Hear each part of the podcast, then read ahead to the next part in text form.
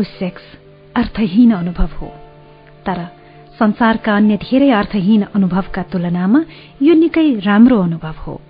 उडी एलन सेक्सबारे तपाईँको के धारणा छ? दशौं वर्षदेखि यस्तै प्रश्न सोध्दै आएका पत्रकारलाई मैले एक दिन सोधी ए भाइ सेक्सको विषयमा तिम्रो आफ्नो धारणा चाहिँ के छ नि? सुनेर सेक्सोलोजिस्ट पत्रकार भाइ लजाए खै सर के भनौँ सम्पादकले सोधेर ल्या भन्छन् सोध्दै हिँडेको यतिका वर्ष भयो कपाल फुलेर रङ्गाउन थालिसके तर खै सर सेक्सका सम्बन्धमा यसै हो भनेर म भन्न सक्दिनँ। मेरा सम्पादक तपाईँका मित्र हुनुहुन्छ। उहाँलाई नै सोध्नु नि। पत्रकार भाइको मुहारमा अप्ठ्यारा भाव प्रष्ट देखिन्थे। मैले हाँसेर जवाफ दिएँ भाइ तिम्रो सम्पादकलाई त तिमीलाई जति पनि सेक्सका विषयमा थाहा छैन। उसलाई के सोध्नु? मेरो कुरा सुनेर त्यो भाइ उज्यालियो। कुनै पनि मानिसलाई उसको हाकिम जान्दैन। वा खराब छ भनेर आलोचना गर्नुहोस्। पञ्चानब्बे प्रतिशतको मुहार उज्यालिन्छ। परनिन्दामा मानिसले रस लिन्छ। हाकिम निन्दामा त मानिसलाई महारस प्राप्त हुन्छ। त्यो भाइले संकेत गरेको सम्पादक पुराना परिचित हुन्। आफ्नी श्रीमतीसँग ब्रह्माचर्यको आसनमा बसेको वर्षौं भइसक्यो भन्ने कुरा उनकै मुखबाट सुनिएको हो। सोझी पत्नीसँग ब्रह्मचर्य व्रतमा बसेपछि बन्धुको भागमा पेशेवर नगरवधु बाहेक कोही परेकै छैनन्।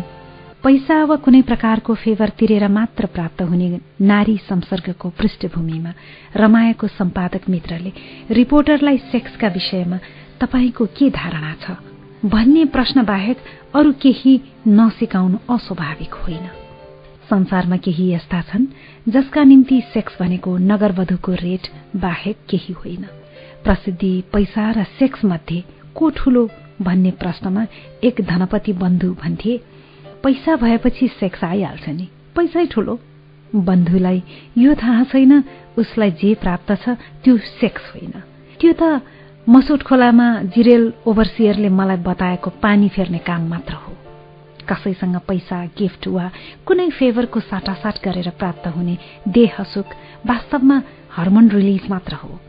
त्यसैले त धनपति बन्धु त्यत्तिकालाई पल्टाएर पनि अतृप्त छन्। अतृप्त नै मर्नेछन् नुनिलो पानी पिएर कसको पो तिर्खा मेटिएको छ र? नाङ्गो आँखाले हेर्दा सेक्स एक शारीरिक क्रिया मात्र भएको भान पर्न सक्छ।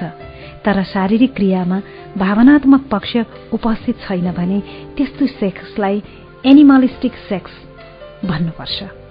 यस्तो सेक्स जहाँ पार्टनरहरूको शरीर त आपसमा चम्म टाँसिन्छ मन भने बिल्कुलै असम्बन्धित रहन्छ। एकछिन शारीरिक कबड्डी खेल्यो हर्मोन तिरोहित गरेर तनाव मुक्ति प्राप्त गर्यो त्यत्तिकैमा खेल खत्तम। सहमतिमा गरिएको हो भने यस्तो सेक्सको निन्दा गरिनुपर्ने कुनै आवश्यकता छैन। आखिर मानिस पनि एउटा विकसित जनावर नै हो। ऊभित्र केही एनिमलिस्टिक प्रवृत्ति त हुने नै भए। एनिमलिस्टिक सेक्सको आफ्नै मजा छ। अभिनेता उडी एलन भन्छन् प्रेम बिनाको सेक्स अर्थहीन अनुभव हो। तर संसारका अन्य धेरै अर्थहीन अनुभवहरूको तुलनामा यो निकै राम्रो अनुभव हो। सेक्सलाई सतही रूपमा हेरेर त्यसको गहिराईमा पुग्न असम्भव छ।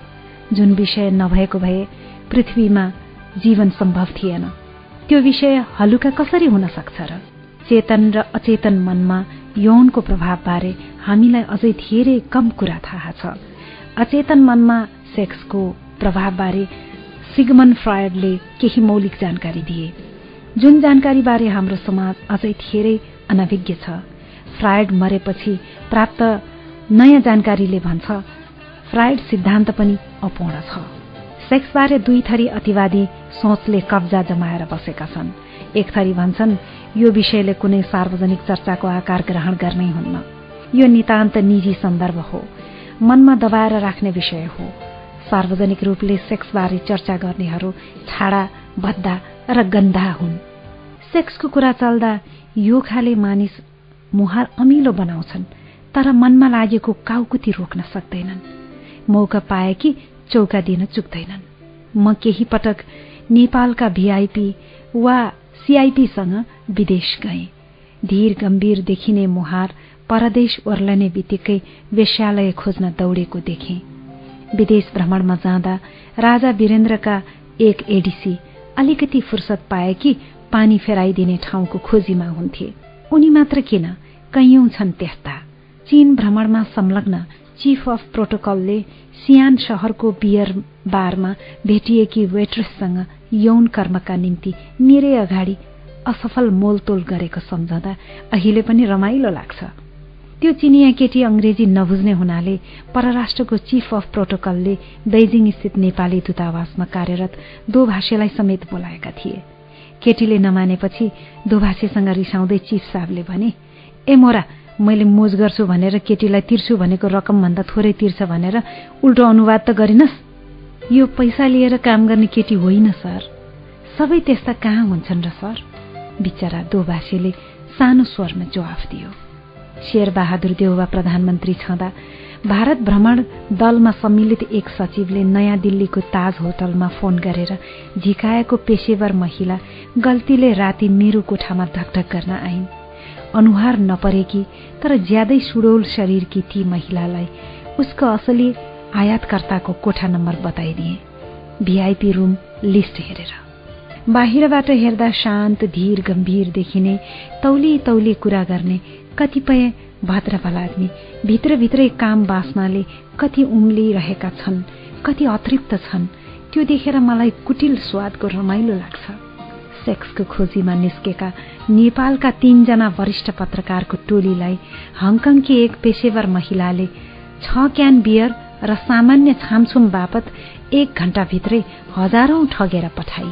यो रहस्य त्यसै टोलीका एक सदस्यले मलाई अफ द रेकर्ड बताए।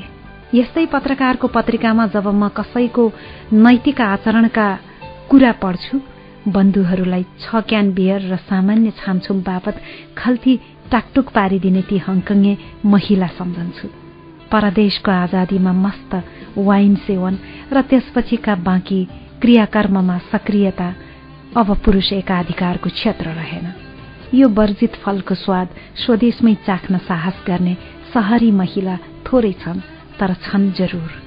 संचार क्षेत्रमा लागेकी एक महिलालाई नियमित शारीरिक सेवा दिने एक उद्योगपति धाकयुक्त हाँसो साथ भन्थे।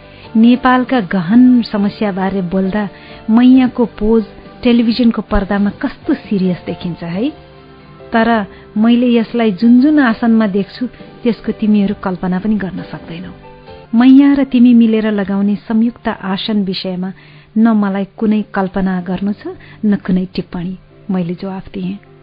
आसनवाली मैयाबारे बताएको केही सातापछि मेरो धनाढ्य मित्रले नयाँ खबर ल्यायो।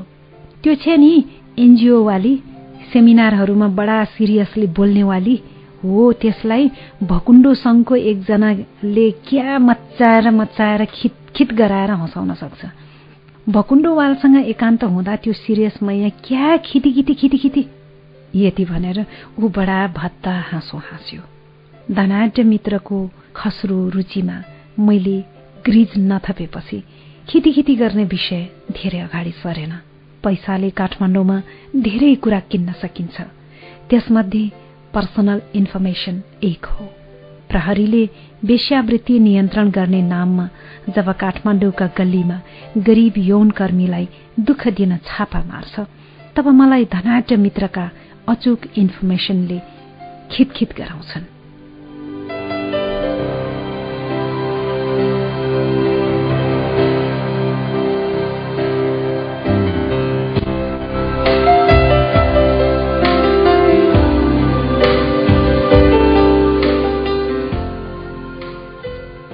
सेक्सको कुरै गर्नुहुन्न भन्ने पण्डितहरूको ठिक विपरीत अर्का थरी सेक्स पण्डित छन् जसलाई लाग्छ यौन विषयलाई छाडा अश्लील र भद्दा तरिकाले मात्र प्रस्तुत गर्न सकिन्छ। खितखिते भद्दापन नै यिनको ट्रेडमार्क हो। सेक्स शब्द उच्चारण हुने बित्तिकै यस्ता पण्डितको मुहारमा होस् वा बोलीमा वा लेखनीमा खितखिते भद्दापन स्वचालित रूपले प्रवेश गर्छ।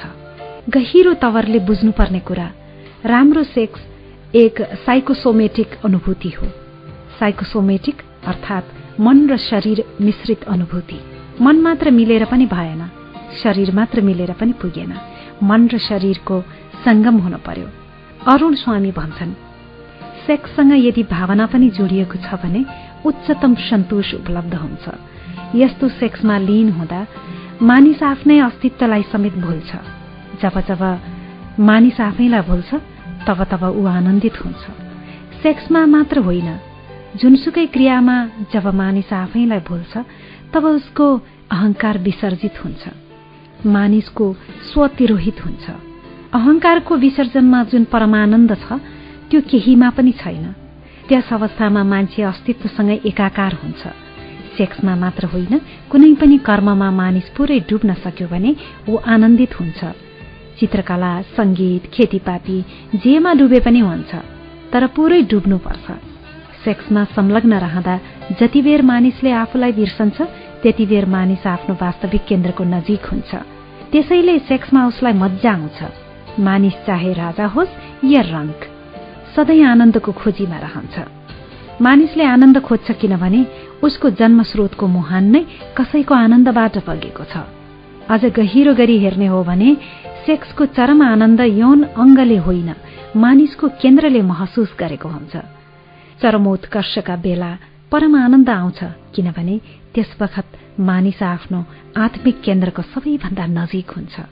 यही आनन्द मानिसले एक्लै ध्यानबाट पनि प्राप्त गर्न सक्छ। कुनै पार्टनरको दरकार पर्दैन किनभने हरेक नरभित्र नारी र नारीभित्र नर प्राकृतिक रूपले नै विद्यमान छ। आम मानिस विशेष गरी लोग्ने मानिस सेक्स र त्योसित जोडिएका विषयमा जति सोच्छ बिरलै अन्य विषयमा सोच्छ। पत्याउनै नसकिने ठाउँमा पनि यौनका विषयमा कल्पना गरिरहेको हुन्छ।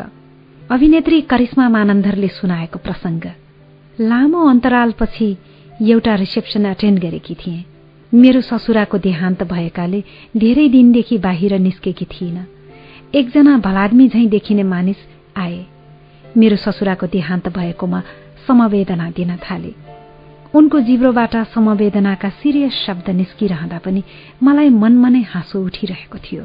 जुन बखत ऊ मानन्दरजी बडा राम्रो मान्छे हुनुहुन्थ्यो खबर सुनेर धेरै दुःख लाग्यो भन्दै थियो त्यस बखत उसका आँखा चाहिँ मेरो छातीमा चलायमान थिए। त्यस दिन मैले अलि लो कट ब्लाउज लगाएकी थिएँ। त्यो मानिस तपाईँलाई समवेदना दिन आएको थिएन करिश्माजी। तपाईँको छातीमा खोपिएको ट्याटु दर्शन गर्न आएको थियो। मैले हाँस्दै भने करिश्मा लजाइन्।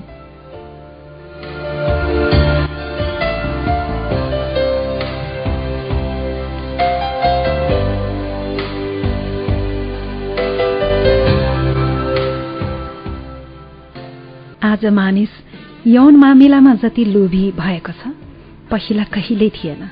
विडम्बना। लोभ जति जति बढ्दो छ यौनिक अतृप्तता त्यति त्यति झाँगिँदैछ। सेक्स शारीरिक क्रिया मात्र होइन।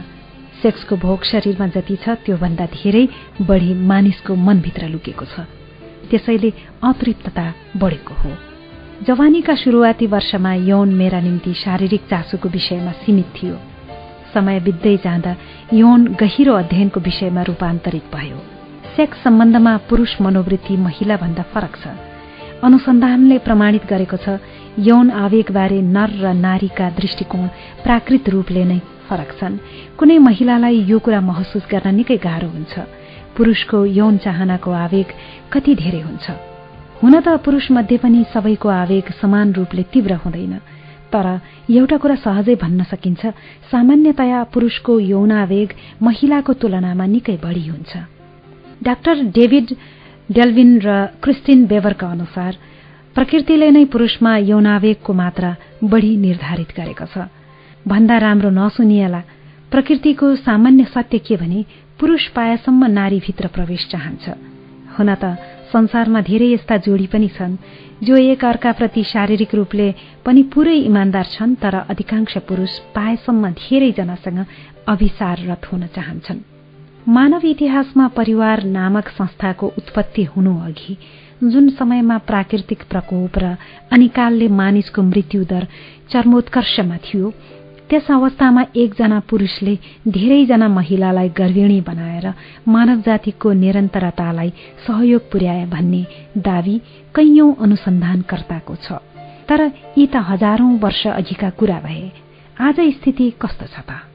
आजको पुरूष हिजोको तुलनामा निकै हदसम्म सभ्य भइसकेकाले ऊ भेटे जति सबैसँग रतिमय हुँदैन। अनुसन्धानताका अनुसार निम्न कुरा आज सहजै भन्न सकिन्छ। एक पुरूष सेक्समा गहिरो रुचि राख्छ। सेक्स विषयमा कसैले अनुमान गरे भन्दा बढ्ता सोच्छ। महिलासित अभिसाररत हुने इच्छा उसमा प्रबल रूपमा रहेको हुन्छ। दुई बाहिरबाट हेर्दा ऊ जतिसुकै रोमान्टिक र भलादमी देखिए पनि उसको सुषुप्त मनमा लुकेको इच्छा सम्भोग नै हो।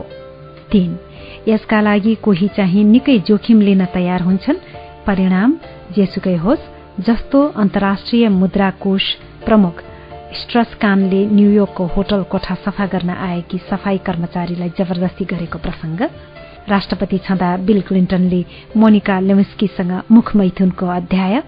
त्यही व्हाइट हाउसमा राष्ट्रपति केनेडी र कामुक अभिनेत्री मर्लिन मुन्ड्रोको जगजाहेर प्रसंग private life of Mao Tsetung पढ्यो भने जो कोहीले बुझ्न सक्छ यौनावेगको तीव्रताले बडे बडेलाई कसरी हल्लाएर राखिदिन्छ? सत्ययुगका ऋषिमुनिदेखि कलियुगका आशाराम बापुको कथाले इतिहास भरिएको छ। बडे बडे नेतालाई भ्रष्टाचारको आरोपमा तल खसालेर तहल्का मचाउने तहल्का डट कमका सम्पादक तारूण तेजपाल आफू स्वयं यौन मामिलामा जेल पुगे। पुरूष आफ्नो वैधानिक पत्नी वा प्रेमिका वा पार्टनरसँग इमान्दार नरहन पनि सक्छ। कसैलाई पैसा तिरेर भए पनि सेक्सको आनन्द लिन सक्छ। कुनै महिलाले उसका प्रस्ताव अस्वीकार गरे उसलाई बडो रिस उठ्छ। उसले यो रिस बाहिर नदेखाउन पनि सक्छ।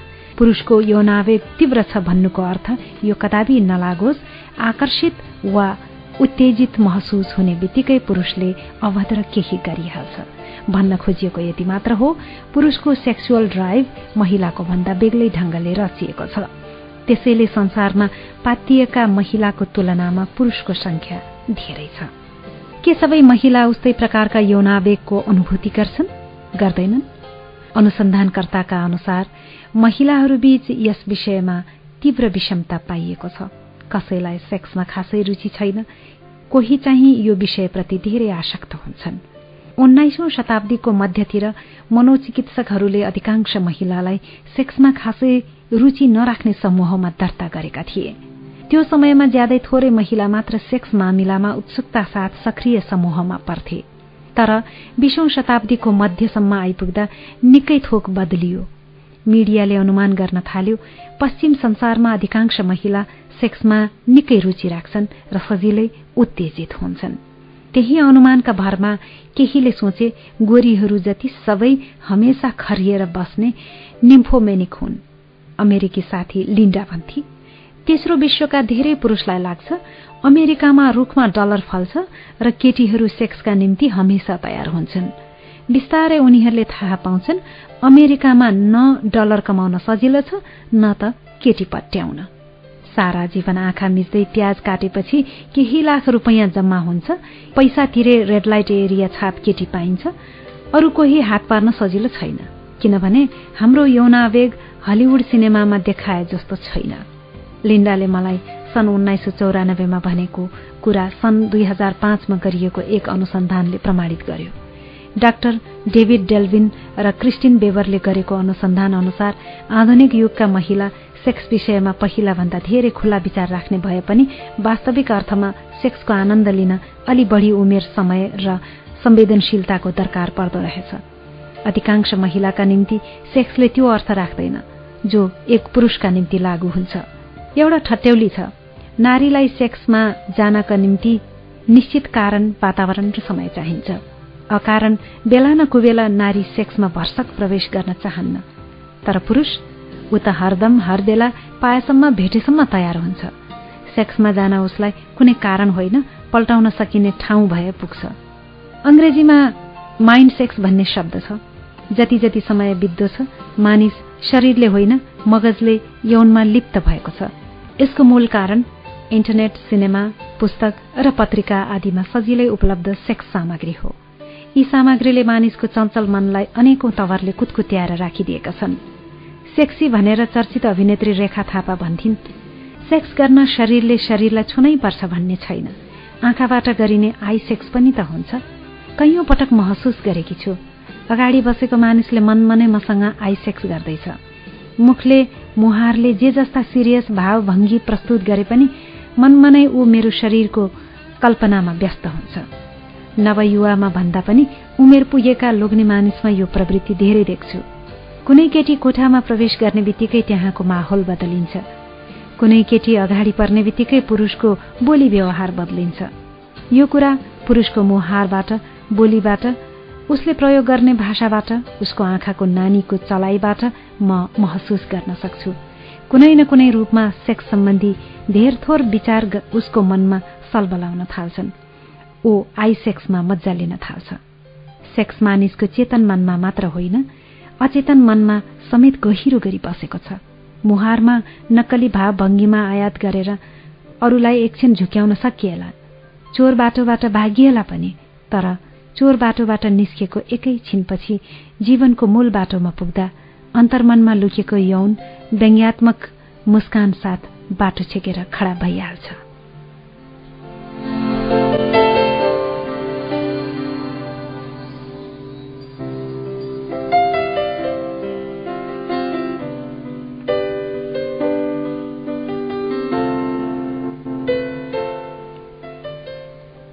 मानिस पाषण युगमा छँदा सेक्स उसका निम्ति गर्ने विषय थियो सोच्ने विषय थिएन।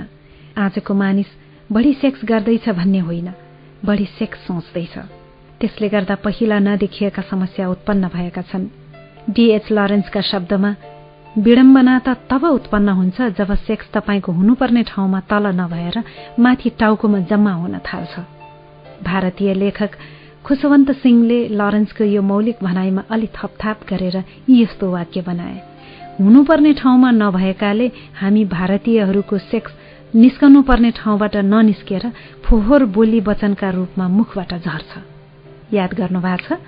मानिस मात्र यस्तो प्राणी हो जो बेलाको बेला यौनमा लिप्त हुन सक्छ ठाउँ कुठाउँ यौनका विषयमा सोच्न सक्छ। मानिस बाहेक अरू सबै जीव एक निश्चित मौसममा मात्र यौन कर्म गर्छन्। सेक्सका विषयमा उनीहरू सोच्दैनन्। काम ऋतु आएपछि स्वाभाविक रूपले सेक्स गर्छन् ऋतु गएपछि शान्त हुन्छन्। मानिसलाई सेक्स सोच्न ऋतु चाहिँदैन।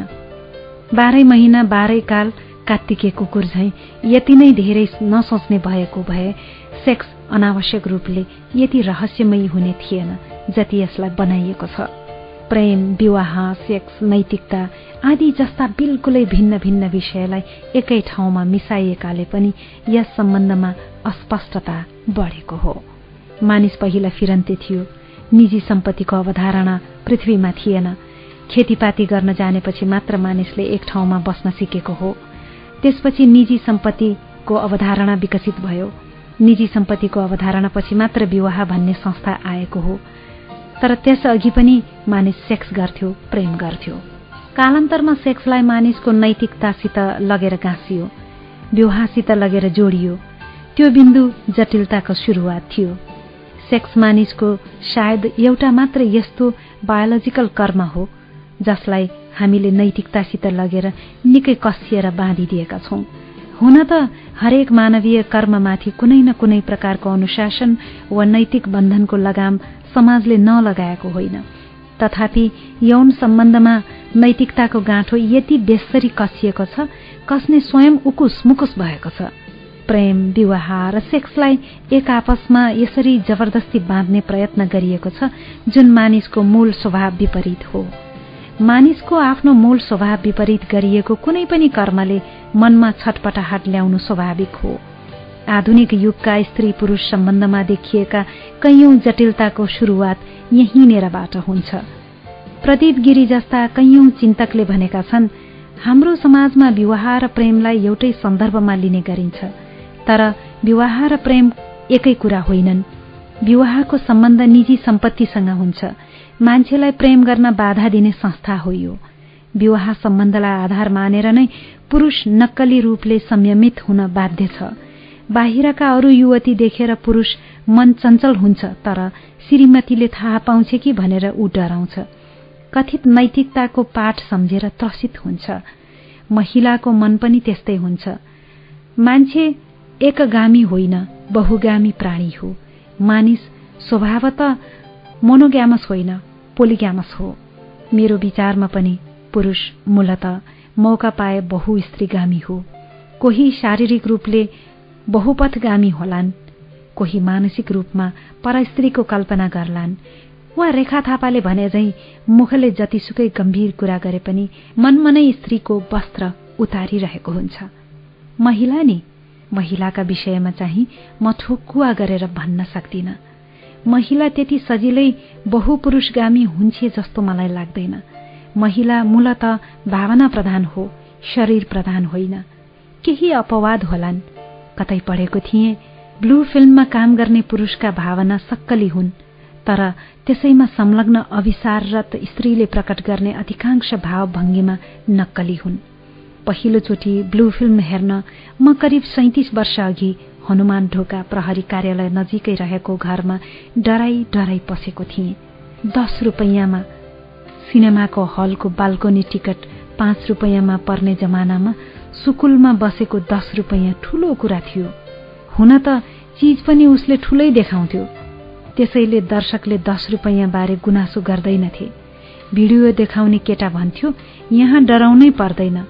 पहिलो शो म पुलिसको हाकिमलाई देखाउँछु र एकजनाको तीन रुपियाँ कमिसन पनि दिन्छु। मस्त भएर हेर मोरा हो। हेर्दै जाँदा शरीरमा काम ज्वरो आयो। सती सावित्री टाइप हिन्दी सिनेमा हेर्ने बानी परेको म गोरा गोरीको कबड्डी देखेर झन्डै मुर्छा परेको। हिन्दी सिनेमामा मेरी प्रिय मीना कुमारी टाउकोबाट घुम्टो पनि बडा मुस्किलले निकाल्थिन्। फिल्म सुरु भएको एक घण्टा बितिसक्दा पनि हिरोले अनेक कोसिस गर्दा पनि हिरोइन एक वचन बोल्न गाह्रो मान्थिन्। घुँडाभन्दा माथिको भाग देखाउलिन् भनेर दर्शक कल्पना पनि गर्दैनथे। तर यहाँ मखन गल्ली के गोरी त फर्स्ट सिनमै हामी जस्तो लाजै नमान्नेलाई समेत लाज लाग्ने गरी काले भुस्तिग्रेससित कबड्डी खेल्न थालिन्। मैले पनि तीन दिन सुकुलमा बसेर हेर्ने फिल्म हेरेँ। तेस्रो अनुभव कहिल्यै बिर्सन्न। अलि अबेर पुगेकाले सो सुरु भइसकेको थियो। अँध्यारो कोठाको स्क्रिनमा औँसीको रातभन्दा पनि कालो हप्सी पूर्णिमाको चन्द्रमा भन्दा पनि गोरीसित कबड्डी खेल्दै थियो। सिनेमा सकिएपछि कोठामा बत्ती बल्यो। उज्यालोमा देख्छु त ए रात मकै हाम्रो टोलमा पुराण सुनाउने पण्डितजी पनि त्यही। हामीले एक अर्कालाई नदेखे झै गर्यौं। दुवैको भलाइ त्यसैमा थियो। हजारौं मानिसलाई भेटिसकेपछि मलाई महसुस भयो। मानिस मूलत तीन थोकका पछाडि दौडिरहेको छ। पैसा प्रसिद्धि र सेक्स। बाहिरी गतिविधि जे जस्ता देखिए पनि अपवाद बाहेक सबैको भित्री सार एकै हो। पैसा प्रसिद्धि र सेक्स। दौड़मा कोही अलि सुस्तरी लागेका होलान् कोही बेसरी। कोही आफ्ना कुरा प्रकट रूपमा भन्लान् कोही अप्रकट तवरले संकेत गर्लान्। दौडन चाहिँ सबै दौडेकै छन् आफ्नै स्पिडमा। संसारमा बिरलै कोही भेटिन्छन् जो यी तीन थोक भन्दा माथि रहेको आत्मबोधको खोजीमा लागेका हुन्छन्। आध्यात्मिक दुनियाँमा लागेको दावी गर्ने अधिकांश भित्र पनि यी तीन थोकको भोग त्यत्तिकै चर्को छ जति सांसारिक दुनियाँमा बसेको मानिसभित्र। कतिपय आध्यात्मिक गुरुभित्र प्रचार र पैसाको जुन लोभ मैले देखेँ त्यस्तो लालसा त मैले भ्रष्ट भनिएका नेतामा पनि देखिन। यस्ता गुरु अनेक बिन्ती गरेर नेता र धनीमानीलाई आफ्नो मठ र आश्रममा बोलाउँछन् माला पहिर्याउँछन्। नेता फिरेपछि आफ्ना चेला चपेटाका अगाडि नेता बदमास हामी असल भन्दै प्रवचन दिन्छन्। आश्रममा बस्दैमा आध्यात्मिक वा गृहस्थ संसारमा बस्दैमा गैर आध्यात्मिक हुने ग्यारेन्टी लिन सकिँदैन। सन् चालिसको दशकमा अमेरिकी मनोवैज्ञानिक अब्राहम मास्लोले एक सिद्धान्त प्रतिपादन गरे जसलाई मास्लो आवश्यकताको सिद्धान्त भनियो। यस अनुसार मानिसका पाँच मूलभूत आवश्यकता छन्। एक नम्बर हावा पानी खाना छाना र सेक्स दुई नम्बर सुरक्षा। तीन नम्बर परिवार स्नेह सम्बन्ध समूह र समाज। चार नम्बरमा आत्मविश्वास पेशागत सफलता मान मर्यादा जिम्मेवारी इज्जत सामाजिक प्रतिष्ठा आदि। पाँच नम्बर पाँचौं र उच्चतम स्तरको मानवीय आवश्यकताका निम्ति मास्लो सेल्फ एक्चुलाइजेसन भन्ने शब्द प्रयोग गर्छन्। यसमा उनले नैतिकता सृजनात्मकता स्वस्फूर्तपन स्पान्टिनिटी द्वेषको अभाव र परिस्थितिको स्वीकार भाव आदि गुणलाई समाहित गरेका छन्। म को हुँ? जन्मनु अघि कहाँ थिए? मृत्युपछि कहाँ जानेछु? आफूले आफैलाई चिन्नुपर्ने कोशिश उच्चतम स्तरको आवश्यकता हो भनेर मास्लोले बताए। तर मास्लोभन्दा हजारौं वर्ष अघि पूर्वीय दर्शनले प्रष्ट भनिसकेको थियो संसारको सबैभन्दा ठूलो खोज आत्मबोधको खोज हो। ओशो भन्छन् एकपटक सेक्सको सुख लिइसकेको मानिस सारा जीवन त्यो सुख फेरि फेरि प्राप्त गर्न लालायित रहन्छ। किनभने सेक्स चर्मोत्कर्षका बेला मानिसले आफैलाई भुल्छ आफ्नो अहंकार बिर्सन्छ सारा संसार उसका निम्ति विलीन हुन्छ। एक प्रकारले भन्ने हो भने यौन सुखको चर्मोत्कर्ष आध्यात्मिक समाधिको सानो झलक हो। समाधिको ट्रेलर जस्तो। अरूण स्वामी थप्छन्। एकपटक सेक्सको स्वाद पाइसकेको मानिसले सेक्सबाट मुक्त हुन या नपुंसक हुनपर्छ या उसले आध्यात्मिक समाधिको माध्यमबाट सेक्स कर्मलाई तिरोहित गर्नुपर्छ। नपुंसक भए पनि मानिसको शरीरबाट मात्र सेक्स विदा हुन्छ। मनमा कायमै रहन्छ। मनमा सेक्स हुन्जेल मानिस साँचो अर्थमा सेक्सबाट पर गएको भन्न मिल्दैन। पुराना ग्रन्थमा पनि मैथुन अर्थात सेक्सलाई जीवनको परम आवश्यकता भनिएको छ। साथै यसको कालखण्ड पनि निर्धारण गरिएको छ। मानिसको जीवनलाई चार भागमा विभाजन गरिएको छ। ब्रह्मचर्य गृहस्थ वानप्रस्थ र सन्यास। बडा वैज्ञानिक व्यवस्था थियो त्यो। मानिसको जीवनलाई चार भागमा बाँडेर हरेक चौथाइलाई पूर्णताको साथ बाँच्ने व्यवस्था। एउटा आश्रममा हुँदाको अवस्थालाई अर्को आश्रमको अवस्थासित नमिसाउने। यसो गर्दा मानिसलाई एकाग्र भएर पूर्णतामा जिउन सहज हुन्थ्यो। आजभोलिको मानिस दुखी यसकारण छ किनभने उसले न त ब्रह्मचर्यलाई पूर्णतामा भोगेको छ न गृहस्थ आश्रमलाई इमान्दारीपूर्वक निर्वाह गरेको छ। न त मर्नु अघि सन्यासको सन्तोष देख्नेछ कतिपय आधपैसे यस्तो देख्छु जो मनमनै काम बाँच्नाले उम्लिरहेका छन्। मुखले राम राम जप्दै गर्दा आँखा चाहिँ अन्तै सल्बलाइरहेका हुन्छन्। पञ्चायत कालमा मन्त्री भएको एक बुढो सम्झन्छु सधैँ पशुपति जान्थ्यो। मन्दिरमा ठेलमठेल भीड़ नभएको दिन निराश भएर फर्कन्थ्यो। किनभने ऊ त्यहाँ महादेव दर्शनका निम्ति होइन। स्त्री शरीरको घर्षण सुख लिन जान्थ्यो। घरमा निजी वाहन भइकन पनि अफिस टाइममा सार्वजनिक बस चढ्थ्यो। एक साँझ आरतीको समयमा सदाझै टाँसिन जाँदा अगाडि परेकी महिलाले उसलाई तथानाम गाली गर्दै क्रोधले मुन्टो घुमाइन्। बुढाको मुहार देख्ने बित्तिकै तत्काल चुप भइन्। उनी बुढाको बुहारी पर्ने रहेछन्।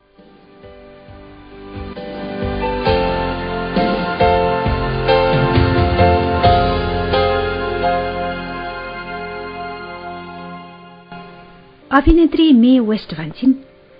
Sex is emotion in motion मानसिक भावनाले शारीरिक गति पाउँदा सेक्स उत्पन्न हुन्छ। पोर्नोग्राफी भनेको भावना रहित सेक्स हो।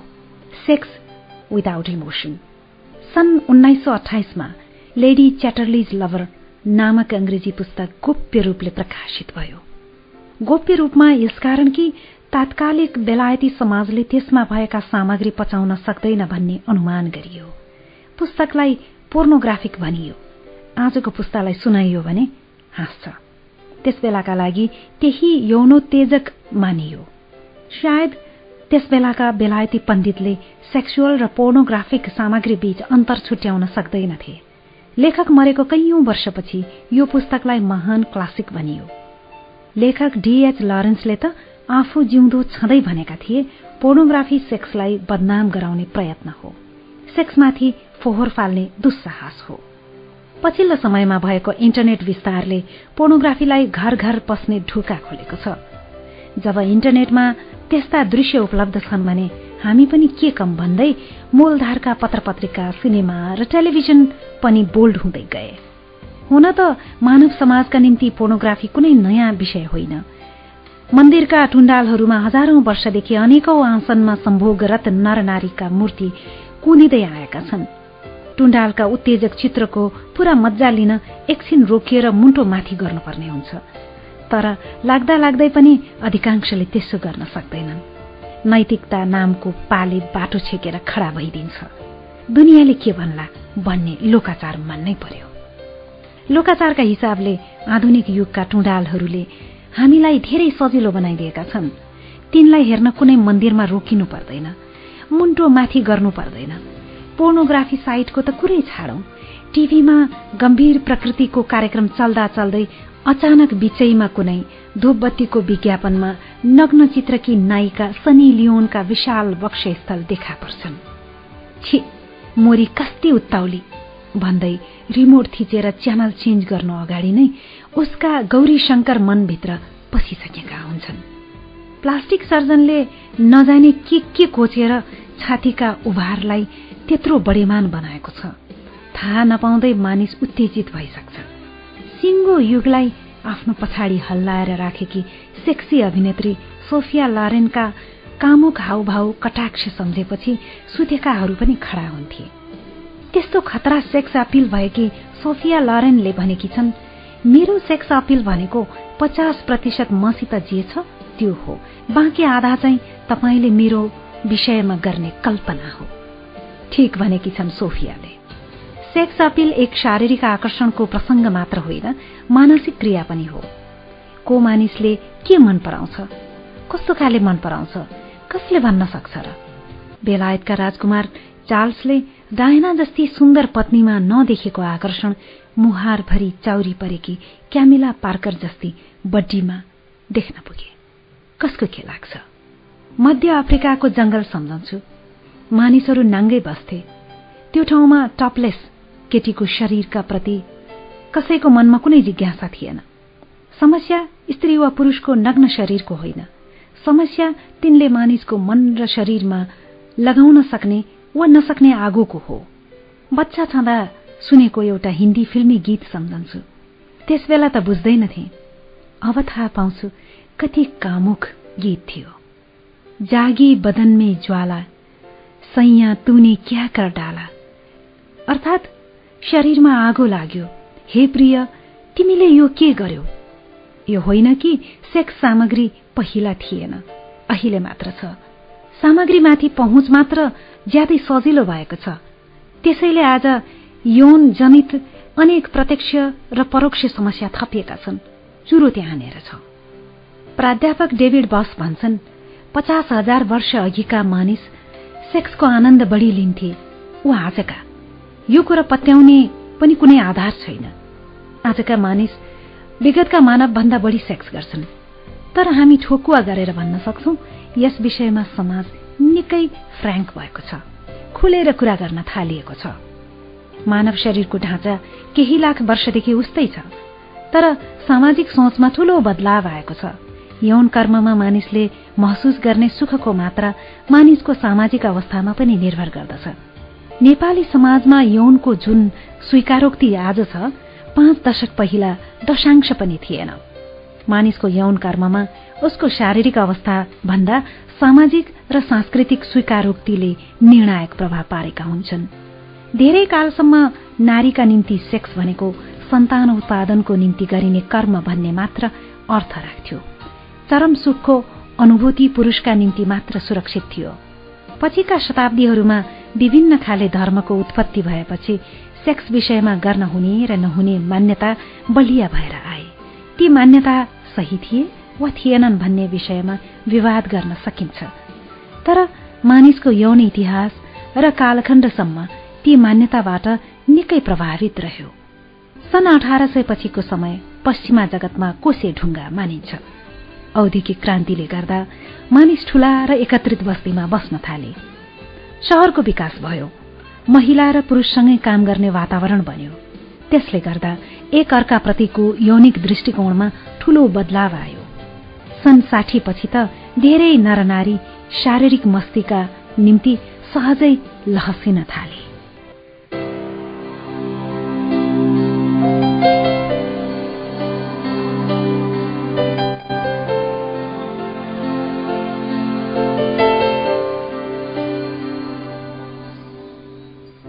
र परिवार नियोजनका अन्य साधनको विकासले स्त्रीहरूलाई इतिहासमा कहिल्यै नपाइएको स्वतन्त्रता दिलाउन मद्दत गर्यो। स्त्री पुरूष शारीरिक सम्बन्धको इतिहासमा परिवार नियोजनका साधनको विकासले युगान्तकारी प्रभाव पार्यो। सेक्ससित गर्भधारण अनिवार्य रूपले जोडिने युग समाप्त भयो। यसले शारीरिक सम्बन्धका पुराना मान्यता भत्काउन सघायो। नेपालमै पनि स्त्री पुरूष सम्बन्धका सामाजिक मान्यतामा दुई तीन दशक अवधिमा ठूलो बदलाव आएको छ। सहशिक्षाको व्यापक विस्तार र घर बाहिर निस्केर काम गर्ने महिलाको संख्यामा अपूर्व बढोत्तरी यसका प्रमुख कारण हुन्। आज सेक्स सम्बन्धी विषयमा इन्टरनेटमा जति सामग्रीको खोजी हुन्छ त्यसका अगाडि अरू सबै सर्च फिक्का परेका छन्। कम उमेरका केटाकेटीलाई एडल्ट सामग्रीको पहुँचबाट कसरी जोगाउने भन्ने चिन्ता चाहिँ सर्वत्र छ। मलाई लाग्छ यस विषयमा शान्त सहज र संस्कारयुक्त बोधको दरकार छ। यो विषयलाई लुकाएर होइन भड्काएर पनि होइन बुझेर बुझाएर मात्र हल गर्न सकिन्छ। कोरा उपदेशबाजीले हामीलाई कतै पुर्याउँदैन। होइन भने मैले मखनमा ब्लू फिल्म हेर्न जाँदा भेटिएका पण्डितजीको जस्तो गति हुन्छ। यौन होस् वा अरू कुनै विषय। त्यसबाट मुक्ति चाहिएको छ भने त्यसको मायावी खेल बुझ्न आवश्यक छ। यो यथार्थलाई झल्काउने मार्मिक बौद्ध कथा छ। एक वृद्ध र एक युवा भिक्षु गुम्बातर्फ गइरहेका थिए। वृद्ध भिक्षु अगाडि थिए। वर्षातको मौसम बाटोमा पर्ने नदी तर्न डराएर एउटी युवती किनारामै रोकिएकी थिए ऊ कुनै सहाराको खोजीमा थिए जसले उसलाई नदी तर्न मद्दत गरोस्। वृद्ध भिक्षुले आफ्ना आँखा युवतीमाथि पर्ने बित्तिकै नजर अन्तै मोडेर फटाफट नदी तर्न थाले। अर्को किनारामा पुग्दा उनले देखे युवा भिक्षु त युवतीलाई काँधमा बोकेर नदी तार्दै रहेछ। वृद्ध भिक्षुलाई त्यो कुरा चित्त बुझेन तर मुखले केही भनेनन्। दुवै भिक्षु बाँकी बाटो चुपचाप हिँडे। तीन घण्टापछि गुम्बाको ढुकानेर आइपुग्दा उनले आफ्नो मनको भ्रास निकाल्दै युवा भिक्षुलाई भने तिमीले राम्रो गरेनौ। केटीलाई छुनु हुँदैन थियो। मैले त केटीलाई नदीको पल्लो किनारामा उहिलै छाडिदिएको थिएँ। के तपाईँ चाहिँ उसलाई अझै आफ्नो मनमा बोकेर हिँड्दै हुनुहुन्छ मान्यवर? युवा भिक्षुले शान्त स्वरमा जवाफ दिए। संसारका अधिकांश मानिसको हालत त्यही वृद्ध भिक्षु जस्तै छ। कुनै न कुनै रूपमा यौनलाई बोकेर हिँड्दैछन्। अनेक जुनी हिँडिरहनेछन्। मुखले ब्रह्मचर्य ब्रह्मचर्य नैतिकता नैतिकता भने पनि मनमा त्यही बोक्दै हिँड्नेछन्। अथवा कपाल डाई गरेको रिपोर्टर चाहिँ सेक्स विषयमा धारणा के छ? सोध्दै जीवन बिताउनेछन्। जीवन जस्तै सेक्स आफैमा एक सहज विषय हो। हामीले समाजमा र मनमा नाना थरी तर्क वितर्क जम्मा गरेर यसलाई अनाहकमा जटिल बनाएका छौं। पुराना दिनमा पनि विश्वामित्र ऋषिको तपस्या भंग गर्न रम्भा अप्सराहरू पृथ्वीमा स्वर्गबाट यदा कता अवतरित नहुने होइनन्। तर आजभोलि पाइला पाइलामा रतिदेवी र कामदेवहरू ठोकिन आउँछन्। आशा गरौं पोर्नोग्राफी हेर्दा हेर्दा कुनै दिन हरेक मानिसले बुझ्नेछन् आखिर त्यसमा त्यत्रो ठूलो कुरा के पो छ र? एउटा मासुको डल्लो अर्को मासुको डल्लोसित एकैछिन चल्मलाएको त हो नि। हो सेक्समा थ्रिल छ। सेक्सको चाहनाले मानिसको शरीर र मनलाई ज्वरग्रस्त बनाउँछ। यौन सुखले मानिसलाई आनन्दयुक्त तुल्याउँछ। म पनि त्यो आनन्दसित राम्ररी परिचित छु। मेरो जीवनमा सेक्स तीन चरणमा आयो। नवयुवक छँदा म सेक्सको विषयमा सोच्थे पछि अभ्यास गर्न थाले। आध्यात्मिक साधनामा लागेपछि सेक्स मेरा निम्ति बुझ्ने चुनौतीमा परिणत भएको छ। जीवनमा आएका सबै नारीप्रति अनुग्रहित छु। तिनको उदारताले मलाई सेक्समा आसक्त हुन दिएन। बरु सेक्सभन्दा पर रहेको दुनियाँतर्फ पाइला चाल्न प्रेरणा दियो।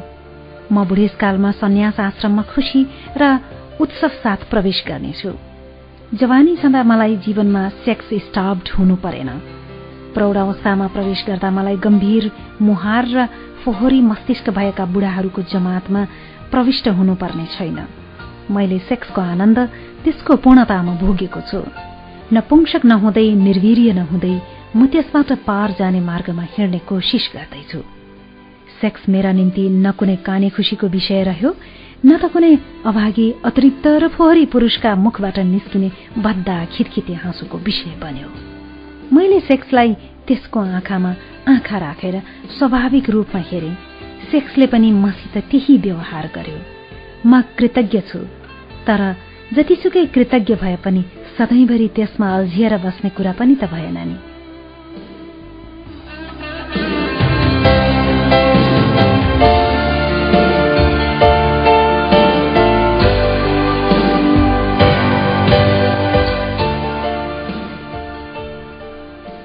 सबै ढोकामा तालचा लाग्दैन र कुनै साँचोले नखुल्ने ढोका पनि संसारमा हुन्छन्।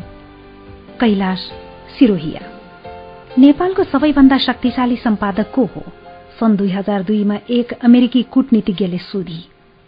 कैलाश सिरोहिया र विनोद ग्यावाली। मैले क्षणभर नसोची उत्तर दिए। मैले त यस्तो नाम गरेका सम्पादक कहिल्यै सुनेको छैन। कसैले नसुन्दैमा वास्तविकता फरक हुन्छ र? कुन पत्रिकाका सम्पादक हुन् यिनीहरू?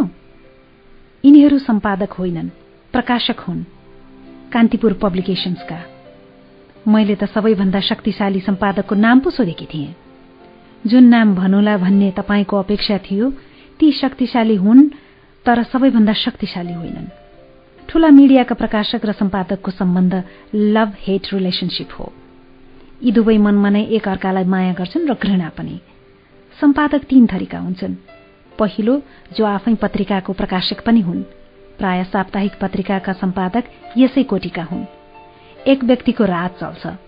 आफै मालिक भएकाले सम्पादकलाई कसैले हटाउन सक्ने कुरा भएन। उसले आफ्नो व्यापारिक स्वार्थलाई पत्रकारिताको धर्मभन्दा माथि वा तल कहाँ राखेको छ उसैले जान्ने कुरा हो। त्यो प्रश्नमा अरूले खासै मतलब पनि गर्दैनन्। उसको आफ्नो बाँदर जसरी नजाओस्। दोस्रा थरी छन् जहाँ मालिक पर्दा पछाडिबाट सक्रिय पत्रकारितामा छन् तर सजिलोका लागि एउटा सम्पादक खडा गरिएको हुन्छ। त्यस्तो सम्पादक सक्कली वा बुख्याचा जे पनि हुन सक्छ। यसमा सम्पादक प्रकाशकको आपसी सम्बन्ध घरेलु टाइपको हुन्छ। यो सम्बन्ध पनि सार्वजनिक चासोको विषय बन्दैन। निजी क्षेत्रले चलाए भन्दैमा मिडिया व्यावसायिक हुनै पर्छ भन्ने छैन। व्यावसायिक पत्रकारिता गर्नु र व्यवसायका लागि पत्रकारिता गर्नु फरक कुरा हुन्। तेस्रा थरी सम्पादक व्यावसायिक पत्रकारिताका उपज हुन्। उदाहरण कान्तिपुर र नागरिक मिडिया ग्रुपका सम्पादक। जस्तो म नेपाल पत्रिकाको सम्पादक हुँदा थिएँ। यी मिडिया ग्रुपमा सम्पादक आउने जाने क्रम चलिरहन्छ। सम्पादकलाई राख्ने वा हटाउने अन्तिम निर्णय प्रकाशकको हो। कहिलेकाहीँ सम्पादक आफै पद छाडेर जान्छ। ठूला संचार गृहमा सम्पादकीय नीतिको साँचो कसको हातमा हुन्छ? सम्पादकको वा प्रकाशकको? विजय म तिमीसित झुटो आदर्श बोल्न चाहन्न। दुई हजार सत्तरी माघ सत्ताइसका दिन विनोद ग्यावालीले भन्न शुरू गरे। हामी जस्ता प्रकाशकका निम्ति पत्रिका विचार पनि हो र व्यापार पनि हो। विचारको पाटोका निम्ति हामी करिब अस्सी प्रतिशत सम्पादकमाथि निर्भर रहन्छौं। बाँकी बीस प्रतिशत चाहिँ सम्पादकीय टीम र प्रकाशक बीचको नियमित डायलगले निर्धारण गर्छ। प्रकाशकको निम्ति पत्रिका व्यापार पहिला हो कि विचार? यसको उत्तर सजिलो छैन। प्रकाशक वा मिडिया मालिक कस्ता छन् त्यसमा भर पर्छ। के उद्देश्यका लागि मिडिया खोलेका हुन् त्यसमा भर पर्छ। म आफ्नो कुरा भन्न सक्छु। मिडिया मेरो निम्ति विचार हो र व्यापार पनि हो तर अरू व्यापार जस्तो होइन जहाँ पैसा मात्र लक्ष्य हुन्छ। पैसाको त्यत्रो थैलो बोकेर म कान्तिपुरबाट छुट्टिएको थिएँ। पैसा थुपार्ने मात्र उद्देश्य भएको भए त्यो थैलीको ब्याज मात्र खाएर बसेको भए हुन्थ्यो। प्रोफेसनल मिडिया व्यवसायीलाई पैसा मात्र भएर पुग्दैन। सामाजिक प्रतिष्ठा पनि चाहिन्छ। त्यसैले मैले ठूलो लगानीमा फेरि नयाँ मिडिया हाउस खोले। प्रकाशकका निम्ति पहिला संस्था बस्नुपर्छ। अहिले नेपालमा अधिकांश मिडिया आत्मनिर्भर नभएको अवस्था छ। हामी पनि पाँच वर्षपछि भर्खर ब्रेक इभनमा आएका हौं।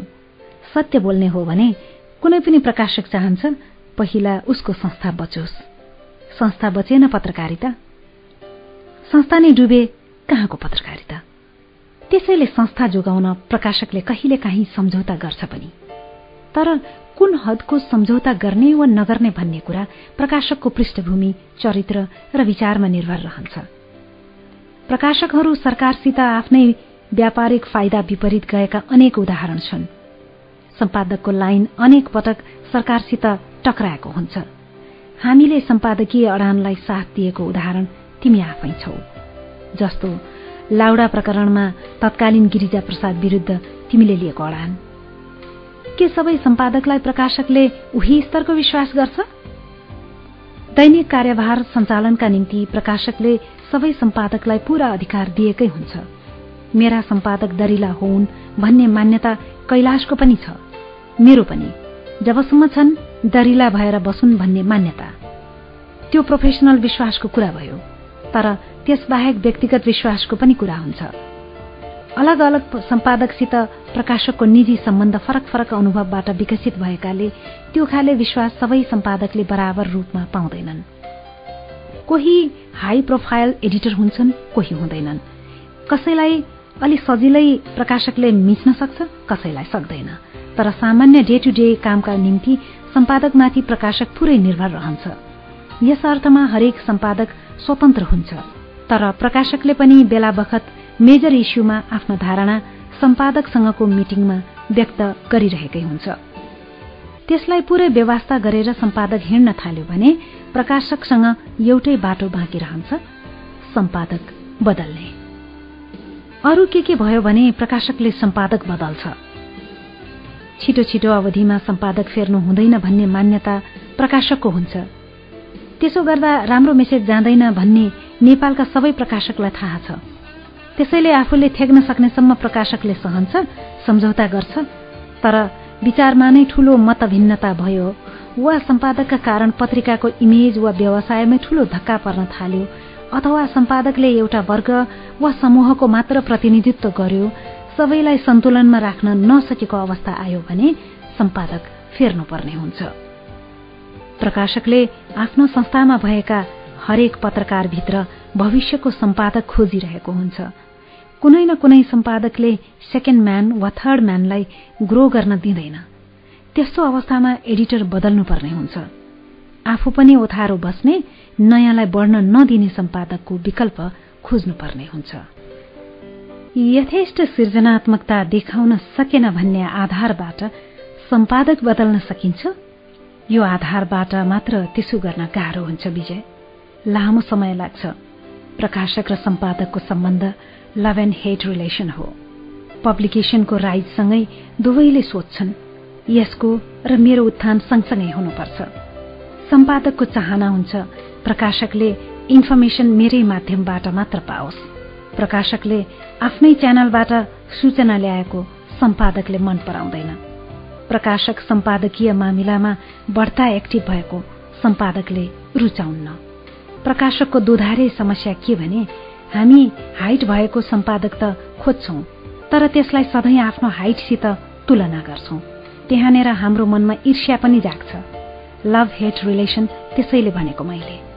विनोद तिमी प्रकाशकहरूलाई देख्दा हामी सम्पादक पत्रकारहरू पनि कहिलेकाहीँ मनमा नै ठान्छौं यो मेरो अस्तिसम्म सानोतिनो व्यापार गरेर बस्थ्यो। आज मैले चलाइदिएको मिडियाको बलमा बालुवाटार र शीतल निवासलाई पानी पँधेरो बनाएर बसेको छ। नजाने कहाँ के गरेर फाइदा लिँदैछ? एक अर्काको कुरा सुनेर हामी बच्चा झै हाँस्यौं। सत्य आफ्नो नग्न स्वरूपमा बालक चाहिँ हुँदो रहेछ। तर सम्पादक प्रकाशक बीच हेट मात्र छैन। लभ पनि छ नि विजय। दुवैजनाको ग्रोथ पनि त साथसाथै भएको हुन्छ। बिर्सनु भएन। यथेष्ट क्रिएटिभिटी देखाउन नसक्ने सम्पादकलाई हटाउने बारे जवाफ आएन नि विनोद। सम्पादकले प्रकाशकलाई हर दिन नयाँ नयाँ अण्डा खुवाइरहेको हुन्छ। चारा फ्याँकिरहेको हुन्छ। अब पत्रिका यो उचाइमा पुग्छ त्यो उचाइमा पुग्छ भन्ने अण्डा केही समय प्रकाशकले पत्याउँछ भने तर बजारको वास्तविकता त्यो नहुन पनि सक्छ। छोरी तरुनी भएको पहिला छिमेकीले देखे झैँ मिडियाको ग्रोथ भए नभएको बारे बजारले पहिला थाहा पाउँछ। जब सम्पादकका गफ र बजारको अङ्कगणित आपसमा मेल खाँदैन तब प्रकाशकको निधार खुम्चन थाल्छ। त्यसबाहेक संचार गृहको सामाजिक प्रतिष्ठाको पनि आफ्नै महत्व हुन्छ। जब प्रकाशकले देख्छ कि न त अङ्कगणित ठिक छ न सामाजिक प्रतिष्ठा प्राप्त भइरहेछ। तब प्रकाशकले कदम चाल्ने बारे सोच्न थाल्छ। स्थापित प्रकाशकले हरेक कुरालाई पैसाको नाफा नोक्सानबाट मात्र हेर्दैन। सामाजिक प्रतिष्ठाको पनि हिसाब गर्छ।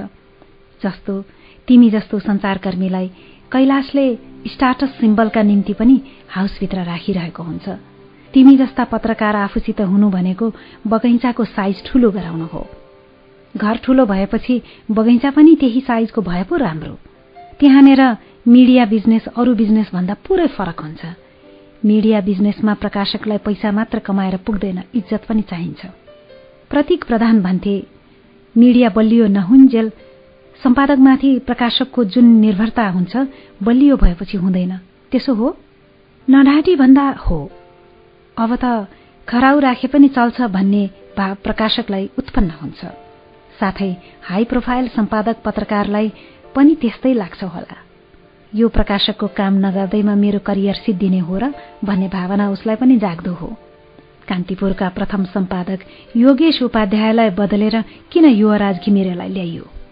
कान्तिपुरको जग बसाल्न योगेशको ठूलो योगदान छ। तर बदलिएको समयमा पत्रिका हाँक्न नयाँ सोचको सम्पादक जरुरी थियो। युवराज घिमिरेलाई कान्तिपुरबाट किन हटाइयो वा हट्ने वातावरण सिर्जना गरियो? यस विषयमा कैलाशले आफ्नो अनुभव भन्ला। मेरो अनुभवमा युवराजको सोचाइमा समस्या भयो। उनले आफू स्थापित भइसकेपछि प्रकाशकसित असहमतिको दायरा बढाउँदै लगे। अस्सी प्रतिशत पावर त सम्पादकसितै छ भनेर प्रकाशकलाई बेवास्ता गर्न थाले। यो बिर्से कि सम्पादकसित जुन अस्सी प्रतिशत पावर छ त्यो कहाँबाट आएको हो? हाम्रो तर्फबाट पनि गल्ती भए होलान्। नेपालमा व्यावसायिक प्रकाशक र सम्पादक बीच आपसी सम्बन्धका नयाँ मूल्य मान्यता स्थापित हुने युग थियो त्यो। त्यसबाट हामी सबैले केही सिक्यौं भन्ने कुरा म रेकर्डमा राख्न चाहन्छु। नागरिकबाट नारायण वाग्लेलाई किन हटाइयो? नारायणलाई सायद यो लाग्न थाल्यो कि उसको व्यक्तिगत हाइट संस्थाको भन्दा ठूलो हो। मेरो मनमा पनि सायद त्यो ईर्षा जाग्यो। जुन लभ हेट रिलेसनका विषयमा मैले तिमीलाई अघि भनिसके जब प्रकाशकलाई लाग्न थाल्छ सम्पादकले कम्पनीको काम भन्दा आफ्नो प्रोफाइल बढाउन मात्र बढी ध्यान दिइरहेछ।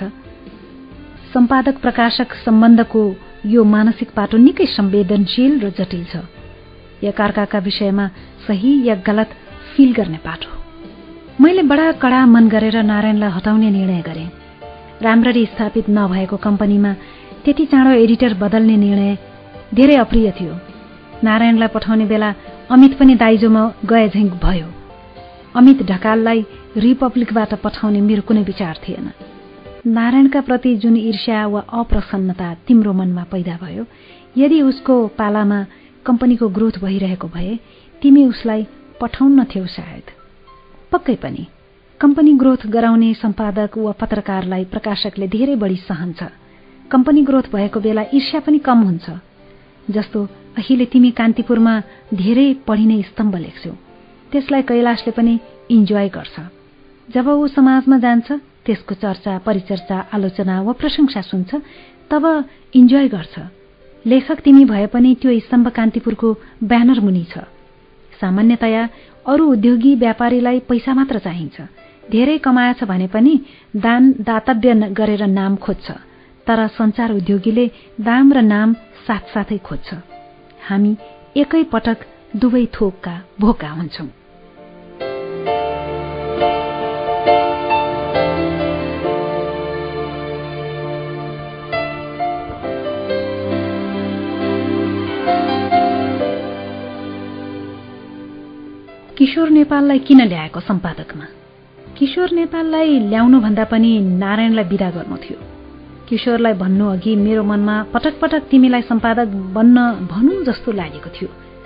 शोभाले पनि विजय दाईले नयाँ गर्न सक्छ उसैलाई भन्नु भनेकी थिए अनि मलाई किन नभनेको?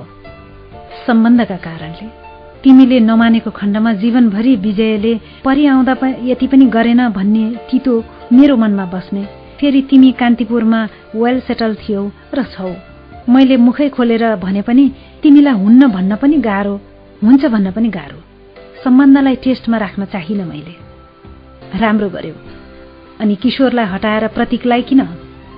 किशोरको पालामा ग्रोथ नभएपछि प्रतीकलाई ल्याएको हो। हामी कान्तिपुरको सुरुवातदेखि नै सँगै काम गरेका थियौं। कम्फर्टेबल होला भनेर ऊ आएपछि पत्रिका ब्रेक इभनमा पुगेको छ। मिडिया मालिकले न्युज रुममा पत्रकार बीच गुट सृजना गरेर पावर ब्यालेन्स गर्छन् भन्ने साँचो हो। न्युज रुममा गुट उपगुट प्रकाशकले जानाजान बनाउँदैन। तर मान्छे एक ठाउँमा जम्मा भएपछि स्वाभाविक रूपले विभिन्न ध्रुवहरू आफसे आफ बन्छन्। प्रकाशकलाई त्यसमा खेल्न सजिलो हुन्छ तर उसले आफै जानाजान त्यो काम गर्छ जस्तो मलाई लाग्दैन। टिम मिलेकै सजिलो। प्रतीकले नागरिकमै लेखे सम्पादकको अवसान। जसमा उनले भनेका छन् कसरी आज सम्पादकहरू कमजोर र प्रकाशकहरू बलियो हुँदैछन्? के नेपालमा साँच्चै त्यो स्थिति हो? नेपालमा अहिले त्यो स्थिति होइन। यहाँ प्रकाशक र सम्पादक एउटै डुङ्गामा छन्। अझ म त भन्छु सम्पादकले प्रकाशकलाई मजासित घुमाइरहेको छ। कान्तिपुरमै हेर न सुधीरले लेफ्टलाई जे जति गर्छ कैलाशले भनेर त्यो भएको हो र? नारायणवागले हुँदा नागरिक एक किसिमले चल्थ्यो। किशोर नेपाल आएपछि अर्कै भयो। अहिले प्रतीक आफ्नै सोचबाट चलाउँछ। यसकारण म भन्छु प्रोफेसनल मिडिया ग्रुपमा सम्पादकका विचार नै हावी छन्। सम्पादक हट्छन् कसरी त? सोधिसके आउँछन् चाहिँ कसरी? समय र समाजको आवश्यकता अनुसार संस्थाको हित हेरेर प्रकाशकले निर्णय गर्छ कसलाई ल्याउने। यो निर्णय सही पनि हुन सक्छ गलत पनि। खुला कुराकानीका निम्ति धन्यवाद विनोद। एउटा कुरा भन्न बिर्से विजय। कहिलेकाहीँ हामीले नचाहँदा नचाहँदै पनि सम्पादक आफै जान्छ। कसरी? आफै सन्केर? जसरी तिमी गयौ नेपालको सम्पादकबाट? कतै न कतै जानेर वा नजानेर कैलाश र तिमीले मेरो चित्त दुखायौ होला। अनि पो म सन्किएँ होला। मलाई दोष नदेऊ। त्यस दिन जब तिमी हाम्रो कोठामा आयौ र कैलाशको मुख हेरेर अचानक भन्यौ म अब कान्तिपुरमा बस्दिन? त्यो भन्ने बेला तिमीले मेरो मुखमा एकपटक पनि हेरेनौ। कम्पनीको आधा मालिक त म पनि थिएँ नि। ती दिनमा तिमी र कैलाश दुई शरीर एक ज्यान थियो। दुई मध्ये जसको मुख हेरेर कुरा गरे पनि एउटै थियो। पद भनेको आउँछ जान्छ। चाहे त्यो सम्पादकको पद होस् या प्रकाशकको। आजको दिनमा म तिम्रो प्रतिस्पर्धी मिडिया हाउसमा काम गर्छु। र पनि तिमी मसित यति खुलेर कुरा गर्दैछौ। यो मेरा लागि ठूलो सम्मानको कुरा हो विनोद। तिमी हाम्रो राइभल मिडिया ग्रुपमा काम गर्छौ। तर मलाई यो पनि थाहा छ चित्त नबुझेको कुरामा कैलाशसित पनि नो भन्दै कुर्सीबाट उठ्न सक्ने मानिस हौ तिमी। कैलाशले तिमीलाई त्यो सम्मान दिएर राखेको छ विजय। प्रतीक प्रधानले सुरु गरे। म कान्तिपुरको स्थापना कालदेखि पत्रकारितामा छु। मेरो विचारमा प्रकाशक र सम्पादकको व्यक्तित्वले साँचो कसको हातमा भन्ने निर्क्योल गर्छ। सबै सम्पादक एकै खाले हुँदैनन्। सबै प्रकाशक पनि उस्तै हुँदैनन्। सम्पादक प्रकाशक बीच देखिने र नदेखिने यो द्वन्द संसारभरि छ र रहनेछ जस्तै न्यूयोर्क टाइम्सका प्रकाशक सोल्सबर्गलाई पढेपछि थाहा लाग्छ। अखबारको हरेक मेजर स्टोरी छाप्ने सन्दर्भमा उनको पनि सहभागिता थियो पूर्व जानकारी थियो। कान्तिपुर र काठमाडौँ पोस्टका प्रथम सम्पादक योगेश उपाध्याय धेरै प्रभावशाली नभए पनि इन्टिग्रिटी भएका सम्पादक थिए। कान्तिपुरको जग बसाल्न उनको ठूलो योगदान छ। तर उनको पालामा प्रकाशक हावी थिए। ससाना समाचार पनि प्रकाशकलाई रिपोर्ट गर्ने चलन थियो। काठमाडौँ पोस्टमा श्यामबहादुर केसी आइसकेपछि स्थिति बदलियो। उनी प्रकाशकलाई खासै केही सोध्दैनथे। आफू मुनिका स्टाफलाई धेरै अधिकार दिन्थे। युवराज घिमिरे कान्तिपुरमा आएपछि व्यावसायिक पत्रकारिताको क्षेत्रमा पहिलो पटक सम्पादक र प्रकाशक बीच ठूलो द्वन्द भयो। त्यसैको परिणाम उनी कान्तिपुरबाट चाँडै विदा भए। युवराज गएपछि नारायण बागले कान्तिपुरमा र म काठमाडौँ पोस्टमा सम्पादक भयौं। हाम्रै पालामा ज्ञानेन्द्रले टेक ओभर गरे। नारायण र मेरो प्रकाशकसित टक्राव धेरै भयो। राजाको सरकारले कान्तिपुरको सरकारी र निजी विज्ञापन समेत रोकेर बिजनेस इन्ट्रेस्टमा धक्का दिन थालिसकेको अवस्था थियो। प्रकाशक चिन्तित भइसकेका थिए। हाम्रो पूरा सम्पादक टीम नै शाही कदमको विरोधमा नभएको भए कान्तिपुर त्यसबेला विरोधमा त्यसरी उभिन्थ्यो वा उभिन्न थियो म भन्न सक्दिनँ। पब्लिसरले घुँडा टेकाउन चाहे जुन बेला पनि सम्पादकलाई घुँडा टेकाउन सक्दैन र त्यति सजिलो हुँदैन। सबै सम्पादक घुँडा टेकिने खालका हुँदैनन्। एक निर्णायक बिन्दुमा पुगेर त प्रकाशकको पावर नै बढी हुन्छ नि। पावर त हुन्छ तर त्यसको प्रयोग मनपरी तरिकाले गरियो भने पावर हराउँछ र पेपरको प्रभाव पनि खत्तम हुन्छ। धेरै बिग्दैमा प्रभाव धेरै हुने होइन। जस्तै भारतमा सबैभन्दा बढी बिक्ने टाइम्स अफ इन्डिया। जैनहरूले टाइम्स अफ इन्डियालाई विज्ञापन पत्र बनाए। पेड न्यूजका नाममा समाचार बेच्न थाले। आजको दिनमा टाइम्स अफ इन्डिया भारतको सबैभन्दा बिक्ने हो। तर प्रभावका दृष्टिले हिन्दू अगाडि होला। मिडिया बजारमा स्थापित नहुन्जेल प्रकाशक कम हस्तक्षेपकारी र चलेपछि बढी इन्टरफियरिङ हुन्छन्? प्रकाशकले एडिटरको भरमा पत्रिका सुरु गर्छ। तर पत्रिका बजारमा चल्न थालेपछि प्रकाशकलाई पनि सामाजिक मान मर्यादा र प्रतिष्ठाको चाहना बढ्दै जान्छ। उसका सामाजिक राजनैतिक सम्बन्धको दायरा पनि बढ्दै जान्छ। सम्बन्धको बढ्दो दायराले न्युज रुममा उसको रुचि बढ्दै जान्छ। मिडिया मालिकको अरू व्यापार पनि रहेछ भने त त्यसको हित रक्षा गर्न पनि न्युज रुम दुरूपयोग हुने खतरा रहन्छ। नेपाली समाजमा पावरलाई पुज्ने जुन प्रवृत्ति छ त्यो पत्रकारितामा पनि छ। सम्पादक पनि कुनै बेग्लै धातुले बनेका वस्तु होइनन्। प्रकाशकको पैसा हो। यसले भनेपछि मैले मान्नुपर्छ भन्ने मनोविज्ञान सम्पादकमा हावी हुन सक्छ। यसले भनेको विषयमा मानौ आफ्नो पनि इन्ट्रेस्ट फुलफिल गरौं भन्ने मानसिकता सम्पादकमा पनि छ। बिग बिजनेस हाउसहरूको मिडियामा कति रुचि वा प्रभाव छ?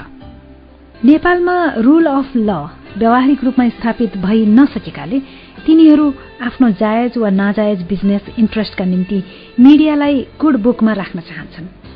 आफू र आफ्नो बिजनेसलाई विरोध नगरिदिए पुग्छ तिनलाई। अरू कुरामा खासै मतलब राख्दैनन्। टेलिभिजन मालिकहरूको विषयमा केही भन्नु छ? कुरै नगरौं। अधिकांशले पत्रकारलाई तलबै दिँदैनन्। दिए पनि महिनौपछि दिन्छन्। वा ज्यादै थोरै दिन्छन्। त्यस्तो वातावरणमा के एडिटोरियल स्ट्यान्डको कुरा गर्ने? सम्पादक प्रकाशक सम्बन्ध भविष्यमा कसरी जाला? अहिले ठूला मिडिया हाउसका सम्पादकहरू आफ्नो पेशागत अडानमा भन्दा प्रकाशकको संकेतमा चल्ने खतरा देखिएको छ। यो राम्रो लक्षण होइन। यसले गर्दा सम्पादकहरू थप कमजोर हुँदै जानेछन्। भविष्यमा देशको अर्थ राजनीति कसरी विकसित हुन्छ? त्यसले पनि यो विषयमा निर्णायक प्रभाव पार्नेछ।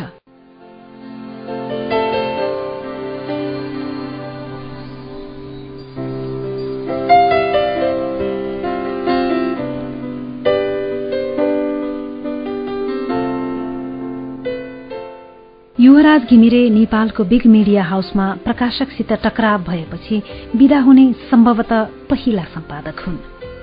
युवराज भन्छन् प्रकाशक धेरै किसिमका छन्। तर स्वार्थ सबैको छ। स्वार्थ दुई किसिमका हुन्छन्। जायज प्रोफेसनल स्वार्थ र नाजायज भेस्टेड इन्ट्रेस्ट यसमा टकराव भएर एडिटर हट्न वा हटाइन सक्छ। दोस्रो एडिटर कम्पिटेन्ट र फेयर भयो भने उसको आयु छोटै हुन्छ। तेस्रो नेपालमा मिडिया अहिले पनि राज्यको शक्ति र सुविधासँग जोडिन चाहन्छ। बिग मिडियाले इस्टाब्लिसमेन्टको प्रमुखलाई एउटा पोइन्ट भन्दा बढ्ता विरोध गर्यो भने एडिटरको पद जान्छ। पद टिकाउन एडिटर पावर ब्यालेन्समा पनि राम्रो हुनुपर्छ।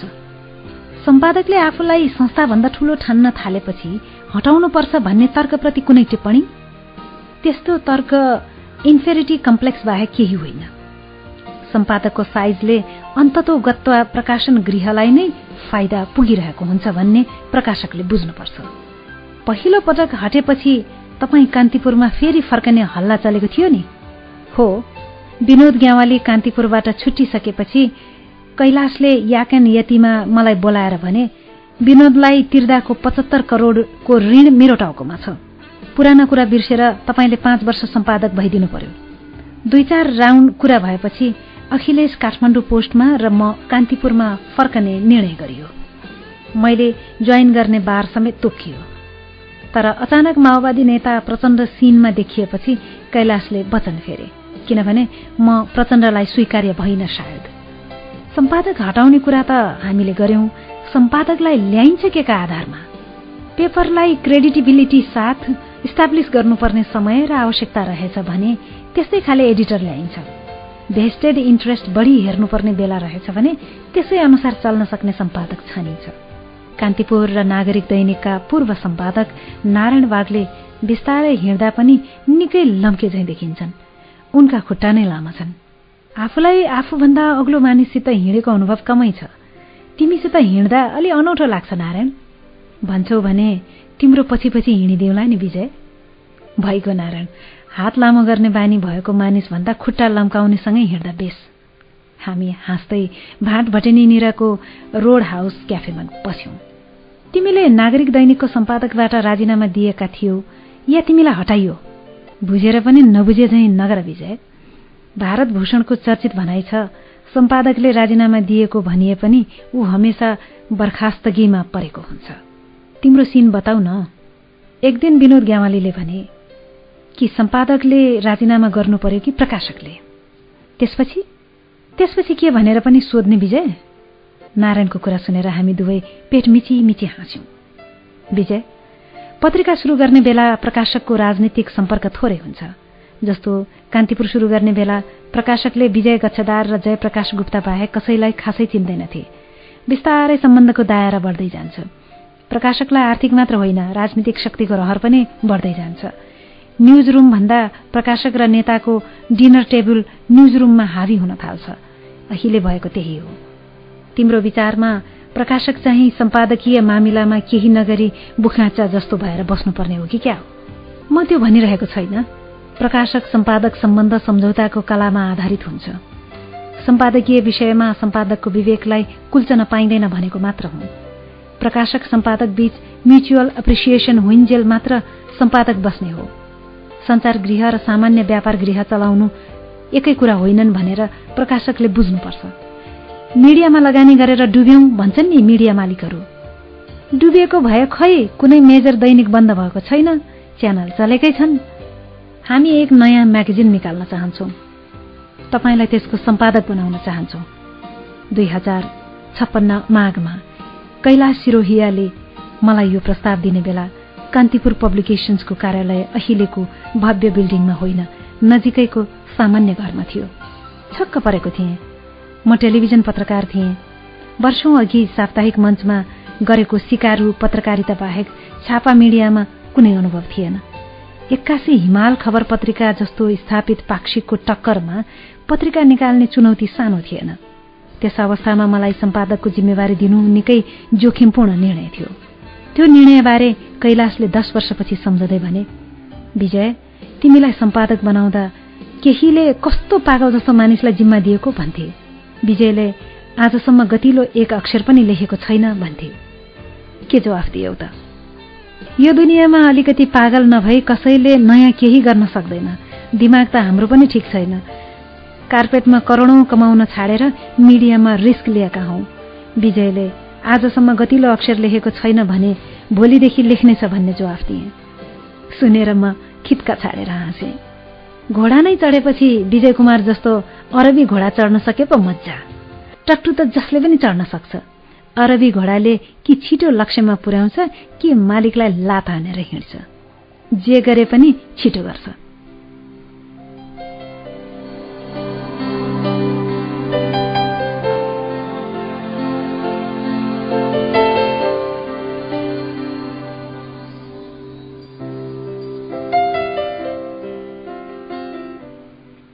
नभन्दै हामी छिटो हिँड्यौं। म्यागजिनको नाम मैले नेपाल राखेँ। पाँच महिनाको तयारीपछि साउन पन्ध्र दुई हजार सन्ताउन्नका दिन पत्रिका बजारमा आयो। बजार आएको केही घण्टामै पत्रिका सोल्ड आउट भयो। त्यसअघि युवाहरूले भरिएको टिम छानिएको थियो। नारायण वागले अखिलेश उपाध्याय र म मिलेर तिनको छनौट गरेका थियौं। यशोदा तिमसिना राजाराम गौतम ध्रुव सिंखडा दिनेश वाग्ले तिलक पाठक र माधव ढुङ्गेल आए। सारव सुनिल रञ्जित चन्द्र घनश्याम जस्ता प्राविधिक साथीले पत्रिकाको गेटअप सिंगारे। जगदीश घिमिरे र रविन्द्र मिश्र जस्ता स्टार स्तम्भ लेखकले पत्रिकाको शोभा बढाए। नरेन्द्र श्रेष्ठले फोटोग्राफीको कमान सम्हाल्यो। गोपाल चित्रकार जस्ता वरिष्ठ छायाकारले आउट अफ फ्रेम शीर्षकमा नयाँ प्रोग्राम शुरू गरे। नेपाली फोटो पत्रकारिताको इतिहासमा नेपाल पत्रिकाको केही मौलिक योगदान रह्यो। म भिजुअल मिडियाबाट आएको हुनाले फोटो जर्नलिजमको प्रबल समर्थक थिएँ। मसित काम गरेका गोपाल चित्रकार चन्द्रशेखर कार्की विकास रौनियार र नरेन्द्र श्रेष्ठ मेरो दावीसित असहमत नहोलान्। अब जीवनमा पत्रकारिता गर्दिन भनेर किनारा भइसकेका रमण घिमिरेलाई मैले जबरजस्ती रोई कराई गरेर फिर्ता ल्याएँ।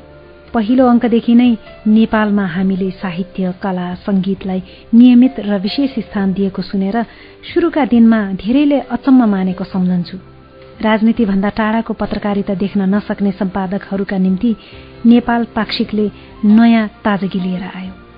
करिश्मा मानन्दरको तस्विर मुख पृष्ठमा छापिँदा कलाकारको तस्विर पनि मूलधार पत्रिकाको फ्रन्ट पेजमा हुन्छ भनेर अनेक नाक खुम्चिए। मैले वास्ता गरिन। आज हरेक दैनिक पत्रिकाको पहिलो पेजमा सबैभन्दा माथिल्लो कुनामा हर दिन कला साहित्य संगीत क्षेत्रको तस्विर देख्दा सन्तोष लाग्छ। समाचारको परिभाषा फराकिलो हुनुपर्छ भनेर उति बेलादेखि घाँटी सुकाएको सम्झना हुन्छ।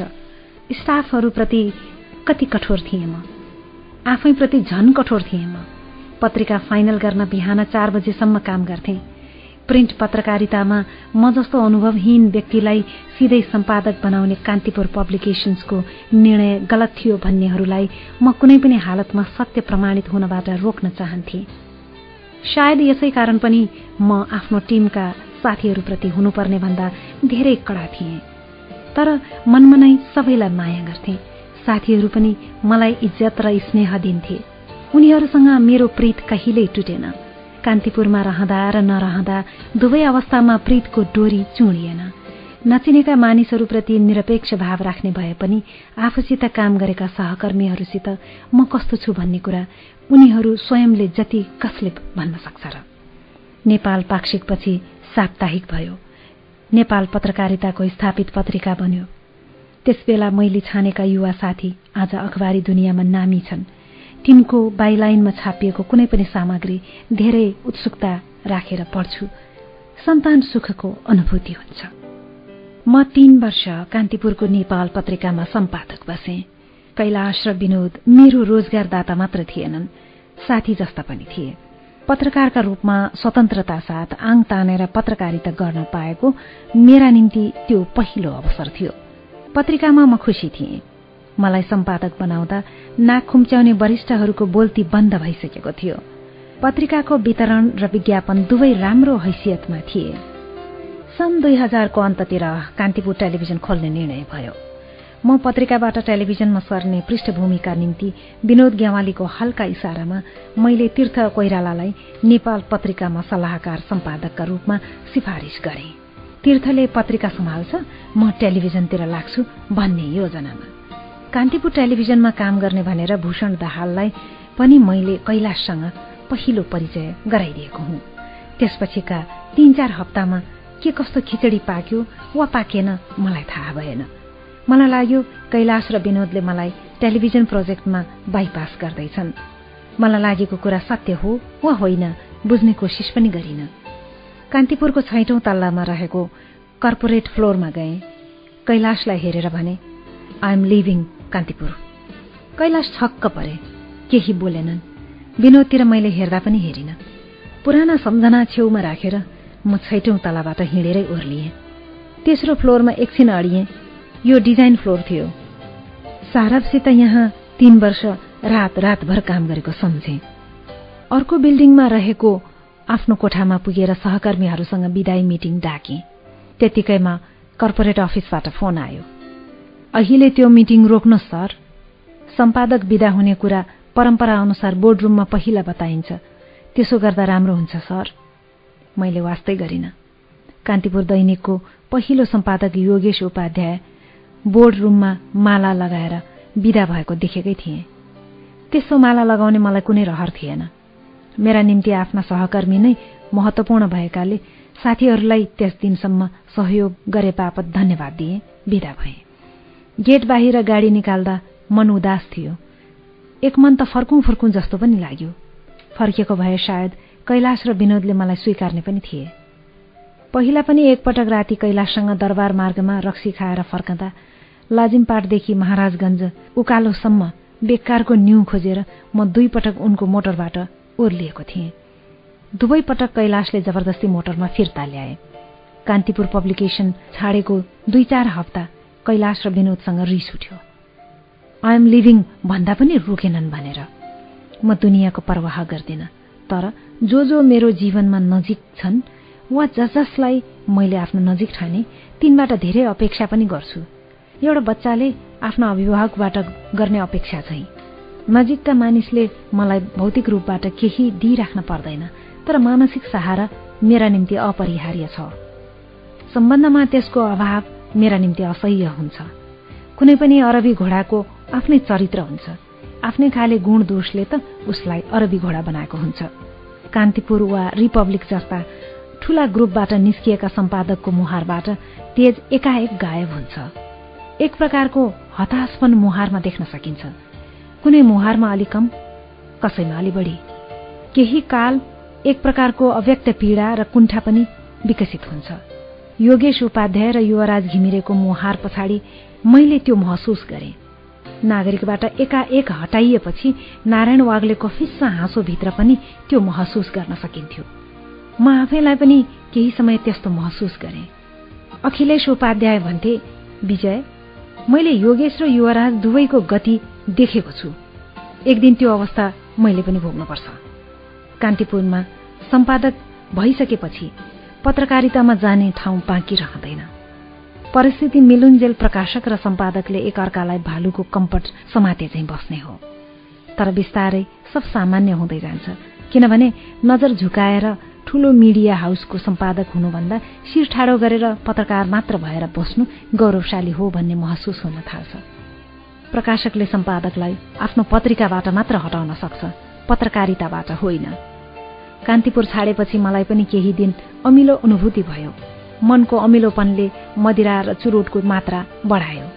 संयोगले मेरो अमिलोपन धेरै दिन टिकेन। एक दिन जापान टेलिभिजनको नेपाल प्रतिनिधि लक्ष्मण उप्रेती आयो। चाइनिज रेस्टुराँमा राम्रो रक्सी खुवायो र भन्यो दाजु तीन वर्ष लेखनदासहरूको चक्करमा फसेर तिमीले आफू को हौ भन्ने बिर्स्यौ जस्तो छ। तिमी सम्पादक मात्रै हौ र? तिमी त टेलिभिजनको विजय कुमार हौ। तिमीलाई पनि कामको कमी हुन्छ र? एउटा सानो अफिस खोला दिशानिर्देश प्रोग्राम बनाउन थाल। जानेको काम नगरेर बेकारमा किन दुःख पाउने? उसको कुरा चित्त बुझ्यो। मैले कसैको नोकरी गर्न नगएर आफ्नो सानो प्रडक्सन अफिस खोल्ने विचार गरेँ। म राम्रो ठाउँमा शानदार अफिस राखेर बस्न चाहन्थे तर अफिस खोल्ने पैसा थिएन। कसैले मद्दत गर्ला कि भनेर सोच्न थाले। सारा जीवन पत्रकारिता गर्दा पनि म मुस्किलले तीन चार धनी मानिससित परिचित थिएँ। एक वचनमा कसले मद्दत गर्ला? विनोद चौधरीसँग विवाहका निम्ति एक लाख रुपियाँ माग्दा के भएको थियो मैले बिर्सेको थिइनँ।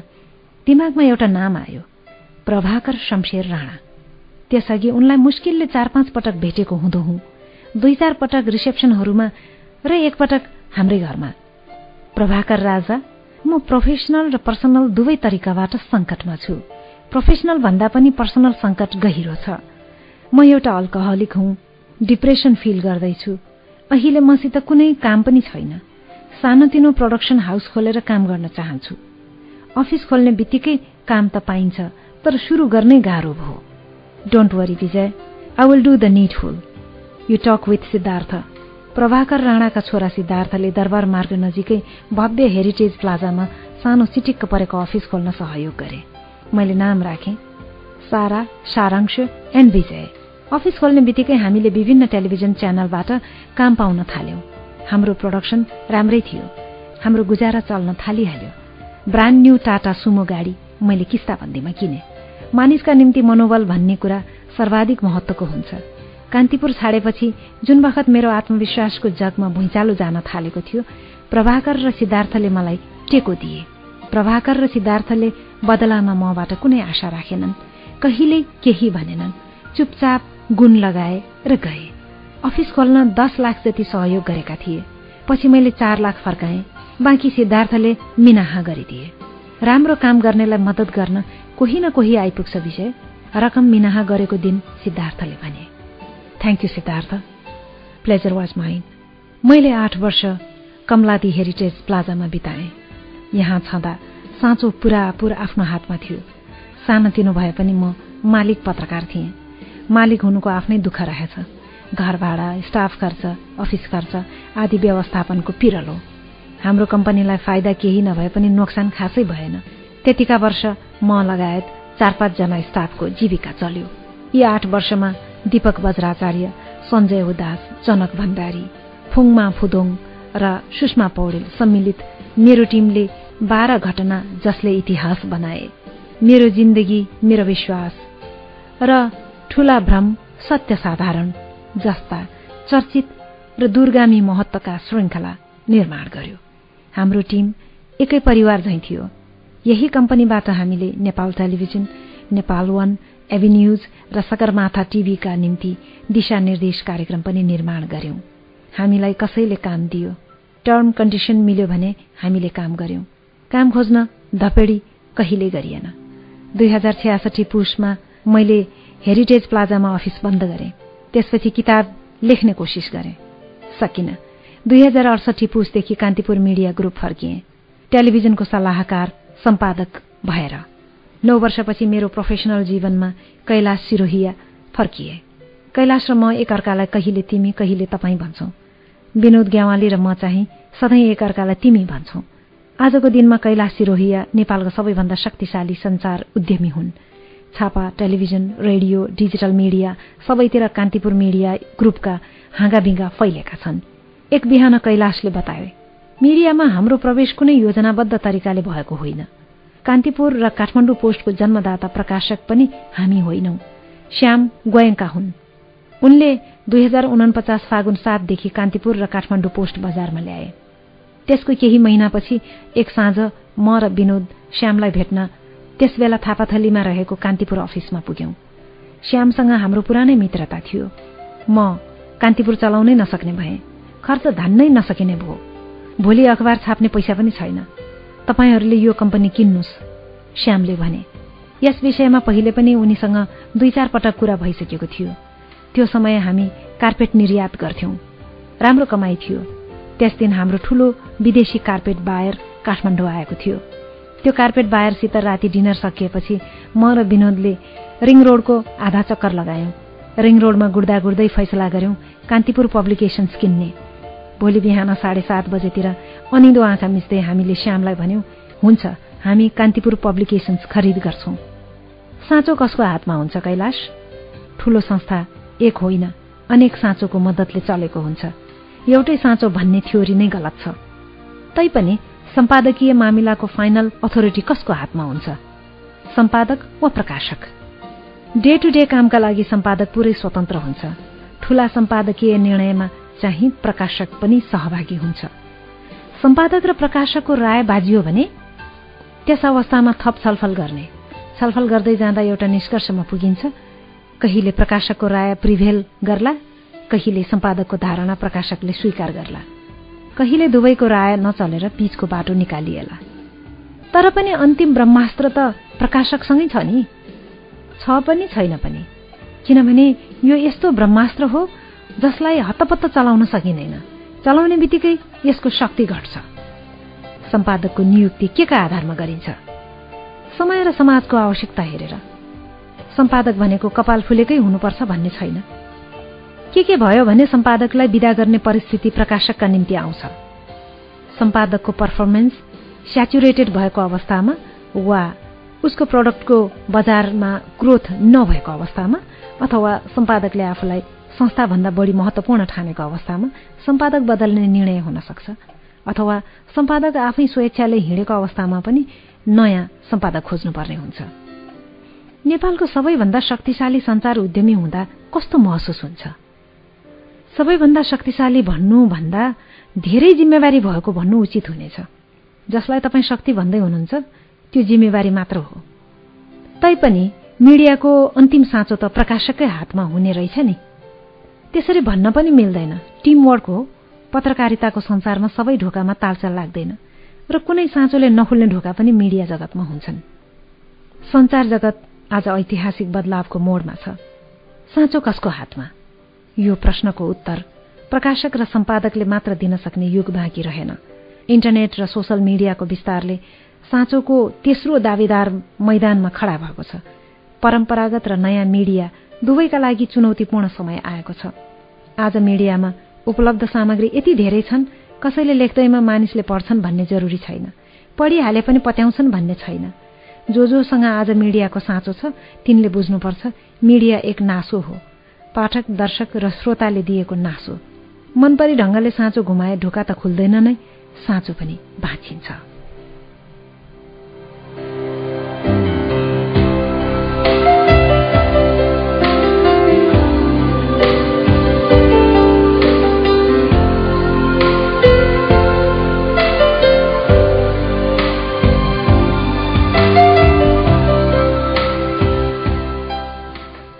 धेरै वर्षदेखि वन्यजन्तु आरक्षणमा गहिरो अभिरुचि राख्छु भन्ने त सबैलाई थाहा नै छ।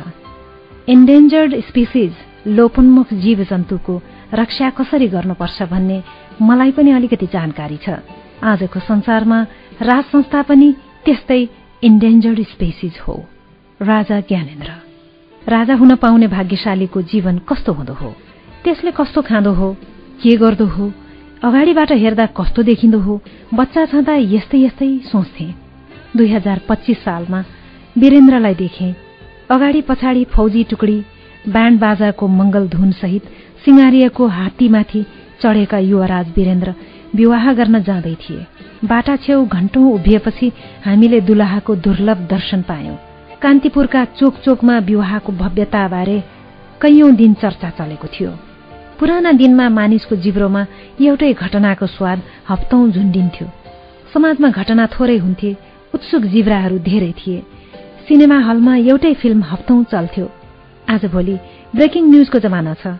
खबर जतिसुकै तातो भए पनि दुई तीन दिनमा सेलाइहाल्छ जत्रोसुकै हिट सिनेमा पनि केही दिनभन्दा बढी चल्दैन। अब चोकचोकमा जिब्रो चिलाउनुको साटो मानिस फेसबुकमा जिब्रो कन्याउन थालेका छन्। साइबर संसारमा कन्याउन पाउने विषय र ठाउँ अनलिमिटेड भएकाले कुनै व्यक्ति या घटनाबारे धेरै दिन चर्चा गर्ने फुर्सद कसैलाई हुँदैन। कालान्तरमा वीरेन्द्र राजा भए। म पत्रकार। दुई हजार छ्यालिस पछि दुई चार पटक मैले चलन चल्तीको भाषामा राजाको दर्शन भेट पाएँ। राजा भेट्न मलाई कुनै बिन्ती पत्र हाल्नु परेन। राजाका सहायकहरूलाई फोन गरे। उनैले समय मिलाइदिए। उनका सहायकहरू ताराबहादुर थापा चिरन थापा शान्ताकुमार मल्ल विवेक शाह र पशुपति भक्त महर्जनसित मेरो सम्पर्क थियो। शुरूआतमा प्रोत्साहन नपाएको भए मेरो करियर त्यसरी टेक अफ नै हुने थिएन। एउटा प्रसङ्ग सम्झन्छु। कमल थापा पञ्चायती संचार मन्त्री थिए। मेरो एक कार्यक्रमको विषयवस्तुलाई लिएर उनी र निर शाहबीच चर्को मतभेद भयो। मरिचमान मन्त्रीमण्डलका तत्कालीन गृहमन्त्री निरञ्जन थापाले सिंहदरबारको चौतारीमा मलाई एक संवेदनशील सूचना चुहाउँदै भने क्याबिनेटमा स्थिति ठिक छैन। निरलाई हटाउन खोजिँदैछ। तपाईँहरू पनि आफ्नो भयभरको गियर तान्नुहोस् केही दिनमै मन्त्रीमण्डल पुनर्गठन भयो। कमल थापा संसारबाट वन मन्त्रालय सरुवा भए दरबारले हमेसा गलतै मानिसलाई प्रोत्साहन गर्थ्यो। इमान्दारलाई स्थान दिएन भन्ने कुरा म पत्याउन्न। दीर्घराज कोइराला यदुनाथ खनाल भुवनेश्वर खत्री लगायत अनगिन्ती यस्ता नाम छन् जो नैतिकता र इमान्दारीका प्रतीक थिए। दरबारमा यिनको नाम इज्जत साथ लिइन्थ्यो। हुन त पञ्चायत व्यवस्थाका बेला कैयौं नालायक घुसिया र क्रूर मानिसले पनि दरबारको संरक्षण पाए। शक्तिसितको निकटता के प्रयोजनका निम्ति उपयोग गरिन्छ व्यक्ति व्यक्तिको स्वभावमा भर पर्छ। मेरो जुन स्तरको सम्पर्क थियो त्यो ठाउँमा धेरैले सायद पद र सुविधा माग्ने थिए। मैले हमेसा स्वतन्त्रता र थप स्वतन्त्रता मात्र मागे। पाएसम्म सरकारी टेलिभिजनमा बसे नपाएको दिन हिँडे। राजा वीरेन्द्रसँग चीनको सेन्जेन शहरमा भेट्दाको प्रसङ्ग सम्झन्छु। लामो भेटघाट थियो। महारानी ऐश्वर्यले आफ्नै हातले मलाई विस्की दिएकी थिइन्। होटलको स्विटमा होटलको स्विट कोठामा राजा रानी र एउटा नातेदार महिला महारानीकी हेयर स्टाइलिस्ट पनि थिइन् क्यारे र म थियौं। राजा वीरेन्द्रसँग मध्यरातसम्म एक्लै कुरा गरेको सम्झन्छु। राजा रिल्याक्स मुडमा थिए। म पनि नेपाल फर्कने बित्तिकै अमेरिका पढ्न जाने तयारीमा थिएँ। यो मेरो राजासँग तेस्रो या चौथो भेट थियो। राजा भन्ने बित्तिकै सुनको थालमा हिरा खाने मानिस होइन रहेछन्। हामी जस्तै सुख दुःखबाट गुज्रनु पर्ने साधारण मानिस हुन् भन्ने बोध मलाई त्यति बेलासम्म भइसकेको थियो। व्यक्तिगत जीवन राजनीति अन्तर्राष्ट्रिय परिस्थिति आदि विषयमा फ्री विलिङ च्याट हुँदै थियो। नेपालको रणनीतिक महत्व प्रसंगमा कुरा पुग्ने बित्तिकै राजा गम्भीर भए। तिम्रो के विचार छ विजय? नेपालको रणनीतिक महत्व आगामी दिनमा भारत चीन आपसी सम्बन्धको अवस्थाबाट निर्धारित हुनेछ जस्तो मलाई लाग्छ सरकार। मेरो कुरा सुनेर राजा एकछिन चुप लागे। रुचाएनन् क्यारे। अंग्रेजीमा भने you have a point but not the complete picture Vijay. Naturally your majesty my knowledge is limited will talk more about it after you return from America I look forward your majesty by the way America जानु अघि एउटा प्रश्नको उत्तर जान्ने रहर थियो। सोध न रिसानी माफ हुन्छ भने सोध्न चाहन्छु। Does it feel to be the king of Nepal? You are talking like a Western journalist. आफ्नो मनको उत्सुकता रोक्न सकिन सरकार। काठमाडौँमा गएर कुरा गरौँला। काठमाडौँ फर्केपछि राजदरबारको मंगल सदनमा संवाद सचिव नरेन्द्र राज पाण्डेको उपस्थितिमा राजाले मेरो जिज्ञासाको उत्तर दिए। नेपालको राजा हुनु कुनै अन्य काम झैं एउटा काम हो कर्तव्य हो। यसको विशेषता के भने यो काम केही ऐतिहासिक परम्पराहरूका साथ आउँछ। ती परम्परा कतिपय अवस्थामा जनताका आधुनिक आकांक्षासित टकराउने खालका हुन्छन्। परम्परागत जिम्मेवारी र जनताको आधुनिक आकांक्षा बीच सन्तुलनको संवेदनशील बिन्दु पहिल्याउनु राजाको काम हो। कुनै पनि अन्य काम झै राजा हुने कामलाई दुई तरिकाबाट गर्न सकिन्छ। राम्ररी वा बिगारेर। You can do this job nicely or you can really mess it up राजाले त्यसो भनिरहँदा उनका संवाद सचिव नरेन्द्र राज पाण्डे चमत्कृत भएर मलाई हेर्न थाले। राजालाई मूडमा देखेर मैले अर्को प्रश्न थपेँ। सरकारबाट पञ्चायत र बहुदलका गरी भिन्न भिन्न प्रधानमन्त्रीहरूसित काम गरिबक्स्यो कस्ता थिए यिनीहरू? They all had their own flavour can you जज their respective flavour it would not be proper to do so because comparing one flavour with another is not fair राजा वीरेन्द्रको यो उत्तरभित्र लुकेको गहिरो शिक्षा मैले कहिले बिर्सन सकिनँ। साँच्चै भन्ने हो भने संसारमा हामी जे जति मानिस छौँ सबै आफ्नै हिसाबले मौलिक छौँ। सबैको आफ्नै फ्लेभर छ। कसैसँग कसैको तुलना व्यर्थ हो। कोहीले कोही जस्तो हुन खोज्नु पनि बेकार हो।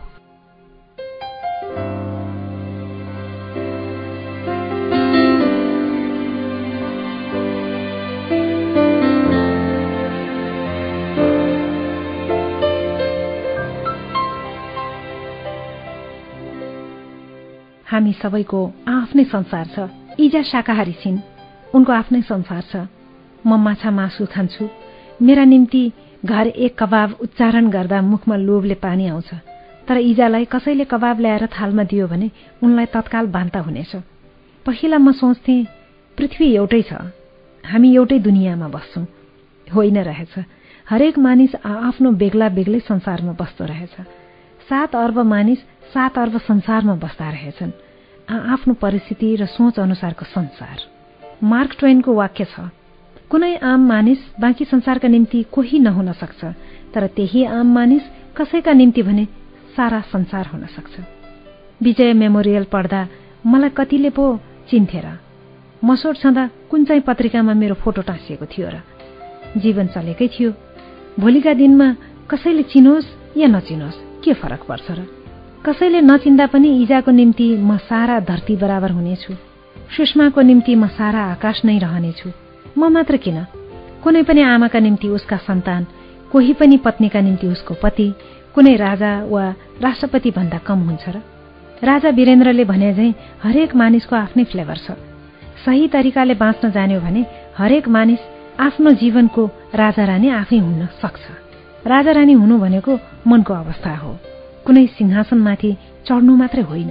मनको त्यो अवस्था प्राप्त गर्न सकिएन भने राजपरिवारमा जन्मेर पनि मानिस देश विदेशका गल्ली गल्ली चाहर्न बाध्य भएका कैयौं उदाहरण छन्। मैले सामुन्ने देखेको पहिलो प्रधानमन्त्री कीर्तिनिधि विष्ट हुन्। सानो छँदा उनलाई घरैमा भेटे। दिव्यदेव मामाले कीर्ति बाबुलाई डिनरमा बोलाएका थिए। लोकेन्द्र बहादुर चन्दलाई नभेट्ने कुरै भएन। हाम्रा आफन्त पनि हुन्। भलाद्मी शिष्ट र सज्जन पुरूष। राजनीतिको सट्टा साहित्य साधना उनको स्वभाव सुहाउँदो हो जस्तो लाग्छ।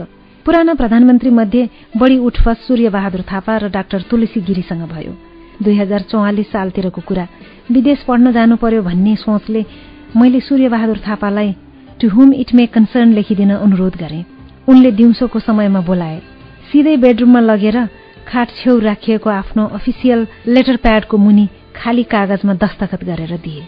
यो खाली प्याडमा दस्तखत गरेर दिँदैछु। आफ्नो विषयमा मेरो तर्फबाट जे मन लाग्छ लेख्नु। म अचम्बित भएँ। बजारमा सुनिएको थियो सूर्यबहादुर थापा चलाक छ धूर्त छ पक्का पोलिटिसियन छ मुखले मात्र सबैलाई ठिक्क पार्छ आदि इत्यादि। तर म जे भोग्दै थिएँ त्यो ती सब कुराको विपरीत मात्र होइन असाधारण रूपले भिन्न थियो। कोही पनि मानिस सबैका निम्ति एकनाश नहुने रहेछ। त्यसैले त भनेको सात अर्ब मानिस सात अर्ब संसार। मलाई मेरो घरमा चोर आउला भन्ने डर कहिल्यै भएन। कुनै मूल्यवान वस्तु भए पो चोरको डर। त्यस रात मलाई चोरको डर लाग्यो। सिरानी मुनि सूर्यबहादुर थापाको ब्ल्याङ्क सिग्नेचर भएको कागज थियो। भोलिपल्ट बिहानै महाङ्काल भैरव मुनिको टाइपिङ पसलमा पुगेर आफ्नो प्रशंसामा आफैले तीन लाइन ठोकिदिए। यो घटना मैले वर्षौं कसैलाई बताइन। ठूला बडासितको सम्बन्ध जग जाहेर गर्नुपर्छ फाइदा हुन्छ भन्छन्। त्यसो गर्न हमेसा संकोच लाग्यो।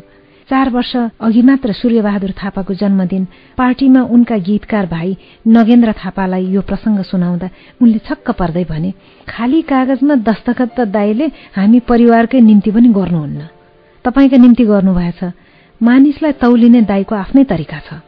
आफूले संगत गरेका प्रधानमन्त्रीहरूलाई सम्झँदै जाँदा पञ्चायतकी आमा भनिने डाक्टर तुलसी गिरी र उनकी सुन्दर पत्नी सारा योजनलाई धेरै सम्झिन्छु। सारा क्रिस्चियन धर्मको हाङा जेहोबा विटनेसको प्रचारक पनि हुन्। प्रधानमन्त्री छँदा सारासित डाक्टर गिरीको प्रेम भयो। साराको प्रेममा डाक्टर गिरी पनि क्रिस्चियन भए। मलाई लाग्छ सारा मुस्लिम भएकी भए डाक्टर गिरी इस्लाम धर्म अंगीकार गर्ने थिए। कुनै जमानामा डाक्टर गिरी बीपी कोइरालाका विश्वासपात्र मात्र होइनन्। नेपाली काङ्ग्रेसका महामन्त्री पनि थिए। राजनीतिमा कोही कसैको नहुने रहेछ। राजा महेन्द्रले दुई हजार सत्रमा सेनाको मद्दतले सत्ता हत्याएपछि डाक्टर गिरी महेन्द्रका पक्का भए बीपी कोइराला जेलमा कोचिए। पछिका वर्षहरूमा डाक्टर गिरी राजाहरूसित पनि विरक्तिए विडम्बना पञ्चायत व्यवस्थाले आफ्नो रजत जयन्ती वर्ष मनाइरहँदा उनी सारासँग श्रीलङ्कातर्फ उडिदिए। कसैलाई एक वचन नभनी त्यसबेला डाक्टर गिरी पञ्चायत रजत जयन्ती समारोह समितिका अध्यक्ष थिए। जुन व्यवस्थाको आमा नै सन्तानलाई एक्लो छाडेर हिँडिन् त्यो व्यवस्था धेरै टिक्ने कुरा पनि थिएन। दुई हजार छयालिसमा पञ्चायत पनि ढल्यो। डाक्टर गिरी नेपाली राजनीतिमा सबैभन्दा नबुझिएका मिसअन्डरस्टुड मध्ये एक हुन्। आफ्नो सिद्धान्तमा कट्टर देखिए पनि व्यवहार त बडा उदार फरासिला स्पष्ट मानिस हुन्। समाजमा त्यत्रो औपचारिक नाम प्रतिष्ठा हुँदाहुँदै आफ्नो प्रेमका कारण सपथोक त्यागेर परदेशमा गुमनाम जिन्दगी बिताउने जुन साहस डाक्टर गिरीले देखाए त्यसले मलाई हमेसा आकर्षित गर्यो। राजनीतिक विचारधाराका दृष्टिले डाक्टर गिरीसित सहमत नहुँदा नहुँदै पनि उनी हमेसा मेरा प्रिय रहनेछन्। म मात्र किन? जो कोही डाक्टर गिरीको सम्पर्कमा एकपटक आउँछ ऊ कुनै न कुनै रूपमा उनको करिज्माबाट प्रभावित हुन्छ। माओवादी नेता प्रचण्ड भन्थे पचासी काटिसक्दा पनि त्यो मानिसमा दम छ। सहमत हुनु नहुनु बेग्लै कुरा हो तर त्यति स्पष्ट चिन्तन भएका मानिस नेपाली राजनीतिमा थोरै आए। म हाइस्कुल छँदा सारा गिरी सारा योन्जन थिइन्। रेडियो नेपालबाट गुन्जने उनको अंग्रेजी वाणीको प्रशंसक थिए। कालान्तरमा उनीसित आध्यात्मिक विषयमा लामा लामा छलफल गरे। एक दिन भन्थिन् पानीको बीचमा तेलको थोपा झैं जिन्दगी बिताऊ। सांसारिक जीवनमा डुब्दा डुब्दै पनि त्यसबाट अलग रहेर बाँच्न सिक विजय। कुन्नी किन हो? म पत्रकारितामा डुबेर पनि त्यसैमा मिसिन सकिन। कुन्नी किन हो? प्रसिद्धि र बाँच्नको बीचमा त्यतिका वर्ष बिताएर पनि म तिनैमा विलिन हुन सकिन। निलो आकाशको पछाडि के छ?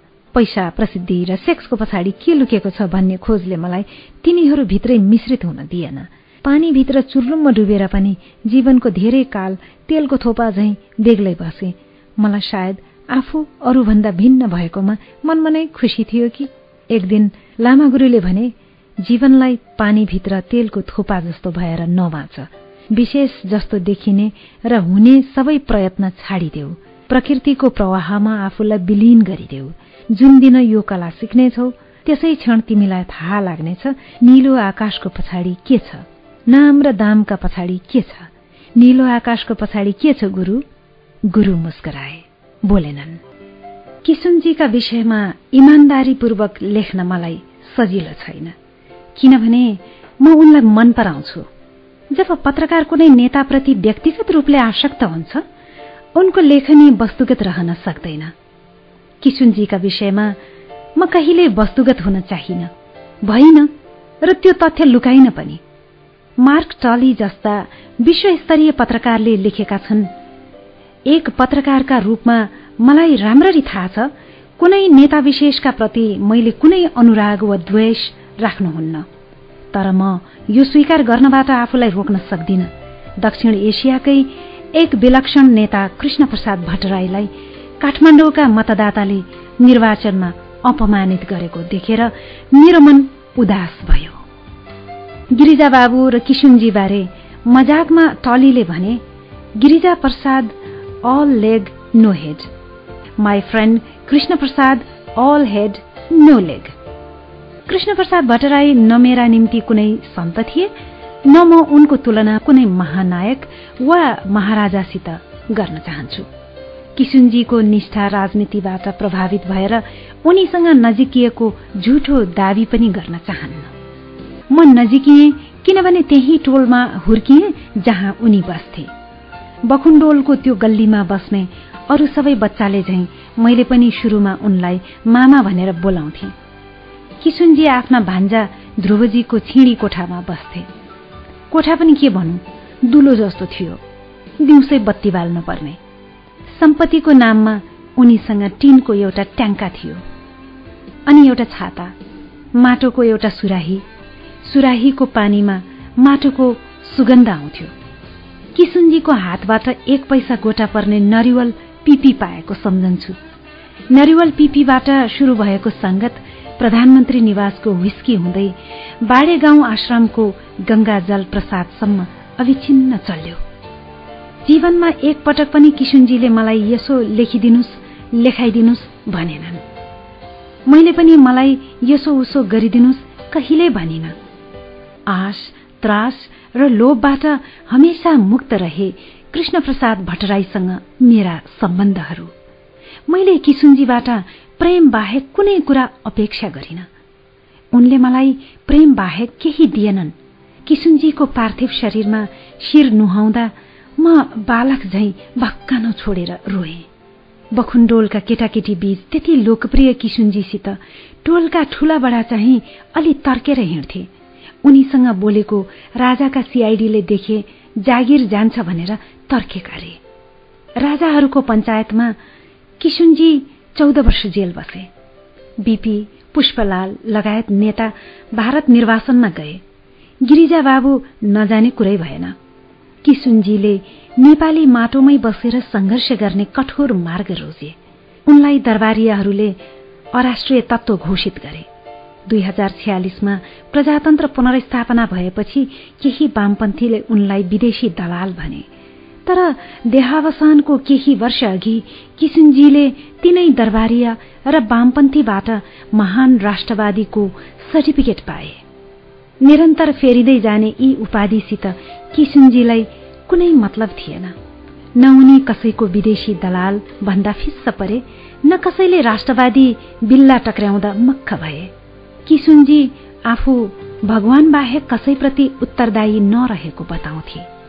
मेरो जीवन र आयु मबाट होइन परमात्मा स्वयंबाट निर्धारित छ ममा भएका कमी कमजोरी मात्र मेरा हुन्।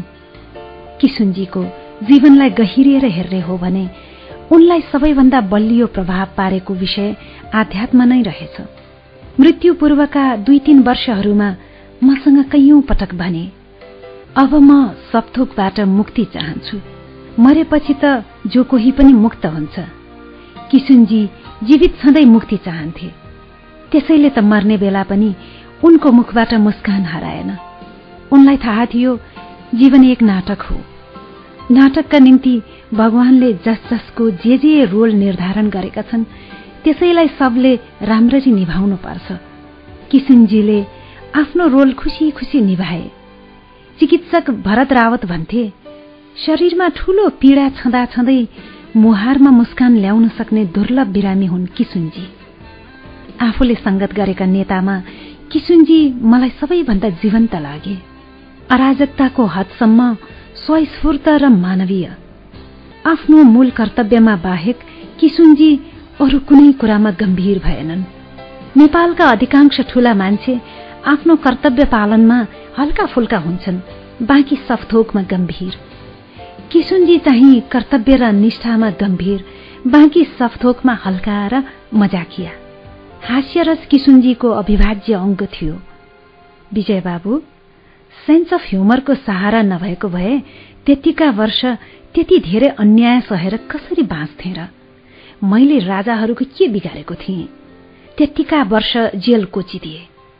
राजाहरूसित लड्दा लड्दा प्रजातन्त्र आएपछि आफ्नै साथीहरूले छुरा घोपे। त्यो पनि सहे आफैले बनाएको पार्टीबाट चुपचाप अलग भए। आफ्नैहरूसित पनि के लडाईँ झगडा गर्नु भनेर पन्छिए। कहिलेकाहीँ लाग्छ नेपाल जस्तो ठाउँमा इमान्दार र निष्ठावान मानिसले जुन दुःख पाउँछ त्यसलाई हल्का गर्न या ऊ पागल हुनुपर्छ या त जड्याहा या ह्यासरसी जोकर। किशुनजी आफ्ना वास्तविक र काल्पनिक दुवै थरी कमजोरीप्रति आफै ठट्टा गर्ने आत्मबल राख्थे। कहिलेकाहीँ आफ्नो इन्नर सर्कलमा सेक्सका विषयमा रसलिली चर्चा गर्थे। प्रदीप गिरीले एक संस्मरणमा भनेका छन् मैले साँचो अर्थमा महान मानेका प्रेमीहरू पनि फरक खालका छन्। गान्धी अब्राहम लिङ्कन र कृष्ण प्रसाद भट्टराई। एकपटक जेलमा छँदा मैले उहाँलाई सोधेँ कति स्त्रीसँग तपाईँको सम्बन्ध भयो? उहाँले भन्नुभयो धेरैसँग पो भयो त। म सभामुख छँदा थुप्रै कल गर्लसँग पनि गएको छु। किसुनजीले वेश्यागमनको सौन्दर्यात्मक पक्षबारे मलाई भन्नुभयो। उहाँले उनीहरूलाई वेश्याका रूपमा नमानेर प्रेमिकाका रूपमा सम्मान गर्नुभयो। मलाई लाग्यो प्रेम सम्मानको अर्को नाम हो।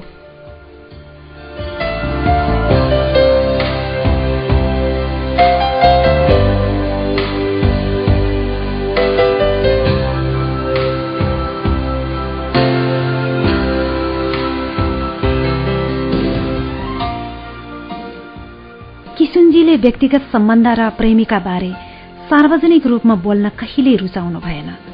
तर उहाँको सम्पूर्ण स्वभावमा उहाँको ठट्टा निसङ्गता वैराग्य हाँसो हेर्नुहोस्। कुनै कुण्ठा भएको मान्छे त्यस्तो ठट्टा र रमाइलो गर्न सक्छ? तर अहिलेका नेताहरू वास्तविक अर्थमा प्रेमी नभएकाले नै उनीहरूले समाजमा हिंसा र पाखण्डलाई प्रोत्साहन दिएका छन्। सत्ताभोगीहरूले अलिकति प्रेम गरे अलिकति उपन्यास पढे अलिकति कविता पढे अलिकति संगीत सुने हाम्रो राजनीति सुध्रिने थियो। प्रदीप गिरीको संस्मरणको तुलनामा मेरो अनुभव अलि भिन्न छ। किशुनजीसँग सेक्स विषयमा बात मार्ने साहस मैले निकै पछि मात्र प्राप्त गरे। ती दिनहरूमा किशुनजीको जवानी बितिसकेको थियो। उनी सेक्सको बढाई चढाई गफ मात्र दिने मान्छे जस्तो मलाई लाग्यो। आफूलाई बडा पेग छोटा मेम साहब चाहिन्छ भन्ने खुशवन्त सिंहको गफ जस्तै। खुशवन्त ज्यादै अनुशासित तरिकाले मदिरा पान गर्थे तर उनले लेखेको पढ्यो भने ठूलै जड्या हुन् भन्ने भ्रम पर्छ। किसुनजीले एक दिन भने हेर्नुहोस् बाबु जवानीमा धेरै मोज गरियो तर आजभोलि खाटबाट उठ्न पनि सहारा चाहिन्छ। जो मानिस खुदै खडा हुन सक्दैन उसको कसरी खडा होला? यति पनि सोच्न नसक्ने पत्रकार छन् समाज छ। यति भनेर एकछिन रोकिए। फेरि अर्को मनले सोच्छु यस्ता हल्लाले मलाई फाइदा नै गरेको छ। ओछ्यानबाट मुस्किलले उठ्ने राम्ररी हिँड्न पनि नसक्ने अवस्थामा पनि मलाई सेक्सका निम्ति योग्यता ठानिएको छ। किसुनजी अथेन्टिक मानिस भएकाले उनको ठट्टा र गम्भीरता दुवै सक्कली थिए। उनको क्रोध र मुस्कान दुवै असली थिए। असली थिए। यसैले आभायुक्त थिए। संसारमा आजभोलि अथेन्टिक मानिसको संख्या घट्दो छ। रबरले बनेका सिन्थेटिक मानिस बढ्दैछन् जसले जता तन्कायो उतै तन्किने। अथेन्टिक मानिस त्यो हो जसको मनमा जे जस्ता भाव उत्पन्न हुन्छन् ठिक त्यस्तै भङ्गीमा उसको मुहारमा झल्कन्छ भाव मानिसको मनमा उत्पन्न हुन्छ भङ्गीमा मुहारमा झल्कने कुरा हो। अथेन्टिक मानिसको भाव र भङ्गीमा बीच कुनै विरोधाभास हुँदैन। प्राध्यापक डीपी भण्डारीको टिप्पणी छ विशाल चिन्तन भएको कुनै पनि मानिसलाई संकीर्ण चिन्तन भएको समाजले बुझ्न सक्दैन। किसुनजीले भोग्नु परेको राजनीतिक सामाजिक र बौद्धिक कठिनाई पनि यस्तै विरोधाभासपूर्ण अवस्थाको द्योतक हो। अबको पचास वर्षपछि नेपालमा जन्मनु पर्ने नेता किसुनजीको जन्म धेरै छिटो भएको हो। मेरो अग्रज पुस्ता र मेरै पुस्ताका केही पत्रकार र समीक्षकले जानेर नजानेर कृष्ण प्रसाद भट्टराईलाई हमेसा जोकरका रूपमा प्रस्तुत गरे। किसुनजी जोक गर्थे तर जोकर थिएनन्। समयले प्रमाणित गर्यो किसुनजी होइन असली जोकर त ती रहेछन् जस जसले किसुनजीलाई विदूषक प्रमाणित गर्ने प्रयास गरे। मलाई सन्तोष छ नेपाली पत्रकारिताको पछिल्लो पुस्तामा। सम्झन्छु मनोज दाहाल किरण भण्डारी सुदीप श्रेष्ठ जस्ता पत्रकारको पुस्तालाई जसले नेपाली इतिहासको त्यो अलौकिक धरोहरलाई आफूले चिन्ने कोसिस गर्यो र जनतालाई पनि चिनाउने प्रयास गर्यो। आठ पुस दुई हजार अडसठी। शनिबारको बिहानी मेरा निम्ति ठूलो खुशी लिएर आयो।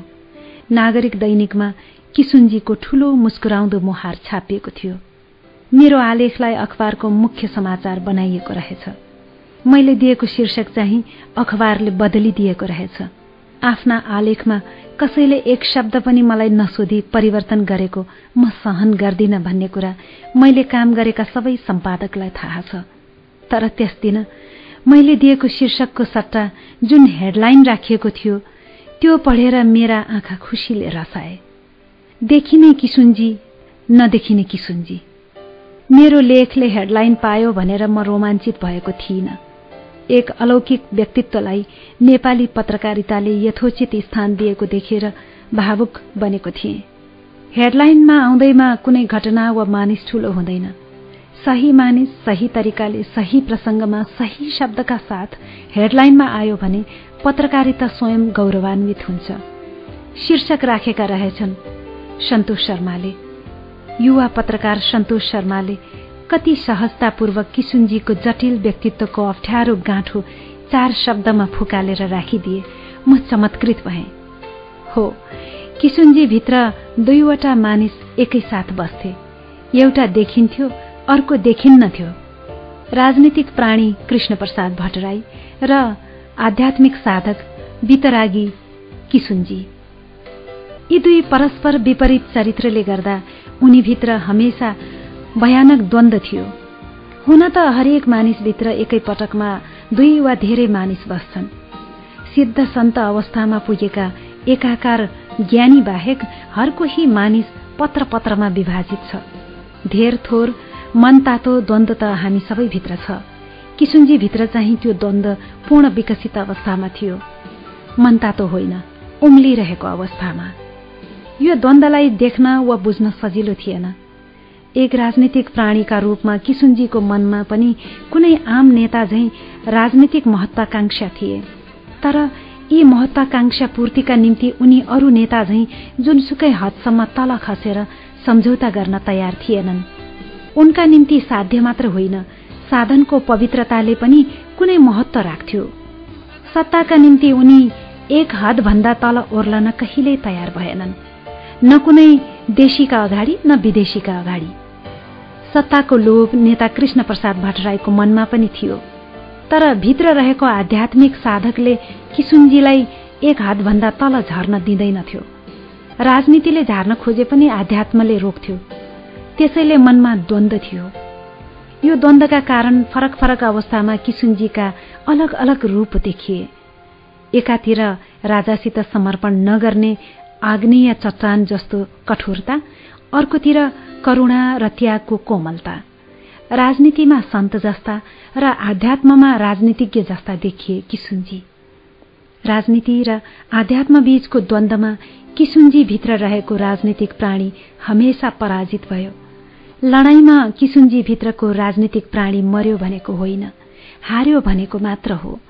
मरेको भए त किसुनजी त्यतिका वर्ष राजनीतिमा सक्रिय नै हुने थिएनन्। राजनीति उनका निम्ति कुनै रणनीति मात्र थिएन। उनको राजनीति निष्ठाबाट निश्रित थियो। यो निष्ठाको स्रोत आध्यात्मिक चेतना थियो। बडे बडे काङ्ग्रेसी नेताहरू दरबारले दिएको कागजमा साइन गरेर राजाको जेलबाट छुटे। किसुनजीले त्यसो गर्नु साटो जेलै रोजे।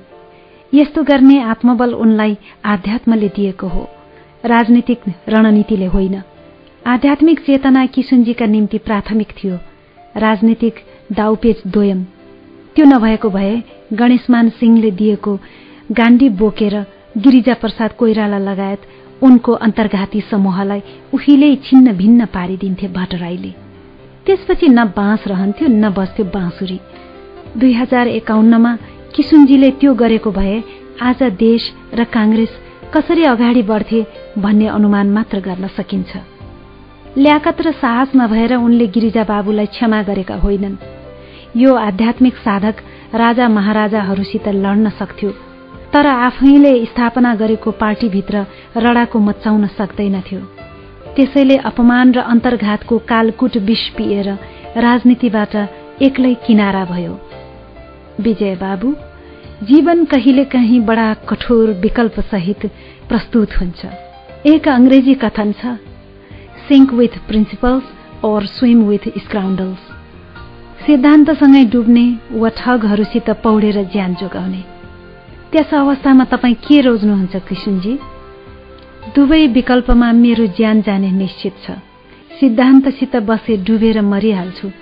ठगहरूसित पौडेर ज्यान जोगाए अन्तरात्माले मलाई बाँच्न दिँदैन।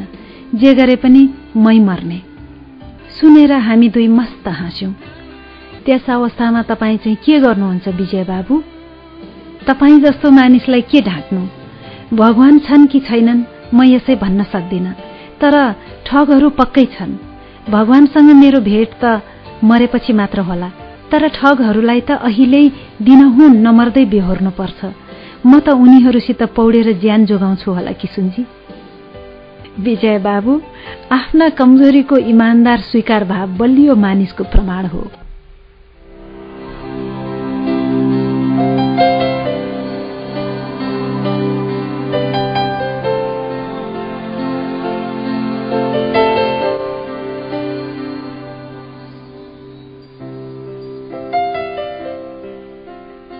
देहावसान पूर्वका चार पाँच वर्ष किसुनजी राजनीतिबाट अलग रहे। त्यो समय किसुनजी देशको बदलिएको यथार्थसित अपरिचित थिए।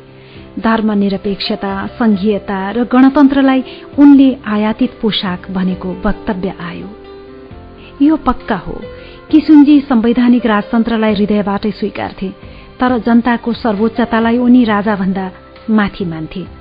किसुनजी राज संस्थाप्रति आस्थावान रहे पनि पूर्व राजा ज्ञानेन्द्रले किसुनजीको देहावसानपछि एकपटक बाडे गाउँ आउने पाउकष्ट गरेनन्। दरबारले मरेका किसुनजीको कुनै उपादेयता देखेन होला। बाँचेका बेला राजाहरूले वर्षौं जेल कोचेको यो संवैधानिक राजतन्त्रवादीको नियति सम्झेर बेला बखत घोत्लिन्छु म। सबथोक नियति हो विजयबाबु नियति। परमात्माले सबथोक लेखेर पठाएका छन् आज पनि किसुनजीको आवाज मेरो कानमा प्रष्टै छ। मानिसको जीवनमा हरथोक पहिल्यै लेखिएका छन् भने मानवीय प्रयासहरूको के मूल्य रह्यो त किसुनजी जसको कर्ममा लेखिएको हुँदैन उसले प्रयास पनि उल्टो दिशामा गर्छ। किसुनजीको यो भनाइसित म पूरा सहमत हुन सक्दिन। हुन त मलाई पनि लाग्छ कतिपय कुरा पूर्वजन्मको संस्कारले लेखिएर आउँछन्। पूर्व जन्म वा परमात्मा आदिमा विश्वास गर्नुहुन्न भने त्यसलाई मार्क्सवादी भाषामा वस्तुगत वातावरणीय परिस्थिति भन्दा फरक पर्दैन। कोही जन्मदै सुविधाजनक देशमा जन्मन्छ कोही चाहिँ गरिब देशको पनि सबैभन्दा दरिद्र घरमा जन्म लिन पुग्छ। यस्तो किन हुन्छ? परमात्मा र पुनर्जन्म नमान्ने कार्ल मार्क्स पनि भन्छन् मनुष्य गौण हो सामाजिक परिवेश मुख्य हो मनुष्य होइन उसको आर्थिक परिवेश सर्वोपरि हो। यस हिसाबले कामरेड मार्क्सकै अनुसार मनुष्यको हातमा पनि त सपथोक रहेनछ यति स्वीकार्न त मार्क्स पनि बाध्य रहेछन्। कोही मानिस कुन आर्थिक सामाजिक परिवेशमा जन्मन्छ भन्ने कुराको फैसला कसले गर्छ? दुखी परिवेशमा जन्मन्छु भनेर कसैले आफै त छनौट गरेको हुँदैन होला। अत भन्नै पर्ने हुन्छ कुनै पनि मानिस आफ्नो छनौटका आधारमा जन्मन सक्दैन। हरिवंश आचार्यका शब्दमा म जन्मनुमा मेरो कुनै इन्ट्रेस्ट थिएन। विश्वास गर्नुहोस् मलाई सोधेको भए म सायद जन्मन्न थिएँ होला। मलाई लाग्छ नियति र प्रयासको कमजोर हो मानिसको जीवन। अलिकति भाग्य वा दुर्भाग्य उसले जन्मदै ल्याएको छ ब्याङ्कको फिक्स्ड एकाउन्ट जस्तो। अनि अलिकति चाहिँ मानिसको आफ्नो हातमा पनि छ ब्याङ्कको चल्ती खाता जस्तो। मानवीय प्रयासको खाता कर्मले भाग्य बनाउने खाता। मानिसको जीवनका यी दुई खातामध्ये कुन चाहिँ खाता कति बलशाली हुन्छ म भन्न सक्दिन। पुलचोकमा ध्रुव भान्जाको छिणीबाट किसुनजी शिवराम प्रसाईको खुमलटार घर सरे। यसैबीच कविता भट्टराई किसुनजीको सहायक पदबाट विदा भइन् र अमिता कपाली छिरिन्। किसुनजी जस्तो किसुनजी जस्तो प्रज्ञावान र सभ्य मानिसको जीवनमा अमिता जस्तो कर्कशा र अपठित नारी आइन्। परमात्माको लीला। अमिताले राम्रो के गरिन् भने किसुनजीको जीवनलाई नियमित बनाइन् मदिराबाट बुढालाई टाढा राखिन् खानपान र स्वास्थ्यमा हेरचाह गरिन्। होइन भने अन्तर्घातका कारण चुनाव हारेपछिका दिनमा किसुनजी अत्यधिक पियक्कड भइसकेका थिए। कहिले त दिउँसै जिन खान्थे। ठट्टामा भन्थे यो मोरो जिन खायो भने मुख गनाउँदैन। अमिताले बडा निर्ममतापूर्वक किसुनजीलाई मदिराबाट टाढा गराइन्। हुस्की उपहार दिन आएको एउटा मान्छेलाई खेद्दै अमिताले त्यसको सिसी नालीमा फालिदिइन् अमिताले खराब पनि धेरै गरे। किसुनजीको जीवनका पछिल्ला वर्षहरूमा उसले कतिपय पुराना मानिसलाई ढोका थुनिदिए। भेट्नै दिइन। किसुनजीका धेरै शुभचिन्तकले चित्त दुखाए। हुन त मृत्यु पूर्वका दुई तीन वर्ष किसुनजी नितान्त एक्लै बस्न चाहन्थे। अमितासँग पनि मुस्किलले बोल्थे। कहिलेकाहीँ त कैयौं दिनसम्म नबोल्ने। अमिता मलाई भन्थे तपाईँ आइदिने गर्नुहोस् न। तपाईँलाई देखेर बोल्नुहुन्छ। म गइराख्न नसक्ने। किसुनजी बाडे गाउँ आश्रम सरेपछि निकै टाढा पनि भयो। पछिल्ला वर्षहरूमा दरबारले आफ्नो स्वार्थ निम्ति किसुनजीको उपयोग गर्न खोज्यो। उपयोग गरे जस्तो गरेर दुरुपयोग गर्न खोज्यो भन्नु यथार्थ हुनेछ। किसुनजीका निम्ति संवैधानिक राजतन्त्र आस्था थियो। दरबारका निम्ति किसुनजी रणनीतिक गोटी।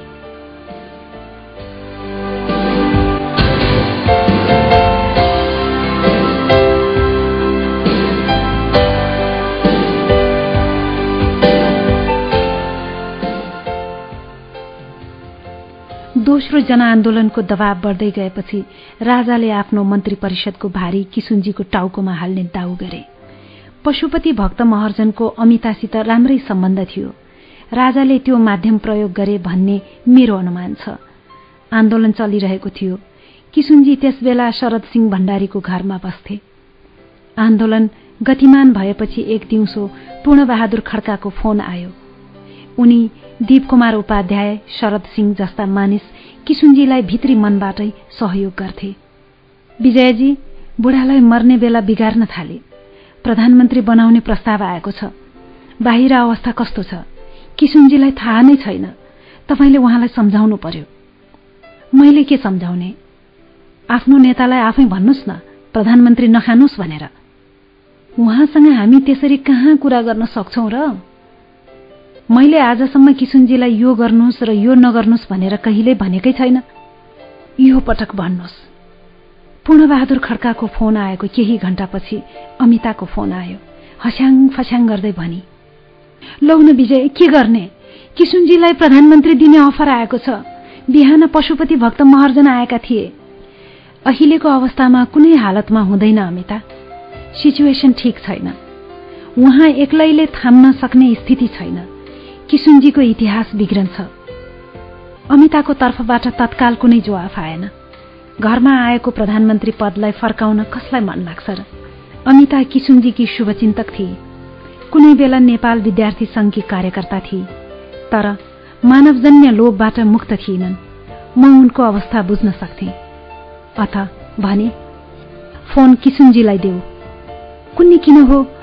अरूलाई जे जस्तो व्यवहार गरे पनि अमिता मसित हमेसा सरल ढंगले प्रस्तुत भए किसुनजीले साँच्चीकै मन पराउने मानिसहरूलाई मैले छेकेर छेक्न सक्छु र भन्थे। त्यस दिन पनि तुरुन्तै फोन दिए। अरे बाफ रे बाफ विजय बाबु कस्तो हुनुहुन्छ? What a joy to listen you म त ठिकै छु तर तपाईँ ठिक नहुन पनि सक्नुहुन्छ किसुनजी यो के भनेको विजय बाबु? किसुनजी गम्भीर स्वरमा बोले। आजसम्म मैले तपाईँलाई कुनै राजनीतिक सल्लाह दिइन आज धृष्टता गर्न चाहन्छु। यो बखतमा प्रधानमन्त्री पद खानुभयो भने तपाईँको इतिहासमा धब्बा लाग्नेछ। हामी पनि समाजमा मुख देखाउन लायक रहने छैनौं। राजनीतिक दललाई बाहिर सड़कमा राखेर तपाईँ प्रधानमन्त्री हुन कुनै हालतमा दरबार नपस्नुहोस्। बरु राजालाई पनि सम्झाउनुहोस्। दलहरू पनि तपाईँको नेतृत्वमा आउँछन् भने बेग्लै कुरा हो। होइन भने no. No and no to the post of PM एकछिन उताबाट कुनै जवाफ आएन। त्यसपछि किसुनजीको प्रष्ट आवाज आयो। I got your point Vijay बाबु। तपाईँलाई भारतमुखी भन्ने आरोप लगाइन्छ। कसरी खण्डन गर्नुहुन्छ? दुई हजार अडचालिसतिरको कुरा।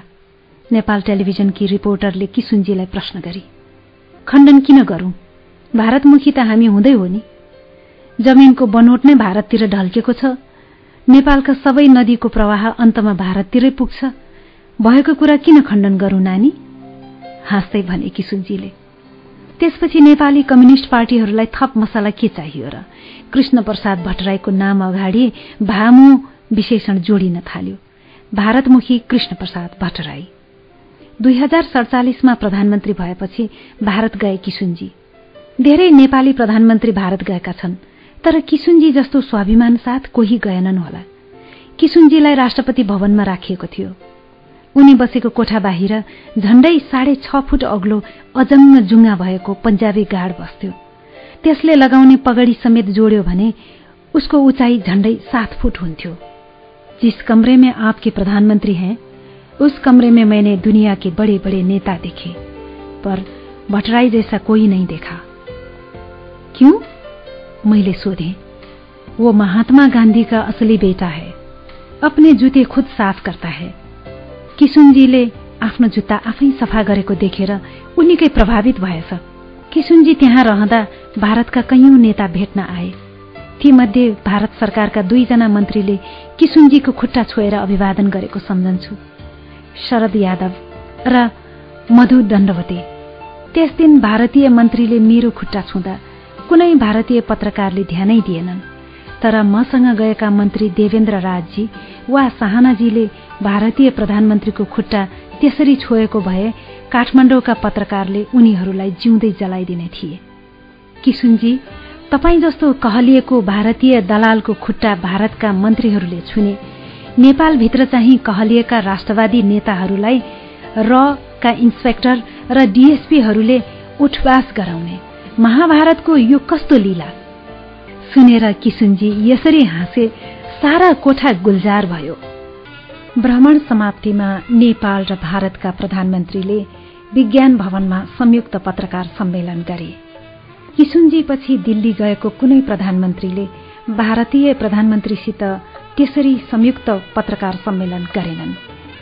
आँटेनन् पनि होला। पत्रकार सम्मेलनमा मैले भारतीय प्रधानमन्त्री विश्वनाथ प्रताप सिंहलाई सोधे। महामहिम प्रधानमन्त्री अहिले जुन संयुक्त विज्ञप्ति निकालिएको छ त्यसमा कुनै अप्रकाशित गोप्य धाराहरू त छैनन्?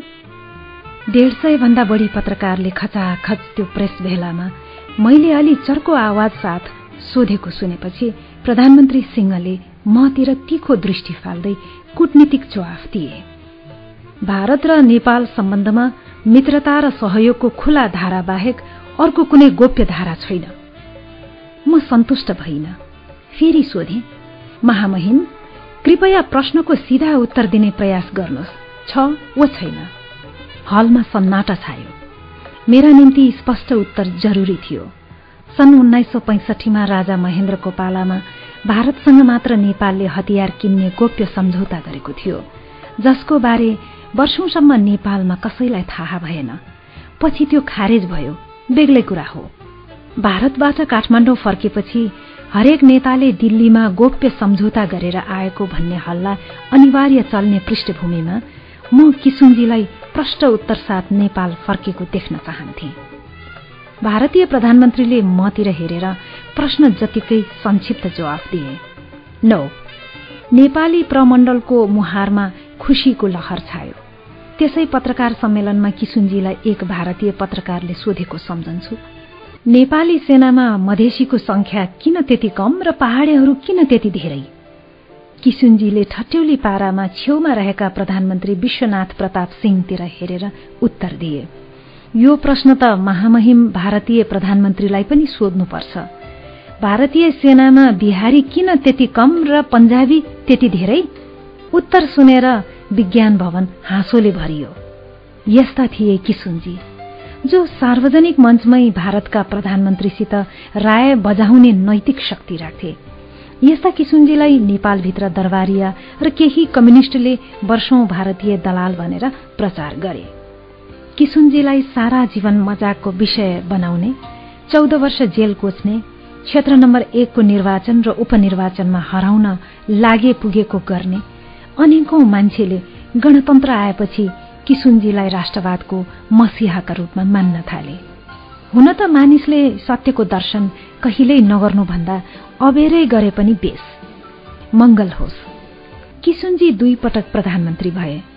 पहिलो कार्यकालमा उनी शारीरिक र मानसिक दुवै रूपले पूरा फर्ममा थिए। वर्ष दिनदेखि निर्धारित समयमा चुनाव गराए। देशलाई संविधान दिए। दुई हजार अडचालिसको चुनावमा नहारेका भए नेपालको राजनीति त्यो मार्गमा हिँड्ने थिएन जुन बाटोमा हिँड्यो। दोस्रो पटक प्रधानमन्त्री हुँदा उनी धेरै गलिसकेका थिए। उनको स्मृति कमजोर हुँदै गएको थियो। यो कालखण्डमा उनी अमिता कपाली र नारायण खड्कामाथि धेरै आश्रित थिए। यो कार्यकालमा मैले उनलाई मुस्किलले चार पटक भेटेँ। एकपटक चाहिँ उनी हाम्रो घर आएका थिए। आफै निम्ता मागेर किसुनजी दोस्रो पटक आफ्नो ताकतले होइन। गिरिजा बाबुको कृपाले प्रधानमन्त्री भएका थिए। गिरिजा बाबुले पनि कुनै कृपा गरेका थिएनन्। आफ्नो चेहराले दुई हजार छप्पन्नको चुनाव नजित्ने भएपछि किसुनजीको मुहार रणनीतिक रूपमा अघि सारेका मात्र थिए। केही महिना किसुनजीलाई प्रधानमन्त्री खान दिए पछि खोसे। किसुनजीले दस दिन अरू बस्न दिनुहोस् तय भइसकेको फ्रान्सको औपचारिक भ्रमण गरेर आउँछु भन्दा पनि मानेनन्। गिरिजा बाबुले काङ्ग्रेसलाई चुनाव जिताउन किसुनजीलाई पोस्टरका रूपमा टाँसेका थिए। काम फत्ते भएपछि पोस्टर च्यातेर निकालिदिए। कर्म फर्कन्छ भन्छन् गिरिजा बाबुको जीवनमा पनि फर्कियो। भारत र माओवादीले उनको मनमा गणतान्त्रिक नेपालको पहिलो राष्ट्रपति हुने पोस्टर टाँसेर अनेक काम गराए। काम फत्ते भएपछि च्यातेर फालिदिए। किसुनजीको देहावसान भएको खबर मैले बनारसमा सुने। एउटा कन्फरेन्समा थिएँ। त्यहाँ मैले भने विडम्बना नै मान्नुपर्छ। नेपालमा किसुनजीलाई कहिले अराष्ट्रिय तत्व कहिले विदेशी दलाल कहिले विदूषक भनियो। भन्ने मध्ये केही मानिस भारतीय गुप्तचरहरूबाट पनि दीक्षित वा संरक्षित थिए भन्ने बिस्तारै जगजाहेर हुँदै जानेछ। मेरो कुरा केही भारतीय मित्रले रुचाएनन्। हाम्रै केहीले पनि अमिलो मुख लगाए। कन्फरेन्स नसकिँदै म एयरपोर्टतर्फ लागेँ। मलाई किसुनजीको अन्तिम दर्शन गर्न काठमाडौँ फर्कन अबेर हुँदै थियो।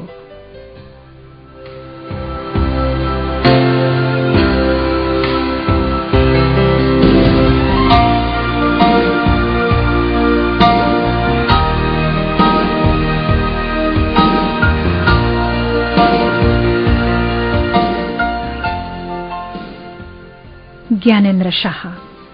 राजा भएको केही सातापछि मैले उनलाई निर्मल निवासमा भेट्ने मौका पाएँ। त्यसअघि न कहिल्यै भेटेको थिएँ न त कोसिस गरेको थिएँ। भेटको चाँजो पाँजो प्रमुख सचिव पशुपति भक्त महर्जनले मिलाएका थिए। ज्ञानेन्द्र राजा भएको तीन चार साताभित्रै भएको त्यो कुराकानी सवा घण्टा चल्यो। संवादको भाषा नेपाली र अंग्रेजी मिश्रित थियो। राज संस्थाका विषयमा कुरा हुँदा मैले भने सरकार शाहवंशको इतिहासमा तीन प्रकारको राजतन्त्र देखिन्छ। एक सक्रिय राजतन्त्र पृथ्वीनारायण शाह र महेन्द्रको जस्तो। दुई निष्क्रिय राजतन्त्र नाबालिगहरू राजा हुँदाको अवस्था वा राणाकालका शाह राजाहरू। तीन संवैधानिक राजतन्त्र दुई हजार छ्यालिस सालपछिका वीरेन्द्र सरकार। मेरो भूमिका के हुनुपर्छ विजय? सरकारको भूमिका सकारात्मक संवैधानिक राजतन्त्रको हुनुपर्छ। कन्स्ट्रक्टिभ कन्स्टिट्युसनल मोनार्की न एक्टिभ न प्यासिभ न सक्रिय न निष्क्रिय. सकारात्मक राजतन्त्र. त्यस भेटमा राजासित उनका छोरा पारसको अनियन्त्रित मापसे बानी विषयमा प्रसंग उठाएको थिएँ। मैले राजालाई उनको छोरा पनि म जस्तै अल्कोहलिजमको रोगी भएको र त्यसको उपचार गर्न सकिने बताए। राजाले कुनै प्रतिक्रिया जनाएनन्। राजा ज्ञानेन्द्रसँग दोस्रो भेट नागार्जुनमा भयो। त्यसबेला उनले शेरबहादुरलाई बर्खास्त गरी लोकेन्द्र बहादुर चन्द नेतृत्वमा गैर राजनीतिक टेक्नोक्रेटहरू समावेश गरेर मन्त्रीमण्डल बनाएका थिए। भेट मुस्किलले तीस मिनट चल्यो। सरकार देशमा अहिले तीन पक्षीय द्वन्द छ दल दरबार र माओवादी। जबसम्म यो त्रिपक्षीय द्वन्द द्विपक्षीय द्वन्द्वमा परिणत हुँदैन तबसम्म फैसला हुने छैन। दल र दरबार मन वचन र कर्मले मिल्नुपर्छ। अनि माओवादीमाथि वार्ताको निम्ति सचिकै दबाव पर्छ। राजालाई मेरो कुरा त्यति चित्त बुझेको देखिएन। उनले भने यो तीन पक्षीय भन्ने कुरा तिमीहरूको कल्पना मात्र हो। बरु भन यो मन्त्री परिषद कस्तो छ? जलस्रोत मन्त्री दीपक ग्यावाली देशका योग्यतम जलस्रोतविद हुन्। स्वास्थ्य मन्त्री डाक्टर उपेन्द्र देवकोटा विषयमा भन्नै परेन। समाज कल्याण क्षेत्रमा मन्त्री अनुराधा कोइरालाको योगदानबारे के थप्नु पर्ला र पर्यटनमा याङ्किला शेर्पा पनि दक्ष नै छिन्। तर राजनीतिज्ञहरूलाई पर राखेर सामान्य प्रशासकीय प्रक्रियाबाट देश विकास हुन सक्दैन भन्ने कुरा इतिहासमा पटक पटक देखिएको छ। त्यस दिन राजा हतारमा थिए। या उनलाई मेरो कुरा मन परेन। पौने घण्टा नबित्दै म नागार्जुन दरबारबाट तल ओर्लिसकेको थिएँ। तेस्रो भेट अचम्म लाग्दो थियो। सम्वाद सचिवालयबाट फोन गरेर भनिएको थियो सरकारबाट गोकर्णमा लन्च बक्सेको छ। तपाईँ समेत दुई चारजना अरू हुन्छन्। ठिक समयमा पुग्नुहोला। म ठिक समयमा गोकर्ण पुगे। हेर्छु त मेरी बास म जस्तै दौरा सुरुवाल लगाएका सैकडौं मानिस चौरमा मौजुद। नागरिक समाजका र विभिन्न पेशाका एक सय एक नामी गरामीहरू केही फरिया लगाएका पनि थिए। सबै लाइन लागेर बसेका। म लाइनमा बसिन। कनकमणि दीक्षित नारायण वागले प्रतीक प्रधान र मलाई छड्के पारेर राजा ज्ञानेन्द्र समक्ष लगियो। अहिले पनि सम्झन्छु कनकमणि दीक्षितको मुहार। बडा सिरियस मुद्रामा महाराजलाई सल्लाह दिँदै थिए। नारायण वाग्लेको पालो आयो। उनले पनि औंला भाँची भाँची एक दुई तीनको शैलीमा आफ्नो सल्लाह पेश गरे। प्रति मिनट एक व्यक्तिका दरले सल्लाह टक्राइँदै थियो। मेरो पालो आयो। What do you have to say Vijay सोधनी भयो I have nothing to say if you have nothing to say it must be serious त्यस्तो केही छैन सरकार। तर यो पनि कुनै कुरा गर्ने ठाउँ हो र सरकार? मेरो मुहारमा अप्रसन्नताका भाव प्रष्ट झल्के। I got your point Vijay यस प्रकार दोस्रो दर्शन भेट मुस्किलले तीस सेकेन्ड चल्यो। सोल्टी होटलले क्याटरिङ गरेको मासु भात टन्न खाएँ र फर्केँ। बिहान घरबाट निस्कने बेलाको फुर्ते फर्कने बेला हराइसकेको थियो। मलाई लाग्यो त्यस दिन राजालाई कुनै समाधानको खोजी होइन तमासा देखाउने रहर थियो। हामी नामी गरामी भनाउँदा गोकर्णको हरियो चौरमा लामबद्ध भएर राजाले बजाएको ट्रम्पेटमा नाचेर आफूलाई ठूलो मान्छे ठान्दै सुपारी चपाउँदै घर फर्कियौं।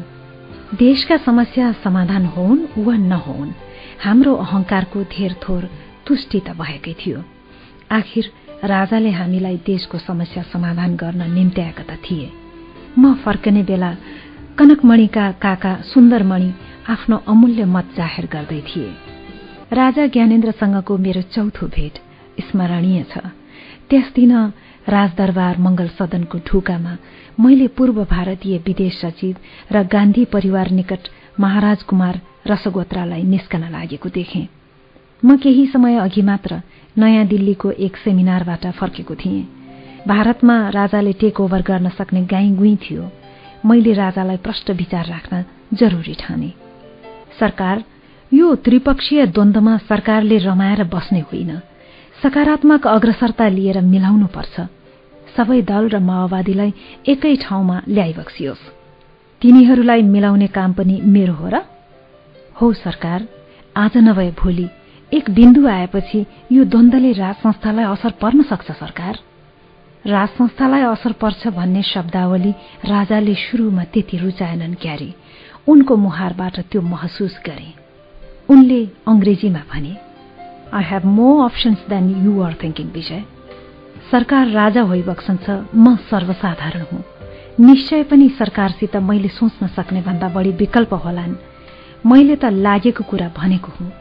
राजा गम्भीर भए र भन्न थाले सुन विजय मैले धेरै वर्षदेखि वन्यजन्तु आरक्षणमा गहिरो अभिरुचि राख्छु भन्ने त सबैलाई थाहा नै छ। इन्डेन्जर्ड स्पेसिज लोपोन्मुख जीव जन्तुको रक्षा कसरी गर्नुपर्छ भन्ने मलाई पनि अलिकति जानकारी छ। आजको संसारमा राज संस्था पनि त्यस्तै इन्डेन्जर्ड स्पेसिज हो। देश हितका निम्ति मैले राज संस्थालाई जोखिममा राख्न सक्छु तर जुवामा दाउ लगाउन सक्दिन। यो रोमाञ्चक भनाइ सुनेर म दङ्ग परे। कुनै प्रतिक्रिया दिइन।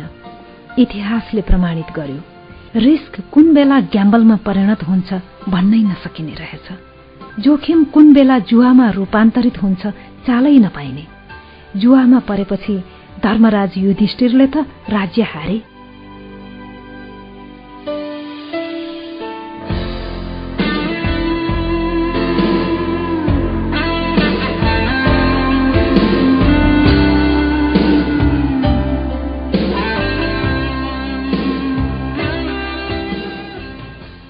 राजा ज्ञानेन्द्रले मंगल सदनमा मलाई त्यसो भनेको दुई महिनाभित्रै टेक ओभर गरे।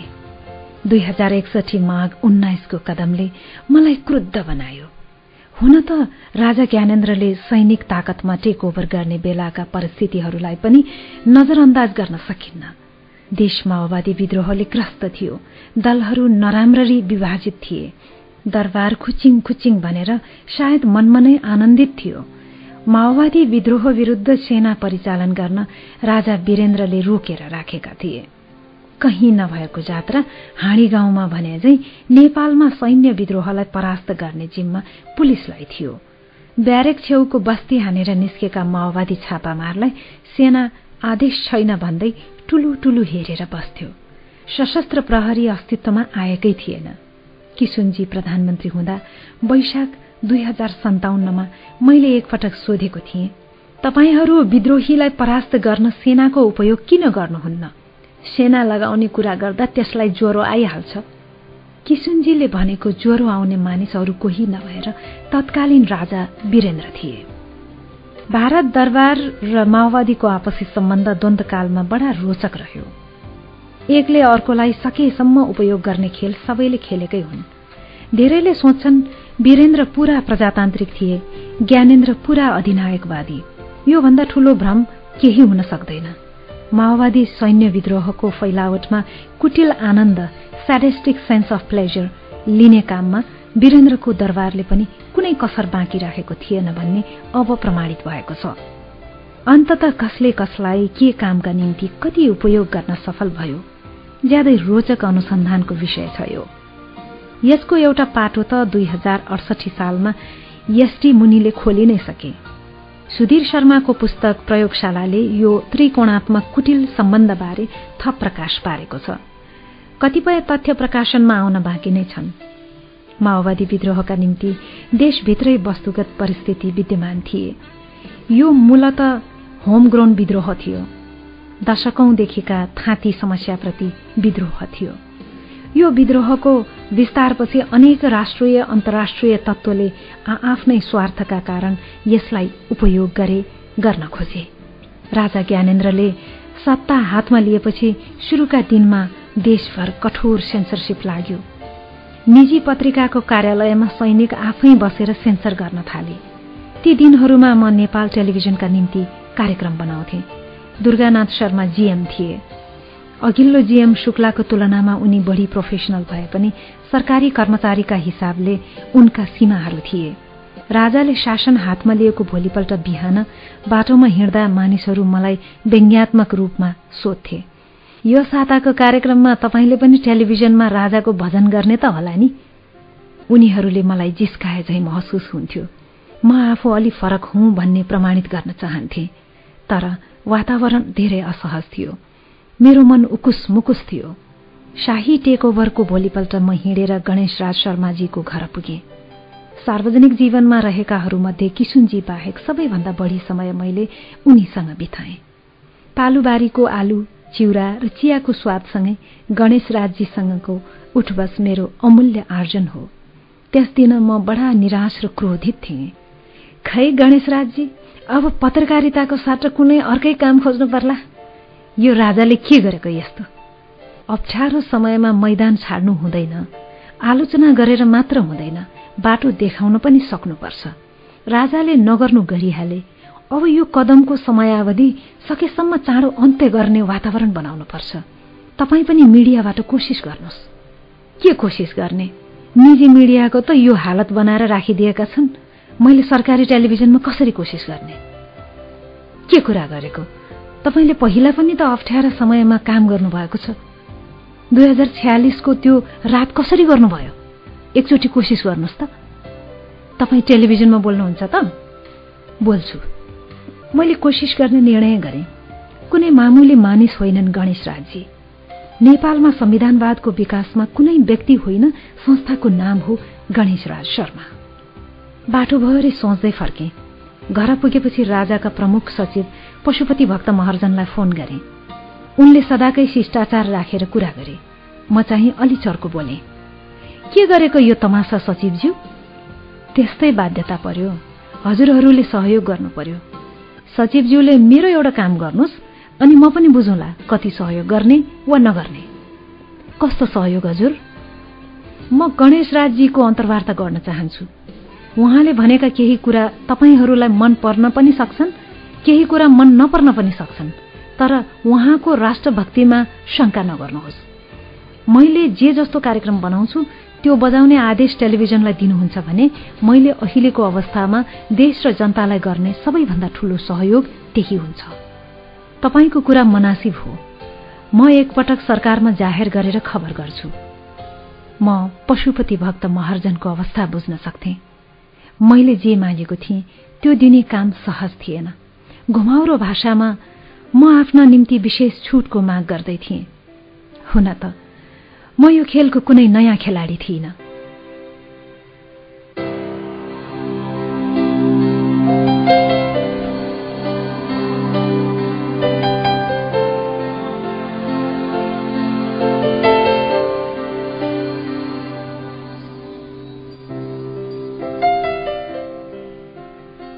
सिएनएनका पिटर आर्नेट सन् उन्नाइस सय एकानब्बेको पहिलो इराक युद्धमा इराकी संस्थापन पक्षसित सम्वाद गरेर बगदादबाट समाचार पठाउने एकमात्र टेलिभिजन पत्रकार भएका थिए।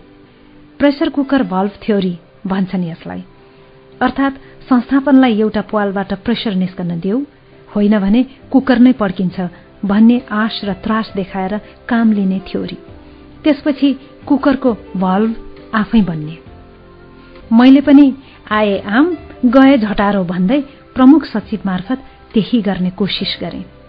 भोलिपल्ट महर्जनले मेरा निम्ति सुसमाचार ल्याए। मैले त्यस कठोर सेन्सर परिस्थितिमा अद्भुत रूपले खुकुलो कार्यक्रम रेकर्ड गरे जसमा गणेश राज शर्माले भनेका थिए यो अवस्थालाई धेरै लामो तान्न सकिन्न। राजाले तत्काल दलहरूसित वार्ता गर्नुपर्छ। राजाले तीन वर्षको समय मागेका छन्। त्यसलाई तीन महिना वा तीन हप्ताभित्रै टुङ्ग्याउनुपर्छ। लामो तान्नु राम्रो हुने छैन। मैले कार्यक्रमको टेप र दरबारको एउटा टेलिफोन नम्बर नेपाल टेलिभिजनको जीएमलाई दिँदै भने सर यो टेप हेरेर नआत्तिनुहोस्। यसलाई क्लियर गर्ने जिम्मेवारी दरबार स्वयंले लिएको छ। यो नम्बरमा फोन गरेर कन्फर्म गर्नुहोला। सो कार्यक्रम प्रसारण भयो। सबै छक्क परे। तर त्यसपछि अर्को साता विश्वबन्धु थापाको कार्यक्रम संचार मन्त्रालयले रोकिदियो। चाहेको भए फेरि दरबारमा फोन गरेर त्यो टेप देखाउन सकिन्थ्यो होला तर हरेक हप्ता दरबारमा अनुरोध गरेर प्रोग्राम देखाउने खेलबाट म थाकिसकेको थिएँ। जुन सिस्टमले विश्वबन्धु थापालाई त पचाउन सक्दैन त्यहाँ के काम गर्नु? म नेपाल टेलिभिजनबाट स्वेच्छाले विदा भए। नेपाल टेलिभिजनमा करार सेवाको श्रमजीवी कुल्ली भएकाले मलाई काम छाडेर हिँड्न खासै आइतबार पर्दैनथ्यो। केही दिन हलुका मन लिएर बेरोजगार बसे तर बिस्तारै असजिलो बढ्दै गयो। रोजी रोटीको समस्या त छँदै थियो। देशमा इतिहास कोल्टे फेर्न थालेका बेला मौन बस्न पनि उपयुक्त लागेन। दुई प्रष्ट घटनाक्रम विकसित हुँदै थिए। राजा ज्ञानेन्द्रको अहंकार र सत्तामोह गणेश राज शर्माजीले अनुमान गरे जस्तो छोटो समयमा ओर्लने लक्षण देखिएन। उनी माओवादी र राजनैतिक दल दुवै थरीलाई एक तिर दुई निशाना गर्न चाहन्थे। अर्कातिर बाह्र बुँदे सम्झौता र दोस्रो जनआन्दोलनको पृष्ठभूमि तयार हुँदै थियो। सर्वोच्च अदालतका साहसिक निर्णयले निजी सञ्चार माध्यमको सातो पनि बिस्तारै फर्कदै थियो। त्यस्तो अवस्थामा टेलिभिजनमा काम गर्ने नै हो भने बलियो मुटु भएको मानिसको संस्थामा काम गर्न जरुरी थियो। कैलाश सिरोहियालाई सम्झे। मैले कान्तिपुर छोडेको चार वर्ष भइसकेको थियो। तर उनी र विनोद ग्यावालीसित मेरो व्यक्तिगत सम्बन्ध राम्रै थियो। कैलाशको घर पुग्न मलाई घुमाउरो बाटो तय गर्नु पर्दैनथ्यो हिँडेर पाँच मिनट। कैलाश तिमीसित एउटा काम छ। भन के काम छ? मलाई लाग्छ नेपाली राजनीतिमा अब आउने छ आठ महिनाको समय निर्णायक हुनेछ। यो बखतमा सकेसम्म स्वतन्त्र भएर प्रोग्राम बनाउन चाहन्छु। तिमीले मलाई कान्तिपुर टेलिभिजनमा छ महिनाका लागि कार्यक्रम बनाउने काम दिन्छौ कि भनेर आएको। Done. Thank you Kailash. You are welcome Vijay. कार्यक्रमको नाम फ्रन्टलाइन राखियो। पहिलो कार्यक्रममा राजाको अध्यक्षतामा गठित मन्त्री परिषदका उपाध्यक्ष डाक्टर तुलसी गिरी आए। यो उनको जीवनको दोस्रो र आजसम्मको अन्तिम टेलिभिजन अन्तर्वार्ता हो। पहिलो पनि मैले नै लिएँ श्रीलङ्काको कोलम्बोमा। उनले आफ्नो परम्परागत धारणा सशक्त भाषामा राखे। डाक्टर गिरीलाई म सानो छँदैदेखि चिन्छु। बखुण्डोलको जुन गल्लीमा म हुर्किएँ त्यहाँबाट किसुनजीको छिडी मात्र होइन डाक्टर गिरीको भव्य निवास पनि नजिकै थियो। नाङ्गो आँखाले हेर्दा राजा भन्दा पनि राजावादी देखिन्छन् डाक्टर गिरी। खासमा उनी राज संस्थावादी हुन् राजावादी होइनन्। यही श्रृङ्खलामा तत्कालीन भारतीय राजदूत शिवशंकर मुखर्जीले घोषणा गरे। राजा अब सक्रिय राजनैतिक खेलाडी हुन सक्दैनन्। उनले चेतावनी दिए त्यसो भइरहे भारतले समर्थन गर्दै आएको बहुदलीय प्रजातन्त्र र संवैधानिक राजतन्त्रको दुई खम्बे नीतिमा असर पर्न सक्छ। अमेरिकी राजदूत जेम्स मोरियार्टीले यसै कार्यक्रममा राजाले राजनैतिक दलहरूसँग नमिले अकल्पनीय परिणाम भोग्नुपर्ने चेताए। यी दुई शक्तिशाली राजदूतले यस कार्यक्रम मार्फत बोलेको कुराले भोलिपल्ट बिहानका छापाहरूमा हेडलाइन समाचार बनायो। तर राजा ज्ञानेन्द्रले नसुने झैं गरिदिए। देशभित्र त्यत्रो राजनीतिक र बौद्धिक प्रतिरोध छँदा छँदै भारत र अमेरिकाको सार्वजनिक अप्रसन्नताका बावजुद ज्ञानेन्द्र महाराज आफ्नै सुरमा हिँडिरहे। तुलसीगिरी र रमेशनाथ पाण्डेले सायद महाराजलाई जोगाउन चीन आउनेछ भन्ने गफ दिएका थिए। महाराजलाई चीनको मद्दतबारे ठूलो भ्रम थियो। मन्त्री परिषद उपाध्यक्ष डाक्टर गिरीले मलाई चिया गफमा भनेको सम्झन्छु। तपाईँहरूलाई थाहा नै छैन चीन अब कति ठूलो स्केलमा यहाँ आउँछ। डाक्टर साहब तपाईँहरूले पढेका अन्तर्राष्ट्रिय राजनैतिक पुस्तक पुराना भइसकेका छन्। चीन न महाराज वीरेन्द्रलाई जोगाउन दुई हजार छ्यालिसमा आयो न अब आउँछ।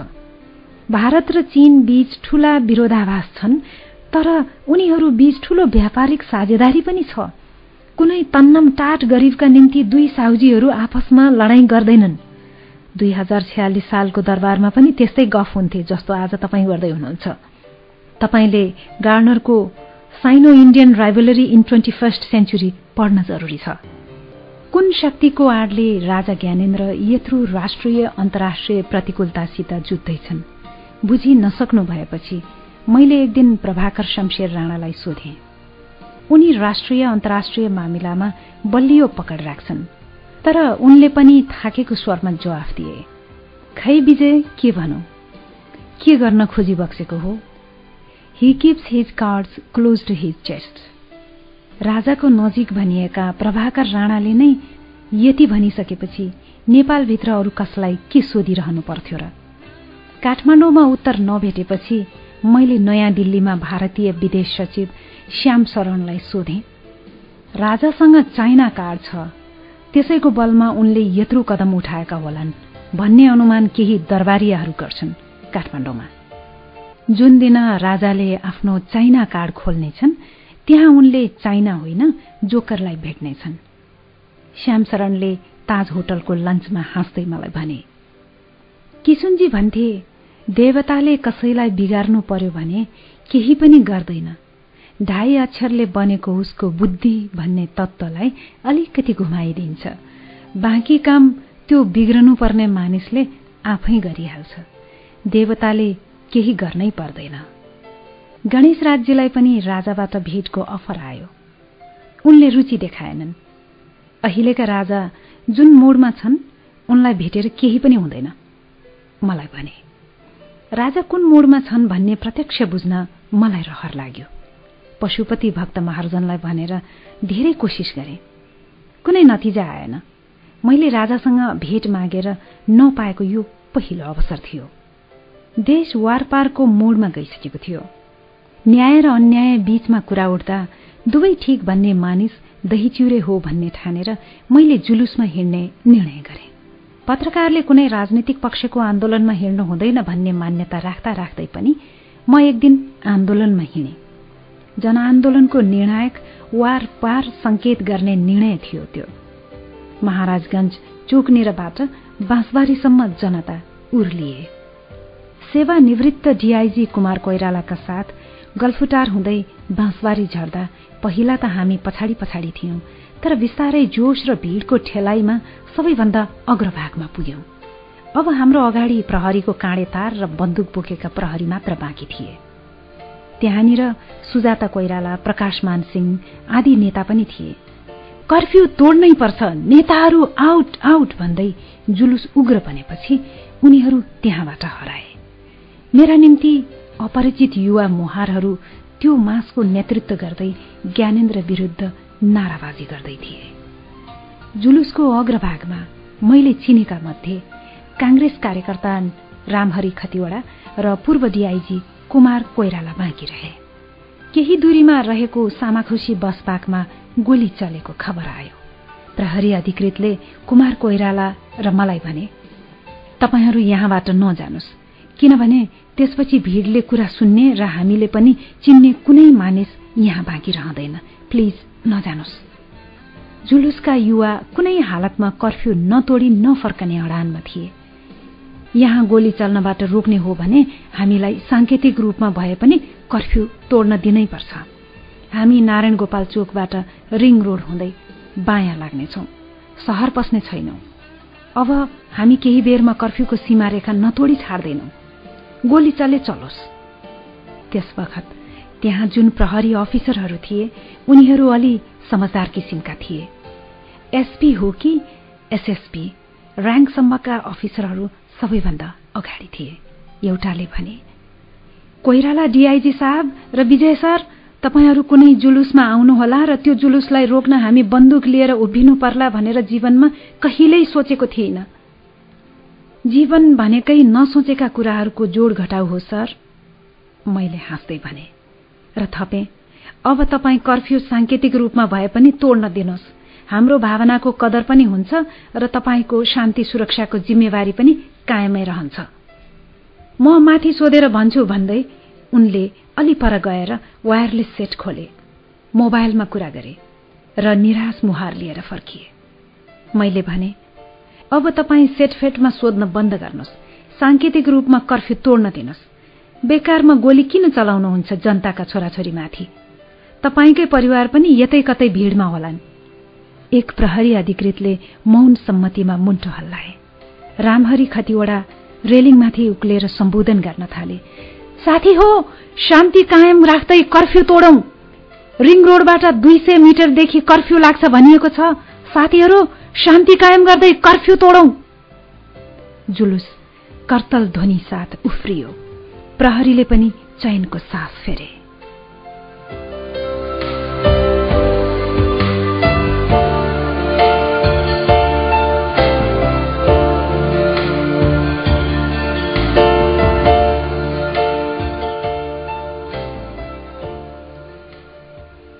राजा ज्ञानेन्द्रसित पाँचौं र दुई हजार सत्तरीमा यो नलेखुन्जेलसम्मको अन्तिम भेट संविधान सभाको निर्वाचन हुन दुई महिना अघि। भएको थियो राजदरबारमा। त्यसबेला राजतन्त्र निलम्बित अवस्थामा पुगिसकेको थियो। चीनका राजदूतले प्रधानमन्त्री गिरिजा प्रसाद कोइराला समक्ष ओहदाको प्रमाणपत्र पेश गरेपछि आउने दिनहरूको तस्विर प्रष्ट भइसकेको थियो। कमल थापाको बाहेक प्राय पूर्व पञ्च नेताहरू गणतन्त्रवादी भइसकेका थिए।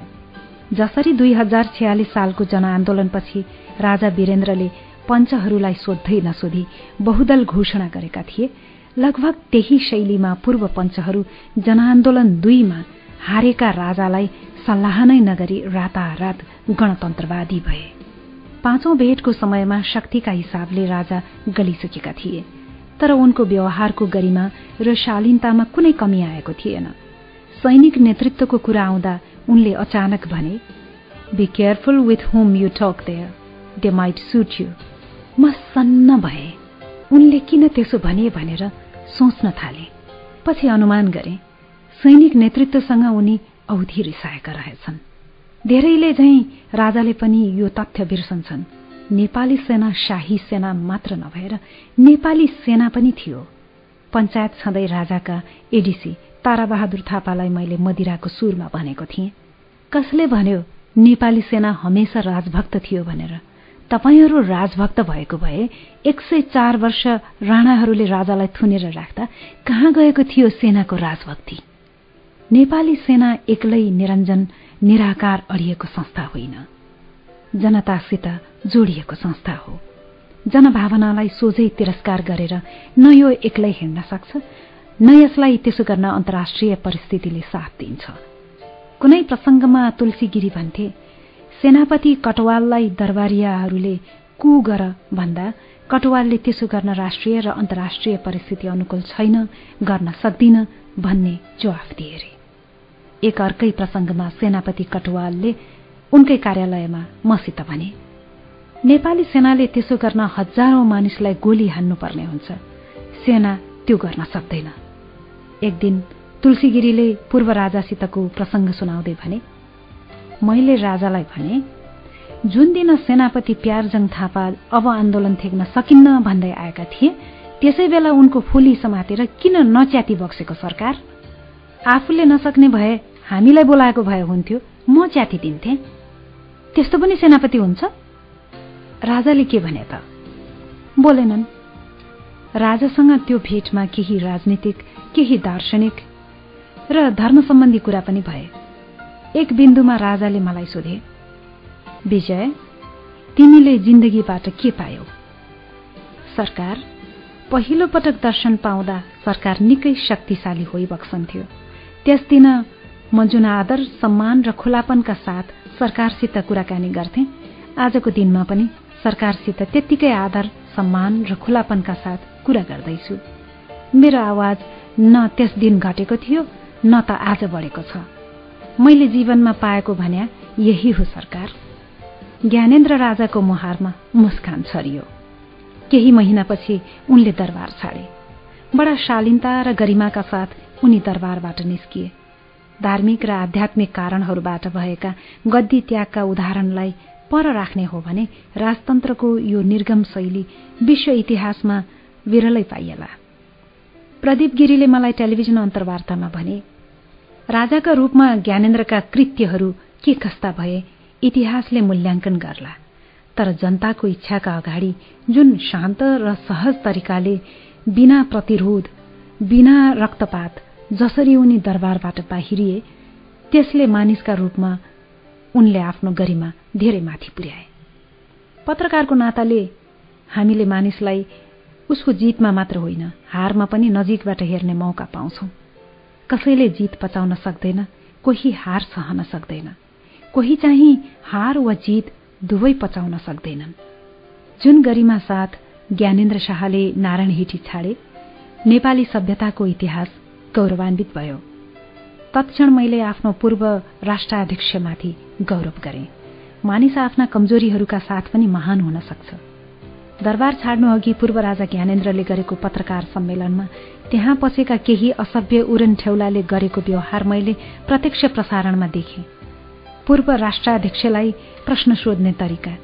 उनी उठेर गएपछि उनको कुर्सीमा बसेर फोटो खिचाउने असभ्य भावभङ्गीमा देख्दा आफू पनि पत्रकार भएकोमा घिन लागेर आयो।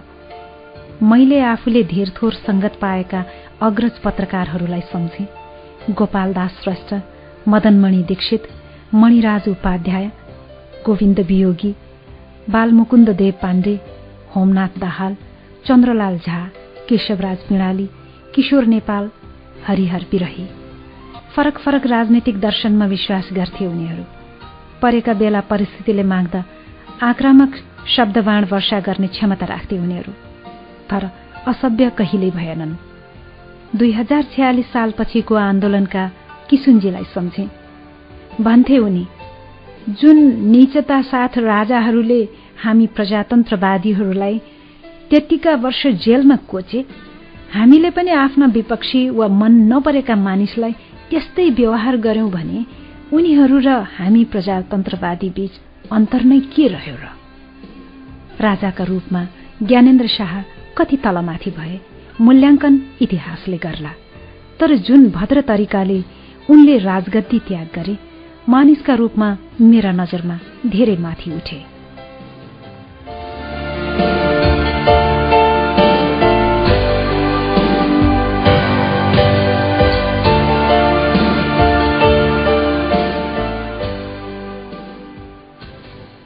राष्ट्रपति यादव नेपाल टेलिभिजनको रजत जयन्ती समारोहमा पहिलो पटक मैले उनलाई अलि नजिकबाट देख्ने मौका पाएँ। त्यसअघि सामान्य परिचय पनि थिएन। समारोहमा म अलि कुनातिरको सिटमा थिएँ। भाषणहरू भए जस्ता हुन्छन्। समारोहपछि राष्ट्रपति फर्कन थाले। प्राङ्गणमा भएका सबै आफ्नो स्थानबाट उठे। मैले पनि आफू बसेकै स्थानबाट हात जोडेर राष्ट्राध्यक्षको अभिवादन गरे। निर्धारित मार्गमा सिधा हिँडिरहेका राष्ट्रपति अचानक म उभिएको ठाउँ आए। मैले फेरि हात जोडेर अभिवादन गरे। नमस्कार फर्काउनुको साटो।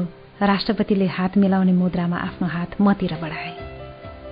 त्यतिका मानिसका अगाडि औपचारिक समारोहमा राष्ट्राध्यक्षसित हात मिलाउन मलाई अलि सङ्कोच लाग्यो। तर पनि राष्ट्रपतिले आफ्नो हात तल झारेनन्। त्यो औपचारिक समारोहमा म एकजनासित मात्र राष्ट्रपतिले हात मिलाएका थिए। राष्ट्रपति गएपछि धेरैले मलाई भने खोइ राष्ट्रपतिले हात दिएको मानिससँग हामी पनि हात मिलाउन म सामान्यतया आफूलाई दिइने ताली वा गालीबाट सहजै प्रभावित हुन्न। तर त्यस दिन चाहिँ मन अलि भावुक भयो। दर्शकले मलाई धेरै माया र सम्मान दिएको भए पनि नेपाल टेलिभिजनका प्राय व्यवस्थापनसित मेरो एक प्रकारको अव्यक्त तनाव थियो। तर त्यही अफिस प्राङ्गणमा सबैले देख्ने गरी राष्ट्राध्यक्षले जुन आत्मीय व्यवहारको सार्वजनिक प्रदर्शन गरे मलाई मेरो वर्षौंको साधना सम्मानित भए जस्तो लाग्यो। नेपाल टेलिभिजनका निम्ति मैले भोगेका दुःख खुराफत र ईर्ष्याका अनेकन घटनाले मेरो मनमा जमेको जायज र नाजायज गुनासाको मैलो पखालिए झैं लाग्यो। मेरो योगदानको कदर भयो भनौं या मेरो अहंकारको तृप्ति भयो भनौं। राष्ट्रपति यादवसित मेरो नियमित भेटघाटको क्रम दुई हजार अडसठीबाट शुरू भयो। राष्ट्रपतिका प्रेस सल्लाहकार राजेन्द्र दाहालको सौजन्यले मैले राष्ट्रपतिलाई शीतल निवासमा साँझ साढे छ बजे भेट्ने समय पाएँ। पहिलो भेट लामै चल्यो। कुराकानी किसुनजीबाट शुरू भएर राष्ट्रिय अन्तर्राष्ट्रिय राजनीति हुँदै आध्यात्मसम्म पुग्यो। साढे सात बजेतिर राष्ट्रपतिले भने भान्सामा जे पाकेको छ त्यही बाँडीचुणी खाए कसो होला? राष्ट्राध्यक्षको त्यस्तो अफर प्रसन्नता साथ नस्वीकार्ने को होला र? साग सुक्खा रोटी दही दुई टुक्रा कुखुराको मासु आलु प्याजको झोल तरकारी र अचार थियो। तरुवा भनिने मधेसको भुटुवा तरकारीमा मसिनो गरी काटेको पर्वल पनि थियो। स्पेशल आइटमका रूपमा राष्ट्रपति निवासमा पालिएका गाईको दूध थियो। राष्ट्रपतिले भने म त भैँसी चराएर हुर्केको यादव हुँ। स्टिलको ठूलो गिलासमा गाईको दूध नखुवाइकन त कहाँ पठाउँछु र?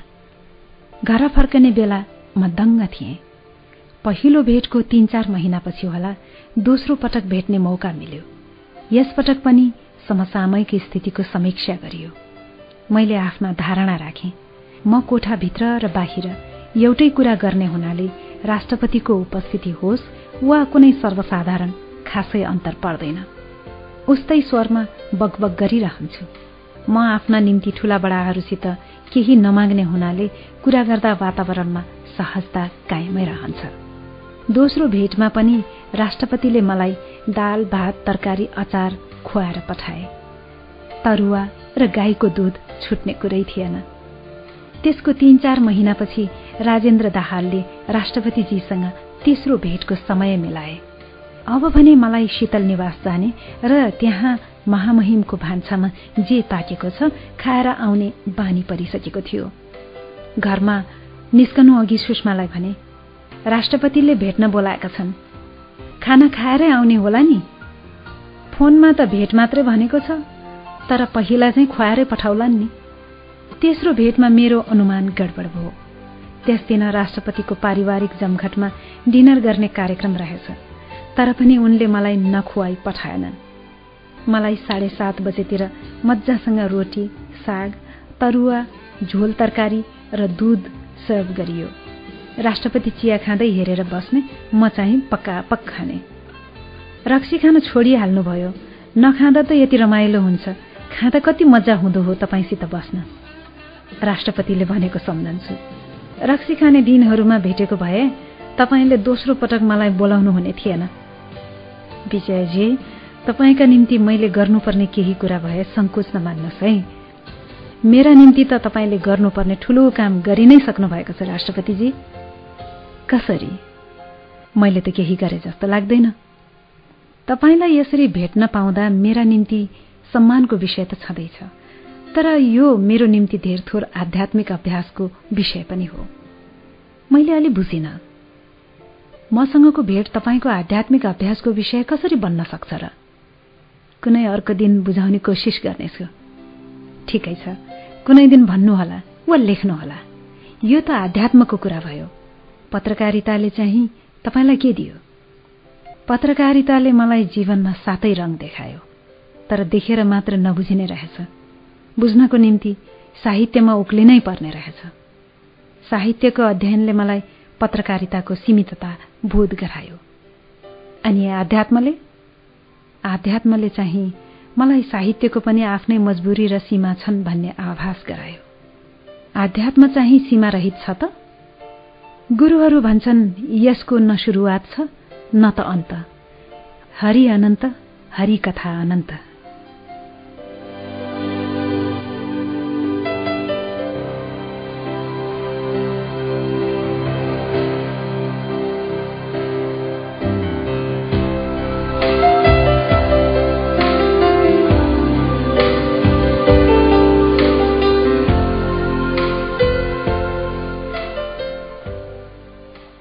राष्ट्रपतिको पद गणतन्त्रको प्रतीक हो। एक सामान्य किसानको छोरा देशको राष्ट्राध्यक्ष बन्नु बदलिँदो नेपालको सूचक पनि हो।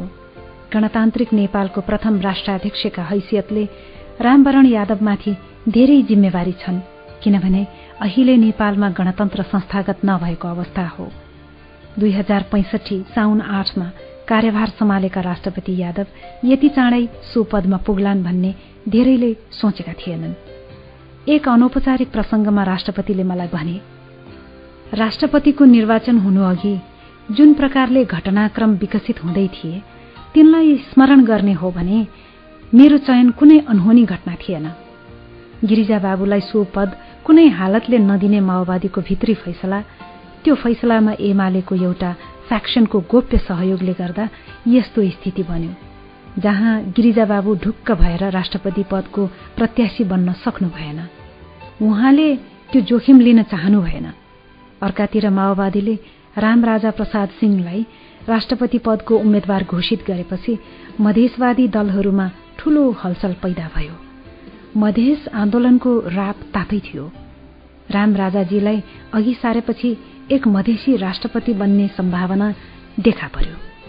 यो पृष्ठभूमिमा एक दिन गिरिजा बाबुले शेरबहादुर रामचन्द्र रामशरण र मलाई भने तिमीहरूमध्ये कसलाई उम्मेद्वार बनाउने हो? फैसला गर। अनि रामशरण महतले मेरै नाम लिए। रामचन्द्र पौडेलले त्यो पदमा खासै इच्छा देखाएनन्। सक्रिय राजनैतिक जीवन समाप्त हुन्छ भनेर।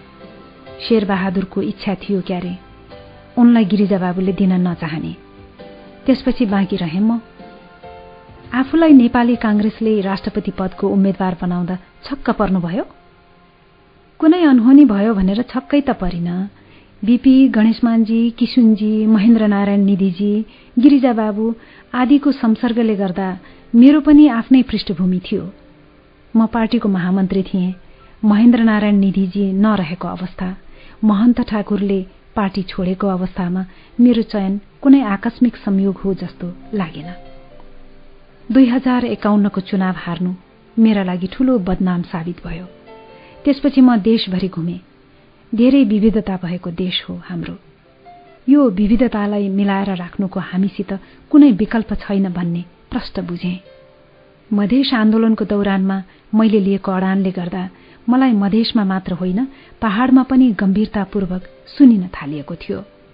हामी सबै जात जाति भाषाभाषी मिलेर बस्न नसके देशको अस्तित्व खतरामा पर्ने बताउँदै हिँडे म। मेरो त्यो विश्वास न हिजो बदलियो न आज न भोलि म शीतल निवासबाट फेरि सड़कमा पुगेको दिन बदलिनेछ। आम सभाहरूमा पनि म भन्दै हिँड्थेँ कुनै दिन पहिलो मधेसी प्रधानमन्त्री वा राष्ट्रपति मै हुन्छु। त्यसैले आफ्नो नाम प्रस्तावित हुँदा खासै अचम्म लागेन। परिस्थितिहरू क्रमशः मेरो पक्षमा निर्मित भएर आएका थिए। राष्ट्रपति पदमा विजय हुँदाको क्षण कस्तो महसुस भयो। सुरुमा त धेरै खुसी लाग्यो तर पदको जिम्मेवारी सम्झने बित्तिकै गम्भीर भए। मेरो नजरमा राष्ट्रपतिका रूपमा रामवरण यादव अहिलेसम्मका केही संवेदनशील बिन्दुहरूबाट गुज्रेका छन्। तीमध्ये पहिलो हो दुई हजार छयासठी वैशाख बीस गते सेनापति कटवाललाई बर्खास्त गर्ने प्रचण्ड सरकारको निर्णय। राष्ट्रपति यादवले मध्यरातमा पत्र पठाएर उक्त निर्णयलाई निस्तेज गराइदिए जसको परिणामले कटवाल होइन प्रचण्ड पद त्याग गर्न बाध्य भए। राष्ट्रपति यादवको उक्त निर्णय संविधान सम्मत थियो थिएन भन्न सकिन्न तर राष्ट्रिय सेनामा दीर्घकालीन असर पार्ने नियतले गरिएको बर्खास्तगीलाई राष्ट्रपतिले चुपचाप सहन गरेनन्। यो काममा उनलाई माओवादी बाहेक सबै प्रमुख राजनीतिक दल र भारत लगायत अन्तर्राष्ट्रिय समुदायको पूरापूर सहयोग थियो। कलकत्तामा डाक्टरी पढेका रामवरण यादवको बंगाली बाबु प्रणव मुखर्जीसँग पुरानो परिचय छ। प्रणव अहिले भारतका राष्ट्रपति हुन्। त्यस मध्यरात जब मैले सेना मुख्यालयमा पत्र लेखेँ धेरै सोच विचार गरेर निर्णय लिएको थियो। सवाल कुनै सेनापतिको पदको मात्र थिएन। यो त राष्ट्रिय सेनाको भविष्य र देशको समग्र राजनीतिसित जोडिएको विषय थियो। प्रधानमन्त्रीले मेरो अनुमोदन बिना जे गर्न खोजेका थिए राष्ट्राध्यक्षको हैसियतले र सेनाको परम सेनाधिपतिको हैसियतले मलाई मान्य भएन। राष्ट्रपति यादवको यो कठोर कदमको नेपाली राजनीतिमा दीर्घकालीन प्रभाव पर्यो। माओवादी उफानमाथि निर्णायक ब्रेक साबित भयो यो कदम। यो प्रकरण घट्ने बेलासम्म मेरो शीतल निवास आइजाई शुरू भएको थिएन। सेनापति प्रकरणपछि एक दिन राष्ट्रपतिले भन्थे मैले प्रचण्ड प्रधानमन्त्री छँदा उनलाई दुई तीन पटक स्पष्ट चेताएको थिएँ। सेनाको चेन अफ कमाण्ड खलबलाउने कोसिस नगर्नुहोला। प्रधान न्यायाधीश खिलराज रेग्मी नेतृत्वमा गैर राजनीतिक चुनावी सरकार गठन गर्ने कामलाई स्वीकारोक्ति दिनु राष्ट्रपति यादवको दोस्रो कठोर निर्णय थियो। यो कदम चाल्नु अघि उनले धेरैसँग परामर्श गरे। अनेक डेमोक्रेट र नागरिक समाजका अगुवाहरू प्रधान न्यायाधीशलाई मन्त्री परिषदको अध्यक्ष बनाउने निर्णयको विरोधमा थिए। यो निर्णय गर्नुअघि एक साँझ राष्ट्रपतिले मलाई बोलाए के गर्ने के नगर्ने भनेर म बडा चिन्तामा छु। मलाई थाहा छ लोकतन्त्र शक्तिको पृथकीकरण सिद्धान्तले चल्छ। न्यायपालिकाको मानिस कार्यपालिकाको काम गर्न सक्दैन। तर चुनाव गराइएन भने बचेखुचेको लोकतन्त्र पनि खतरामा पर्न सक्छ। संविधान सभा भङ्ग नगर नगर भन्दा भन्दै पनि बाबुरामले भङ्ग गरे। तपाईँको आर्टिकल पढे। चुनाव त गराउनै पर्छ भनेर सोच्दैछु। तपाईँको के विचार छ विजयजी? राष्ट्रपतिज्यू मेरो त्यही विचार छ जो मैले कान्तिपुरमा लेखेको छु। जनताको शासनमा प्रधान न्यायाधीशले कार्यपालिकाको नेतृत्व गर्ने होइन भन्ने राजनीतिक शास्त्र पूरापूर थाहा हुँदा हुँदै पनि म अहिले त्यही गर्नुहोस् भन्ने बाध्यकारी अवस्थामा पुगेको छु। राजनीतिक मानिसले चुनाव गराएको भए त राम्रै हुन्थ्यो। तर खै अहिले शास्त्र पढेर बस्ने बेला होइन। देशलाई जनप्रतिनिधिविहीन अवस्थामा लामो समय राख्न सकिन्न। चुनाव प्राथमिक हो। कसले गराउँछ भन्ने कुरा दोयम हो। प्रधान न्यायाधीशको त कुरै छाडौं। प्रधान न्यायाधीशको त कुरै छाडौं। जिल्ला न्यायाधीशले पनि देशमा चुनाव गराउन सक्छ भने उसैलाई बनाइदिनुहोस्। जनतासँग शक्ति भएन पृथकीकरणको कुरा हुन्छ। जुन देशमा संसद नै छैन त्यहाँ के को पृथकीकरण? पछि थाहा लाग्यो मैले भेटेकै साँझ भारतीय राजदूत जयन्त प्रसादले पनि राष्ट्रपतिलाई भेटेका रहेछन्। उनले पनि हर हालतमा चुनाव गराउनु पर्नेमा अन्तर्राष्ट्रिय समुदाय एकमत भएको बताएछन्। यो कुरा मलाई जयन्त प्रसादले आफै भनेका थिए। दुई हजार एकात्तर वैशाख आठ गते साँझ बितेका दिनलाई सम्झँदै राष्ट्रपति यादवले मलाई भने मेरो कार्यकालको सबैभन्दा अप्ठ्यारो निर्णय भनेको प्रधान न्यायाधीशलाई मन्त्री परिषदको अध्यक्ष नियुक्त गर्ने स्वीकृति दिनु थियो। हुन त यो निर्णय प्रमुख राजनीतिक दलले गरेका थिए अन्तर्राष्ट्रिय समुदायको साथ थियो तर पनि मेरो सहमति बिना त्यो लागू हुन सक्दैनथ्यो कैयौं पुराना साथीहरू मसित रिसाए पनि उनीहरूको अप्रसन्नता नाजायज थिएन। मैले देश जनता र गणतन्त्रको वृहत हितमा त्यो निर्णय लिनु पर्यो। चुनाव शान्तिपूर्ण ढंगले सम्पन्न भयो। ठूलो संख्यामा मतदाताले भाग लिए। काम सफल भयो। नभएको भए आज कथा अर्कै हुने थियो। लोकमान सिंह कार्कीलाई हतार हतार गरेर किन शपथ गराउनु भयो? के त्यो निर्णयमा सहज स्वीकृति दिन गाह्रो भएन? म त्यो निर्णयलाई कुनै ठूलो अप्ठ्यारो भनेर स्मरण गर्दिन। उनलाई नियुक्त गर्न ठूला दलका सबै नेता आफै लागेका थिए। सुरुमा मेरा केही रिजर्भेशन्स थिए। तर मन्त्री परिषदका अध्यक्ष खिलराज रेग्मीले दुई हात जोडेर यो निर्णय स्वीकृत गर्न अनुरोध गरेपछि मैले गर्न सक्ने केही थिएन। मलाई थाहा छ त्यसले मेरो इमेजमा राम्रो गरेन। तर त्यो विषय मेरो हातमा मात्र थिएन। अब अगाडिको योजना वा इच्छा के छ राष्ट्रपतिज्यू? संविधान जारी गरेर सामान्य नागरिकको जीवनयापन गर्न चाहन्छु। कुनै लोभ गरेर म यो पदमा पुगेको पनि होइन। यसैमा झुन्डिएर बस्ने विचार पनि छैन। संविधान जारी गरेर कर्तव्यको भारी बिसाउन पाए हुन्थ्यो जस्तो लाग्छ। तीन वर्ष अवधिमा राष्ट्रपतिसँग त्यो मेरो सातौं भेट होला। कुनै पनि कुरा रेगुलर हुन थालेपछि मानिसले त्यसलाई साधारण रूपमा लिन थाल्दो रहेछ। गन्ती राख्न पनि बिर्सँदो रहेछ। किसुनजी भन्थे मानिसको त कुरै छाडौं देवी देवता पनि तपाईँका अगाडि वर्षमा चार पाँच पटक एक दुई घण्टा बस्न थाले भने देव दर्शन पनि एक सामान्य घटनामा परिणत हुन्छ। अब शीतल निवास मेरा निम्ति सामान्य भयो। ढोकामा स्यालुट खाने लिफ्टमा दुई तलाको बटन थिच्ने। निस्केर अलिकति बायाँ अनि फेरि बायाँ घुमेर पचपन्न कदम रातो कार्पेटमा हिँड्ने। बैठकमा पसेको पाँच मिनटभित्रै राष्ट्रपतिजीलाई अभिवादन गर्ने जीवन र जगतका कुरा गर्ने साग रोटी खाने दूध पिउने घर फर्कने। अरू भएको भए राष्ट्रपतिलाई एकछिन भेटेर के के झारिसक्थे? मेरो लाटो बुढा साग रोटीमै मक्ख भएर फर्कन्छ। सुषमा भन्छे तिम्रो लाटो बुढोले त्यहाँबाट के लिएर फर्कन्छ भन्ने तिमीलाई थाहै छैन? के लिएर फर्कन्छौ? आध्यात्मिक साधनाको अपूर्व अवसर। कसरी? सुषमाले छक्क पर्दै सोधी राष्ट्रपति यादवले मलाई आध्यात्मिक साधना गर्ने जुन मौका दिनुभएको छ त्यो मौका कुनै पनि पद प्रतिष्ठा वा पैसा भन्दा अतुलनीय रूपले विराट हो। त्यहाँ जाँदा म आफूलाई हेर्ने कोशिश गर्छु। राष्ट्रपति र शीतल निवासका सुरक्षा कर्मचारीसित म समभाव राखेर व्यवहार गर्न सक्छु कि सक्दिन भनेर आफैलाई हेर्छु। के तिमी साँच्ची नै राष्ट्रपतिको कर्मचारी र राष्ट्रपतिलाई एउटै भावमा व्यवहार गर्न सक्छौ? सक्दिन। कहाँ सक्नु? त्यो गर्न सकेको दिन त मानिसलाई मुक्ति प्राप्त भइहाल्छ नि। तर सन्तोषको कुरा राष्ट्रपतिजीलाई भेट्न जाँदा वा भेटेर फर्कँदा मलाई अभिमानको त्यो नशा लाग्दैन जो पहिला लाग्ने गर्थ्यो। खै तिम्रो कुरा त बुझ्नै मुस्किल। त्यसमा अनौठो के छ र? मेरो व्यवहार कहिले काहीँ म आफै त बुझ्दिन। सुषमा मस्त हाँसी। सुषमा खुसी भएको बेला मेरो संसार पनि उज्यालिन्छ। बच्चा हुँदा मात्र होइन धेरै पछिसम्म कल्पना गर्थे राजा महाराजा र राष्ट्रपतिहरूको जीवन कति सुखी हुन्छ होला। यिनीहरू कति सुखी भएर जीवन बिताउँदा हुन्। सुनको थालमा के के खाँदा हुन्? कति गलत थिएँ म। खुशीको सम्बन्ध मानिसको पद प्रतिष्ठासित कहाँ हुँदो रहेछ र? खुशीलाई मानिसको पद प्रतिष्ठासित मात्र जोडिदिने त्यत्रो अन्याय सृष्टिकर्ताको हातबाट कसरी सम्भव हुन्थ्यो र? पत्रकारिताप्रति म कृतज्ञ छु। यसले मलाई विभिन्न पेशा र क्षेत्रका राजा महाराजा महारानी र राष्ट्रपतिहरूसित नजिकैबाट परिचय गरायो। तर म दशौं गुणा बढ़ी कृतज्ञ आफ्ना सद्गुरूहरूप्रति छु जसले मलाई बोध दिए।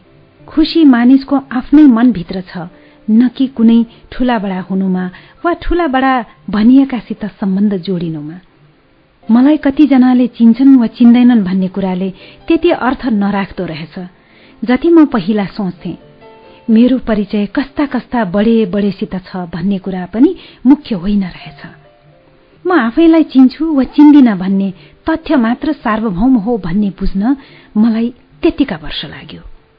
राष्ट्रपति यादवले मलाई यो महसुस गर्ने वातावरण दिए। अब म आफैसित परिचय गर्ने कोसिसमा छु।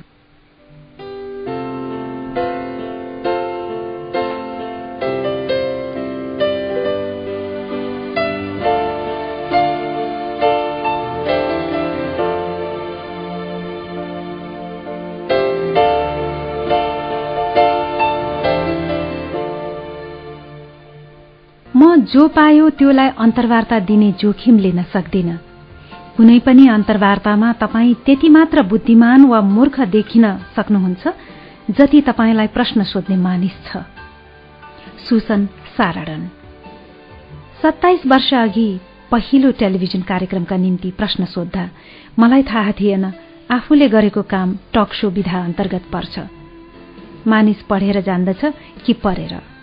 टेलिभिजन मैले नपढेको थिएँ न देखेको त्यसबेला नेपाल टेलिभिजनमा काम गर्ने धेरैको घरमा चाहिँ मेरोमा पनि टेलिभिजन सेट थिएन। बीस इन्ची रंगीन सेटको बीसौं हजार पर्थ्यो त्यसबेलाको बीस हजार ठूलो पैसा थियो। आफू टेलिभिजनमा छिरेको दुई वर्षपछि मात्र हाम्रो घरमा टेलिभिजन सेट पस्यो। दुई हजार पैंचालिसमा एक महिने मलेसिया ट्रेनिङमा जाँदा किनेको। चौध इन्ची कलर हिटाची। पसल बाहिर निस्कँदा होस्टलसम्म फर्कने ट्याक्सी पाइएन।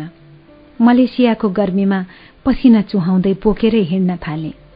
ठाउँ ठाउँमा बिसाउँदै थकाइ मार्दै क्वालालम्पुरको सड़कमा टेलिभिजन बोक्दै हिँडेको कसरी बिर्सौं? बेला बेला लाग्थ्यो टेलिभिजनलाई बाटैमा छाडेर हिँडिदिउँ। एक किलोमिटर हिँडेपछि ट्याक्सी फेला पर्यो तर त्यसले ज्यादै चर्को भाडा माग्यो।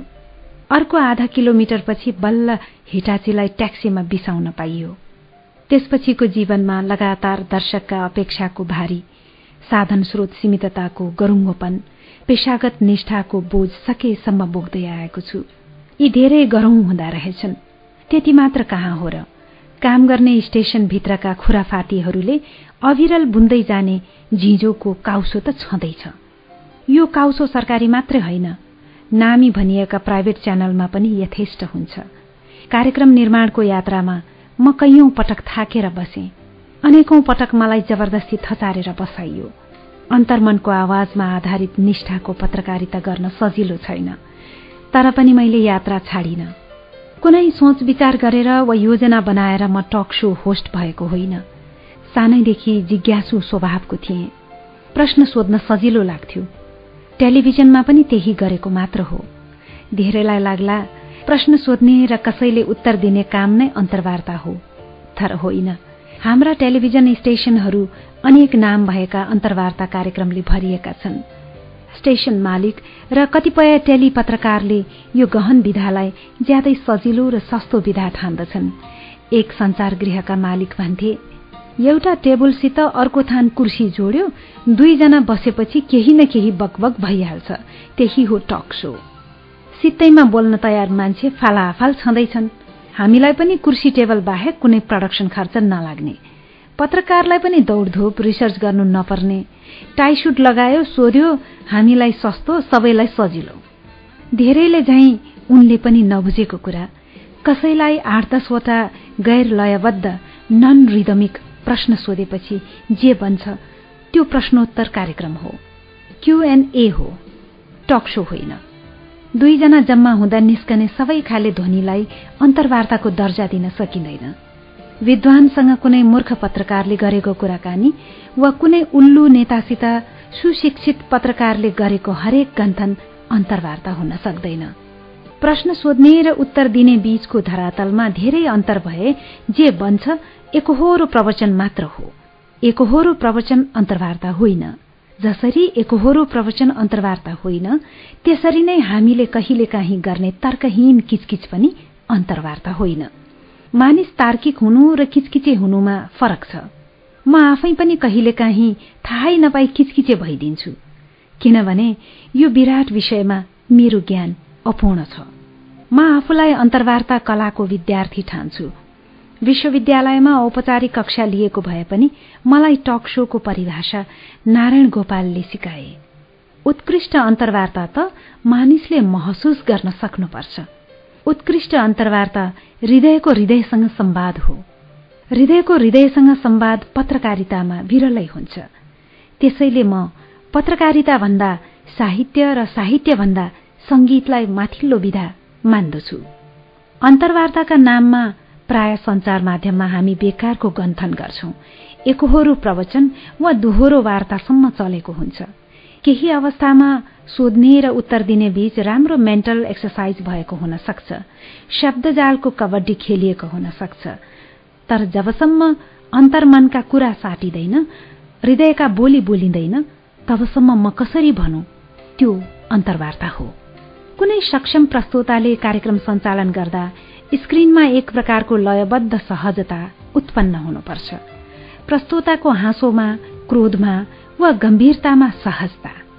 उसले जे गर्छ त्यसैमा सहजता। प्राकृतिकपन। राम्रो टक शो होस्टको स्वाभाविकता कुनै भाइरल सरे झैं अतिथिमा पनि सर्छ। त्यसपछि सबथोक स्वाभाविक र सरल देखिन थाल्छ। अनि राष्ट्रपतिदेखि फुटपाथको मानिस धनवानदेखि कंगाल पीएचडीदेखि निरक्षर जसलाई प्रस्तुत गरे पनि हुन्छ। सबै उत्तिकै रोचक देखिन थाल्छन्। मेरा प्राध्यापक भन्थे हरेक मानिसको आफ्नै जीवन कथा छ। चाहे राष्ट्रपति होस् वा मजदूर कथा सबैको उत्तिकै रोचक छ।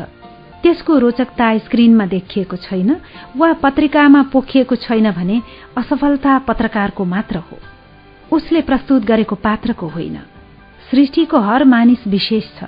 प्रभुको हर सृजना चमत्कार हो। त्यो चमत्कार दर्शक वा पाठकलाई देखाउन सक्नु नसक्नु पत्रकारको ल्याकतमा भर पर्छ। यो भनाई बुझ्न मलाई धेरै वर्ष लाग्यो। मलाई त लाग्थ्यो ठूला मानिस ठूला नेताको अन्तर्वार्ता गर्यो भने मात्र ठूलो पत्रकार होइन्छ। म पनि लागे राजनीतिक पत्रकारिताको दौड़मा। राम्ररी गर्न सके राजनीतिक पत्रकारिताको ठूलो महत्व छ। त्यसमा आफ्नै प्रकारको ज्वरयुक्त ताप पनि छ। Feverish excitement. तर एक समय आयो। म त्यो एक्साइटमेन्टबाट थाकेँ। जसो तसो समय बित्दै गयो मेरा कार्यक्रममा गैर राजनैतिक अतिथिको संख्या बढ्दै गयो। गैर राजनीतिक प्रकृतिको अन्तर्वार्ता गर्दा बेग्लै आनन्द महसुस भयो। त्यस आनन्दमा कुनै उत्तेजना थिएन तर शीतलता प्रचुर थियो। कुनै पनि पेशाले जब उत्कृष्टताको एक निश्चित सीमालाई छुन्छ त्यो पेशाबाट कलामा परिणत हुन्छ। अपरेशन थिएटरभित्र जब कुनै पनि योग्य सर्जन लयबद्ध तरिकाले सर्जिकल इन्स्ट्रुमेन्ट चलाउँछन् त्यो देख्दा लाग्छ यिनीहरू अपरेशनमा होइन संगीत कर्ममा तल्लिन्छन्। उत्कृष्ट किसानले माटोको स्याहार सम्भार गरेको देख्दा पनि त्यस्तै भाव मनमा उत्पन्न हुन्छ। लाग्छ उनी खेतीमा होइन पेन्टिङमा तल्लिन्छन्। मिथिला शर्माले नाच्नु किरण मानन्दरले ब्रस चलाउनु प्रदीप गिरीले बोल्नु मदन राईले माटो मलजल गर्नु संगीता प्रधानले गाउनु विनोद चौधरीले वाइ वाइ बनाउनु सन्दुक रोहितले अपरेशन गर्नु मलाई यी सब कर्म उस्तै लाग्छन्। पेशा कलामा परिणत भएपछि यस्तै हुन्छ। औंलामा गन्न सकिने केही यस्ता अन्तर्वार्ता गर्ने मौका पाए जसमा म आफै पनि डुबे। त्यो श्रेणीका अन्तर्वार्ता मैले बिरलै गर्न सके। एक यस्तो श्रेणी जहाँ पुगेपछि पत्रकारिता कलामा रूपान्तरित हुन्छ। पत्रकारका लागि सबैभन्दा सन्तोषको क्षण त्यही हो। कुनै पनि पेशाको मानिसका लागि सन्तोषको गहिरो क्षण त्यही हो। मेरो कार्यक्रममा आएका सबैप्रति कृतज्ञ छु। एकजना पनि नबिराई सबैप्रति आभारी छु। आफ्नो जिज्ञासु मनको धातुले बनेको भिक्षापात्र बोकेर राजादेखि रङसम्मका ढोका ढोका चाहारे। आफ्ना आफ्ना जीवन अनुभूति खन्याएर उनीहरूले मेरो जीवन समृद्ध बनाइदिए। म जस्तो मगन्तेलाई वैभवशाली तुल्याइदिए।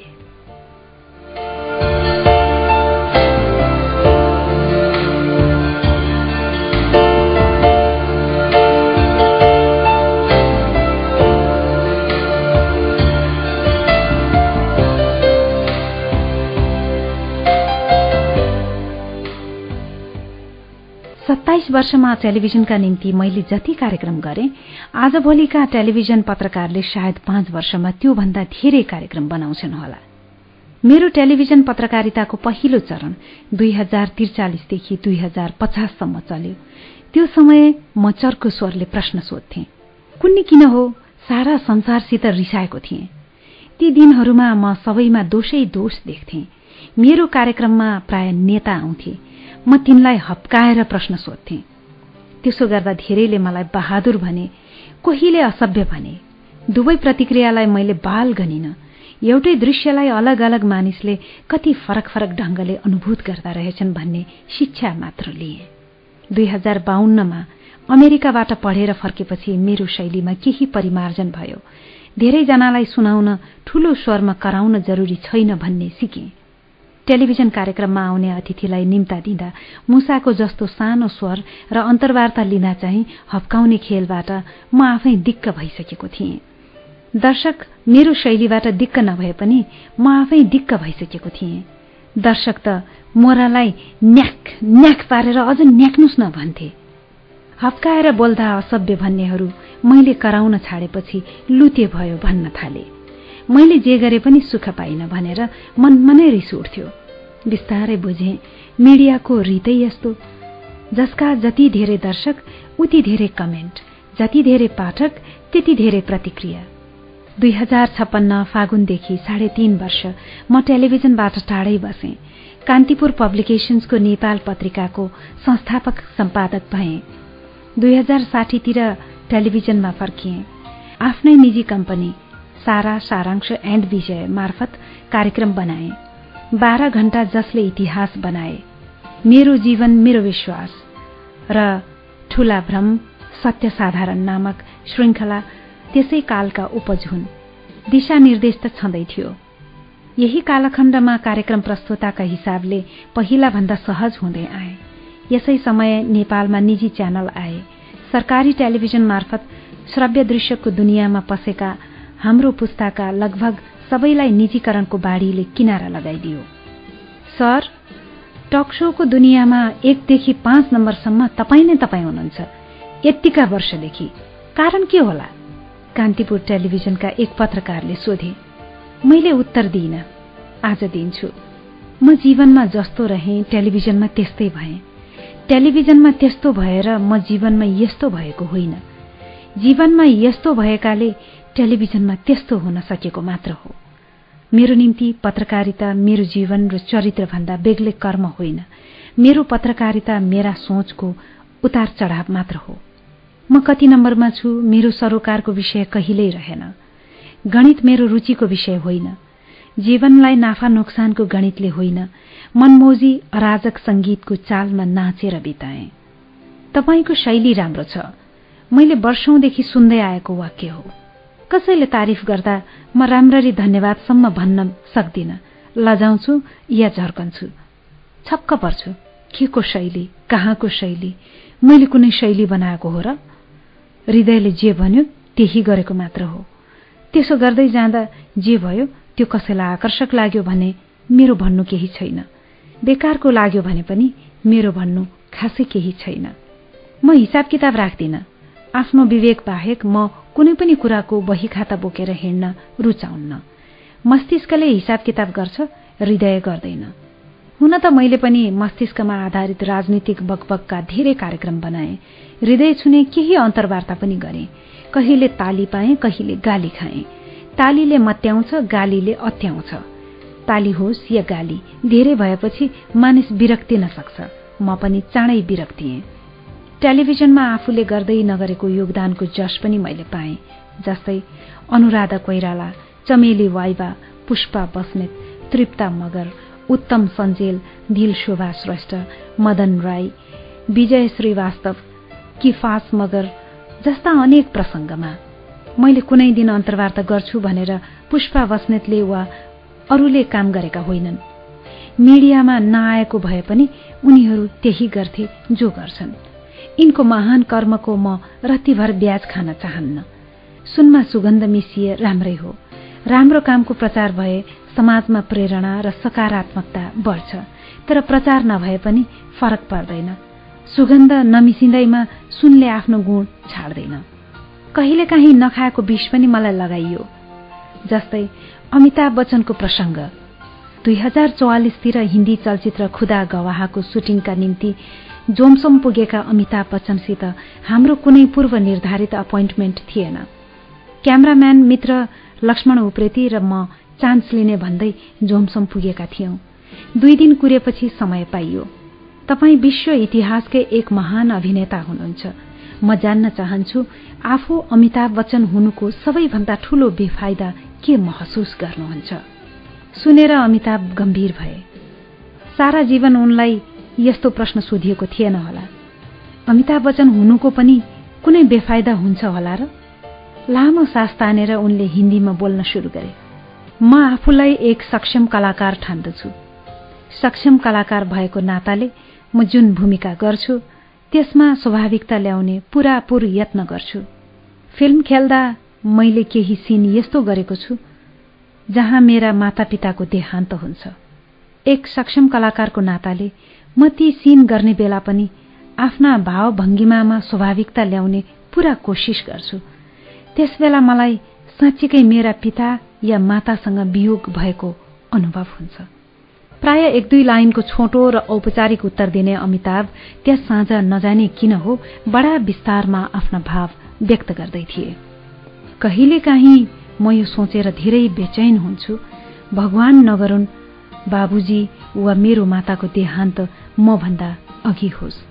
यदि त्यसो भयो भने त्यस दिन मेरो आँखाबाट जुन आँसु निस्किएलान् मेरो मनमा जुन भाव जाग्लान् के ती शोकका वास्तविक आँसु होलान् वा कुनै यस्ता आँसु होलान् जो कुनै सिनेमाको निम्ति मैले पहिले बगाइसकेको छु।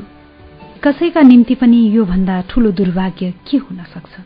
जब आफ्नै मातापिताको मृत्युमा बगाउने आँसुको विश्वसनीयताप्रति पनि मनमा दुविधा उत्पन्न होस्। यति भनेर अमिताभ भाव शून्य भए। जो मानिसको भाग्यसित देवी देवता पनि ईर्ष्या गर्छन् त्यही मानिसको भरिलो आवाजमा त्यस्तो सुन्दा मेरो मन कति स्तब्ध भयो होला। अमिताभ बच्चनले मलाई दिएको अन्तर्वार्ताको यो अंश म कुनै दिन भारतीय सिने इतिहासको संग्रहालयमा लगेर दर्ज गराउनेछु। अन्तर्वार्ताको त्यो अंशका निम्ति मलाई यथोचित सम्मान गर्न विदेशी संचार माध्यमले तछाड मछाड अफर दिनेछन्। हो त्यही अन्तर्वार्ताका निम्ति जसका लागि मलाई काठमाडौँ र अन्यत्र पनि केही मानिसले अनाहाकमा त्यत्तिका वर्ष अपमानित गरे। उनलाई पनि के दोष दिनु? वास्तविकता नबताउने र आलोचकलाई मुखभरि जवाफ नफर्काउने पनि त मै थिएँ नि। धेरैभन्दा धेरै नेपालीले बुझुन् भनेर मैले त्यो अन्तर्वार्ता हिन्दी भाषामा गरेँ। होइन भने बाङ्गोटिङ्गो अङ्ग्रेजी बोल्न मलाई नआउने थिएन। काठमाडौँ फर्केर कार्यक्रम सम्पादन गरे। कार्यक्रम राम्रै बनेको थियो। तर सेन्सर प्रिभ्यू गरेपछि अचानक निर शाहले भने यो कार्यक्रम यसै रूपमा प्रसारण गर्न सकिँदैन। किन सर? किनभने तपाईँले हिन्दीमा प्रश्न सोध्नु भएको छ। नेपाल टेलिभिजनमा रिपोर्टरले कि नेपाली कि अङ्ग्रेजीमा मात्र प्रश्न सोध्न पाउँछ। सुनेर म वाल्ल परेँ।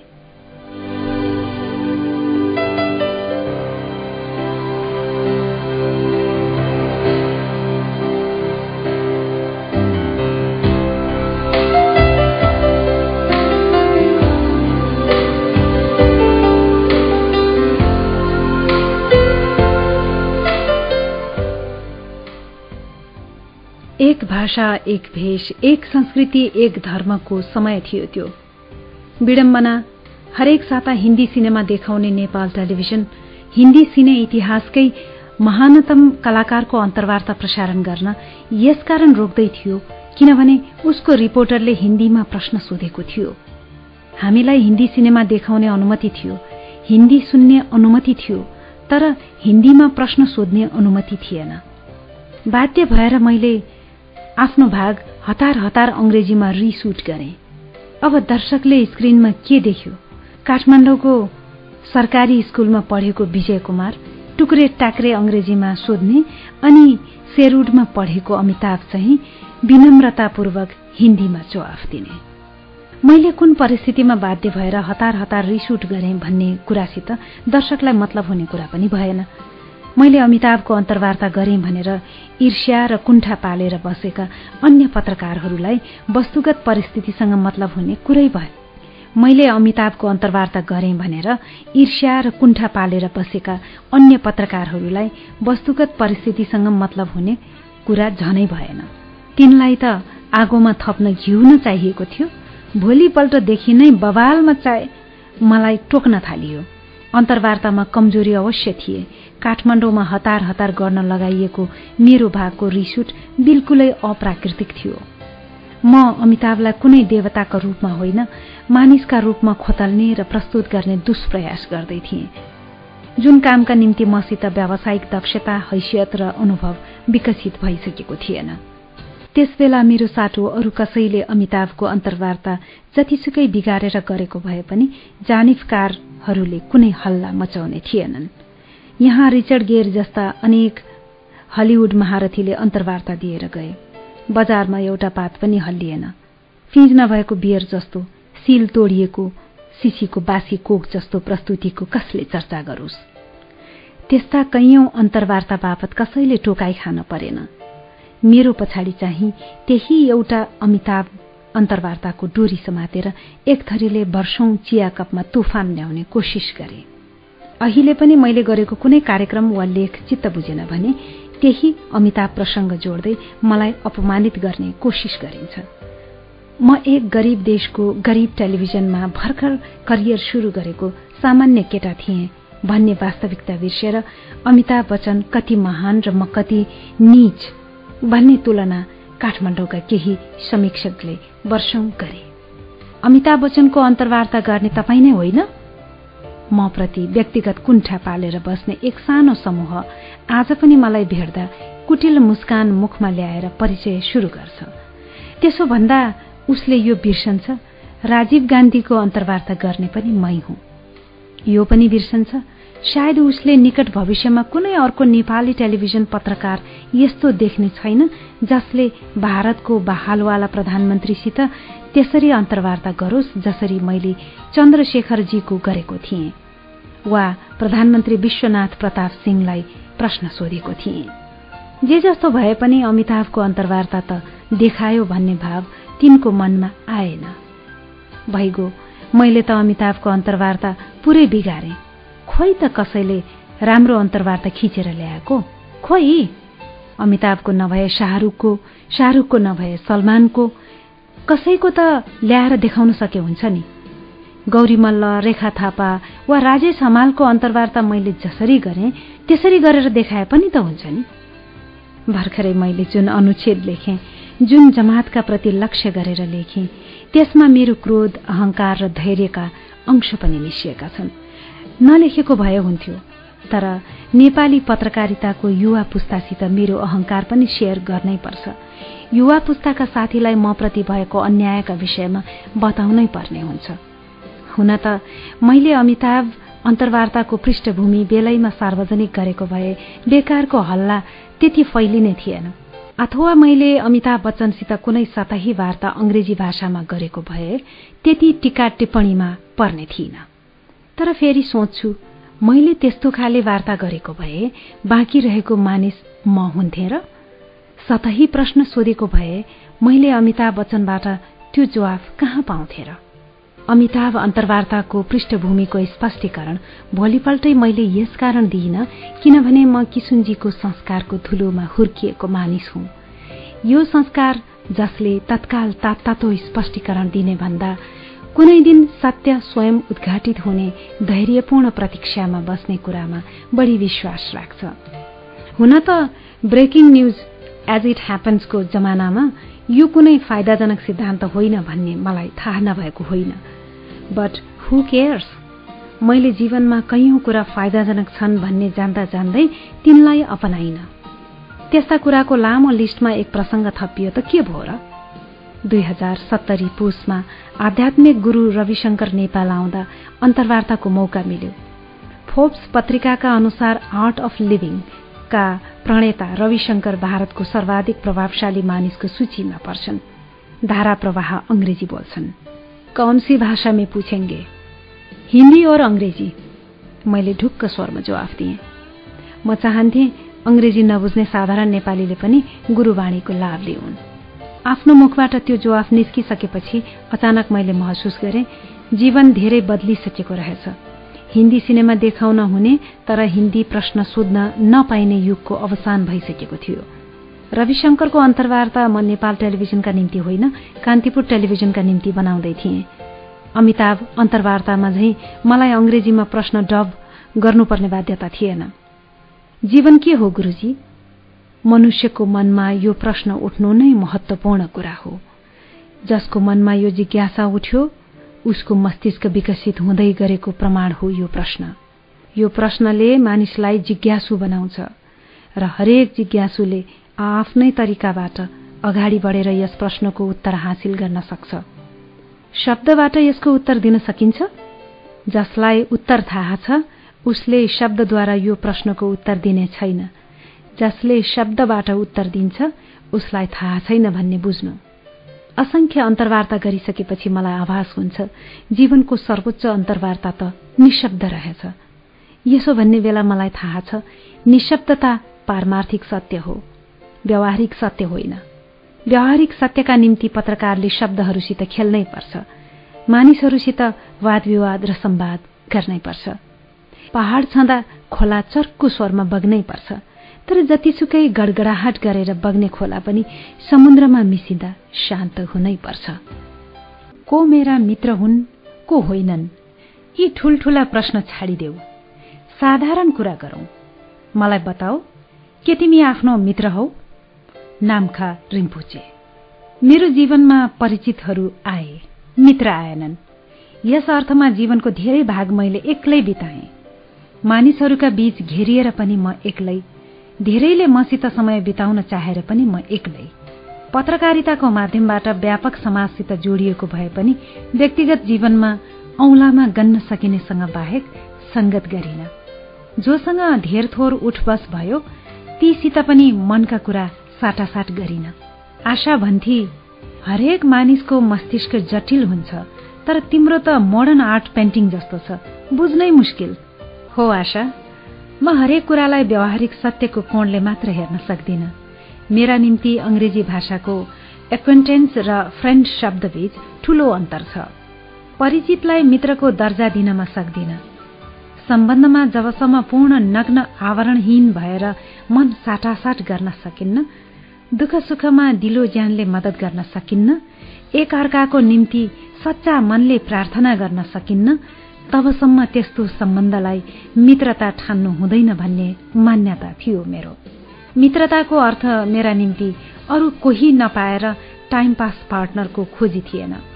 टाइम पास खेलौनाका रूपमा कसैलाई मित्र बनाउने दरकार मलाई कहिल्यै महसुस भएन। जुन पेसामा छु चाहेका मानिसको संगत गर्न खासै मेहनत गर्नु पर्दैन। केही यस्ता मानिससित फुटपाथमा राम्रै परिचय बन्यो जो कालान्तरमा सिंहदरबारका मालिक बने। उनीहरू सिंहदरबारका मालिक बने भन्दैमा मैले तिनलाई मित्रको सूचीमा दर्ता गरिन। मेरो निम्ति मित्रताको मापदण्ड कठोर जिरो सम गेम थियो। शून्य या सय। हस्तिनापुरको रजाई या चपरीमुनिको बास। मित्रताका विषयमा मेरो मापदण्डको पर्खाल यति अग्लो थियो त्यसलाई पार गर्न कसैका निम्ति सहज थिएन। फेरि म आफै पनि कसैका निम्ति फाइदाजनक मानिस पनि होइन। चिन्जानको भरमा अकारण कसैको प्रशंसा वा निन्दा मिडियामा सजिलै गर्न नसक्ने। परिचय छ भन्दैमा कसैलाई सजिलै मिडियामा नल्याइदिने समाचार शाखामा सिफारिस नगर्ने। तिमी मेरो ढाड कन्याउ म तिम्रो कन्याउँछु भन्ने उपयोगितावादको युगमा म खासै उपयोगी मानिस होइन। त्यसैले पनि मेरो जीवनमा परिचितहरू आए मित्र आएनन्। हुन त बेला बखत मलाई लाग्थ्यो यो मानिस मेरो मित्र हुन सक्छ। तर फेरि मेरो अपेक्षाको अग्लो पर्खाल विपरीत उसले केही यस्तो तुक्ष कृत्य गर्थ्यो उसमा मित्र देख्ने मेरा सारा सपना बताभङ्ग हुन्थे। मेरा नजरमा ऊ तत्काल सयबाट शून्यमा झर्थ्यो। शून्य या सयको अतिवादी मानसिकता व्यावहारिक होइन। किनभने शून्य या सयका बीचमा त्यत्तिका अङ्कहरू विद्यमान छन्। यथार्थ के भने हस्तिनापुरको महल र चपरीमुनिको झुपडी बीच नै संसारका अधिकांश निवास रहेका छन्। संसार सेतो वा कालो दुई रङमा मात्र विभाजित हुँदैन। बीचमा धेरै छ्यासमिस रङ पनि छन् भन्ने थाहा हुँदाहुँदै पनि मैले जीवनमा हमेसा प्रष्ट रङको विभाजन रेखा खोजेँ। र त्यसबापत असीम दुःख पाएँ। व्यवहारिकताको यथार्थले के भन्छ? मलाई त्यसमा खासै रुचि कहिल्यै भएन। म त हरेक कुरामा पारमार्थिक सत्य अल्टिमेट ट्रुथ खोज्न हिँडेको विशिष्ट ठान्थे आफूलाई। तर संसारका हरेक कुरा आपसमा जोडिएका रहेछन्। कुनै न कुनै बिन्दुमा विपरीत झैँ प्रतीत हुने व्यवहारिक सत्य र पारमार्थिक सत्य एकाकार हुँदा रहेछन्। मेरा अपेक्षा अनुरूप काम नगर्दैमा कोही फुच्चे वा गर्दैमा छफुटे हुने होइन भन्ने जान्न मलाई दशकौं लाग्यो। जीवनमा मित्रहरू आएनन् भन्दैमा मलाई तिनको अभाव चाहिँ खड्किएन। सुषमा छँदै थिए। मित्रका हिसाबले सुषमालाई बाहेक गर्ने हो भने म एक्लै थिएँ। एक्लै थिएँ तर एक्लो महसुस गर्दैनथे संसारमा कैयौं यस्ता छन् जो रात दिन मित्रहरूको भिडबीच बस्छन् तर एक्ला छन्। हरेक दिन फ्रेन्ड्स पार्टी जाने हजारौं फेसबुक फ्रेन्ड भएकाहरूको वास्तविक मित्र कति छन् यो उनीहरू स्वयंले जान्ने कुरा हो। मेरो निम्ति मित्र शब्दको अर्थ हुन्थ्यो एक यस्तो साथी जसले मलाई बुझोस्। मेरो दुःख सुखमा समभाव राखोस्। मेरा विषयमा संसारसँग गफ फलाक्दै नहिँडोस् जो मेरो नामको होइन मेरो साथी होस्। एक यस्तो जोसित जुनसुकै विषयमा कुरा गर्न मलाई संकोच नलागोस्। जसले मेरा इच्छाहरू मुखबाट झर्ने बित्तिकै पूरा गर्ने कोसिस गरोस्। अल्बर्ट कामु झैं मलाई यस्तो साथीको खोज थियो जो न मेरो अघि अघि हिँडोस् वा पछि पछि लागोस्। मेरै छेउ साथ साथ हिँडोस्। यस्तो साथीको खोज थियो जो मेरा विषयमा राम्रो नराम्रो सबथोक थाहा पाएर पनि मलाई स्नेह गरोस्। यस्तो साथी जोसित अर्थहीन। अन्टसन्ट बकबास कुरा गरेर घण्टौं बिताउन सकौं। आज सम्झदा पनि हाँसो उठ्छ। मेरो मित्र बन्न चाहिने पूर्व शर्तको सूची कति लामो थियो। त्यसैले होला मेरो जीवनमा परिचित आए मित्र आएनन्। हुन त स्कूल कलेज छँदा केही सहपाठी यस्ता थिए जसलाई मित्र भन्न सकिन्छ। हामी एक अर्कासित सुख दुःख सहजै भन्न सक्थ्यौं। मित्रता साँचो हो भने त्यसमा सहजता भन्ने तत्वको उपस्थिति अनिवार्य छ। एक आपसमा सहज। जीवनमा तीन शब्द छान्नु परे सहजता एक हुनेछ। मर्दा एक शब्द मात्र आफैसँग लैजाने वरदान पाए त्यही शब्द लैजानेछु। स्कूल कलेज छँदाका साथीसित चाहिँ म हमेसा सहज हुन सके। हामी एक अर्कासित नाफा नोक्सानको हिसाब किताब नगरिकनै व्यवहार गर्न सक्थ्यौं। तर पत्रकार भएपछि भेटिएका कतिपय मानिससित म सहज हुन सकिन खुल्न सकिन। खुल्ने चेष्टा पनि गरिन। मलाई लाग्थ्यो भेट हुँदा मानिसहरू एक अर्कासित कुराकानी वा सम्वाद होइन। आफ्नो पूर्व निर्धारित भूमिका अनुसार पर्फर्म गरिरहेका छन्। मानौ कुराकानीमा होइन अभिनयमा छन्। पत्रकारितामा लागेपछि परिचितको संख्या ह्वात्तै बढे पनि मित्र भेटिएनन्। मेरो संगत आफूभन्दा बढी उमेरकासित हुन थाल्यो। उनीहरूसित विषयगत कुरा गरेर म घण्टौं बिताउँथे। तर मन साटासाट गर्न सक्दैनथे। कोसँग के विषयमा कुरा गर्ने पूर्व निर्धारित थियो। आफ्नो पेशाका कतिपय उत्कृष्ट मानिस मेरो परिचयको दायरामा थिए। उनीहरू स्नेह पनि गर्थे तर म कसैसँग त्यसरी खोल्न सकिन जसलाई आवरणहीन मित्रताको दर्जा दिन सकियोस्। पेशागत कारण बाहेक मैले ज्यादै सीमित मानिस भेटे। अचम्म लाग्छ यतिका वर्ष सार्वजनिक जीवनमा रहेर पनि त्यति थोरैसित उठबस गरे। त्यसैले धेरैले मलाई फरक बुझे। मैले बुझाउन पनि चाहिन। म सीमित मानिससित मात्र खुल्थे तर विडम्बना उनीहरूसित पनि पूर्ण रूपले खुल्न सक्दिनथे। सम्बन्ध आंशिक थियो। उदाहरणका लागि श्रीराम दाससित किशुनजीका कुरा गर्थे। विद्या बाउजूसँग ज्योतिष शास्त्रका कुरा चक्रदाईसित राजनीतिक र दर्शन। विश्वम्बरसित गीत संगीतका कुरा। भिन्न भिन्न मानिससित म अलग अलग विषयमा कुरा गर्थे। फरक फरक रूपमा खोल्थे। जब यस्ता स्नेही मानिस जब यस्ता स्नेही मानिससितै त्यो हालत थियो भने अरू सम्बन्धहरूको पातलोपनको बयान गरिरहनुपर्छ र आफ्नो दुःख सुख आफैसित छ। परेको बखत मद्दत गर्न कोही आउने होइन। बेकार किन टाइम वेस्ट गर्ने जस्तो लाग्थ्यो। त्यसबाहेक म लजालु स्वभावको भएकाले पनि धेरैसित घुलमिल हुन रुचाउन्न। मेरो आवरणमा देखिने एरोगेन्सका पछाडि केही हदसम्म मेरो साई नेचर पनि लुकेको छ। त्यहाँसम्म पनि ठिकै थियो। आफ्नो आफ्नो स्वभाव हो। मेरो गल्ती कहाँ भयो भने सबैसित घुलमिल हुन नचाहने आफ्नो बानीलाई मैले सकारात्मक रूपमा प्रस्तुत गर्न सकिन। कतिपय अवस्थामा झर्केर मानिसलाई पन्छाए। सबै सबैसित घुलमिल गर्न सक्दैनन्। एरिस्टोटल भन्छन् जो मानिस सबैको मित्र हो यथार्थमा कसैको पनि होइन। मिलनसार भनेर चिनिएका एकजना सम्झन्छु। सकेसम्म धेरैजनाबाट कुरा फुत्काउन उनले मिलनसार भएको सिरक ओढेका मात्र हुन्। मौसम बेमौसममा सिरक ओढ्नुपर्ने बाध्यताले बिचारा रात दिन गर्मीले छटपटिएका छन् तर आफ्नो उकुस मुकुस बाहिर देखाउन सक्दैनन्। मिलनसारको पगरी टाउकोबाट झर्ने डर हुन्छ। एउटा मित्रको कुरा दोस्रोलाई र दोस्रोको कुरा तेस्रोलाई सुनाउँदै उनको जीवन बितेको छ। यस्ता सज्जनको विषयमा एलिस मिलर भन्छन् आफ्नो मित्रको विषयमा कुरा काट्दा तिमीलाई पीड़ा महसुस हुन्छ भने कुरा काटे हुन्छ। तर साथी भनिएको मानिसका विषयमा कुरा काट्दा पीड़ाको सट्टा तिमीलाई मनमा नै मजा आउँछ भने तिमी उसको साथी होइनौ।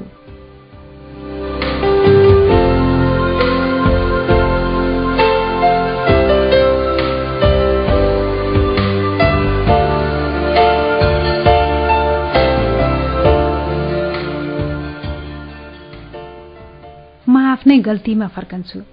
भेटे जति सबैसित अँगालो मार्दै हिँड्न सकिन्न भन्दैमा मैले आफूलाई त्यस रूपमा प्रस्तुत गर्न पनि जरुरी थिएन। जुन रूपमा जानी नजानी गरियो। समय नहुँदा वा अन्य कारणले भेट्न नसकिनेलाई झर्केर पन्छाउन जरुरी थिएन। पछुतो लाग्छ। चार पाँच वर्ष अघिसम्म मरिन डेडरिजको भनाइबाट चाहिने भन्दा बढी प्रभावित थिए। त्यो मात्र तिम्रो साथी हो जसलाई तिमी चार बजे बिहान फोन गरेर उठाउन सक्छौ। मेरा नजरमा ती मानिस मित्र शब्दको हकदार थिएनन् जसलाई मैले भेट्न चाहँदा उनले आफ्नो अपोइन्टमेन्ट बुकमा खाली समय खोज्न थालुन्। म त यस्तो साथीको कल्पना गर्थे जो आफ्नो सब काम छाडेर मलाई भेट्न आओस्। बानेश्वरमा एउटा परिवार थियो। मलाई लाग्थ्यो हामीसित धेरै मित्रवत सम्बन्ध छ। एक साँझ हामीलाई डिनरमा बोलाइएको थियो। फर्कने बेला पानी पर्यो। ती दिनमा हाम्रो सवारी साधन थिएन। हुन त हामी बस्ने ठाउँ त्यहाँबाट दस मिनट हिँडेरै पुगिन्थ्यो। सुषमा र मलाई त फरक पर्ने थिएन। छोरी डेढ वर्षकी थिए मनमा नै आशा लाग्यो उनीहरूले आफ्नो मोटरमा पुर्याइदिनेछ। तर न मैले मुख खोलेर भन्न सके न तिनले पुर्याउने अफर गरे। हामी रुच्दै निस्कियौं छोरी च्यापेर। त्यस दिनपछि म कहिल्यै त्यो घर पसिन। त्यो सानो घटना सम्झेर धेरै दिनसम्म चित्त दुख्यो। हामीहरू परिचित मात्र थियौं। फेयर वेदर एक्वेन्टेन्स एक अर्काका टाइम पास खेलाउन यो बुझ्ने बित्तिकै सबै गुनासा हराए। त्यसपछिका वर्षमा कसैलाई मित्र बनाउने कोसिस गरिन। जो जति बाटामा भेटिए ती कसैले पनि मेरा पूर्व शर्तहरूको पर्खाल नाग्न सकेनन्। कल्पना गरिए जस्तो कुनै मित्र मेरो जीवनमा आएन। आएन भनेर मैले वास्ता पनि गरिन। चार वर्ष अघि थाहा पाएँ। गलत रहेछु म। त्यस दिन गुरुलाई सोधेको थिएँ मेरा यति धेरै परिचित छन्। नजाने कति मानिसले मलाई चिन्छन् तर पनि मेरो कुनै सच्चा मित्र छैन जस्तो लाग्छ। किन होला? के तिमी आफू चाहिँ कसैको सच्चा मित्र हौ? के तिमी ती सबै कुरा कसैका निम्ति गर्न सक्छौ जसको अपेक्षा तिमी अरूबाट गर्छौ विजय? मैले उत्तर दिन सकिन। सोच्न थाले त्यस्ता कतिजना मेरो जीवनमा छन् जसका निम्ति म त्यो सब गर्न तयार छु जसको चाहना म अरूबाट गर्छु। आफ्नो परिवार बाहेक अरू कसैका निम्ति म त्यो सब गर्न तयार थिइनँ जसको अपेक्षा म अरूबाट गर्थे। मेरो दयनीय हालत देखेर नामखा रिम्पोचेले मुस्कुराउँदै भने को मेरा मित्र हुन् को होइनन् यी ठूल्ठूला प्रश्न छाडिदेऊ। साधारण कुरा गरौं। मलाई बताऊ के तिमी आफ्नो मित्र हौ? मैले हुँ भन्न सकिन। जीवन जसरी बिताइयो त्यो सम्झँदा खुलेर पनि यो त भन्न सकिन्थ्यो। म स्वयं आफ्नो मित्र हुँ। जानी नजानी मैले आफ्नो शरीर मन र वचनलाई जति दुरुपयोग गरेँ त्यो सम्झेर कसरी भन्न सक्थे? म मेरो मित्र हुँ। विजय तिम्रो मात्र होइन। धेरै मानिसको समस्या के भने उनीहरू पहिला आफ्नो मित्र नबनिकन अरूको मित्र हुन चाहन्छन्। आफैलाई नचिनिकन धेरैलाई चिन्न चाहन्छन्। अलिकति सकारात्मक सोच राखेर हेर त तिम्रा कति धेरै मित्रहरू छन्। उनले तिमीलाई कति धेरै प्रेम दिएका छन्। अलि सोच त जुन क्षणदेखि मैले फरक दृष्टि राख्न थाले चारैतिर मित्र नै मित्र खडा भए। भिन्न भिन्न पृष्ठभूमिका अनेक मित्र जस्तै बेत्रावतीको मजदुर कान्छा गुरुङ कति प्रेमले उसले मलाई आफ्नो कोठामा बसाएको थियो। मैले कसरी उसको मित्रतालाई बिर्सन सकेको होला? मकवानपुरकी चमेली बाइबालाई सम्झे। मैले दिएको सानो रकममा थपथापबाट उसले बाख्रा पालन गरी। सन्देश पठाएकी थिए दाईको भाग सुरक्षित छ। मैले कसरी बिर्सन सकेको होला? चमेली मेरो साथी हो। चौबिस वर्षमा साक्षर भएकी चमेलीले प्लान इन्टरनेसनलको पुरस्कार थाप्न लन्डन जानु अघि कति उत्साह साथ फोन गरेकी थिए कसरी बिर्सेको होला त्यतिका मित्रलाई?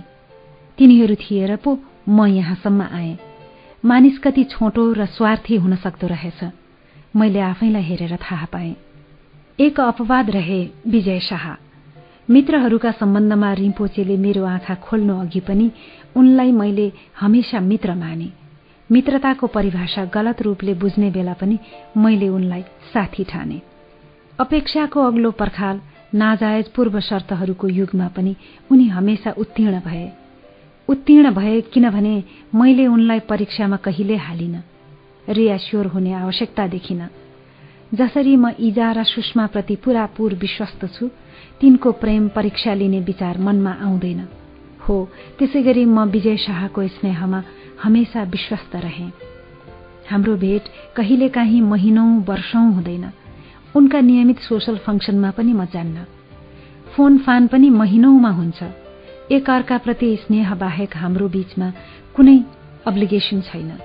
न मलाई नेपालको लिकर किङ भनिने विजय शाहको पैसाको कुनै लोभ छ न त उनलाई मेरो मिडिया पहुँचको रत्तीभर प्रवाह छ। तर मलाई थाहा छ कुनै दिन बिहान चार बजे फोन आए म उनका निम्ति खुसी साथ उठ्न तयार हुनेछु। शिवभक्त हुन् विजय शाह। आध्यात्ममा रुचि राख्छन्। जीवन र जगतमा जे देखिन्छ त्योभन्दा पर पनि एउटा संसार छ भन्ने बोधसँग परिचित छन् उनी।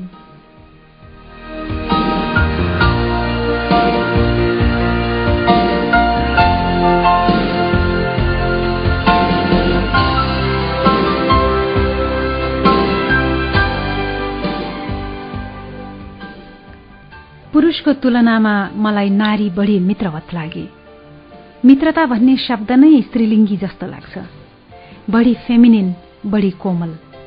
भाग्यशाली रहे केही साह्रै बुद्धिमान र उदार महिलासित मेरो मित्रवत सम्बन्ध बन्यो।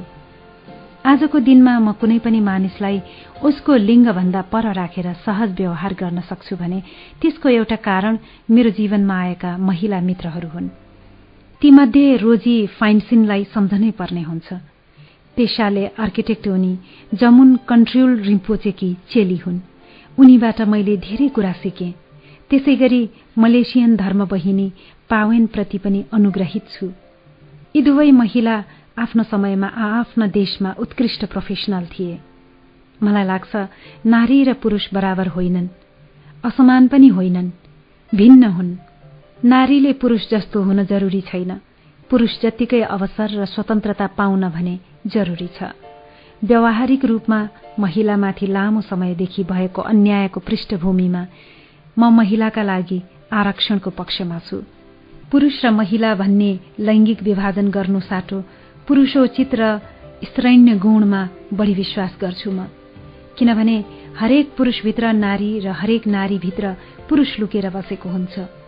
मित्रता सम्बन्धमा गलत दृष्टिकोणको चस्मा फुकाल्नु अघि म त्यसलाई उपयोगितावादी युटिलिटेरियन कोणबाट पनि हेर्थे सायद। को मानिस मलाई काम लाग्ने हो को होइन भन्ने भावबाट केही हदसम्म निर्देशित भए होला। विशुद्ध उपयोगितावादी नजरबाट मित्रता जीवनका लागि अनावश्यक छ। नभए पनि मजाले जीवन चल्छ। आज एउटालाई मित्र बनायो भोलि फ्रेन्डसिपका नाममा कुनै अर्कोलाई उल्लु बनायो त्यसो गर्दा फरक पर्दैन भन्ने सिद्धान्तमा जीवन चलायो। सीएस लेविस भन्छन् मित्रता अनावश्यक छ नभए पनि जीवन चल्छ। ठिक त्यसरी जसरी घरको गमलामा फूल नभए पनि जीवन चल्छ। पेट भर्ने होइन फूलले नभए पनि हुन्छ। बाँच्नका लागि पनि मित्रताको आवश्यकता छैन। जीवन रोकिँदैन तर बाँच्नुको अर्थ बुझ्न चाहिँ जीवनमा मित्र अनिवार्य छन्। मानिस शरीर मात्र होइन भावना पनि हो। मानिसभित्र उपयोगितावादको रणनीति मात्र होइन निस्वार्थ सम्बन्धहरूको तृष्णा पनि लुकेको हुन्छ। त्यसैले मित्रहरू अपरिहार्य छन्। जीवनको बाटोमा भेटे जति सबैसित अङ्कमाल गरेर हिँड्न सकिन्न। न म कुनै सन्त हुँ जसका निम्ति भेटे जति सबै मानव बराबर हुन्। म कोसिस गर्छु सबैप्रति समभाव राखौं। आज नभए भोलि सकौं यो जुनीमा नसके अर्कोमा। त्यसका लागि प्रयत्नशील छु। साई बाबाको दर्शन गर्न पुट्टपर्ती पुगेको थिएँ। प्रशान्ति निलायमा ठूलो भीड़ थियो। भीड़मा मलाई त्यहाँ लाने सुमन बस्ने हरायो मेरो मुखबाट अनायास निस्कियो। वेयर इज माई फ्रेन्ड मेरो पछाडिबाट एक अपरिचित आवाज आयो। अल आर युर फ्रेन्ड यस्तो जीवन्त अनुभवबाट गुज्रेको भए पनि मेरो जीवनमा धेरै मित्र आएनन्। धेरै साथी भएनन् भन्ने मलाई पछुतो छैन। भेटे जति सबैलाई फ्रेन्ड बनाउन सकिँदैन तर भेटिएका सबैसित फ्रेन्डली हुन सकिन्छ। यो सिक्न मलाई धेरै वर्ष लाग्यो। पछुतो छ भने त्यसमा मात्र छ। विवेकानन्द भन्छन् जीवनमा कतिजनासँग सम्बन्ध छ भन्ने कुरा मुख्य होइन। भएका सम्बन्धहरूमा जीवन छ वा छैन भन्ने तथ्य सर्वोपरि हो। अब फर्केर हेर्दा लाग्न थालेको छ मेरो जीवनको प्रत्येक पाइलामा अनगिन्ती मित्रको साथ थियो। दोष कसैको थियो भने मेरै थियो। मैले तिनलाई देख्न सकिन। एउटा पुरानो भनाई उद्धित गर्दै सुषमाले भनी राम्रा मित्र भनेका आकाशका तारा जस्ता हुन्। नाङ्गो आँखाले हेर्दा कहिले देखिन्छन् कहिले देखिन्नन्। तर तिम्रो आँखाले नदेख्ने बेलामा पनि उनीहरू त्यहाँ थिए। हो सुषमा हो। बल्ल थाहा पाउँदैछु। बेटर लेट देन नेभर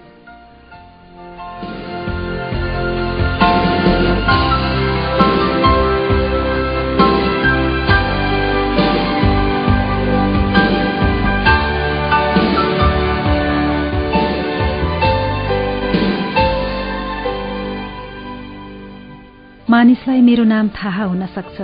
मेरो जीवन भोगाई होइन। मेरा उपलब्धि वा असफलतासित उनीहरू परिचित हुन सक्छन्। मेरो मनको द्वन्द र विरोधाभाससित होइन। त्यसैले तपाईँ मेरो विषयमा के सोच्नुहुन्छ भन्दा पनि म आफ्ना विषयमा के ठान्छु मेरा लागि बढी अर्थपूर्ण छ। यस्तो किन भयो? थाहा छ? अज्ञात। पत्रकारितामा नलागेको भए म त्यस्तो हुने थिइनँ जस्तो भएँ। टाउकोमा गोली खाने सम्पादकको साटो कुनै घटिया सम्पादकका साथ करियर सुरु गरेको भए त्यस्तो हुने थिइन जस्तो भए। निर शाहको साटो कुनै जागिरदार मानसिकताको मानिस नेपाल टेलिभिजनमा मेरो पहिलो हाकिम भएको भए त्यस्तो हुने थिइन जस्तो भए। कृष्णप्रसाद भट्टराई र गणेशराज शर्मा जस्ता मानिसको छाया म माथि नपरेको भए त्यस्तो हुने थिइन जस्तो भए। जे जति कमाएर ल्याए पनि त्यसैमा सन्तोष गरेर बस्ने इजा र सुषमाको साटो अर्कै टाइपका महिला घरमा भएका भए त्यस्तो हुने थिइन जस्तो भए। दाई राजेन्द्रले आफ्नो सुन्दर घरमा दशकौं बस्न नदिएको भए त्यो हुने थिइन जो भए। भाइ अभयले घर व्यवहारमा नसगाएको भए त्यो हुने थिइन जो भए। पाएका अवसरलाई निष्ठापूर्वक दर्शक र पाठकको सेवामा नलगाएको भए त्यो हुने थिइन जो भए। म म जस्तै भए किनभने आध्यात्मले मलाई आफै जस्तो भएर बाँच्ने आत्मबल दियो। सरकारी टेलिभिजनका निम्ति त्यतिका वर्ष कार्यक्रम बनाए पनि म सरकारी हुन सकिन। धेरै निजी च्यानलका निम्ति प्रोग्राम बनाए पनि म कसैको निजी हुन सकिन। म जस्तै भए किनभने रूपचन्द्र विष्टले भनेको कुरा मनबाट कहिल्यै हटाउन सकिन। गाउँले साह्रै माया गरे पनि केही सहरिया उनलाई अलि बौलाहा बौलाहा जस्तो छ भन्थे। पागलहरूको बीचमा सध्य मानिस पसेपछि उसलाई बौलाहा भनिदो रहेछ। रूपचन्द्र विष्टको हकमा पनि त्यही भयो। उनले गाउँ सहरका भित्ताभरि थाहा लेख्ने अभियान चलाएका थिए। जीवनका निम्ति थाहा पाउन सर्वाधिक महत्वपूर्ण छ भन्थे। नेपाल बिग्रेको जनताले थाहा नपाएरै हो भन्थे। To know is to be उनको सिद्धान्त थियो। जति जति समय बित्दैछ थाहाको महत्ता मेरा निम्ति झन्झन गुरुत्तर हुँदैछ। मेरा नजरमा उनी एक विपुल साहसी अथाह ज्ञानी र श्रमजीवी जनताका नेता थिए। राष्ट्रिय पञ्चायतका सदस्य थिए तर पञ्चायती हावा पनि उनको छेउबाट बग्ने साहस गर्दैनथ्यो। त्यस्तो कठोर व्यवस्थामा पनि रूपचन्द्र विष्ट न दब्थे न झुक्थे। मनमा लागेको बोल्थे र बोले बापत पटक पटक जेल जान्थे। दुई हजार चौवालिस सालको कुरा। म सिंहदरबार कम्पाउन्डभित्र नेपाल टेलिभिजनतर्फ लम्कदै थिएँ। कसैले चर्को आवाजमा बोलायो ए टिमुरे यता आइज। कता लङ लङ हिँडेको। स्वर चिनिहाले लाखौंमा एक आवाज कसरी नचिन्नु। रूपचन्द्र विष्ट खुसी भएको दिन मलाई टिमुरे भनेर बोलाउँथे। टिमुर जस्तो तिखो छ यो भन्थे। त्यो अपराह्न रूपचन्द्र विष्टले बोलाउँदा म सिंहदरबारको बुर्जामुनि थिएँ। टेलिभिजन जान लागेको दाई त टिमुरेलाई एउटा कुरा भनौँ सुन्छस् त?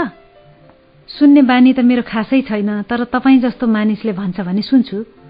सुनेर मात्र पुग्दैन टिमुरे? मनमा गुन्छु भन्ने वचन दे अनि मात्र भन्छु। वचन दिए दाई त टिमुरे अस्तिसम्म साप्ताहिक मञ्चमा अक्षर कोरकार गर्थिस्। पदमेले त्यसमा लागेर टाउकोमा गोली खायो। धन्न बाँच्यो तँ चाहिँ टेलिभिजन भन्ने सरकारी भाँडोमा सरेको सुने। मेरो चित्त बुझेको थिएन। केही दिन अघि तँलाई मैले त्यो भाँडोमा देखेँ। सरकारी घ्याम्पोभित्र पसेर पनि तँ कुहिएको रहेनछस्। सधैँ यस्तै बसेस् जस्तो छस्। टिमुरे दाईको आशीर्वाद लागोस्।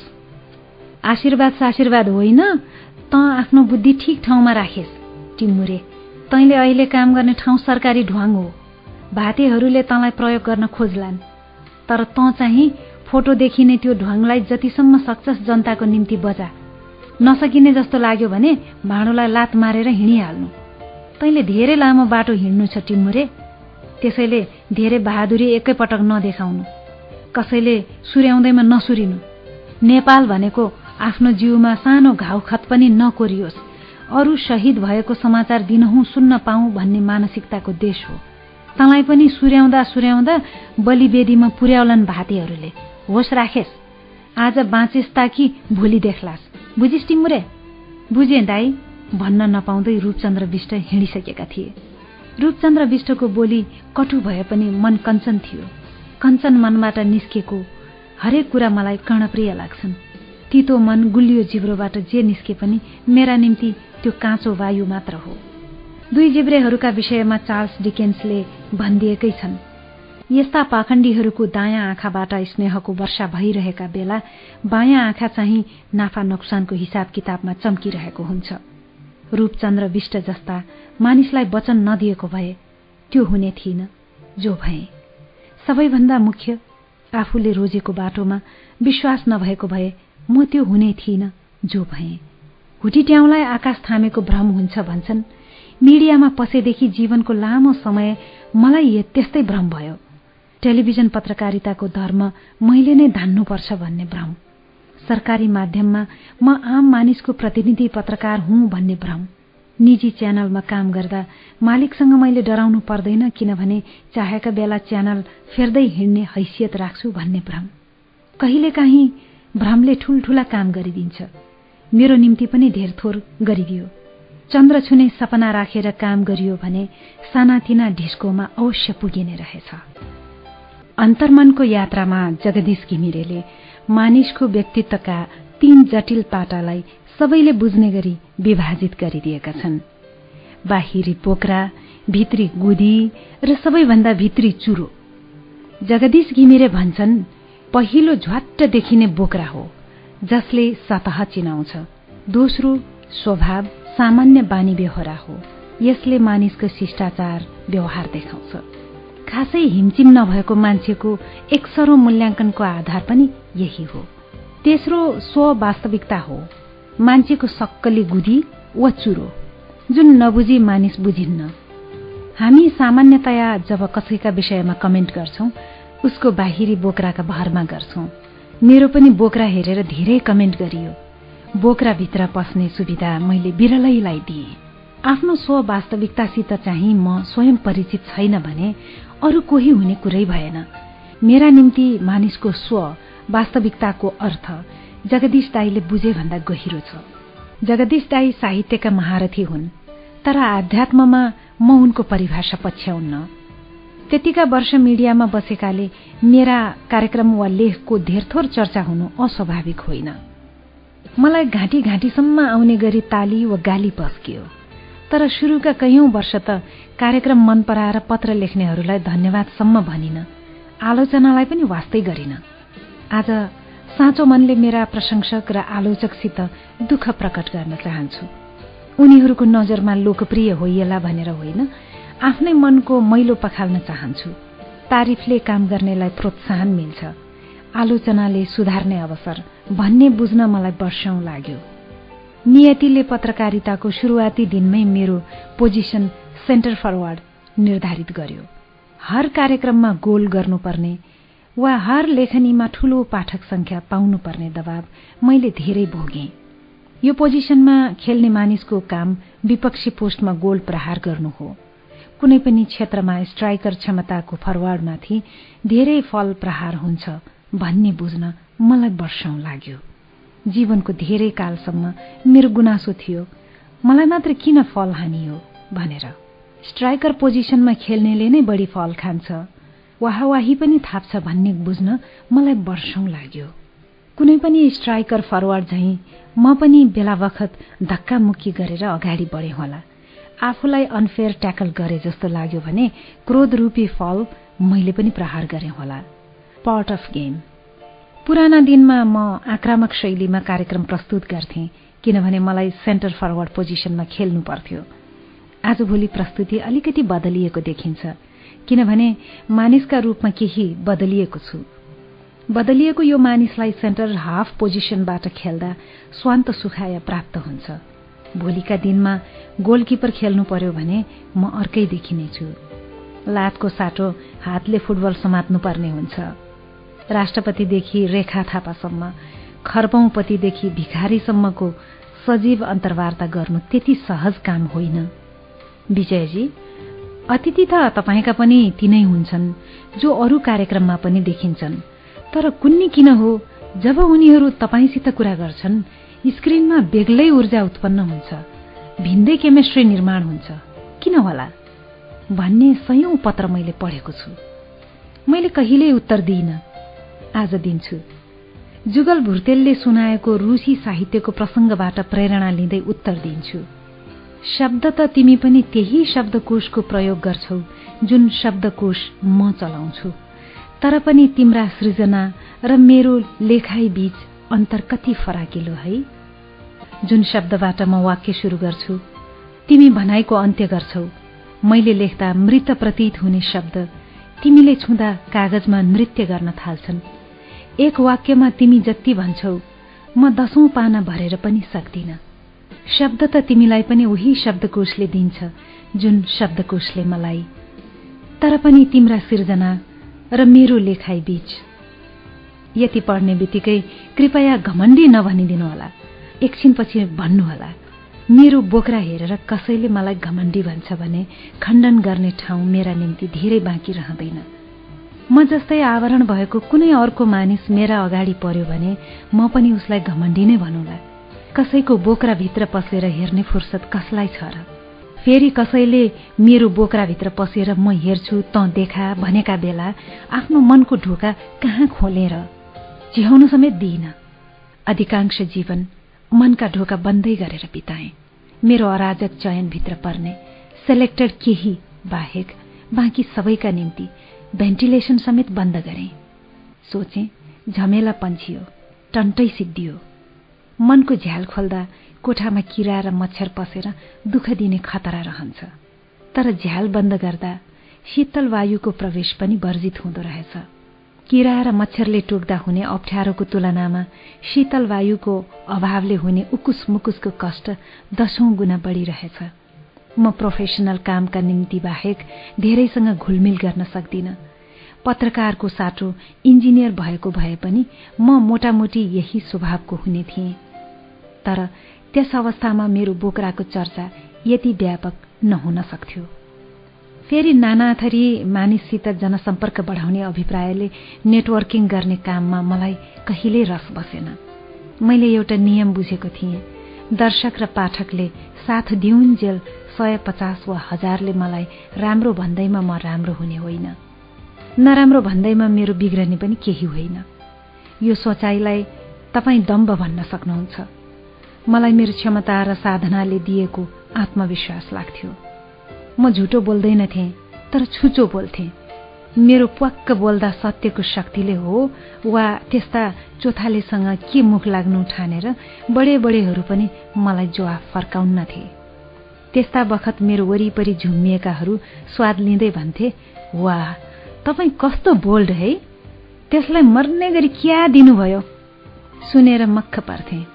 त्यति बेला रूपचन्द्र विष्टको शिक्षा बिर्सन्थे आफ्नो जिउमा हल्का घाउखत केही पनि नलागोस् तर अरू शहीद भएको समाचार दिनहुँ सुन्न पाऊ भन्नेहरूको ठाउँ हो। यो मेरो साहसको तारिफ गर्नेहरू म हिँडेपछि मेरो वचन बाँडबाट आहत मानिस छेउ पुगेर भन्दा रहेछन् त्यो चोथालेको कुरा पनि के माइन गर्ने हजुर?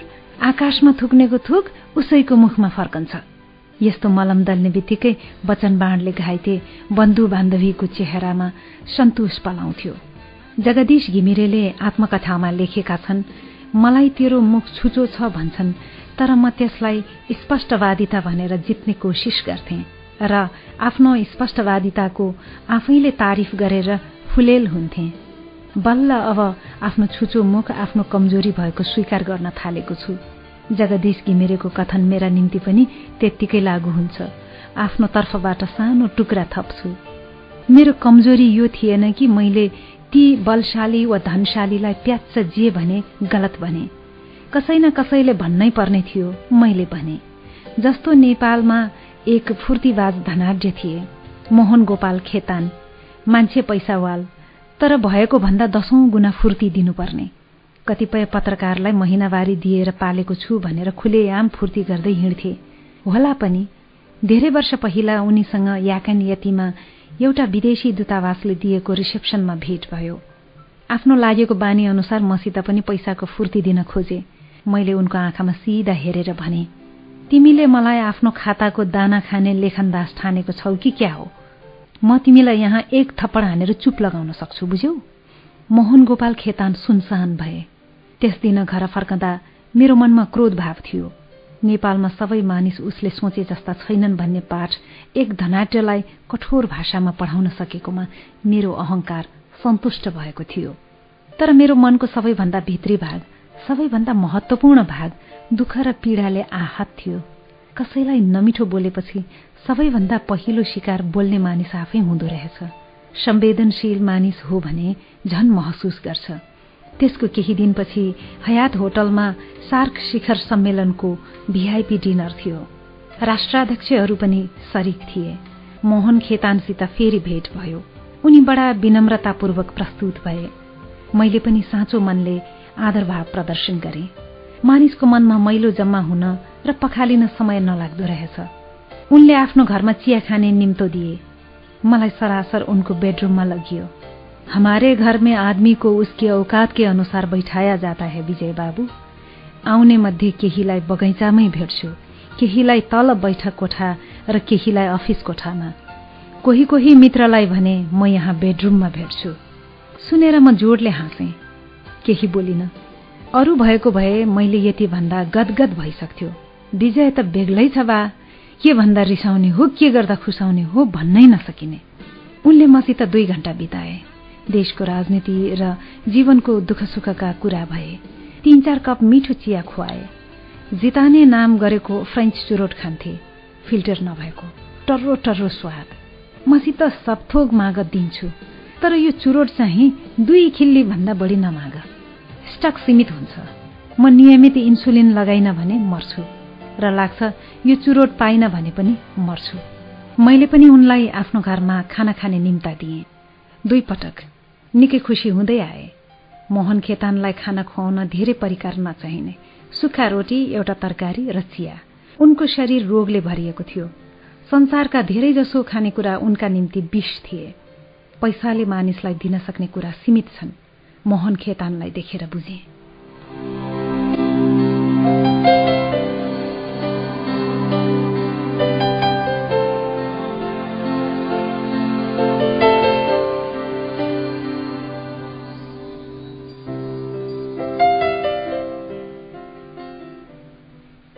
प्रधानमन्त्री शेरबहादुर देउबाको चीन भ्रमण डेलिगेशनमा हामी दुईजना पनि पर्यौं।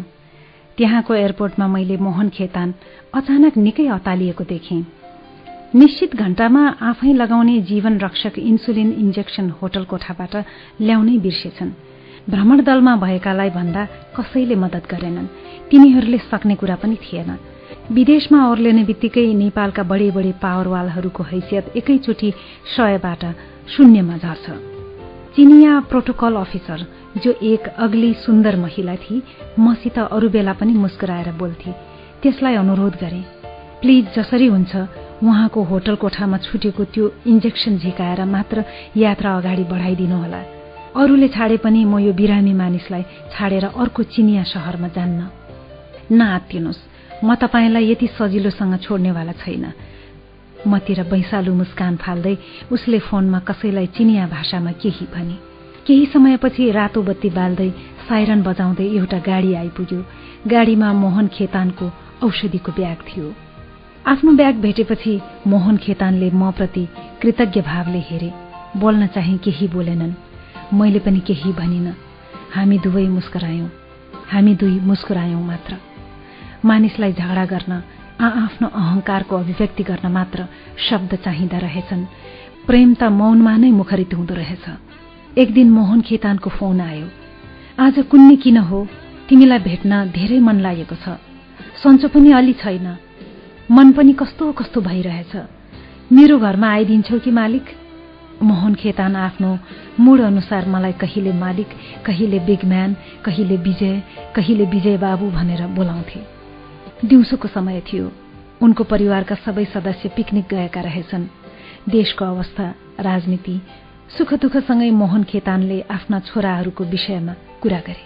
राजेन्द्र त सोसल सर्किट र प्रेसमा फूर्ति गरिरहन्छ। पत्रकार मिलाएर फोटो छपाउन पनि सक्छ। कान्छो सिपीको बिजनेस ब्रेन तगडा छ। म बाँचिन भने कहिले काहीँ उसलाई भेट्नु नि। मेरो त जीवन यस्तै हो यार। तिमीलाई प्राइभेट टिभी खोल्न म सहयोग गर्छु भनेको पनि कहिल्यै सुन्या होइन। अरू त केही सहयोग गर्न सकिन। मोहन खेतानले एउटा सर्टिफिकेट तिमीलाई दिन चाहन्छ। कस्तो सर्टिफिकेट? इमान्दारीको सर्टिफिकेट। बकायदा फ्रेम हालेर दस्तखत गरेर शहरभरिका ठूला ठूला साला सबैलाई जम्मा गरेर फाइभ स्टारमा पार्टी गरेर दिन्छु। मोहन खेतानले दस्तखत गरेर दिएको त्यो सर्टिफिकेटको महत्व गोर्खा दक्षिण बाहुभन्दा धेरै हुनेछ। धेरैलाई पैसा खुवाएको मोहन खेतानले दिएको इमान्दारीको सर्टिफिकेट पो सर्टिफिकेट। हिलोलाई थाहा हुन्छ कमलको महत्व तपाईँको भावनाको म कदर गर्छु। तर सर्टिफिकेट मलाई चाहिँदैन मैले हाँस्दै भने। त्यस दिन धेरै हाँसी मजाक भयो। ढोकासम्म छाड्न आए उनी। उनको झम्सीखेल स्थित घरमा मेरो दोस्रो भिजिट थियो। दुई महिनापछि म फेरि त्यहाँ गएँ।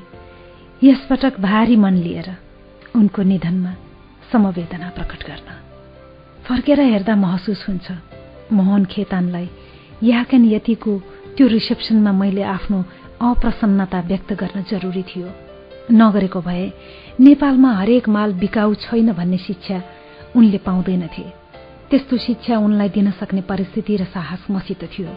त्यसैले दिएँ। तर मेरो पढाउने तरिका गलत थियो।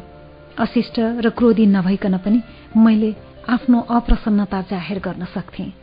आक्रामक नभइकन पनि म दृढ हुन सक्थेँ।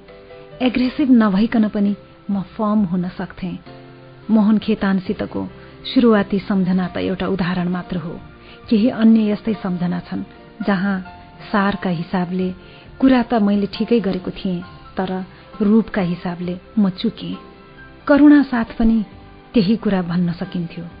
टेलिभिजन स्क्रिन वा अखबारको पानामा म प्राय हरेक शब्द धेरै होस पुर्याएर मात्र प्रयोग गर्छु तर व्यक्तिगत व्यवहारमा मैले त्यो शीत कहिलेकाहीँ कायम राख्न सकिन। पछुतो लाग्छ। एक दिन नामखा रिम्पोचेलाई सोधे म यस्तो पेसामा छु जहाँ चित्त नबुझेको कुरामा आवाज उठाउनै पर्छ। त्यस्ता अवसरमा के म खित्त दाँत देखाएर चुपचाप बसौँ? झुठो विनम्रताको नकाब ओढौं। धर्मले के भन्छ? चुप लागेर बस्न पर्दैन। आवाज उठाउनु पर्ने ठाउँमा आवाज नउठाउनु धर्म होइन अधर्म हो।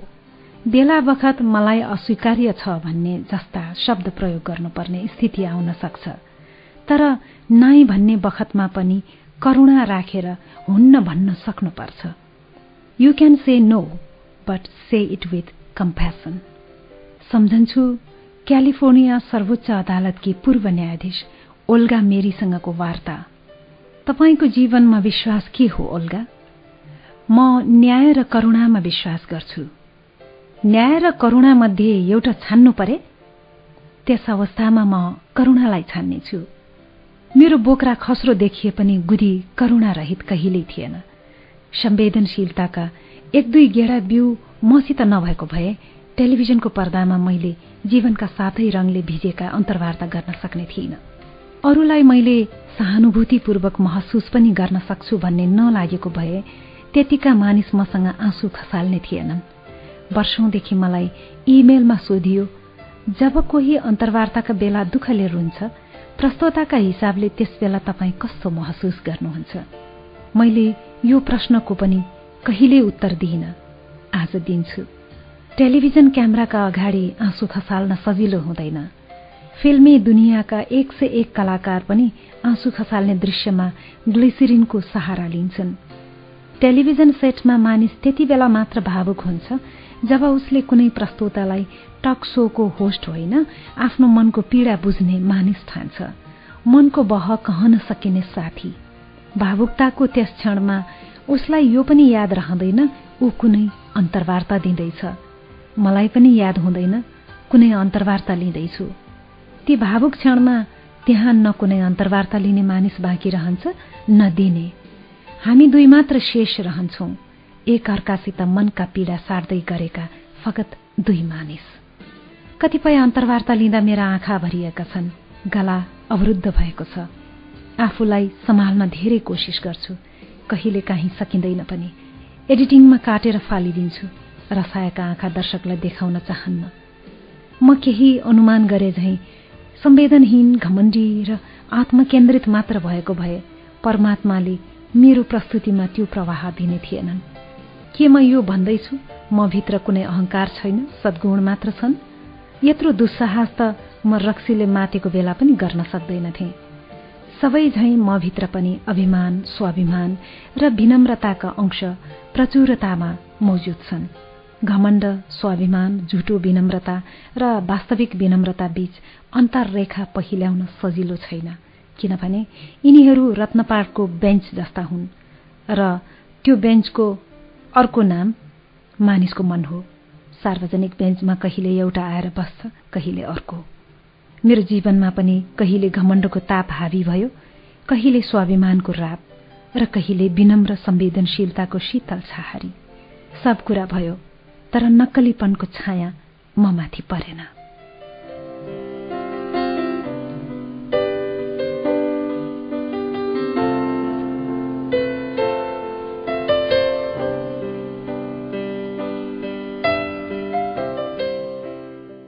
आफूलाई आफै परिभाषित गरिन भने अरूले मलाई तिनकै स्वाद अनुसार परिकार बनाएर खानेछन्।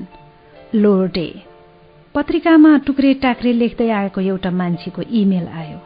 म तपाईँलाई घमण्डी ठान्थे तर तपाईँका प्रस्तुतिले त्यतिका मानिसलाई सहयोग पुर्याएको देखेपछि मलाई शंका लाग्न थालेको छ। कतै तपाईँप्रति मेरो मूल्याङ्कन गलत थियो कि?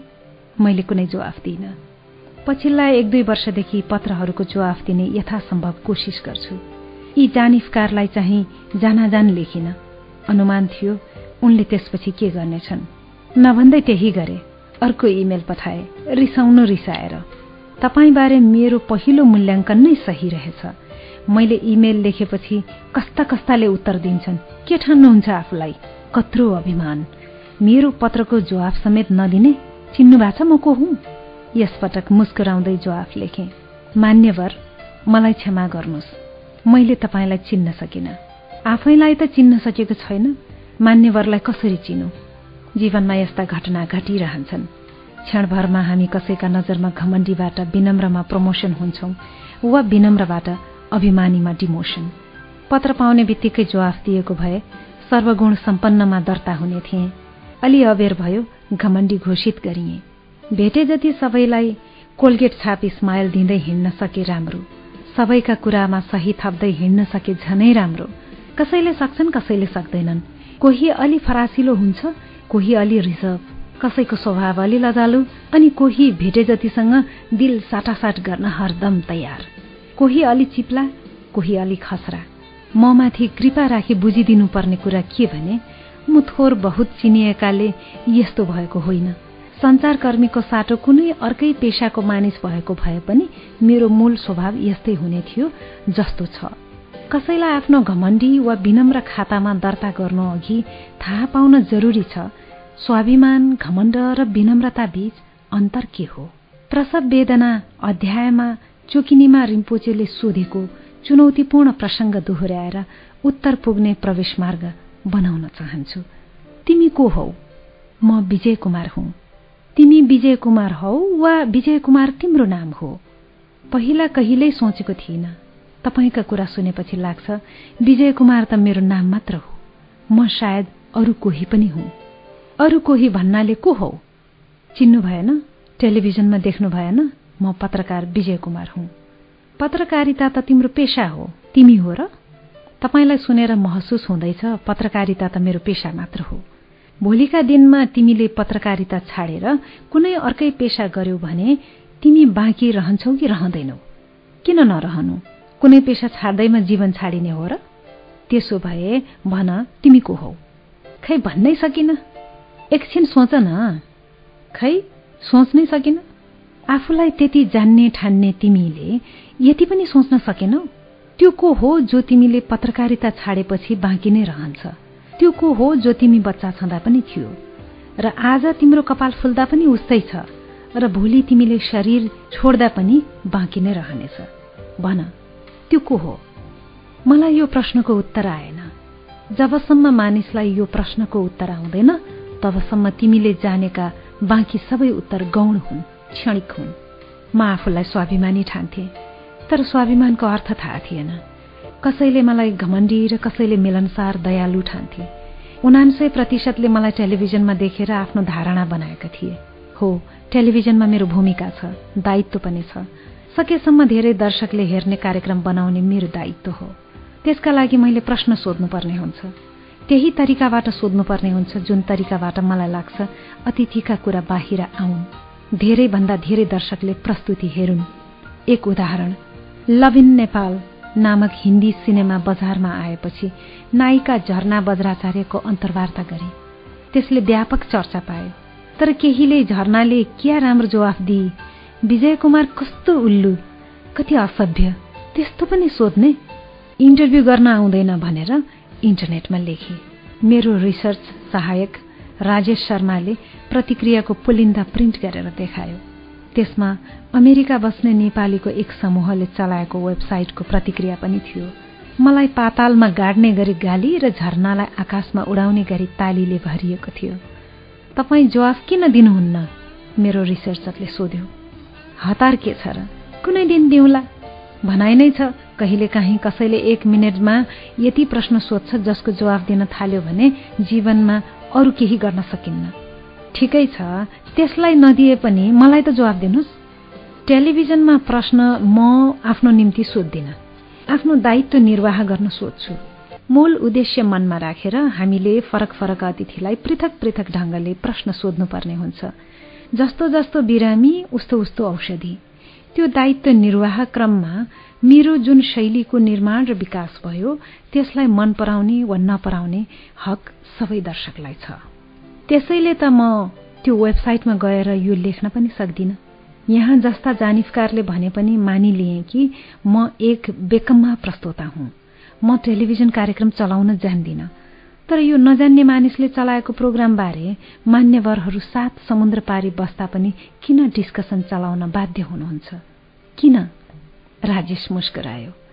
झरना बज्राचार्य सुन्दर र बुद्धिमान नारी हुन्। उनलाई थाहा होला मैले जुन शैलीमा प्रश्न सोधे किन सोधे? अन्तर्वार्ता त उनले मलाई भन्दा पहिला पनि कैयौं दिइन्। पछि पनि दिइन् होला। त्यसको नतिजा पनि उनैलाई थाहा होला। प्रसङ्ग झरना अन्तर्वार्ताको मात्र होइन। कैयौं पटक यस्तो बेहोरे जब मान्यवरले भने क्या जवाफ दियो त्यो झुर प्रश्न सोध्नेलाई? दिशा निर्देश कार्यक्रम क्या राम्रो? त्यसको होस्ट खत्तम।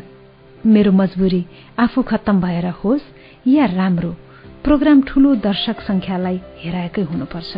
मन पराउनेले मलाई स्वाभिमानी र बुद्धिमान देखे मन नपराउनेले घमण्डी र मूर्ख भन्दै खेदो खाने। मैले पनि आफूलाई स्वाभिमानी नै ठाने।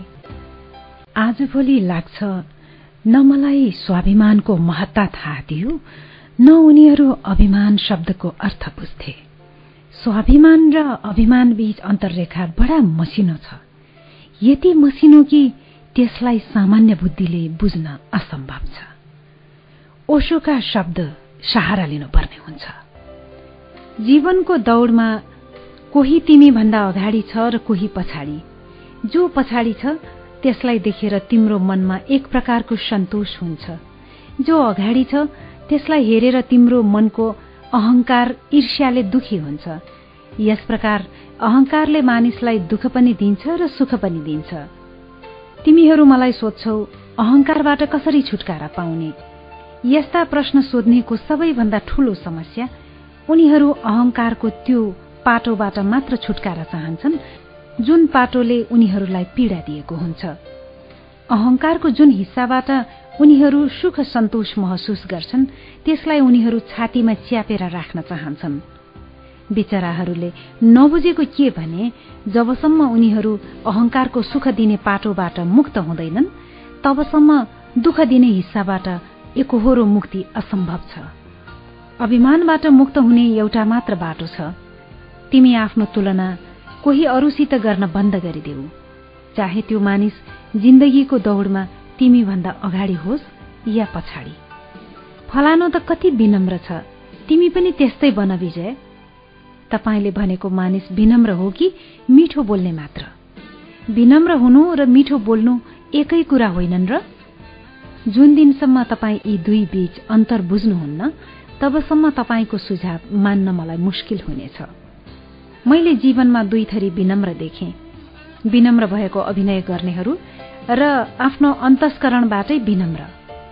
सक्कली विनम्रले आफ्नो र अर्को मानिसको स्व एकै हो भन्ने विश्वास साथ व्यवहार गर्छ। चाहे त्यो अर्को मानिस राजा होस् वा रंक व्यवहार एकै रहन्छ। ठूला साना सबैसित एकनाश व्यवहार विनम्रताको मूल मापदण्ड हो। खस्रो वा चिप्लो बोली होइन। दोस्रा थरी विनम्र भेटे जति सबैसित मिठो बोल्छन् तर मिठो बोल्नु तिनको गुण होइन हतियार हो। अगाडि बसेको मानिससित चिप्लो बोल्दै उसको अहंकार सुमसुम्याउँदै कुरा वा काम फुत्काउने हतियार। मिठो बोली हतियार नभएर सक्कली चरित्र हो भने म सादर नमन गर्छु यो उच्चतम मानवीय गुणलाई। नेपाली शब्दकोशमा विनम्रताको अर्थ लेखिएको छ ज्यादै नुहेको झुकेको लस्केको शब्दकोश बनाउनेलाई मेरो एउटै प्रश्न के का लागि नुहेको? जलपका लागि वा स्व वास्तविकताका लागि? राल्फ वाल्डो इमर्सन भन्छन् हरेक ठूलो मानिस सानो हुन हमेसा तयार रहन्छ। इमर्सनको भनाइमा एउटा शब्द थपेर म वाक्य पुनर्निर्माण गर्न चाहन्छु। हरेक ठूलो मानिस स्वेच्छाले सानो हुन हमेसा तयार हुन्छ। बिख नभएको सर्प र इख नभएको मानिस काम लाग्दैन भन्ने लोकोक्ति छ। इख पनि अहंकार परिवारकै सदस्य हो। इखले मानिसलाई उपलब्धि नजिक पुर्याउने ऊर्जाको काम गर्न सक्छ। त्यसैले जीवनको केही कालखण्डका लागि त्यसलाई प्रयोग गर्नुमा खराबी केही छैन। तर त्यसो गर्दा इखबाट ईर्ष्या हुँदै द्वेषमा पुगिने खतराप्रति सावधान रहन जरूरी छ। प्रतिस्पर्धालाई सही तरिकाले लिन सकिएन भने त्यो व्यक्तिगत दुश्मनीमा परिणत हुन्छ। मैले जीवनमा एक दुईजनाको रिस गरे होला द्वेष कसैसित पनि पालिन। आफ्ना तमाम कमजोरीका बावजुद मलाई आफू बाहेक कोही जस्तो हुन मन लागेन। म मेरो जीवन मै जस्तो भएर बिताउन चाहन्छु। नकाबी जीवनमा रुचि भएन। हुन त नकाबी सिद्धान्तका यथेष्ट अनुयायी छन्। भन्छन् एकछिनको नकाबले फाइदा हुन्छ भने सक्कले मुहार किन देखाउने। आफ्नो चोइस हो। मेरो भन्नु केही छैन। म मुडी थिएँ।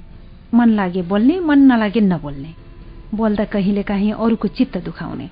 कसैको चित्त दुखाएपछि धेरै बेर पश्चातापमा डुब्ने पनि मै थिएँ। म चाहन्थे मानिसले मलाई मिडियामा मात्र भेटुन्। व्यक्तिगत रूपमा चाहिँ एक्लै छाडिदिउन्। फोन आदि केही नगरून् भेट्न नआउन्। धेरैले मसित कुरा गर्न खोज्थे। म थोरैभन्दा थोरैसित कुरा गर्न चाहन्थे। यही विरोधाभासले म झर्कन्थे पनि। म जीवनमा अकारण जो जोसित रिसाएँ ती सबसित क्षमा माग्न चाहन्छु। हुन त साँच्चीकै रिस उठ्ने खालका केही मानिस मेरो जीवनमा ठोक्किन आए। तिनीहरूसँग रिसाएकोमा मलाई कुनै पछुतो छैन। कोही न कोही रिसाउनै पर्थ्यो म रिसाएँ। एक दिन लामालाई भने गुरु तपाईँलाई घमण्ड जस्तो लाग्ला। मेरो नजरमा स्वाभिमान हो। म आफ्नो अस्तित्वलाई मूल्यवान ठान्छु। गरिबी मलाई स्वीकार्य छ तर गरिमा त्याग्न सक्दिन। पेशागत असफलता म सहूला तर सबैलाई जदौ जदौ गरेर झुटो लोकरी झ्याइ गर्न सक्दिन। कोही राम्ररी बोल्न आए जवाफ दिने हो। खोजी खोजी हिँड्ने काम म परमात्मा बाहेक कसैलाई गर्न सक्दिन। कुरा सुनेर गुरु मुस्कुराए। केही भनेनन्। स्वर अलि उच्चो गरेर मैले भने कृपया मलाई उत्तर दिनुहोस्। विजय तिमीले स्वाभिमान शब्दको अर्थ नै बुझेका छैनौ। त्यसैले यसको धेरै उच्चारण नगर।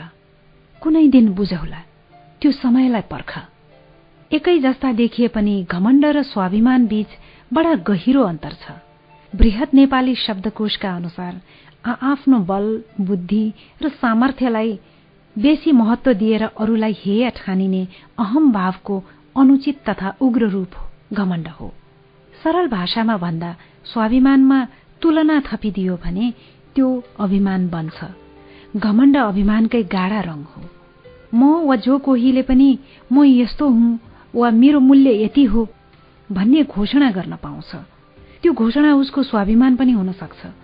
तर म यस्तो हुँ भन्ने घोषणा गर्दा कसैसँग तुलनाको आयाम थपियो भने स्वाभिमान तत्काल घमण्डमा झर्न पुग्छ। म यस्तो छु मात्र भन्नु स्वाभिमानको अभिव्यक्ति हो। म यस्तो छु किनभने म फलानो फलानो भन्दा राम्रो छु। घमण्डपूर्ण कथन हो। किनभने त्यसमा तुलना मिसिएको छ। अरूलाई हेय ठान्ने भाव मेरो मनमा कहिल्यै आएन तर मैले स्वीकार्नै पर्छ। करियरका सुरुवाती वर्षमा मलाई अभिमानको रङ चढेकै हो। आई एम द बेस्ट भन्ने मनोरोगले छोएकै हो। हरेक वर्ष हजारौं मानिसले मेरो तारिफ गर्दा हो त नि भन्ने भाव मनमा आएकै हो। म मुडी र कक्रक्क परेको स्टिफ थिएँ। अप्ठ्यारोमा फलेको फर्सी भन्थे साथीहरू। म कहिले रिसाएर कहिले खुसाएर उत्तर दिन्थे। म तिमीहरू जस्तो सजिलो ठाउँको फर्सी होइन। जसलाई जहाँ जहाँ मन लाग्यो जुन बखत मन लाग्यो टप्प टिपेर खान सकिने माल होइन। धेरैसँग घुलमिल गर्न नसक्ने आफ्नो लजालु स्वभाव छोप्न जीवनको धेरै काल कतै मैले खस्रोपनको नकाब त ओढिन भन्ने शंका पनि हुन्छ। आफ्नो प्राकृतिक स्वभावमा सहज बस्न नसकेर धेरै मानिस समस्या भोग्छन्। मैले पनि भोगे। दुनियाँमा पाँचजना बाहेक अरू कसैलाई पनि मैले आफू कस्तो हुँ भनेर खुलाइन। बाँकी सबैले आफ्नो इच्छा अनुसार मलाई परिभाषित गरे। मैले स्पष्टीकरण दिन जरुरी सम्झिन। कतिपय अवस्थामा जब मानिस आफूलाई स्वाभिमानी भन्दै बखान गरिरहेको हुन्छ यथार्थमा ऊ आफ्नो अभिमान प्रकट गरिरहेको हुन्छ। मैले पनि आत्मसम्मान रक्षा गर्ने नाममा कैयौं पटक आफ्नो अहंकारको मात्र बचाउ गरे होला। सेल्फ रेस्पेक्ट र इगो रेस्पेक्ट बीच लुकेको मसिनो अन्तर बुझ्न मलाई वर्षौं लाग्यो। अभिमान शब्दको अगाडि स्व जोड्ने बित्तिकै बेग्लै महत्ताको शब्द उत्पत्ति हुन्छ। स्वाभिमान। त्यो भनेको आफ्नो स्वलाई सम्मान दिने हो। शब्दकोशका अनुसार स्वको अर्थ हुन्छ आकाश देवलोक मानिसको सबैभन्दा गहिराईमा लुकेको गुण। स्व भनेको म होइन। सेल्फ र आई भिन्न हुन्। मेरो स्व त्यही हो जो मैले पत्रकारिता छाडेको दिन पनि मसितै रहनेछ। मेरो स्व त्यही हो जो मैले शरीर छाडेको दिन पनि बाँकी रहन्छ। स्व अर्थात् आकाश मानिसको सबैभन्दा भित्री गहिराईमा लुकेको वास्तविकता। ओशो भन्छन् जसले आफ्नो स्व चिनेको छ ऊ मात्र स्वाभिमानी शब्दको हकदार हो। यस्तो मानिसले आफूमाथि हमेशा गर्व गर्न सक्छ तर घमण्ड गर्न सक्दैन। यस्तो मानिसले आफूमाथि न कसैको घमण्ड थोपर्ने मौका दिन्छ न त उसले आफ्नो अभिमान कुनै अर्को मानिसमाथि आरोपित गर्छ। सामान्य मानिस आफ्नो घमण्डलाई आत्मसम्मानको नामाकरण गर्दछ। अरूले त्यही गरे उसलाई घमण्डीको दर्जा दिन्छ। यो भेद बडा मसिनो छ बुझ्न मुस्किल तर धेरै प्रयास गरे बुझ्न नसकिने होइन। जब यो पढे मैले आफूलाई स्वाभिमानी मान्न पनि छाडिदिएँ। मैले आफ्नो स्व कहाँ चिनेको छु र? स्वसित परिचित नहुँदै म कसरी भनौँ स्वाभिमानी हुँ? आजको दिनसम्म आइपुग्दा डेल टर्नरको कथन नै मेरा निम्ति स्वाभिमानको परिभाषा बन्न पुगेको छ। आफ्ना गल्ती र कमजोरीलाई स्वीकार गर्नु र तिनको सुधारमा लाग्नु नै उच्चतम स्तरको स्वाभिमान हो।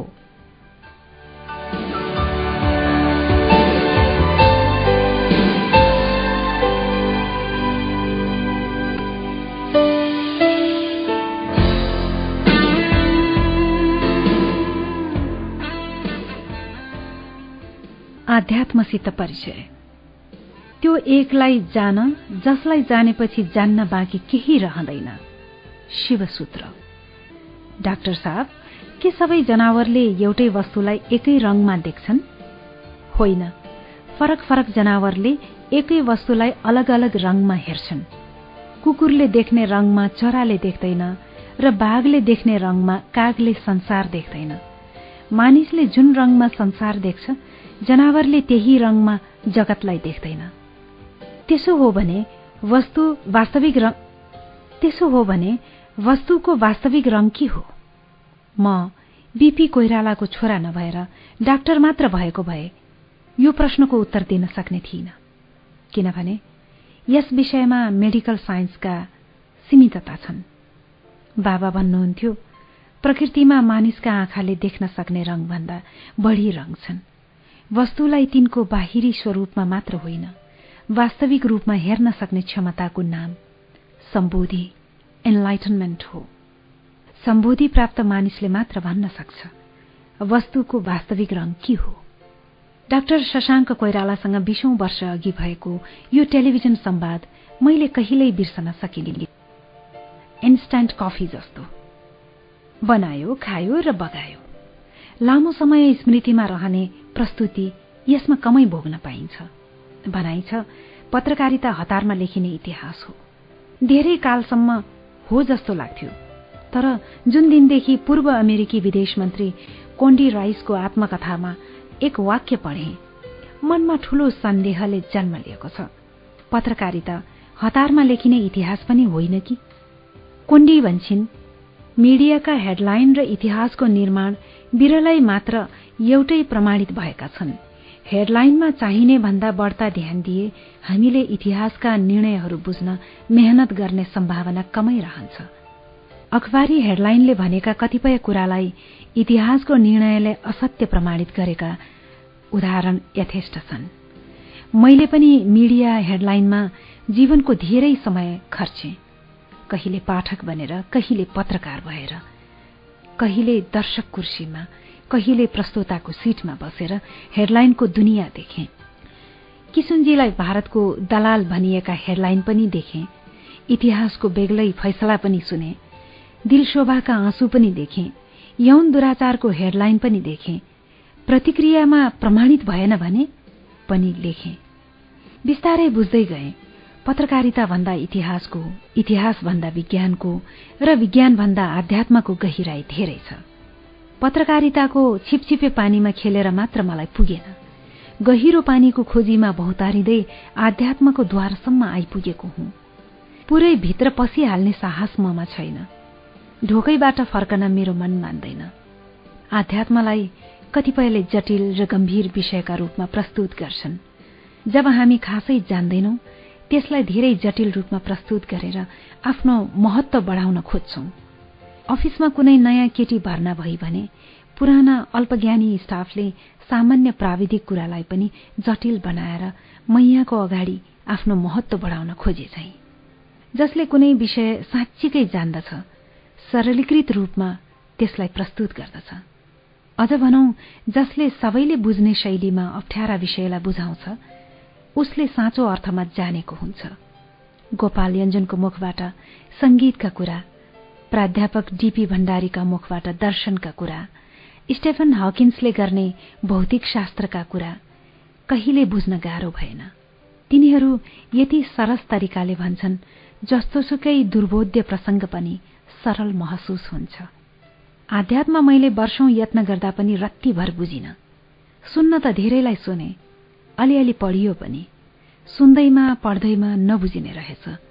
म धर्म र आध्यात्मलाई गम्भीर मुद्रामा अध्ययन र पालन गर्नुपर्ने जटिल विषय ठान्थे किनभने मलाई पण्डितहरूले बाल्यकालदेखि त्यही सिकाएका थिए। उनीहरूले मलाई दिएको यसो गरे भगवान रिसाउँछ उसो गरे पाप लाग्छ भन्ने लिस्ट सात हात लामो थियो। पण्डितजी मलाई बारम्बार तिमी भगवानसित डराउ भन्थे। सानैदेखि विद्रोही स्वभावको थिए। चित्त नबुझे पण्डितजीको कुरै छाडौं। भगवान स्वयं अगाडि आए पनि म सुन्न तयार थिइनँ। म भगवानलाई मान्थे तर उसित डराउन्नथे पुराणमा लेखिएको छ भन्दैमा सबै कुरा स्वीकार्न मेरो चित्त मान्दैनथ्यो। तिमीलाई भगवानको श्राप लाग्न सक्छ। पण्डितजी जिब्रो टोक्दै तर्साउँथे श्रापको डरलाग्दो सम्भावनाले पनि मलाई भगवानसित त्रसित गराएन। किनभने म भगवानलाई प्रेम गर्छु। पण्डितजीलाई पुराण कथामा लेखिएका धेरै कुरा थाहा थियो तर एउटा कुरा थाहा थिएन। जोसित प्रेम गरिन्छ उसित डराउनु पर्दैन। प्रेम श्रापको डर भन्दा पनि माथि छ। म भगवानसित त्रास र चाकरी होइन। प्रेम र समर्पणको आधारमा सम्बन्ध गाँच्न चाहन्छु। देवता मध्ये श्रीकृष्ण मेरा प्रिय हुन्। हुन त उनी भगवान राम जस्तो पर्फेक्ट छैनन्। मलाई पर्फेक्ट कुराहरू बोरिङ लाग्छन्। चाहे ती देवता नै किन नहुन्। श्रीकृष्णमा जीवनको पूर्णता पाउँछु। बत्तीस लक्षणले युक्त नभए पनि उनी आफैमा पूर्ण छन्। बच्चा छँदा अनेक बदमासी गर्ने युवा अवस्थामा सोह्र हजार गोपिनीसित फ्लर्ट गर्ने शान्तिको वकालत गर्ने तर परिआए महायुद्धका निम्ति तयार भएर बस्ने। रणभूमिमा उभिँदा उभिँदै गीता जस्तो महाग्रन्थ रच्न सक्ने। सबै गुणहरूको समयोग फल योग अवतार श्रीकृष्ण मलाई बडा कलरफुल लाग्छन्। जीवनका जटिल रहस्यलाई कृष्णले कति सजिलै लीलाका रूपमा बुझाए। त्यसैले त उनी दुःखमा सुखमा हारमा जितमा मानमा अपमानमा हरेक अवस्थामा आफ्नो रहस्यमय मुस्कान छाड्दैनन्। उनलाई थाहा छ संसारमा जे देखिन्छ क्षणभरको खेल बाहेक केही होइन। खेललाई खेल भनेर बुझियो भने ओठमा मुस्कान बाहेक के पो आउन सक्छ र? जसोतसो जीवनका जटिलतासित परिचित हुँदै गए। मलाई लाग्न थाल्यो जीवन राम र रावण दुई भागमा मात्र विभाजित रहेनछ। राम र रावणको बीचमा पनि धेरै चरित्र छन्। सेतु र कालो रङ बीच धेरै रङ छन्। संसारका अधिकांश मानिस अलिकति राम र अलिकति रावण हुन्।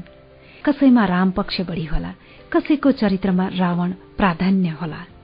जब मैले जीवनलाई कालो र सेतो दैत्य र देव गलत र सही भन्ने अङ्क गणितीय विभाजन गर्न छाडे श्रीकृष्णप्रति आकर्षण थपियो। भगवान रामलाई त मैले दूर क्षितिजमा पढेको मात्र हो तर श्रीकृष्ण लीला त नित दिन कुनै न कुनै रूपमा भोग्दैछु। कृष्ण बढी मानवीय र बहुआयामिक लाग्छन्। परिस्थिति अनुसार श्रीकृष्ण कुटिल बन्न सक्छन् छल गर्न सक्छन् साथै सरल र इमान्दार पनि हुन सक्छन्। राम मर्यादाबाट कहिले एक इन्ची तलमाथि हुँदैनन्। कस्तो परिस्थितिमा रामले के प्रतिक्रिया देखाउलान् अनुमान गर्न सोच्नै पर्दैन। रामको रङ हमेशा एकै जस्तो कृष्णका रङ हजार। धर्म भन्ने शब्द पाली भाषाको धम्मबाट आएको हो। धम्मको अर्थ हुन्छ नियम। कुनै पनि धर्मलाई दुई भागमा विभाजित गर्न सकिन्छ। धर्मको कर्मकाण्डी पक्ष र धर्मको आध्यात्मिक पक्ष। धर्मको कर्मकाण्डी पक्षको आफ्नै महत्व छ। म चाहिँ धर्मको आध्यात्मिक पक्षमा बढ़ी रुचि राख्छु। धर्म त्यस्तो मानिसका लागि हो जो मरेपछि नर्क जान डराउँछ। आध्यात्म उसका लागि हो जो जिउँदै नर्क पुगेर आइसक्यो। अमेरिकी गायिका बोनी राइटले ठट्टामा भनेका शब्दभित्र गहिरो अर्थ देख्छु। रुचि राख्छु आध्यात्ममा तर साँचो अर्थको आध्यात्मिक मानिस हुन सकेको छैन। एक थरी भन्छन् पहिला दुनियाँ शान्त थियो आजभोलि अशान्त भयो। पुराना मानिस धार्मिक थिए अहिले सबै पापी भए। बकवास कुरा हो यो।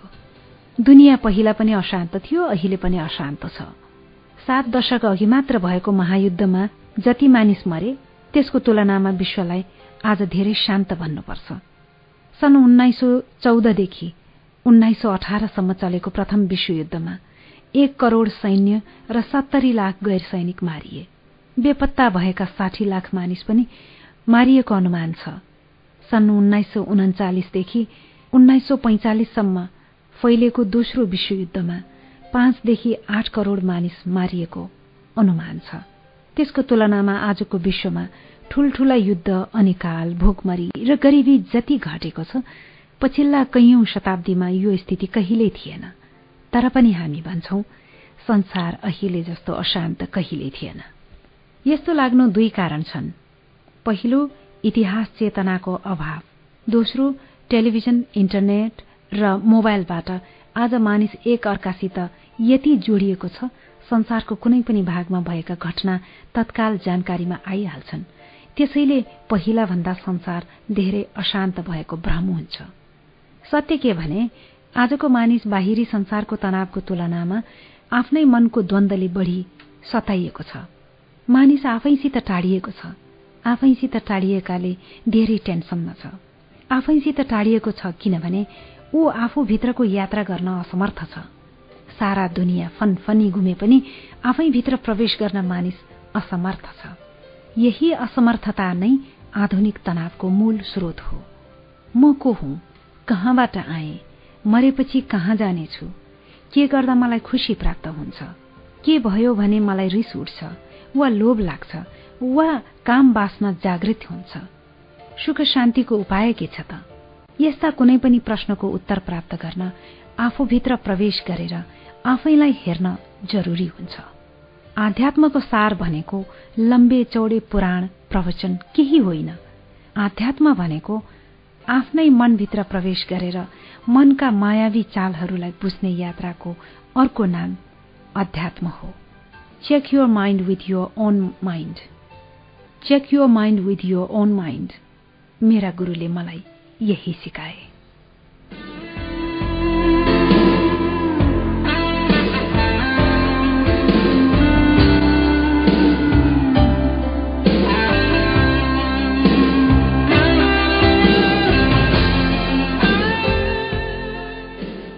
संसारमा तीन शब्द सर्वाधिक महत्वका छन्। अन्नोन नोन र अन्नोएबल अज्ञात ज्ञात र अज्ञेय। हिजोसम्म जे अज्ञात थियो विज्ञानले त्यसलाई आजको दिनमा ज्ञात गराउन सक्छ। आज जे अज्ञात छ भोलिको विज्ञानले त्यसलाई ज्ञात बनाउन सक्छ। तर केही कुरा हिजो पनि मानिसका निम्ति अज्ञात थिए आज पनि अज्ञात छन् र भोलि पनि अज्ञात नै रहनेछन्। त्यस्ता विषय मानिसको सामान्य बुद्धि कन्सियस माइन्ड भन्दा पर रहेका विषय अज्ञेय हुन् र अन्वयबल हुन्। अल्बर्ट आइन्स्टाइनले भनेका छन् मानिसको मस्तिष्क यो संसारका पूर्ण रहस्य बुझ्न असमर्थ छ। मानिसको मस्तिष्कका दुई भाग छन् चेतन मस्तिष्क कन्सियस माइन्ड र अचेतन मस्तिष्क सबकन्सियस माइन्ड विज्ञान एक्लैका निम्ति अचेतन मस्तिष्कमा प्रवेश असम्भव छ। अज्ञेयको क्षेत्र विज्ञानका निम्ति हमेशा वर्जित रहनेछ। आध्यात्म आफैभित्र रहस्यमय यात्रा हो। रहस्यमय यस अर्थमा हामीलाई आफ्नो विषयमा थोरै मात्र थाहा छ। म सेराक्युजमा पढ्थेँ। छिमेकी कर्नेल विश्वविद्यालयमा प्रसिद्ध अन्तरिक्षविद कार्ल सेगन अध्यापन गर्थे। उनको एक भनाइको ममा ठूलो प्रभाव छ। सारा अन्तरिक्ष हामी भित्रै छ। हामी उनै तत्वले बनेका छौं जुन तत्वले यो विश्व ब्रह्माण्ड बनेको छ।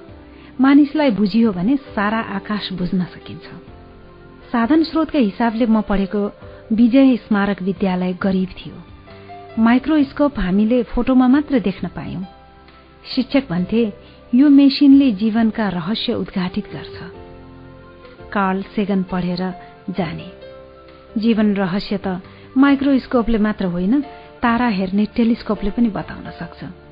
किनभने हामी तिनै रसायनबाट बनेका छौं जुन रसायनबाट अन्तरिक्ष सृजित छ। ग्रह र ताराले पनि हामी प्राणीलाई हेर्न जाने भने थाहा पाउनेछन् उनीहरू पनि तिनै रसायनले निर्मित छन् जे मिसिएर हामी बनेका छौं।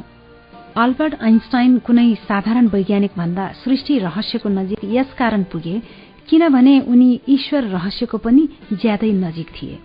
सृष्टि रहस्य र ईश्वर रहस्य एकै कुरा हुन्। प्रकृति र परमात्मा एकै हुन्। पत्रकारिता भन्दा इतिहासको इतिहास भन्दा विज्ञानको र विज्ञान भन्दा अध्यात्मको गहिराई धेरै छ। यो नबुझ्दासम्म म बहुतारिए दुःख पाएँ। पत्रकारितालाई नै ज्ञात अज्ञात र अज्ञेयको सार मानेको भए त्यसरी भौतारी नै थिइन। नभौतारिएको भए धेर थोर स्पष्टता पनि पाउने थिइन। भौतारिने क्रममा मैले मदिरालय पुस्तकालय सचिवालय विश्वविद्यालय फुटपाथालय कुनै ठाउँ बाँकी राखिन। वेश्यालय एक ठाउँ चाहिँ पुगिन। कुनै विशेष कारणले होइन। पैसा तिरेर स्खलित हुनुपर्ने स्थिति जीवनमा आई नपुगेकाले मात्र त्यता नगइएको हो। होइन भने शारीरिक वेश्यावृत्ति गर्नेप्रति मेरो मनमा अन्य कुनै प्रोफेसनल जतिकै सम्मान छ।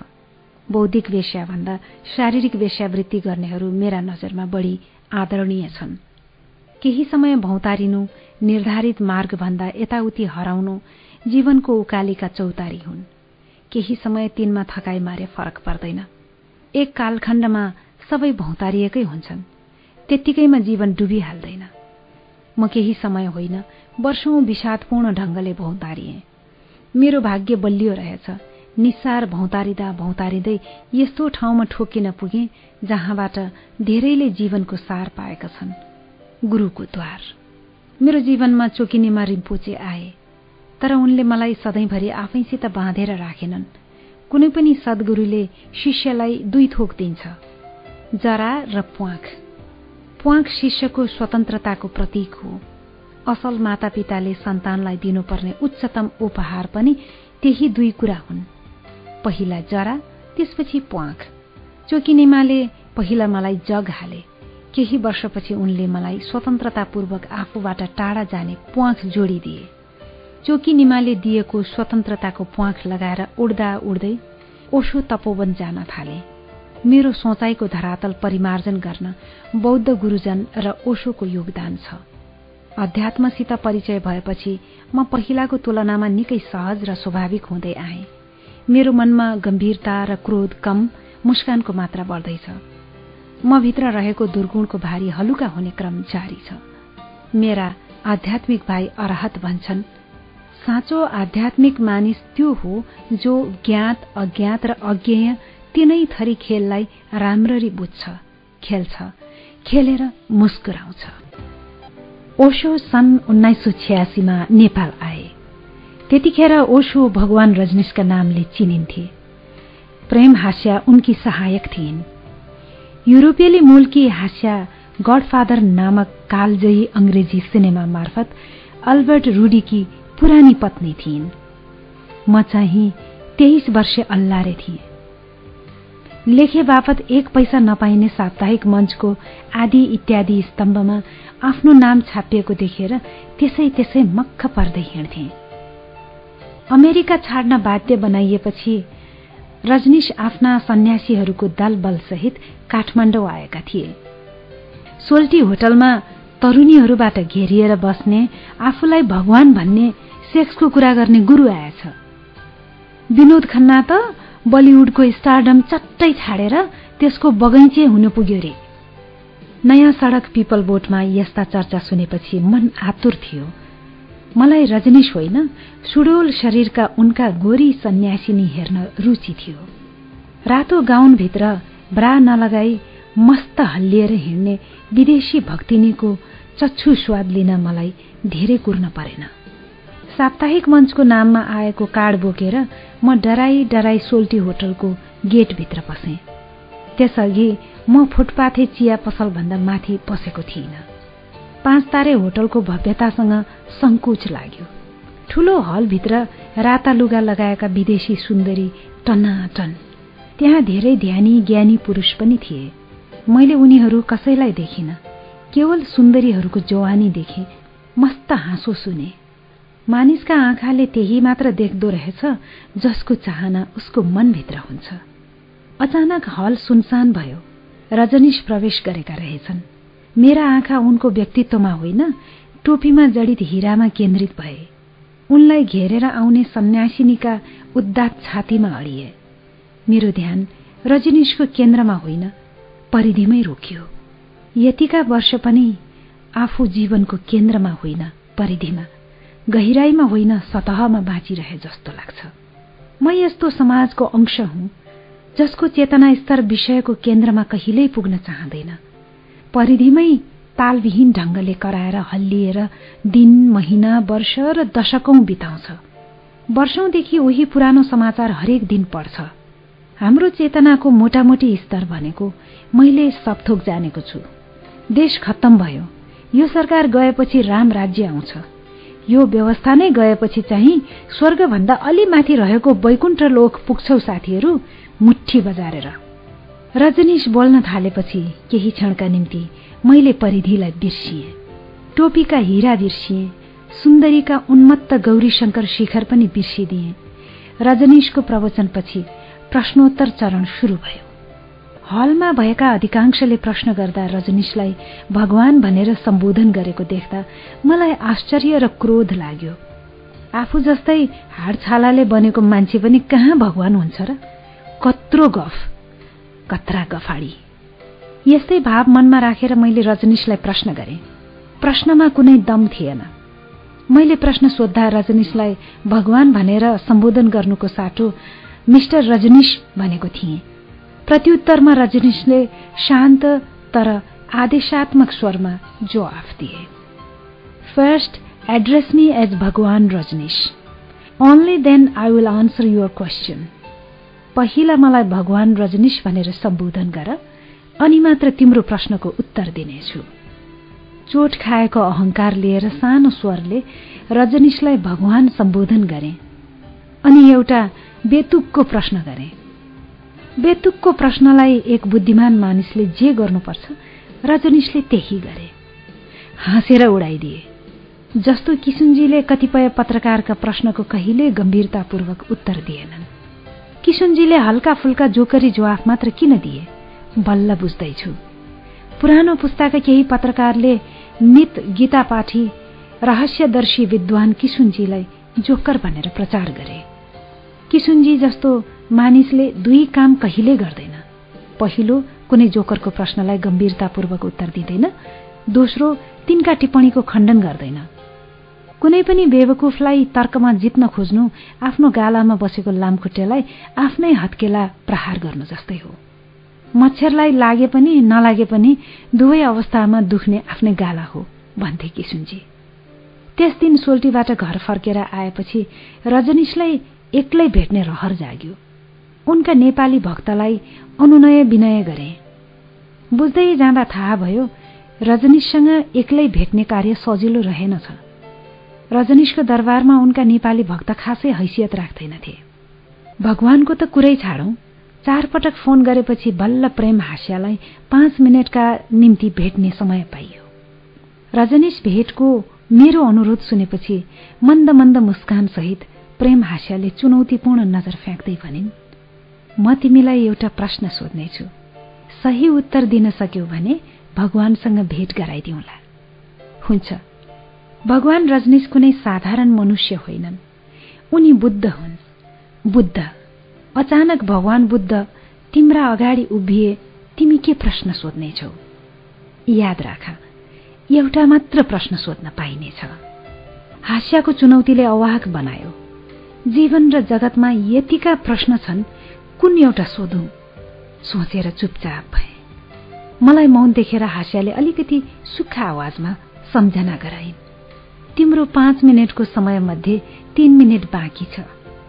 भगवान बुद्ध कुनै दिन मेरा अगाडि आउने कल्पना समेत नगरेको मानिस हुँ म। त्यस्तो क्षणको कल्पना मात्रले मेरो मन खलबलिएको छ। खलबलिएको मनले यस्तो गहन प्रश्न तीन मिनटमा खोज्नै सक्दैन। कृपया समय थपिदिनुहोस्। हास्याले उन्मत्त हाँसो सहित भनिन् ठिक छ विजय म तिमीलाई चौबिस घण्टा समय दिन्छु। सम्झदा छक्क पर्छु। वर्षौंपछि चोकिनेमा रिम्पोचेले पनि मलाई उत्तर दिन चौबिस घण्टाकै समय दिए। खैर त्यस रात अबेरसम्म र भोलिपल्ट बिहान पनि धेरै सोचे। अन्तमा थाकेर उत्तर सोच्ने प्रयास छाडिदिए। तर सुखद आश्चर्य जब मैले प्रयत्न छाडिदिएँ अचानक मन हल्का भएर आयो।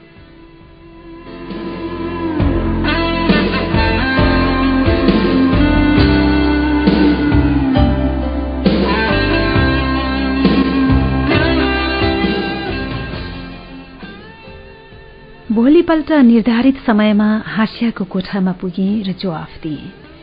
स्वयं बुद्ध नै आफ्नो अगाडि उपस्थित भइसकेपछि के पो सोधिरहनुपर्छ र? जसका अगाडि साक्षात बुद्ध प्रकट भएका छन् त्यो भाग्यमानीका निम्ति के पो सोध्न बाँकी रहन्छ र? भगवान बुद्ध मेरा अगाडि प्रकट भए उनलाई केही पनि सोध्ने छैन। चुपचाप मौनमा डुबेर दर्शन मात्र गर्नेछु। Beautiful beautiful! भन्दै प्रेम हास्याले मलाई अङ्कमाल गरिन्। भोलिपल्ट सोल्टीको स्विमिङ पुल छेउ लन्च खुवाइन्। मैले खानामा ध्यान दिन सकिन। वरिपरि बिकिनी लगाएका केटीहरू छ्याल ब्याल थिए। बिकिनी लगाएको शरीर हेर्ने यो मेरो पहिलो मौका थियो। एकपटकमा एउटा काम गर्न सिक विजय कि खाना खाऊ? कि बिकिनी लगाएकालाई हेर। जे गरे पनि शत प्रतिशत ध्यान लगाएर गर। हास्याले मुस्कुराउँदै सिकाए। दोस्रो भेटमै म हास्यासँग आकर्षित भएँ। तेस्रो भेटमा चार सय रुपियाँ ऋण गरेर उसका निम्ति पश्मिना स्वेटर किने उपहार। उसले धेरै बेर मुसारी रही त्यसको हप्ता दस दिनपछि रजनीश नेपालबाट फर्के। मेरो मानस पटलबाट पनि हराए। हराएका रजनीश करिब बीस वर्षपछि मेरो जीवनमा फर्किए। स्वामी आनन्द अरूणका माध्यमबाट। बीचका वर्षमा रजनीश ओशोका रूपमा रूपान्तरित भइसकेका थिए। उनको शरीर पृथ्वीबाट विदा भइसकेको थियो। दुई हजार त्रिसठी पुसतिरको कुरा। अरूण स्वामीले तपोवनमा आयोजित एक सत्संगमा मेरो हातमा जबरजस्ती माइक थमाइदिए। अरूण स्वामीका अगाडि बसेर ओशोकै विषयमा बोल्न संकोच लागिरहेको थियो। तैपनि बोले म बीस वर्ष अघिको घटना सम्झँदैछु। आफूलाई जबरदस्ती भगवान भन्न लगाउँदा कति रिस उठेको थियो। अबुझ थिएँ म। भगवान शब्दलाई कति सीमित रूपमा बुझ्थे। म नाथेले रजनीशलाई भगवान भन्दैमा वा नभन्दैमा उहाँ स्वयंलाई केही फरक पर्ने थिएन। मलाई भगवान शब्दसित जीवन्त रूपमा परिचित गराउन उहाँले मलाई त्यो आदेश दिनुभएको रहेछ। बौद्ध लामाहरूको कृपा नभएको भए मलाई यो पनि थाहा हुने थिएन। लुम्बिनीमा जन्मेका राजा शुद्धोदनका छोरा राजकुमार सिद्धार्थ भन्दा पहिला पनि संसारमा बुद्धहरू थिए। पछि पनि भए र अहिले पनि छन्। भविष्यमा पनि हुनेछन्। बौद्ध धर्ममा बुद्ध शब्द शाक्यमुनि बुद्धका निम्ति मात्र आरक्षित छैन। बुद्ध कसैको नाम होइन। यो त एक अवस्था मात्र हो। ओशोले जीवनमा दस हजार भन्दा बढी स्वस्फूर्त प्रवचन दिएका छन्। एक थरीलाई भ्रम छ। ओशोले सेक्स मात्र सिकाउँछन्। सत्य के भने ओशो जीवन सिकाउँछन्। जसभित्र सेक्स पनि पर्छ। यदाकदा आवश्यक र प्रासंगिक स्थानमा जस्तो ओशोको एउटा बहुचर्चित पुस्तक छ। सम्भोग से समाधि तक जस जसले यो पुस्तकलाई मस्त राम कि मस्त जुवानी नामक पोनो ठानेर किने सबैले आफ्नो पैसा बर्बाद भएको गुनासो गरे। ओशो सेक्ससँग नक्कली ब्रह्मचारी झै डराएर भागेका छैनन्। न त उनी सेक्सका पछाडि लोभी स्याल झै रियाल चुहाउँदै दौडेका छन्।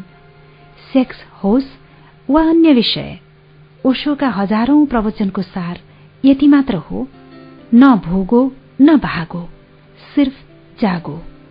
जीवनका हरेक पक्षलाई होसपूर्वक साक्षी भावले हेर्नुपर्छ। सेक्स मात्र होइन कुनै पनि विषयलाई साक्षी भाव राखेर होसपूर्वक विथ अवेरनेस हेरियो भने त्यो विषय वासनाको आसक्ति मनबाट आफसे आफ तिरोहित हुन्छ भन्ने ओशोको मान्यता छ। यो कुनै मौलिक मान्यता होइन। हजारौं वर्षदेखि सबै बुद्धहरूले यही भन्दै आएका छन्। आध्यात्मिक चिन्तनको पहिलो र अन्तिम सत्य दुजोम रिम्पोचेले जम्मा दुई वाक्यमा यसरी व्यक्त गरेका छन्। लाखौं लाख प्रवचन गरिए पनि बुझ्नुपर्ने सिक्नुपर्ने जम्मा एक कुरा छ। त्यो हो होस राखेर बाँच्ने कला। संसारमा जति पनि जागृत पुरुष वा महिला भए ती सबैले सारमा एउटा कुरा भने एक अर्काको नक्कल गरेर एउटै कुरा भनेका होइनन्। सत्य आफ्नो शिखरमा पुग्दा एउटै हुन्छ।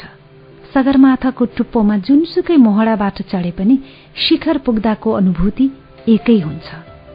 विचार शब्द र वाणीको त्रिमूर्ति ओशो भन्छन्। शब्दहरूमा मलाई विश्वास छैन तर तिमीहरू आज चेतनाको जुन स्तरमा छौ त्यहाँसम्म पुग्न मैले भाषा नबोली नहुनाले मात्र बोलिदिएको हुँ। परम ज्ञान निशब्द छ। अस्तित्वले मौनको माध्यमबाट मात्र आफ्ना परम रहस्य प्रकट गर्न सक्छ। जीवन र जगतका गहनतम रहस्यमा प्रवेश गर्न मौन बाहेक अर्को कुनै द्वार छैन। स्वतन्त्रता प्रेमसित अविभाज्य छ। प्रेममा स्वतन्त्रता छैन भने त्यो प्रेम होइन बन्धन हो। चोकिनेमा रिम्पोचे मलाई माया गर्छन्। त्यसै कारण मलाई स्वतन्त्रता दिए। आफूबाट पनि पर जाने स्वतन्त्रता। उनले मलाई जग हालिदिए अनि उड्ने प्वाख लगाइदिए। त्यति मात्र होइन उनले उडेर जाने ठाउँ समेत बताइदिए। नामखा रिम्पोचे। दुई हजार छ्यासठी हिउँदमा नामखा रिम्पोचेको दर्शन पाउने बित्तिकै मेरो संसार निकै बदलियो। नामका रिम्पोचेले शब्दद्वारा मलाई केही सिकाएनन्। शब्दबाट सिकाएको भए म केही सिक्ने पनि थिइनँ। उनले मलाई केही गरेर होइन केही नगरी सिकाए। शब्दले होइन मौनताले पढाए। मेरो सौभाग्य मैले उनी जस्ता गुरु पाएँ। मेरो दुर्भाग्य जे जति सिक्नुपर्ने हो सिक्न सकेको छैन। मेरो पाल परेको भाँडोमा गुरुले जतिसुकै खन्याए पनि भरिएको छैन। एउटा फाइदा अवश्य भएको छ। मैले धाराको खोजी बन्द गरेको छु।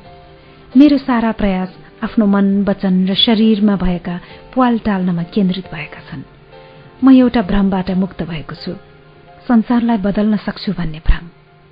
आफूलाई रत्तीभर नबदलिकन संसार परिवर्तन गर्ने सपना देख्थे म। अब संसार बदल्ने सपनाबाट मुक्त भएको छु। संसार बदल्नै नसकिने त होइन। सकिन्छ। तर त्यसरी होइन जसरी म सोच्थेँ। रिम्पोचेले एक दिन कथा सुनाए।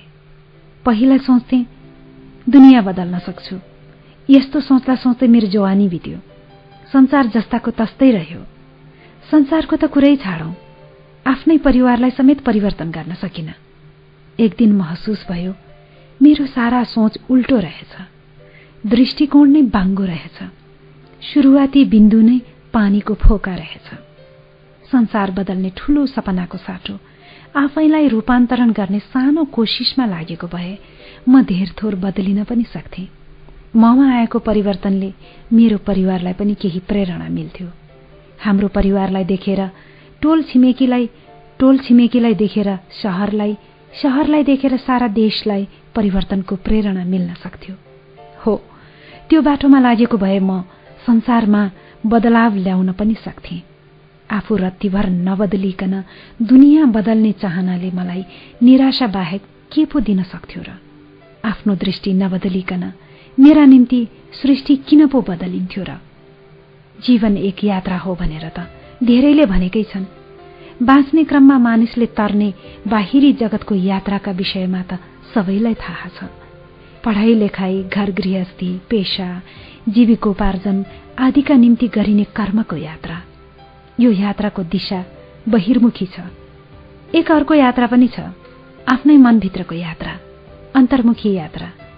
यो नै सबैभन्दा कठिन यात्रा हो। अरूलाई हेर्नभन्दा आफैलाई निहाल्न धेरै आत्मबल चाहिन्छ। म अरूका विषयमा जति सजिलै कमेन्ट दिन्छु मेरो आफ्नै बारेमा पर्दा त्यसो गर्न सक्दिन। मेरो यात्रा अपूर्ण छ। म कोसिस गर्दैछु। सन्तान आफ्नो सन्तान भविष्यमा के कस्तो बन्ला भनेर हामी कति धेरै सोच्छौं है? सन्तान भविष्यको यति धेरै चिन्ता गर्ने बेला हामी बिर्सिरहेका हुन्छौं। बच्चा आजैको दिनमा पनि त केही बनिसकेको छ। स्टासिया टाउसर। मातापिताका निम्ति सन्तानको खुसीले कति महत्व राख्छ भन्ने भावना शब्दमा भन्न सकिन्न। कपाल फुलिसकेका छन् मेरा तर पनि इजाको नजरमा म बच्चै छु। मेरो ससाना विषयमा इजाले पीर गरेको देख्दा कति झर्को मान्थे म। तर जुन क्षणदेखि छोरी संसारमा आई तबदेखि इजाको व्यवहारलाई बढी महसुस गर्न सक्छु। आफै मातापिता नभई सन्तानप्रतिको माया नबुझिने रहेछ। एक परिचित मारवाडी छन्। एक दिन छोरासित उनको ठूलै खटपट परेपछि थाकेको स्वरमा भने पुत सपुत्तो धन्क्यौं सन्चे पुत कपुत्तो धन्क्यौं सन्चे सन्तान राम्रो भयो भने धनको के काम? आफै कमाइहाल्छ। सन्तान खराब निस्कियो भने पनि धनको के काम? सबै उडाइहाल्छ। मारवाडी भाइलाई मैले कुनै जवाफ दिइन।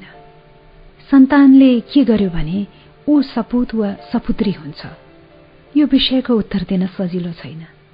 जरुरी छैन कि सपुत वा सुपुत्री कहलिनका लागि मातापिताको मापदण्ड नै सही होस्। जरुरी त यो पनि छैन। सन्तानले सोचेका कुरा मात्र ध्रुव सत्य हुन् जो जो मातापिता र सन्तानले यो संवेदनशील सम्बन्धको धागोलाई सम्हालेर राख्न सकेनन्। ती सबैको मुटुमा नमिठो पीडाको गाँठो आजनमा बस्यो। म चाहन्छु मेरा सन्तान सुयोग्य र सुखी होउन् मनको कुनामा आफ्ना सन्तान मैले चाहे बमोजिम बाटोमा हिँडुन् भन्ने अभिलाषा छ। यस्तो सोच्ने बेला म बिर्सिरहेको हुन्छु। आफूले चाहेको बाटोमा म आफै त हिँड्न सकिन भने कोही अर्को मानिस कसरी हिँड्ला चाहे ऊ मेरै रगत किन नहोस्। यस्तो सोच मनमा आउने बित्तिकै स्टासिया टाउसरको वचन सम्झन्छु। आउँदै नआएको भविष्यको कल्पनामा कतै मैले जीवित वर्तमानको उपेक्षा त गरिन। सन्तानसँग वर्तमानको सुख दुःखमा नबाँचेर भविष्यको पिरलोमा बाँच्ने अधिकांश अभिभावक झै मैले पनि परिवारको खुशीलाई आफ्नै हातबाट पर त धकेलिन। सन्तानसित सक्दो समय बिताउने उसको जीवनका ससाना कुरामा रुचि राख्ने सँगै हाँस्ने खेल्ने बोल्ने अनुभव सेयर गर्ने मैले यथेष्ट गरिन भन्ने आत्मग्लानी हुन्छ आजभोलि। छोरी जन्मिनु अघि म केटाकेटी त्यति रुचाउन्न थिएँ केटाकेटी भनेका बेला कुबेला रुने कराउने लगातार ध्यान दिइरहनु पर्ने आदि कर्मसित जोडिएका अनावश्यक इरिटेन्ट हुन् भन्ने लाग्थ्यो। तर दुई हजार पचास वैशाख बाइसका दिन जब मैले आफ्नो पहिलो सन्तान देखेँ काखमा लिएँ तत्क्षण मेरा निम्ति संसार बदलियो। मातापिताका निम्ति सन्तान आफ्नो जीवनको विस्तार हो एक्सटेन्सन हो। सन्तानको माध्यमबाट मानिसले अमरत्वको तृष्णा मेट्ने कोसिस गर्दो रहेछ। चित्रकारका निम्ति पेन्टिङ गायकका निम्ति गीत कृषकका निम्ति बाली शिक्षकका निम्ति विद्यार्थी उद्योगपतिका निम्ति उत्पादन यी सबै कुरा सृजनाका भिन्न भिन्न रूप मात्र हुन्। आमाका निम्ति सन्तान यो संसारको उच्चतम सृजना हो। वैशाख बाइसलाई अलि विस्तारमा सम्झन चाहन्छु। त्यस दिन सुषमालाई व्यथाले च्यापेपछि डाक्टर सुपात्रा कोइरालाले मलाई पनि ओम अस्पतालको प्रसुति कोठाभित्रै बस्न भनिन्। विजय तिमीले थाहा पाउनुपर्छ आमा बन्न कति मुस्किल छ भनेर। प्रसुति कोठामा बिताएको तीन घण्टा मलाई वर्षौं लामो लाग्यो। सानातिना घटनाले मेरो मनलाई बतासे पात झैँ हल्लाइदिन्छन् तर सुषमाको मन वटवृक्षको जरा जस्तो स्थिर छ। त्यस्तो शान्त स्वभावकी सुषमा पनि त्यो दिन अस्पतालमा प्रसव पीडाले छटपटाइरहेकी देख्दा म झनै विचलित भएको थिएँ। धेरै बेर प्रसुति कोठामा अडिन सकिन बाहिर यताउति गरेर समय छल्ने प्रयत्न गरे तर त्यस दिन समय बित्दै नबित्ने घडीको सुई सर्दै नसर्ने। प्रसुति कोठामा पसेको तीन घण्टा जतिपछि Supatra बाहिरिन्। Congratulations Vijay. It's a baby girl thank you Supatra. Thank you so much Supatra. Thank you खुसीले सुपात्राका दुवै हात समातेर मैले भने पहिलो सन्तान छोरी जन्मेकोमा हामी धेरै खुसी थियौं। अस्पतालमा भएको एउटा बुढो मानिसले भनेको सम्झन्छु। छोरी पाएर पनि कति धेरै रमाएर सबैलाई मिठाई बाँडेको। छोरा पाए त के पो गर्थ्यो हो? कुन्नी किन हो? पुरुषभन्दा नारी श्रेष्ठकर सृजना हो भन्ने मलाई हमेसा लाग्थ्यो। कुन्नी किन हो? पुरुषभन्दा नारी श्रेष्ठकर सृजना हो भन्ने मलाई हमेसा लाग्यो। अब त सन्देहरहित भएर घोषणा गर्न सक्छु नारीत्वको सुवास पुरुषोचित गुणहरूको तुलनामा धेरै माथि छोरीका ओठ एकदमै साना थिए। यति साना कि आमाको दुध पनि राम्ररी चुस्न नसक्ने। सुषमाले आफ्नो दुध सानो चम्चामा निचोरेर छोरीलाई खुवाएको सम्झन्छु। हिजै जस्तो लाग्छ नयाँ सड़कको मुन्चा हाउसबाट छोरीलाई झुलाउने झुलाउन ल्याएको। जिन्दगीलाई पछाडि फर्केर हेऱ्यो भने सबथोक हिजै जस्तो लाग्छ। कहिलेकाहीँ सोच्छु जिन्दगी भन्नुको साटो हिजै जस्तो लाग्छ भने पनि हुन्छ। अर्थ फरक पर्दैन। सुषमाले छोरीलाई बडा प्यारो नाम दिए सारांशिका। हामी सारा भनेर बोलाउँछौ। उसको मुखबाट निस्किएको पहिलो शब्द बा थियो। उसको पहिलो जन्मदिन हामीले धुमधाम साथ मनायौं। सयजना जतिलाई बोलाएका थियौं। मङ्गला भाउजू गणेशमानजी र किसुनजी आएको सम्झन्छु। जर्मनीबाट भर्खरै आएकी सुजाता कोइराला ती दिनमा बडो स्लिम र स्मार्ट देखिन्थिन्। किसुनजीले छोरीलाई चार आना सुनको असर्फी दिए सुषमाको माइती र साथीहरू मेरा साथीहरू थियौं। रमाइलो वातावरणमा दिउँसोको खाना खाएको सम्झन्छु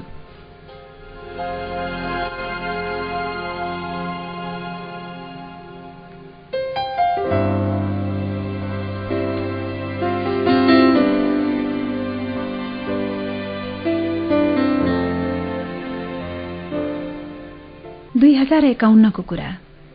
चौध महिनाकी सारांशिकालाई इजाको काखमा छाडेर सुषमा र म वर्ष दिनका लागि अमेरिका गयौं। नेपालमा इमेल थिएन। टेलिफोन खर्चिलो थियो। आइतबार छुट्टीको दिन अलि सस्तो पर्थ्यो। मेरो स्कलरसिपको उल्लेख्य अंश फोनमा खर्च भयो। छोरीले फोनमा बा भनेको सुन्नु मेरा लागि अमूल्य अनुभूति थियो। आज लेख्न बस्दा छोरीको सानाभन्दा साना कुरा सम्झना आइरहेछ। तर छोरी सानी छँदा मेरो ध्यान छोरीमा कम राजनीति वा समाजका बढे बढे गफमा बेसी हुन्थ्यो। फलानोले यसो गर्यो उसो गर्यो ढिस्कानोले के गर्यो ढिस्कानोले यो गर्यो त्यो गर्यो भन्दा भन्दै मेरा कैयौं वर्ष बिते। अर्थ नवर्थका गोविन्द गाई कुराहरूमा भुलेर मैले छोरीलाई दिनुपर्ने जति समय दिइन भन्ने ग्लानी आज मेरो मनमा छ। सारांशिकालाई मात्र होइन ऊ भन्दा साढे तीन वर्ष कान्छो भाइ सारांशलाई पनि दिनुपर्ने जति समय दिइन भन्ने पीडाले सताउन थालेको छ। म सोच्थे खाना बस्न पुर्याएकै छु बिरामी भएको बखत डाक्टरकोमा लगेकै छु स्कुल गएकै छन् सुषमा घरै हुन्छे इजा हुन्छन् बच्चा अलि ठूला होलान् अनि म पनि बसेर दुःख सुखका कुराकानी गरौंला। हुन त पत्रकारितामा लाग्नेहरूसित समय प्राय कम हुन्छ। बेला न कुबेलाको पेसा हो। यो बिजी विदाउट बिजनेसवालाको काम हो। बेकारमा बरालिनु पर्नेको पेसा हो। यो नबराली पनि नहुने। बरालिँदै बरालिँदै उमेर सिद्धिएर बुढ्यौले आइपुग्छ। अचानक पत्रकार बन्धुलाई होस आउँछ। सारा संसारका कुरा गर्दा गर्दै देश दुनियाँका मानिससित परिचय बढाउँदा बढाउँदै आफैसित परिचय गर्न भुलिएछ। म व्यस्त थिएँ। सत्य हो। तर यति व्यस्त पनि होइन समय नै निकाल्न नसकौं। समय भनेको प्राथमिकताको कुरा हो। फेरि समय दिने भनेको घण्टा गन्ने मात्र होइन सन्तानको हृदयभित्र पस्ने कुरा हो। सन्तानका भावनासित परिचित हुने कर्म हो। रात दिन एउटै छानामुनि रहेर पनि मातापिता सन्तान बीच भावनात्मक सम्वाद स्थापित भएको छैन भने बिताइएका घण्टाहरूको घनत्व पातलै मान्नुपर्ने हुन्छ। भौतिक रूपमा टाढा भए पनि हृदयहरू जोडिएका छन् भने सम्बन्धको सुवास अर्कै हुन्छ। मातापिता र सन्तान भौतिक र मानसिक दुवै दृष्टिबाट एकात्मक छन् भने सुनमा सुगन्ध। छोराछोरी सानो छँदा मसित राजनीतिक गफका लागि यथेष्ट समय थियो। साथीभाइसित घण्टौं मदिरा सेवन गर्ने समय थियो। तर परिवारका निम्ति म बिजी थिएँ।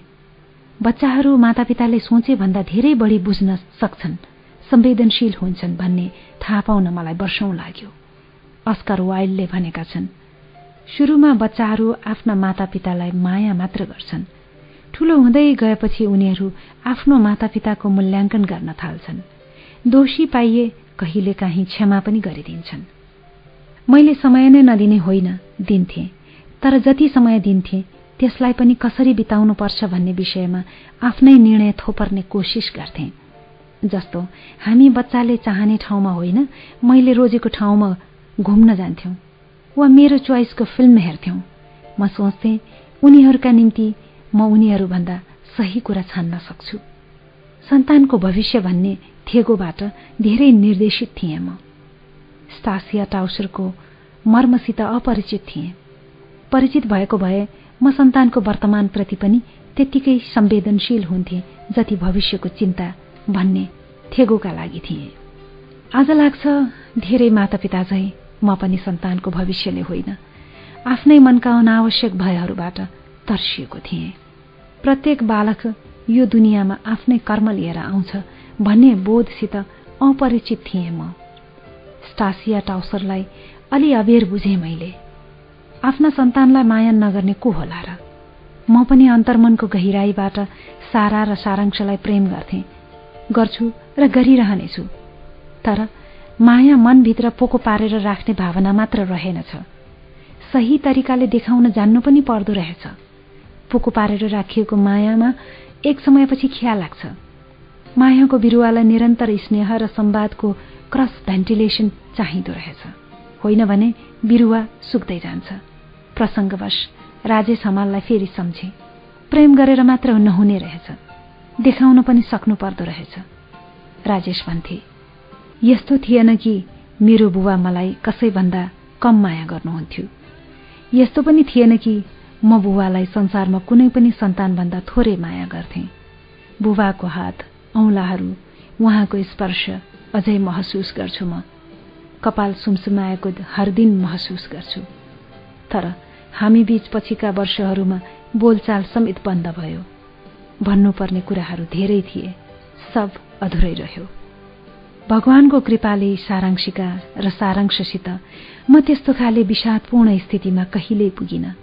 तर स्वीकार्नै पर्छ सुरुका आत्मकेन्द्रित वर्षहरूमा मैले आफ्नो कामलाई र आफ्नो निजी मोजलाई परिवारको समग्र खुसीभन्दा माथि राखेँ। सन्तान सुखको महत्व त्यो समग्रतामा महसुस गर्न सकिन जसरी गर्नुपर्ने थियो। आई मिस डोज मोमेन्ट्स भन्ने पछुतो छ। छोरीले सात वर्षकी हुँदा बुढानील कण्ठ स्कुलमा नाम निकाली। जुन दिन उसको नाम मैले स्कुलको सूचना पार्टीको भर्ना लिस्टमा देखेँ खुसीले मेरा आँखा भरिए। झण्डै तीन दशकदेखि मैले आफ्नो नाम र मुहार देशभित्र र कहिलेकाहीँ देश बाहिरका सञ्चार माध्यममा देख्दै आएको छु। तर त्यस बिहान बुढानील कण्ठ स्कुलको त्यो सानो सूचना पार्टीमा सारांशिका पाण्डे लेखिएको देखेर म जति खुसी भएँ त्यसका सामु सञ्चार माध्यममा छाउँदै आएको मेरो नाम फिक्का लाग्यो। मानिसलाई आफ्नो भन्दा सन्तानको उपलब्धिमा धेरै बढी खुसी लाग्दो रहेछ। तेइस वर्ष अन्तरमा पिता पुत्र विमल प्रसाद र जयन्त प्रसाद नेपालका लागि भारतका राजदूत भए। दुई हजार सत्तरी सालको कुरा। छोरा भेट्न काठमाडौँ आएका विमल प्रसादको तीव्र इच्छा अनुसार हामी किसुनजीको आश्रमतिर गइरहेका थियौं। बाडे गाउँ जाने बाटोमा मैले विमल प्रसादलाई सोधे आफू राजदूत भएकोमा बढी सन्तुष्टि भयो कि छोरालाई त्यही कुर्सीमा आसीन भएको देखेर? कुन पिता होला जो सन्तानको उपलब्धिमा बढी खुसी नहोस्? भारतीय राजदूतले चढ्ने सेतो मर्सदिजको पछाडि सिटमा मसित बसेका विमल प्रसादले मुस्कराएर त्यसो भन्दा ड्राइभर छेउको सिटमा बसेका पुत्र जयन्त प्रसादको मुहार उज्यालियो। नउज्यालियोस् पनि किन? कुन छोरा होला जसले पिताका मुखबाट स्याबासीका शब्द सुनेपछि गर्वको अनुभूति नगरोस्? मानिस आफू जस्तो सुकै दुःखबाट हुर्केको भए पनि सन्तानको भविष्य चाहिँ दुःखरहित होस् भन्ने चाह गर्छ। सुरुका दिनमा छोरी क्लासमा एकदमै चुपचाप बस्दिरे चार कक्षामा हुँदा एकजना सरले उसका विषयमा रिपोर्ट कार्डमा लेखेका अक्षर सम्झन्छु। सारांशिका एकदम डोसाइल विद्यार्थी हो। एक दिन प्रिन्सिपल एनपी शर्माले बोलाए एक दुईजना अन्य सर पनि थिए। तीमध्ये एकले भने तपाईँकी छोरी सारांशिका अलि स्मार्ट हुन पर्यो। लजालु हुनु भएन। जमाना यस्तो कम्पिटिटिभ छ। तपाईँ जस्तो प्रसिद्ध र सफल मानिसको छोरीले जीवनमा अलि छिटो दौडन सिक्नु पर्यो। सर सब थोक गर्नुहोस् तर मेरो छोरीलाई तथाकथित स्मार्टनेस र पढाइको दौडमा सामेल गराउन दबाव नदिनुहोस्। ऊ बिस्तारै फक्रने फूल हो। म मेरो सन्तानलाई सफल होइन खुसी मानिस बनाउन चाहन्छु। पढाइमा बडे बडे स्मार्टहरू जीवनमा गुल्टिएको मैले देखेको छु।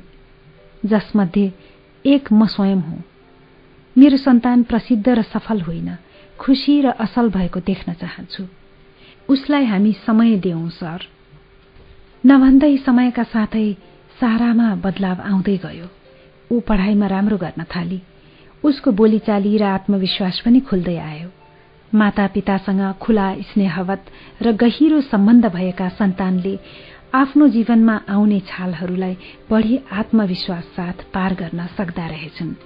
मेरो जीवन जति जति सरल र सहज हुँदै गयो सन्तानको मुहार पनि त्यसै अनुपातमा फुल्दै फक्रँदै गयो। ए लेभलमा पुगिन्जेलसम्म साराको गणना बुढा नीलकण्ठका राम्रा विद्यार्थीमा हुन थाल्यो। साराले ए लेभल गरेपछि एनपी सरसँग भेट भयो। सारा कक्षा चारमा हुँदा भएको भेटको सम्झना गर्दै उनले भने तपाईँ त्यस्तो विरलै अभिभावक हुनुहुन्छ जसले आफ्नो सन्तानलाई पढाइमा दबाव नदिन भन्नुभयो। सर हामी अभिभावकको समस्या के भने हामी आफूले जीवनमा कहिल्यै ल्याउन नसकेको नम्बर आफ्ना केटाकेटीले एकै पटक ल्याउन् भन्ने अपेक्षा गर्छौं। बच्चालाई दबाव होइन। प्रोत्साहन पो दिनुपर्छ। बुढा नीलकण्ठमा नाम निकालेको नौ वर्षपछि फेरि एकपटक साराले आफ्नै लब्धाङ्कको ताकतले भारतको नेशनल स्कूल अफ लमा नाम निकाली। जीवनभरि कुनै दूतावाससँग व्यक्तिगत फेभर नमागेको मलाई मेरो छोरीले आफ्नो शिक्षाका निम्ति कसैलाई अनुरोध गर्न मौका दिइन। मैले चाहेको भए भारतीय दूतावासबाट वा दिल्लीमा कसैलाई भनेर उसका निम्ति आर्थिक छात्रवृत्ति दिलाउन सक्थे होला। त्यसो गर्न मैले खासै चाकरी गर्नुपर्ने थिएन। इच्छा प्रकट गरे पुग्थ्यो। तर मित्रता अनुग्रह रहित राख्न सके मात्र सम्बन्ध बढी समतामूलक हुन्छ भन्ने भावनाले मैले छोरीको छात्रवृत्ति निम्ति आफ्नो मुख खोलिन। भारतले नेपालमा कस्ता कस्ता मान्छेका सन्तानलाई स्कलरसिप दिएर राखेको छ भन्ने थाहा पाए छक्कै पर्नुहोला। कस्ता कस्ता मान्छेले दूतावास वा रहका एजेन्टहरू सामु गिडगिडाएर स्कलरसिप मागेका छन्। एक दिन दूतावासको एक अधिकृतले मलाई भन्यो वो बड़ा राष्ट्रवादी है ना? वो हमारे आदमियों के साथ रो रो के बेटे के लिए स्कॉलरशिप मांग रहा था। आपने क्या किया? इतने बड़ा राष्ट्रवादी की इज्जत का तो ख्याल रखना पड़ता है। उसको व्यङ्ग्य बाण सुनेर म धेरै बोल्न सकिन। चुपचाप बसे। सन्तानका निम्ति मातापिताले जे गर्न पनि तयार हुनु कुनै अस्वाभाविक कुरा होइन। दुई हजार उनसत्तरी साल शिवरात्रिका दिन भारतीय राजदूत जयन्त प्रसादले वान टू वान लन्चमा बोलाएका थिए। त्यस दिन म झण्डै साढे दुई घण्टा राजदूत निवास इण्डिया हाउसमा बसेँ। इण्डिया हाउसमा अवसर हेरी अतिथिलाई तीन फरक फरक स्थानमा निमन्त्रित गरिन्छ। इण्डिया हाउस अगाडिको विशाल चौर जहाँ गणतन्त्र दिवस वा कुनै सांस्कृतिक कार्यक्रम आयोजना गरिन्छ। दोस्रो स्थान राजदूतको बैठक कोठा र डाइनिङ हल हो। भारतीय राजदूतको डाइनिङ टेबलमा एकैपटक चालिसजना जति अटाउँछन्। तेस्रो स्थान बिरलै अतिथिलाई मात्र लगिन्छ। इण्डिया हाउसको माथिल्लो तलामा रहेको लाउन्ज बैठक कोठा वा राजदूतको निजी डाइनिङ कोठा। नेपाल आएका राजदूत मध्ये देव मुखर्जी र जयन्त प्रसादले चाहिँ मलाई माथिल्लो तलामा रहेका यी कोठाहरूमा स्वागत गरेको सम्झन्छु। त्यहाँको कौशीबाट चौरमा भएका सबैलाई देख्न सकिन्छ। चौरमा उभिएकाहरूले कौशीमा के छ भेउ पाउँदैनन्। त्यस दिन राजदूत जयन्त प्रसादसित लामो कुरा भयो। विश्व राजनीतिदेखि आध्यात्मसम्मका विविध विषयमा। नेपालमा भारत सरकारले विगतमा गरेका गल्तीका विषयमा मैले सिधा शब्दमा कुरा राख्दा जयन्त प्रसादले भने तपाईँ शब्द नचपाइकन कुरा राख्नुहुन्छ। किनभने मेरो तपाईँसित लेनादेना खासै केही छैन। एकपटक आफ्नी छोरीलाई छात्रवृत्ति मागौँ भन्ने विचार मनमा नआएको होइन। म कुनै धनी मानिस पनि होइन। छात्रवृत्तिको रकमले मेरो बजेटमा निकै सहयोग पुग्न सक्थ्यो। तपाईँका पूर्ववर्ती सबै राजदूतहरूसित मेरो व्यक्तिगत सम्बन्ध राम्रै थियो। मलाई त्यो कुरा थाहा छ। त्यसो भए यो पनि थाहा होला मैले एकपटक हल्का भनेको भए कुनै न कुनै प्रकारको स्कलरसिप मेरो छोरीलाई पनि मिलाउन सकिन्थ्यो होला। पक्कै हो तर किन भन्नु भएन? मलाई लाग्यो जबसम्म मैले आफ्नै बलबुताले छोरी पढाउन सक्छु भने किन तपाईँहरूलाई दुःख दिने? त्यसबेला मैले मागेको भए आज तपाईँसित यो अट्टालिकामा बसेर मनमा लागेका सही वा गलत भावनाहरू निर्धक्क व्यक्त गर्न सक्थेँ र महामहिमहरूसित मनमा लागेका कुरा खुलस्त बगबग गर्न पाउने सुविधाको कुनै मूल्य त चुकाउनै पर्यो नि। होइन र? हाँस्दै भने। राजदूत जयन्त प्रसादले मेरा कुरा गम्भीरता र रुचि साथ सुने तर कुनै जवाफ दिएनन्। मुसुक्क हाँसे मात्र। अरू दिन उनी मलाई आफ्नो भवनको ढुकासम्म विदा गर्न आउँथे। त्यस दिन पार्किङ एरियासम्म आए। म ढोका खोलेर थोत्रो मारुतिभित्र पसेँ। राजदूत जयन्त प्रसाद म प्रति यति आदरपूर्वक गाडीको ढुका छेउ उभिए। मलाई अप्ठ्यारो लाग्यो।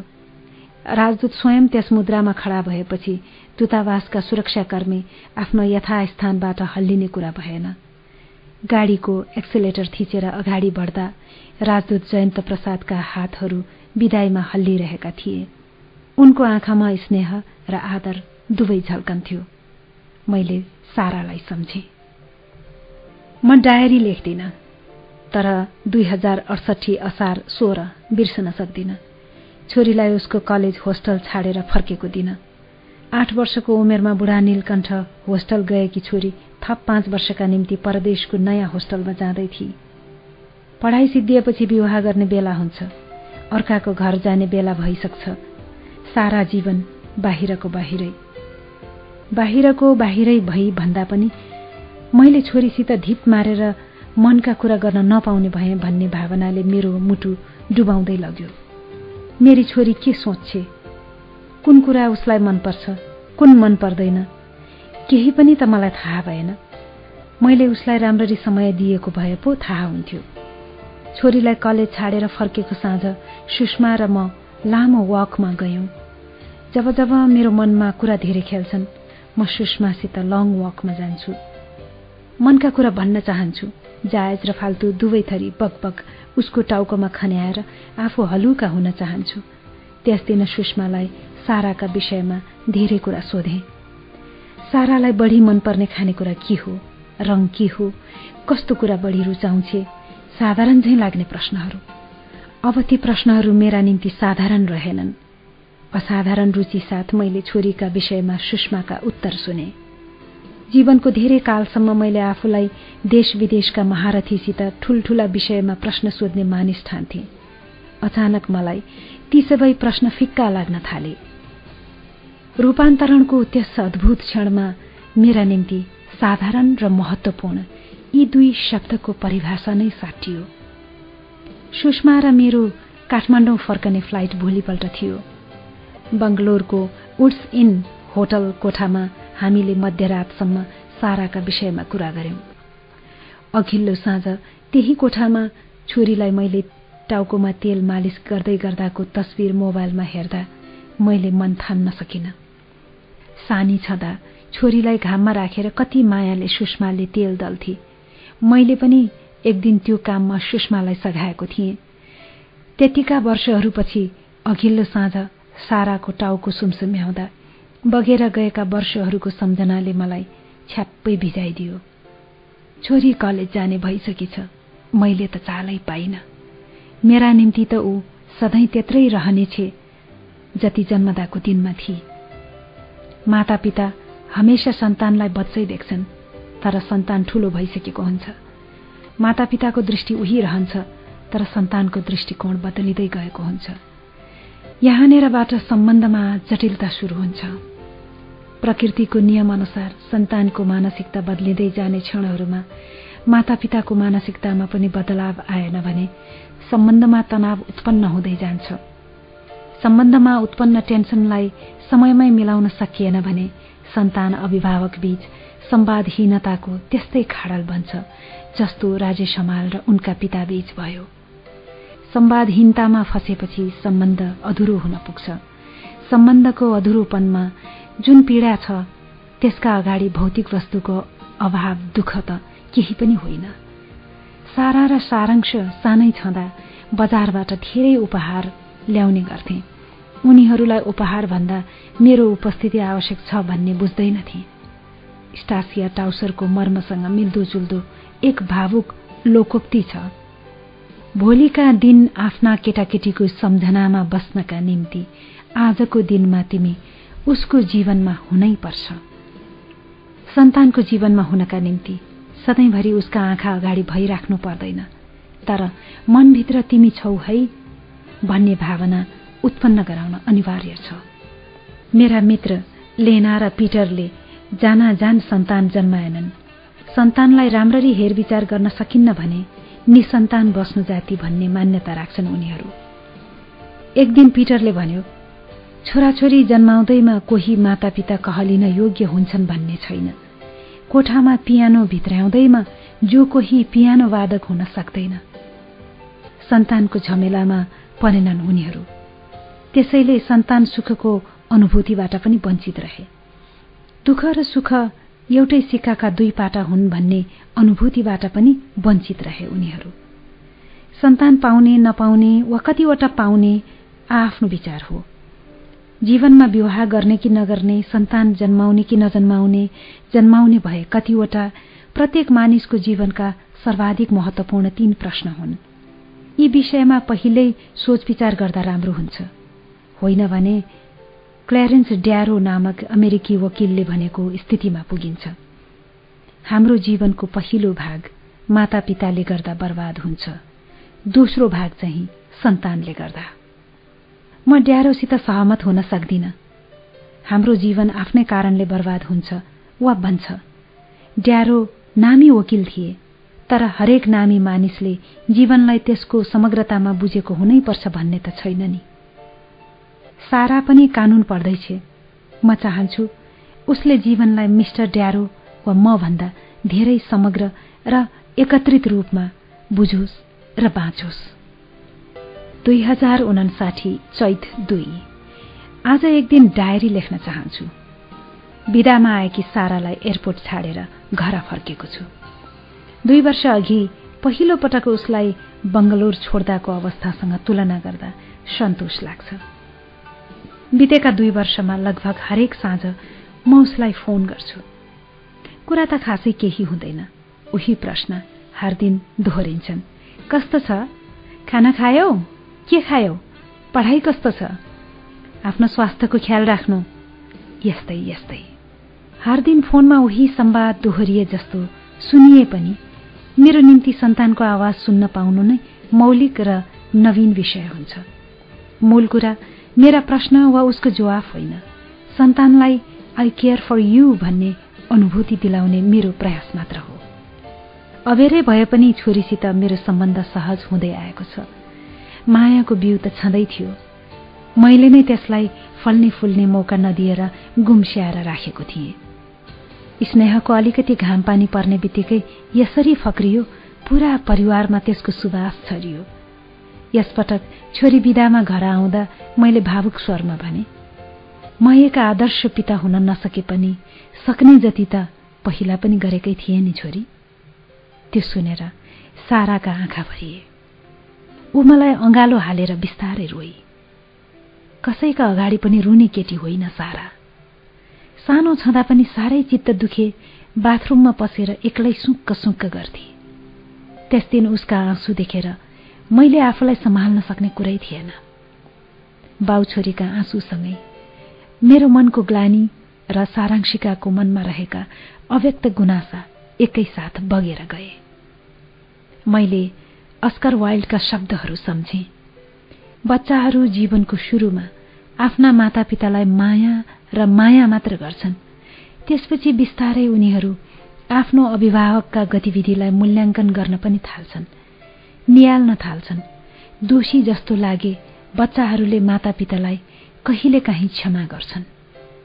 छोरा सारांशसित एउटा भावुक सम्झना जोडिएको छ। पाँच कक्षामा पढ्थ्यो।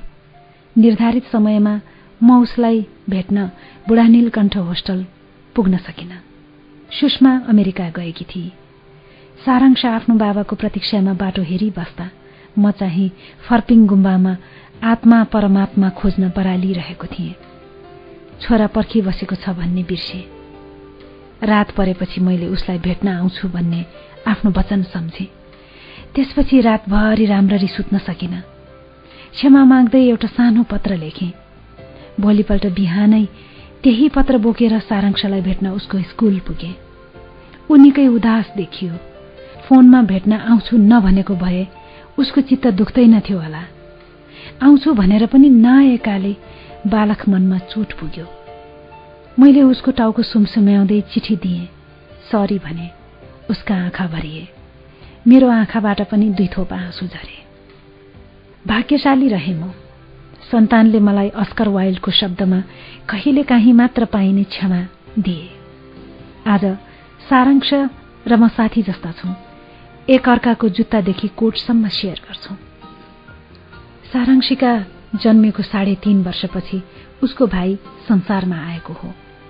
दिदी झैँ भाइको नाम पनि सुषमाले नै छानी सारांश। सारांशले तोते बोलीमा दिदीलाई मानी भनेर बोलाएको सुन्दा सुरुमा हामी छक्क पर्थ्यौं। ऊ दिदीलाई किन मानी भनेर बोलाउँछ। हाम्रो घरमा सहयोगी सरस्वती दिदीले सारालाई सधैँ महारानी भनेर बोलाएको सुन्दो रहेछ। महारानी शब्द उच्चारण गर्न नसकी मानी भन्दो रहेछ। पछि सबैले घरमा सारालाई मानी भन्न थाल्यौं। सारांशका आनी बानी सुषमाका जस्ता छन् सुन्दर शान्त र सुशील। सत्र वर्षमै ऊ म जत्रै अग्लो छ पाँच फुट एघार इन्च। सारांश राम्रो बानी बेहोरा भएको केटा हो। मिलनसार र सौम्य। बुढानील कण्ठका सरहरूले यसो भन्दा खुसी लाग्छ। म जीवनको एक कालखण्डमा मिलनसार र सौम्य हुन नसके पनि छोराले ती गुण आत्मसात गर्न सक्यो भन्ने थाहा पाएर सन्तोष लाग्छ। मातापिताले आफ्ना सन्तानलाई धन प्रतिष्ठा र करियरको रेसमा पट्टी बाँधेको घोडा झैं एकहोरो दौडाउन अघि बुझ्नुपर्छ। आजको युगमा सन्तानले ठूलो सफलता हासिल गर्नभन्दा कुलतमा नलाग्नु नै ठूलो उपलब्धि हो। पूर्व राजा ज्ञानेन्द्रलाई आफ्नो राजपाठ गएकोमा भन्दा पारसको हालत देखेर बढी दुःख लाग्छ होला। बिचरा पारसको कुरा मात्र किन गर्ने? मेरो आफ्नै गरौं न।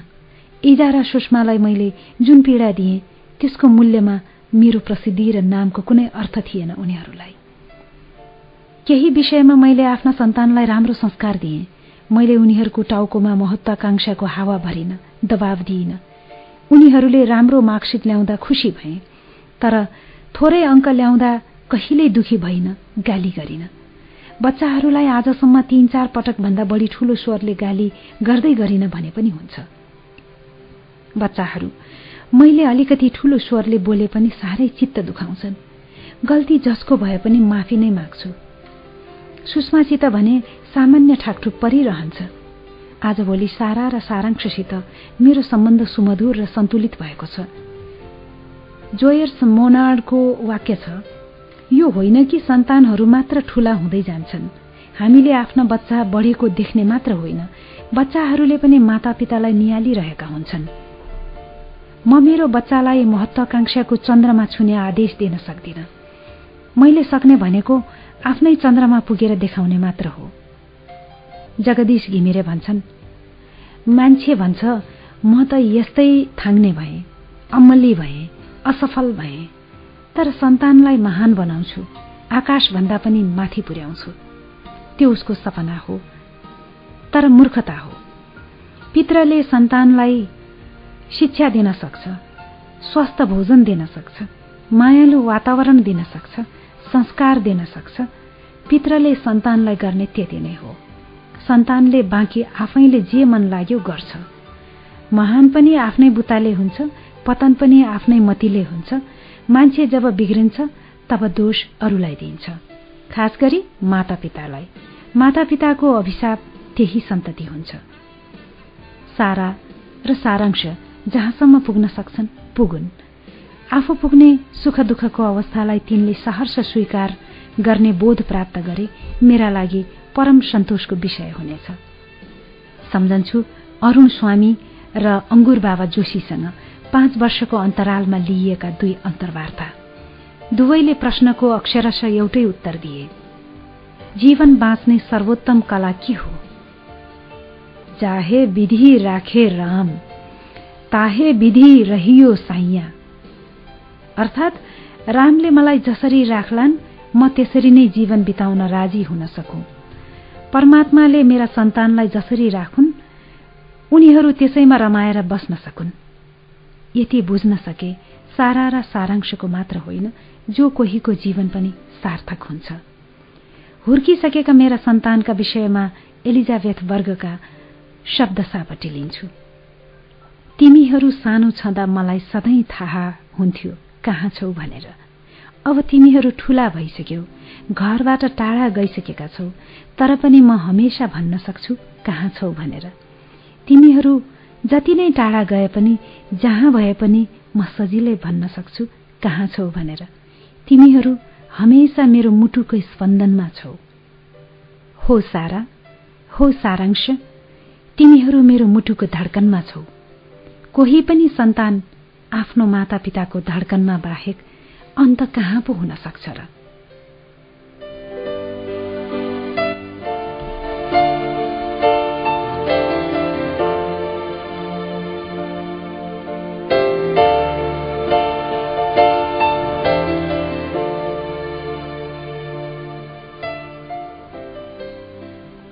सानो छँदा स्कुलमा एक दिन शिक्षकले भने तिमी ठूलो भएपछि के हुन चाहन्छौ? यस विषयमा निबन्ध लेखा।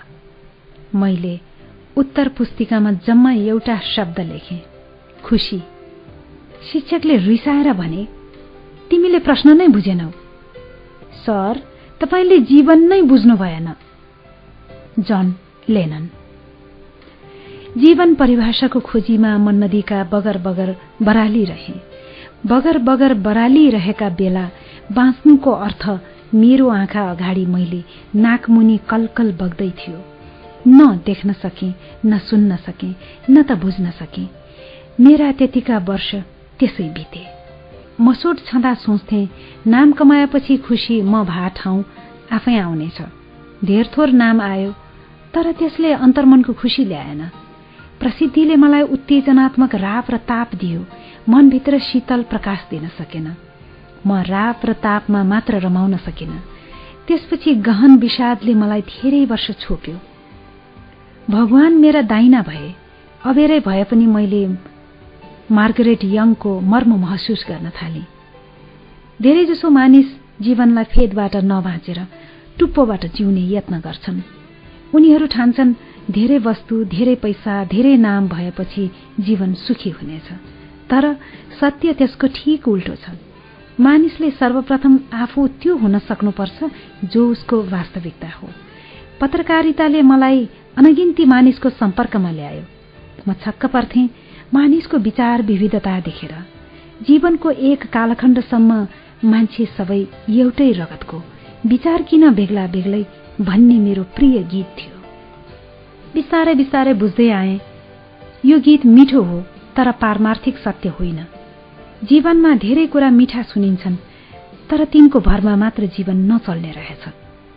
सत्य तह तह मिलेर बनेको रहेछ। व्यावहारिक सत्य काम चलाउ सत्य सुविधाको सत्य आफूलाई मन पर्ने सत्य मन नपर्ने सत्य तुलनात्मक सत्य। सत्यका यी पत्र प्याज झैं हुन् तर पारमार्थिक स्तरमा सत्य एक छ। आजभोलि मलाई लाग्छ मान्छे जोसुकै होस् जस्तोसुकै होस् जुनसुकै पेशा धर्म लिङ्ग वा विचारको किन नहोस्। उसले खोजेको मूल कुरा एउटै रहेछ खुसी। पैसा प्रसिद्धि यौन भोग वा वैराग्य बाटो जुनसुकै समातिएको किन नहोस् पुग्न खोजिएको चुचुरोको नाम एउटै रहेछ खुसी। मान्छे सबै एउटै रगतको अन्तिम लक्ष्य पनि एकै रहेछ खुसी। फरक फरक मानिस अलग अलग बाटो हिँडे पनि गन्तव्य उही रहेछ खुसी खुसीको सम्बन्ध मानिसका उपलब्धिसित मात्र हुने भए म वर्षौं पहिले त्यहाँ पुगिसक्नुपर्ने। त्यसपछि त्यतिका वर्ष विषादमा बरालिनु पर्ने थिएन। म मात्र किन?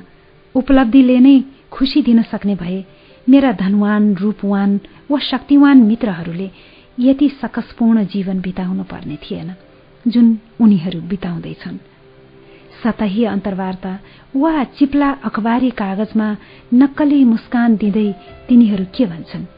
मेरो सरोकारको विषय होइन। नितान्त निजी क्षणमा मसित तिनले स्वीकार गरेका कुरा मात्र मेरो लागि अर्थपूर्ण हो।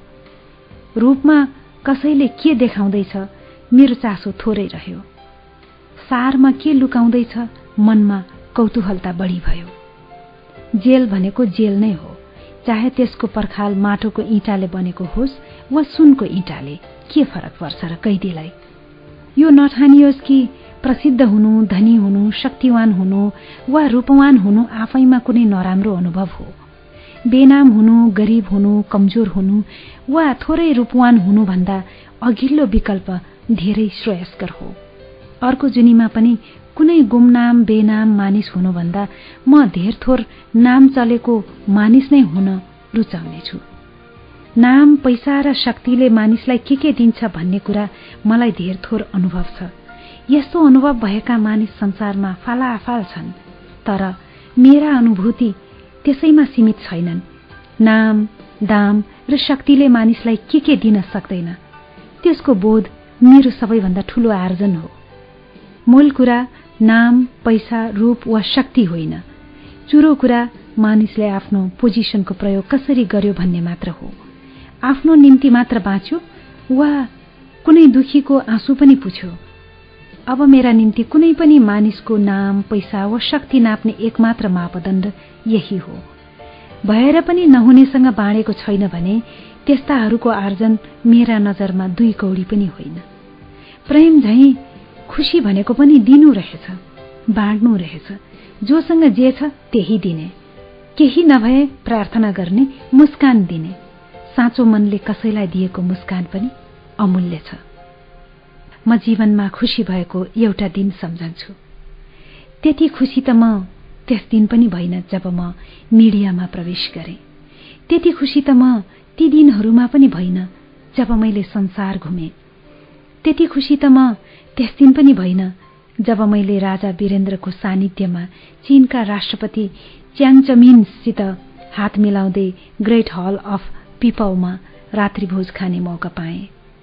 त्यति खुसी त म त्यस दिन पनि भइन जब किसुनजी र भारतका प्रधानमन्त्री भीपी सिंहको उपस्थितिमा हैदराबाद हाउसमा मुखै रसाउने बिरयानी खाए। त्यति खुसी त म त्यस दिन पनि भइन जब मैले अमेरिकी राष्ट्रपति बिल क्लिन्टनले हस्ताक्षर गरेर दिएका सर्टिफिकेट हात पारे। त्यति खुसी त म ती वर्षहरूमा पनि भइन जब मलाई स्टार पत्रकार भन्न थालियो। त्यति खुसी त म ती दिनहरूमा पनि भइन जब म सुन्दरतम महिलाहरूसित अभिसारमा मस्त थिएँ। त्यति खुसी त म त्यस दिन पनि भएन जब मेरो एक वचनमा राधेश्यामजीले मलाई एक लाख डलर दिने बाचा गरे। दुई हजार उनासत्तरीको कुरा। धुलीखेलको अस्पतालमा नामखा रिम्पुचेलाई जचाउन पुगेको थिएँ। अल्ट्रासाउन्ड कोठा बाहिर राखेको बेन्चमा हामी पालो कुर्दै थियौं। मेरो छेउमा बसेकी महिलाले बोलाइन् र आफू छेउ बसेकी अर्की महिलालाई देखाइन्। बैतडीकी हुन्? यिनको श्रीमान जीव दुर्घटनामा परेको पाँच महिना भयो। अनेक ठाउँ देखाउँदा देखाउँदा यो अस्पतालको आइसियुमा ल्याएको आज पाँच दिन भयो। दिनको दस पन्ध्र हजार खर्च लाग्छ। यहाँ परदेशमा एक्लै छिन्। टेक्ने समाउने कुनै हाँगो छैन। भएको खर्च पनि सिद्धियो। बिरामी बाँच्ने जस्तो अवस्थामा पनि छैन। तपाईँले यिनका निम्ति एउटा काम गरिदिनु पर्यो। के काम? अस्पतालबाट डिस्चार्ज गराउने काम। डाक्टर के भन्छ? सुधार हुँदैछ भन्छ। त्यसो भए केही दिन हेर्नुहोस् न। आइसियुमा लाग्ने दिनको हजारौं हजार यिनले कसरी तिर्छिन् दाई? रकम सुनेर म पनि चुप लागे। मन मात्र भएर सधैँ नपुग्ने रहेछ। यस्ता बेलाहरूमा मलाई आफू आर्थिक रूपले मिडल क्लास मानिस भएकोमा घोज्छ छेउमा बसेकी पीडित महिलाले सायद मेरो बाध्यता बुझी। बिस्तारै भनी बाँच्ने होइनन् मेरा पति। गाउँमै लैजान पाए हुन्थ्यो। उतै बित्दा सबैलाई सजिलो। बिरामीलाई घर पठाउने व्यवस्था मिलाइदिनुहोस्। तपाईँको ठूलो गुण हुनेछ दाई। मैले नजर झुकाएँ। उनको आँखामा हेर्न पनि सकिन। एउटा असहाय महिला मसित अनौठो कुरा माग्दै थिए। पतिको जीवन होइन मृत्युका लागि सहयोग माग्दै थिए। मानिस लाचार भएपछि के के गर्छ भन्ने पढेको थिएँ। आज आफ्नै अगाडि देख्दै थिएँ। म नमिलो भएर आयो। म त्यो बेन्चमा बसिरहन सकिनँ। केही नबोली उठेर हिँडिदिएँ। परिस्थितिको दारूणता देखेर भाग्न खोजेँ भन्नु उचित होला। भाग्न पनि सकिनँ। नामका रिम्पोचे मलाई मुस्कुराएर हेर्दै थिए। मलाई लाग्यो परीक्षा लिँदैछन्। त्यसपछि म सिधै डाक्टर रामकण्ठ माकजुको कोठामा पुगेँ। डाक्टर साहब डाक्टर साहब तपाईँ मेरो एउटा काम गरिदिनुहोस्। सारा जीवन सम्झनेछु। कस्तो काम? बाँच्ने आशा नभएको एउटा होपलेस केस छ। त्यसलाई अस्पतालबाट डिस्चार्ज गरिदिनुहोस् मेरो कुरा सुन्ने बित्तिकै रामकण्ठ यसरी कड्के म तर्सेँ। म सबैसँग झर्कन्छु। तर रामकण्ठ मसँग कड्कन्दै थिए। तपाईँ को हो विजय? के ठानेको आफूलाई? कसको जीवनमा होप बाँकी छ र कसको जीवनमा होप बाँकी छैन भनेर फैसला गर्ने तपाईँको? मानिसले गर्ने भनेको कोसिस मात्र हो। तपाईँले आफ्नो भागको कोसिस गर्नुभयो। अब हामीलाई आफ्नो भागको कोसिस गर्न दिनुहोस्। काम गरिदिए बापत हामीलाई सम्झनु पनि पर्दैन गुण मान्नु पनि पर्दैन। पन्ध्र मिनटपछि म डाक्टर रामकण्ठ र डाक्टर राजेन्द्र कोजुको कोठाबाट तल झरेँ। अस्पताल प्राङ्गणमा ती महिला फेरि भेटिएन् उनले दुई हात जोडेर मलाई अश्रुपूर्ण नजरले यसरी हेरिन्। आजसम्म कसैले हेरेको छैन। बोलिनन् केही हेरी मात्र रहिन्। उनको साथ रहेकी महिलाले हातमा भएको कागज देखाउँदै भनिन् आजदेखि अस्पतालले सबै उपचार निशुल्क गरिदिने कागज आएको छ। अश्रुपूर्ण नजरले हेरिरहेकी महिलाको काँधमा हात राख्दै मैले भने बहिनी अवस्था सिरियस छ। मर्नु बाँच्नु भगवानको हातमा छ। तर खर्च नहुँदा पतिको उपचार गर्न सकिन भन्ने पीडाबाट तिमी मुक्त भयो। उनका आँसु आँखाभित्र अटाएर बस्न सकेनन्। मोतीका दाना बनेर गालामा झरे। तिनको आँखाबाट मैले परमात्माको परमात्मा मुस्कुराएको देखेँ। तिनको आँखाबाट मैले परमात्मा मुस्कुराएको देखेँ। म फनक्क फर्केँ चाहँदैनथे कसैले मलाई रोएको देखोस्। उनको नाम समेत सोध्न बिर्सेछु। के फरक पर्छ र ईश्वरलाई जुन नामले बोलाए पनि त भयो नि। त्यस दिन परमात्माले मलाई आफ्नो सेवा गर्न योग्य ठाने। मेरा लागि त्योभन्दा खुसी के पो हुन सक्थ्यो र? म यसरी नै खुसी भएका धेरै सम्झना छन्। बेत्रावतीको गिटी कुट्ने मजदुर कान्छा गुरुङले आफ्नो छोरा आशिष इन्जिनियरिङ कलेजमा भर्ना भएपछि मलाई जुन आँखाले हेरे त्यो खुसीलाई शब्दमा अनुवाद गर्न मेरा निम्ति सम्भव छैन। मुहारभरि कुनै पशु सरह रौं उम्रिएकी भावना थामीको डाक्टर शङ्करमान राईले अपरेसन गरेपछि उत्तरी दोलखामा भारी बोक्ने उनका पिताले मलाई जसरी हेरे त्यो क्षण सम्झँदा मन अहिले पनि पुलकित हुन्छ। पन्ध्र वर्ष अघि चौबिस वर्षको उमेरमा विधवा भएकी चार आमाकी सन्तान रतिमाया गुरूङले मेरो टेलिभिजन कार्यक्रमपछि सहयोग पाएर मलाई जुन आँखाले हेरिन् त्यो हेराइले मलाई दिएको खुसी शब्दमा कसरी बयान गरौँ म? तृप्ता गुरुङलाई सम्झन्छु। हिँड्न नसक्ने अपाङ्ग तृप्ता गुरुङले पछि धेरै महिलालाई डोर्याएको देख्दा पाएको खुसी बयान गर्न असमर्थ छु। दिलशोभा श्रेष्ठ दिशानिर्देश कार्यक्रममा आएपछि जुन परिमाणमा उनको आमा घरले सहयोग पायो त्यसबारे मलाई बताउँदा उनका आँखा जसरी भरिएका थिए त्यो सम्झेर मेरो मन कति आह्लादित भएको थियो। सिएनएन हिरो घोषित हुनु चार वर्ष अघि नै पुष्पा बस्नेत मेरो टेलिभिजन कार्यक्रममा जसरी भावुक भइन् म कसरी भनौँ कि त्यस वखत मेरा आँखा रसाएका थिएनन्? म कसरी नभनौँ?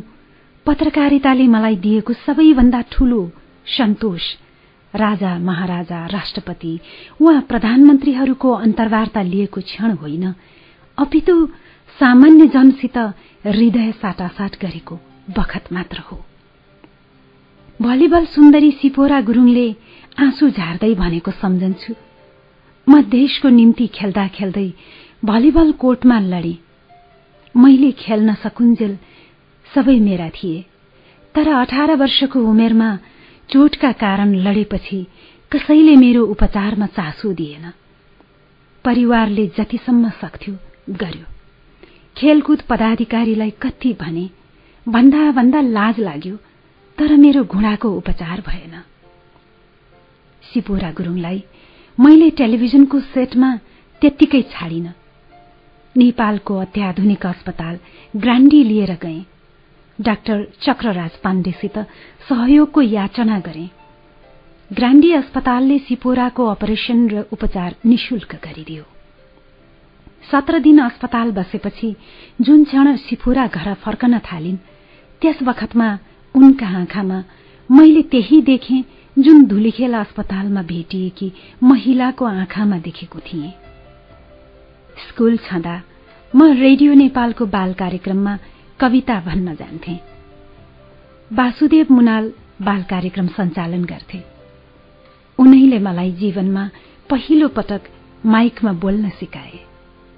स्कूलपछि मैले उनलाई बिर्से। दुई हजार उनासत्तरी सालको राष्ट्रिय पत्रकारिता पुरस्कार मलाई दिने निर्णय भयो। समारोह स्थलमा रेडियो नेपाल थियो।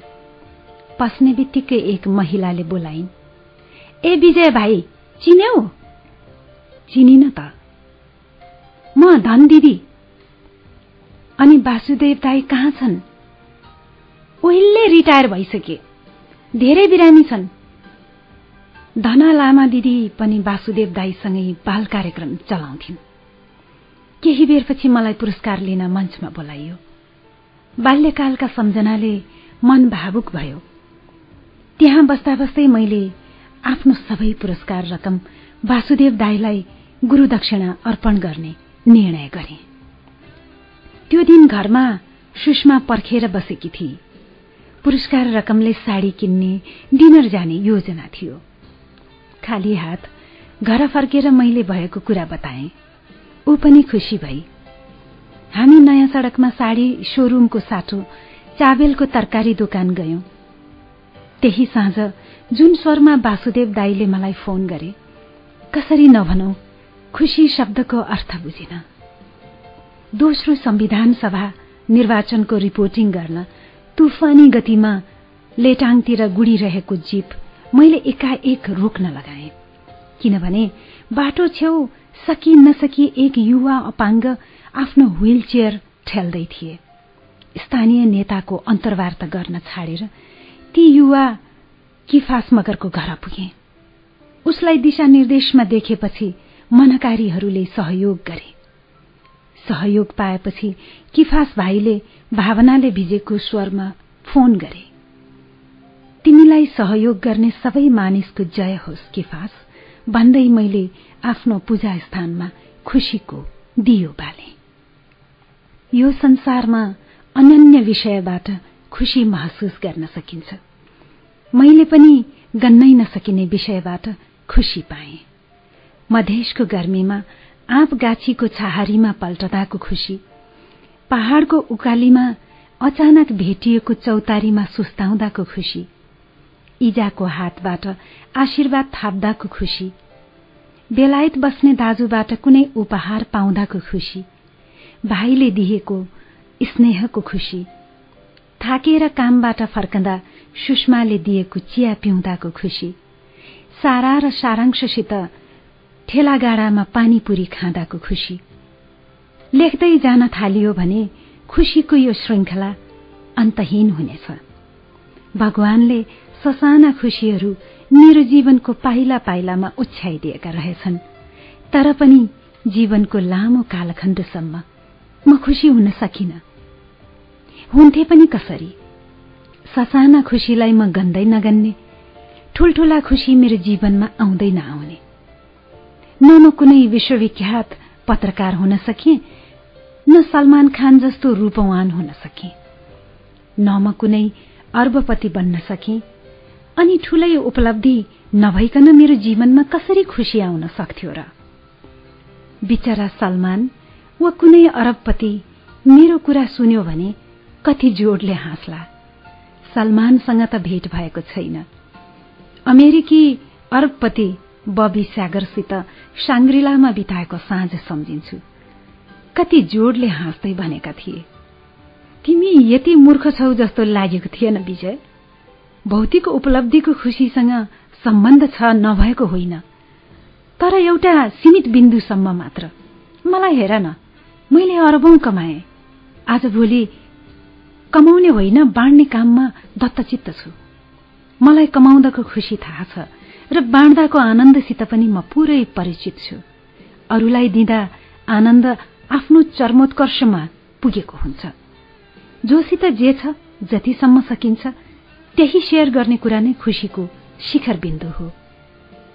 बबी स्यागरलाई त मैले जीवनमा धेरै पछि भेटे। बीचका वर्षहरूमा म खुसीको खोजीमा नदीका बगर बगर बरालिरहे।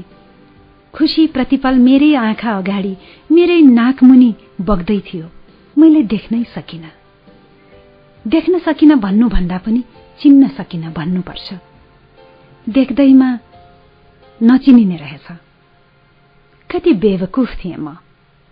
ससाना खुशीभित्र नै ठूल्ठूला खुशीको मुहान लुकेर बसेको हुन्छ भन्ने बुझ्न मलाई यतिका वर्ष लाग्यो।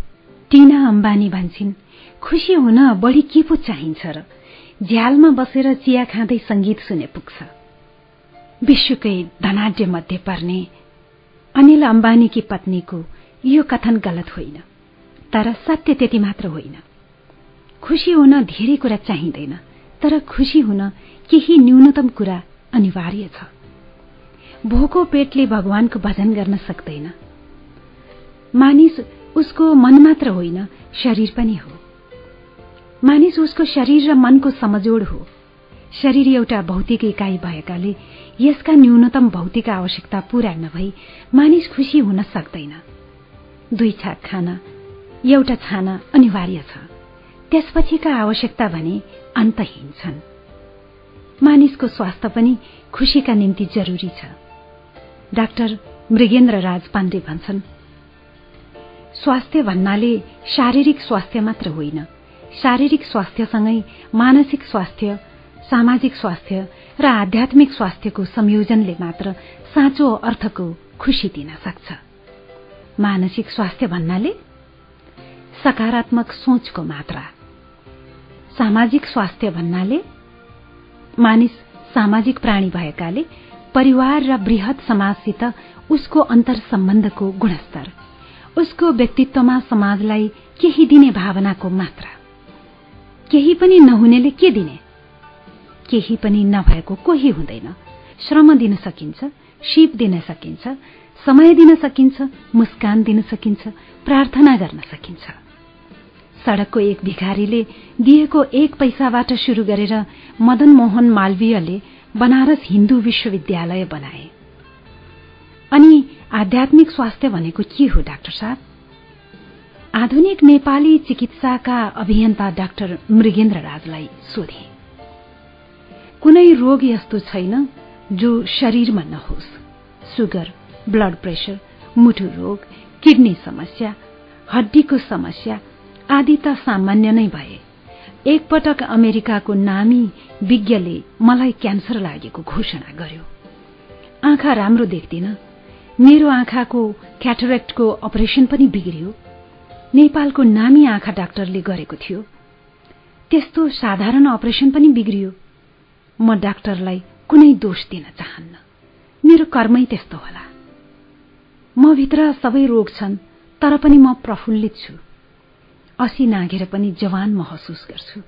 किनभने आध्यात्मले मलाई सिकाएको छ म शरीर मात्र होइन म सोच पनि हुँ। म सोच मात्र होइन सामाजिक उत्तरदायित्व पनि हुँ। र यी सबैभन्दा पनि पर म त्यो हुँ जसलाई शब्दमा व्यक्त गर्न सकिन्न। महसुस मात्र गर्न सकिन्छ। गुल्मीको गरीब घरमा जन्मेकी दृष्टिविहीन निर्मला ग्यावाली अर्काले पढेर सुनाएको भरमा एसएलसीमा फर्स्ट डिभिजन ल्याउँदै कालान्तरमा अमेरिकाबाट स्नातक गरेर नेपाल फर्किन्। किन फर्केको? विजय दाई चाहेको भए उतै सेटल हुन सक्थे। अमेरिकामा पैसा र सुविधा थियो तर जीवनमा सुविधा मात्र सफ्थोक हो र? म जीवनको सुविधामा होइन सार्थकतामा विश्वास गर्छु। निर्मलाको कुरा सुनेर म निशब्द भए। मानिस भन्छन् टेलिभिजन श्रृङ्खला मेरो जिन्दगी मेरो विश्वासमा निर्मला गेवालीलाई प्रस्तुत गरेर मैले उनलाई नेपालभरि चिनाए रे। सत्य के भने दृष्टिविहीन निर्मला गेवालीले जीवन चिन्ने नयाँ आँखा मलाई दिइन्। निर्मलालाई भेटेपछि मलाई बोध भयो दृष्टिविहीन ऊ होइन म रहेछु। जब जब म आफ्नो जीवनमा साना ठूला सुविधा उपलब्ध भएनन् भनेर गुनासा गर्छु। निर्मलालाई सम्झने बित्तिकै ती गुनासा बाफ बनेर उड्छन् निर्मलालाई भेटेको केही समयपछि कपन गुम्बा पुगेको थिएँ। पुग्न त म दर्जनौं पटक पुगेँ होला तर त्यसभन्दा अगाडि भित्तामा लेखिएका यी अक्षर पढेको थिइन। यो संसारमा जति पनि खुशी छ त्यो सबै अरूको भलो होस् भन्ने चाहनाबाट उत्पन्न हुन्छ। यो संसारमा जति पनि दुःख छ त्यो सबै आफ्ना मात्र इच्छा पुगोस् भन्ने महत्वाकांक्षाबाट जनित हुन्छ। दुखी मानिस आफ्नो लागि मात्र सोच्छ। खुशी मानिस अरूको भलाइका निम्ति पनि सोच्छन्। अरूको स्थानमा आफूलाई राखेर हेर्ने अभ्यास नै खुशीको उच्चतम बिन्दु हो। सबैको झैं मेरो जीवनमा पनि अनेक दुःख आए। सबैको झैं मेरो जीवनमा पनि धेरै प्रकारका खुशी आए। तर त्यति खुशी त म त्यस दिन पनि भइन जब हामीले जीवनभरि के भन्न चाहेका हौ हो त्यही कुरा पहिल्याउन सक्दैनौ किनभने भन्ने कुरा पहिल्याउँदा पहिल्याउँदै जीवन समाप्त भइसकेको हुन्छ। शंकर लामी छाने। पहिलो पल्ट पढ्दा छक्क परेको थिए। चमत्कारिक शैलीमा लेखिएको यो वाक्यले निराश बनायो। शंकर लामिछाने जस्ता शब्दशिल्पीले भन्न चाहेको कुरा पनि कसरी अव्यक्त रहन सक्छ र? बिस्तारै बुझ्दैछु शंकरको पीड़ा। लेखक जतिसुकै प्रभावशाली भए पनि उसले जीवनलाई समग्रतामा पोखाउन नसक्ने रहेछ। किनभने जीवनको समग्रतालाई शब्दमा कैद गर्न असम्भव छ भन्ने बुझ्दा बुझ्दा जीवन समाप्त भइसकेको हुन्छ। तैपनि लेखकले जीवनलाई शब्दमा कैद गर्न कोशिश त्याग्ने कुराको कल्पना समेत गर्न सकिन्न। लेखन मुस्किल होइन। आफूले भन्न खोजेको कुरा व्यक्त गर्न गाह्रो हो। पाठकलाई छुन कठिन होइन। आफूले चाहे जस्तो तरिकाले उसलाई स्पर्श गर्न मात्र अप्ठ्यारो हो। रबर्ट लुइस स्टिभेन्सनका यी शब्द हरेक लेखकका निम्ति चुनौती हुन्। लेखकले यो चुनौतीको सामना कसरी गर्यो भन्ने फैसला पाठकले मात्र गर्न सक्ने भएकाले मैले त्यसमा नबोल्दा बेस। लेखक आत्मसंस्मरण किन लेख्छ त? शंकरका शब्दमा लेखकले आजसम्म पाठक र आफूलाई धोका दिइरह्यो जसरी भर्खरै प्रेममा परेकाहरू आफ्नो जीवनको राम्रो पक्ष मात्र प्रेमिकालाई प्रस्तुत गर्छन् उसै गरी लेखक आफ्नो जीवनका राम्रा पक्ष मात्र प्रस्तुत गर्ने प्रयास गर्छ। वास्तवमा लेखकको जीवन लेखनी रचनामा नलेखिएका पक्ष प्रशस्त हुन्छन्। तिनलाई व्यक्त गर्ने साहस उसमा कति छ? तिनलाई व्यक्त गर्ने साहस उसमा कति छ? किनभने त्यो साहस ममा अझै छैन। मेरा अग्रजहरूको कमजोरीको मैले हाँसी उडाएको पनि होइन। आज शंकर बाँचेका भए म जान्न चाहन्थे के भन्छन्? बुझ्न चाहन्थे मेरो आत्मसंस्मरणमा शंकरले साहसका केही छिटा देखे अथवा मैले पनि आत्मरतिको पुलिन्दा मात्र पस्के। केही असल र केही खराब मिलेर बनेको रहेछु म। मेरो जीवनमा जे जति प्रगति वा अवनति भयो त्यसको मापन सिधा धर्सोमा गर्न सकिन्न। एकातिर प्रगति गर्दा अर्कातिर मेरो अवनति भइरहेको थियो जुन घटनालाई मैले जीवनको एक समयमा आफ्नो अवनतिको कारण ठानेको थिएँ। त्यही दुर्घटना कुनै अर्को अवस्थामा मेरो उत्थानको स्रोत प्रमाणित भयो। मेरो मात्र किन धेरैको जीवन यसरी नै बित्छ होला। गहिरिएर हेर्ने हो भने कुनै नौलो कुरा मेरो जीवनमा घटेको होइन। एक सय दश वर्ष अघि जन्मेकी अनेस निनले मेरा अनुभवलाई पचासौं वर्ष अघि नै शब्द दिइसकेको देखेर छक्क पर्छु। हामी मानिस लयबद्ध तरिकाले मात्र विकसित नहुने रहेछौ। हाम्रो वृद्धि एकहोरो र आंशिक छ। हामी एउटा वृत्तमा परिपक्व छौं तर अर्को कोणबाट हेर्दा बचकाना हरकत गर्छौं। हाम्रो भूत वर्तमान र भविष्यका भाव एकै ठाउँ गाजे माझे मिसिएर हामीलाई कहिले पछाडि तान्छन् कहिले अगाडि घचेट्छन् र कहिले वर्तमानमा जडवत तुल्याइदिन्छन् अनेसभन्दा अगाडिका पुस्तालाई पनि कुनै बिन्दुमा ठ्याम्मै अनेसलाई झैं महसुस भयो होला।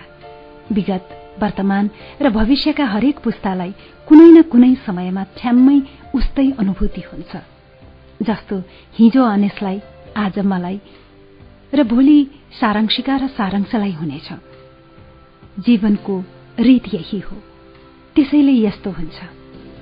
जाँदा जाँदै म केही आभार प्रकट गर्न चाहन्छु। औपचारिकता नठानियोस्। जवान छँदा कसैका प्रति कृतज्ञता व्यक्त गर्ने कामलाई म फगत औपचारिकता ठान्दथे। दुई चार सय पचास जनाले मलाई मन पराए के मन नपराए के? म जे छु छँदैछु भन्ने सोच्थे। म बलियो थिएँ। सोच्थे सधैँ यस्तो रहनेछु। गलत रहेछु। आजको दिनमा म कमजोर भएर मेरो सोचाइ बदलिएको होइन। जीवनलाई समग्रतामा बुझ्दै जाँदा मेरो दृष्टिकोण फेरिएको मात्र हो। दृष्टि नबदलिकन सृष्टि नफेरिने रहेछ। सृष्टि भनेको दृष्टिको विस्तार बाहेक के पो हो र? गुरु भन्छन् नवजात शिशु आफ्नो जीवनका निम्ति अरूमाथि कति धेरै निर्भर रहन्छ। बुढेसकालमा मानिस ससाना कुराको निम्ति अरूमाथि कति निर्भर हुन पुग्छ। जीवनको शुरूआत र अन्तमा हामी अरूको दया मायामा यति धेरै निर्भर हुन्छौं। तर बीचका केही वर्षमा हामी किन त्यसरी मातिएर स्वयम्भू हुन्छौं? म कृतज्ञ छु निरज प्रति यसकारण होइन फाइन प्रिन्टले मलाई मोटो रोयल्टी रकमका साथ पुस्तक लेख्ने मौका दियो। आभारी छु यसकारण निरजले मलाई बिल्कुलै त्यही किताब लेख्न हौस्याए जुन विषयवस्तुमा म पोखिन चाहन्थे मानिसको दैनिक जीवनसित जोडिएका विषयवस्तु जीवनमा काउकुती लगाउने सन्दर्भहरू। पाण्डुलिपि पढेपछि अजित बरालका एक दुई कमेन्ट सुन्दा उनको टाउको फोरिदिउँ जस्तै रिस उठेको थियो। पछि बुझ्दै गए जुगल भुर्तेलले झैं उनले पनि पुस्तकको भलाइका लागि नै भनेका रहेछन्। सन्तोष शर्मा। जुन मेहनत साथ सम्पादनमा सघायो हमेशा याद राख्नेछु। आवरण तस्विरका लागि किशोर कायस्थ र लेआउटका निम्ति सुवर्ण हुमागाईलाई बिर्सन सक्दिन। भोलि कसले देखेको छ र? म पनि भन्न चाहन्छु खुशी मेरो पहिलो पुस्तक हो अन्तिम होइन। हुन त शंकरले झैं मैले पनि चाल पाइसके। हामीले जीवनभरि के भन्न चाहेका हौ हो त्यही कुरा पहिल्याउन सक्दैनौ। किनभने भन्ने कुरा पहिल्याउँदा पहिल्याउँदै जीवन समाप्त भइसकेको हुन्छ। तर मलाई यो पनि थाहा छ बाँच्नुको गरिमा जीवनका उपलब्धिमा सीमित छैन। कोशिश गर्नुमा छ। जीवनमा कोशिश झिक्नु भनेको प्राण झिक्नु बराबर हो। गोपाल योञ्जन भन्थे बग्नुपर्छ है विजय भाइ। बग्नुपर्छ। तालबाट नदी र नदीबाट समुद्र बन्नुपर्छ। त्यसका लागि बग्नुपर्छ। जुन जुन घटना वा जो जो मानिसले मलाई जीवनमा बग्न मद्दत गरे ती सबलाई सलाम। जस जसले मलाई रोक्ने कोशिश गरे तिनलाई पनि सलाम। प्रवाह नरोकिएको भए म ताल झैं जम्ने थिइन। नजमेको भए आज यसरी बग्ने थिइन। सबको मंगल होस् सबैको भलो होस्।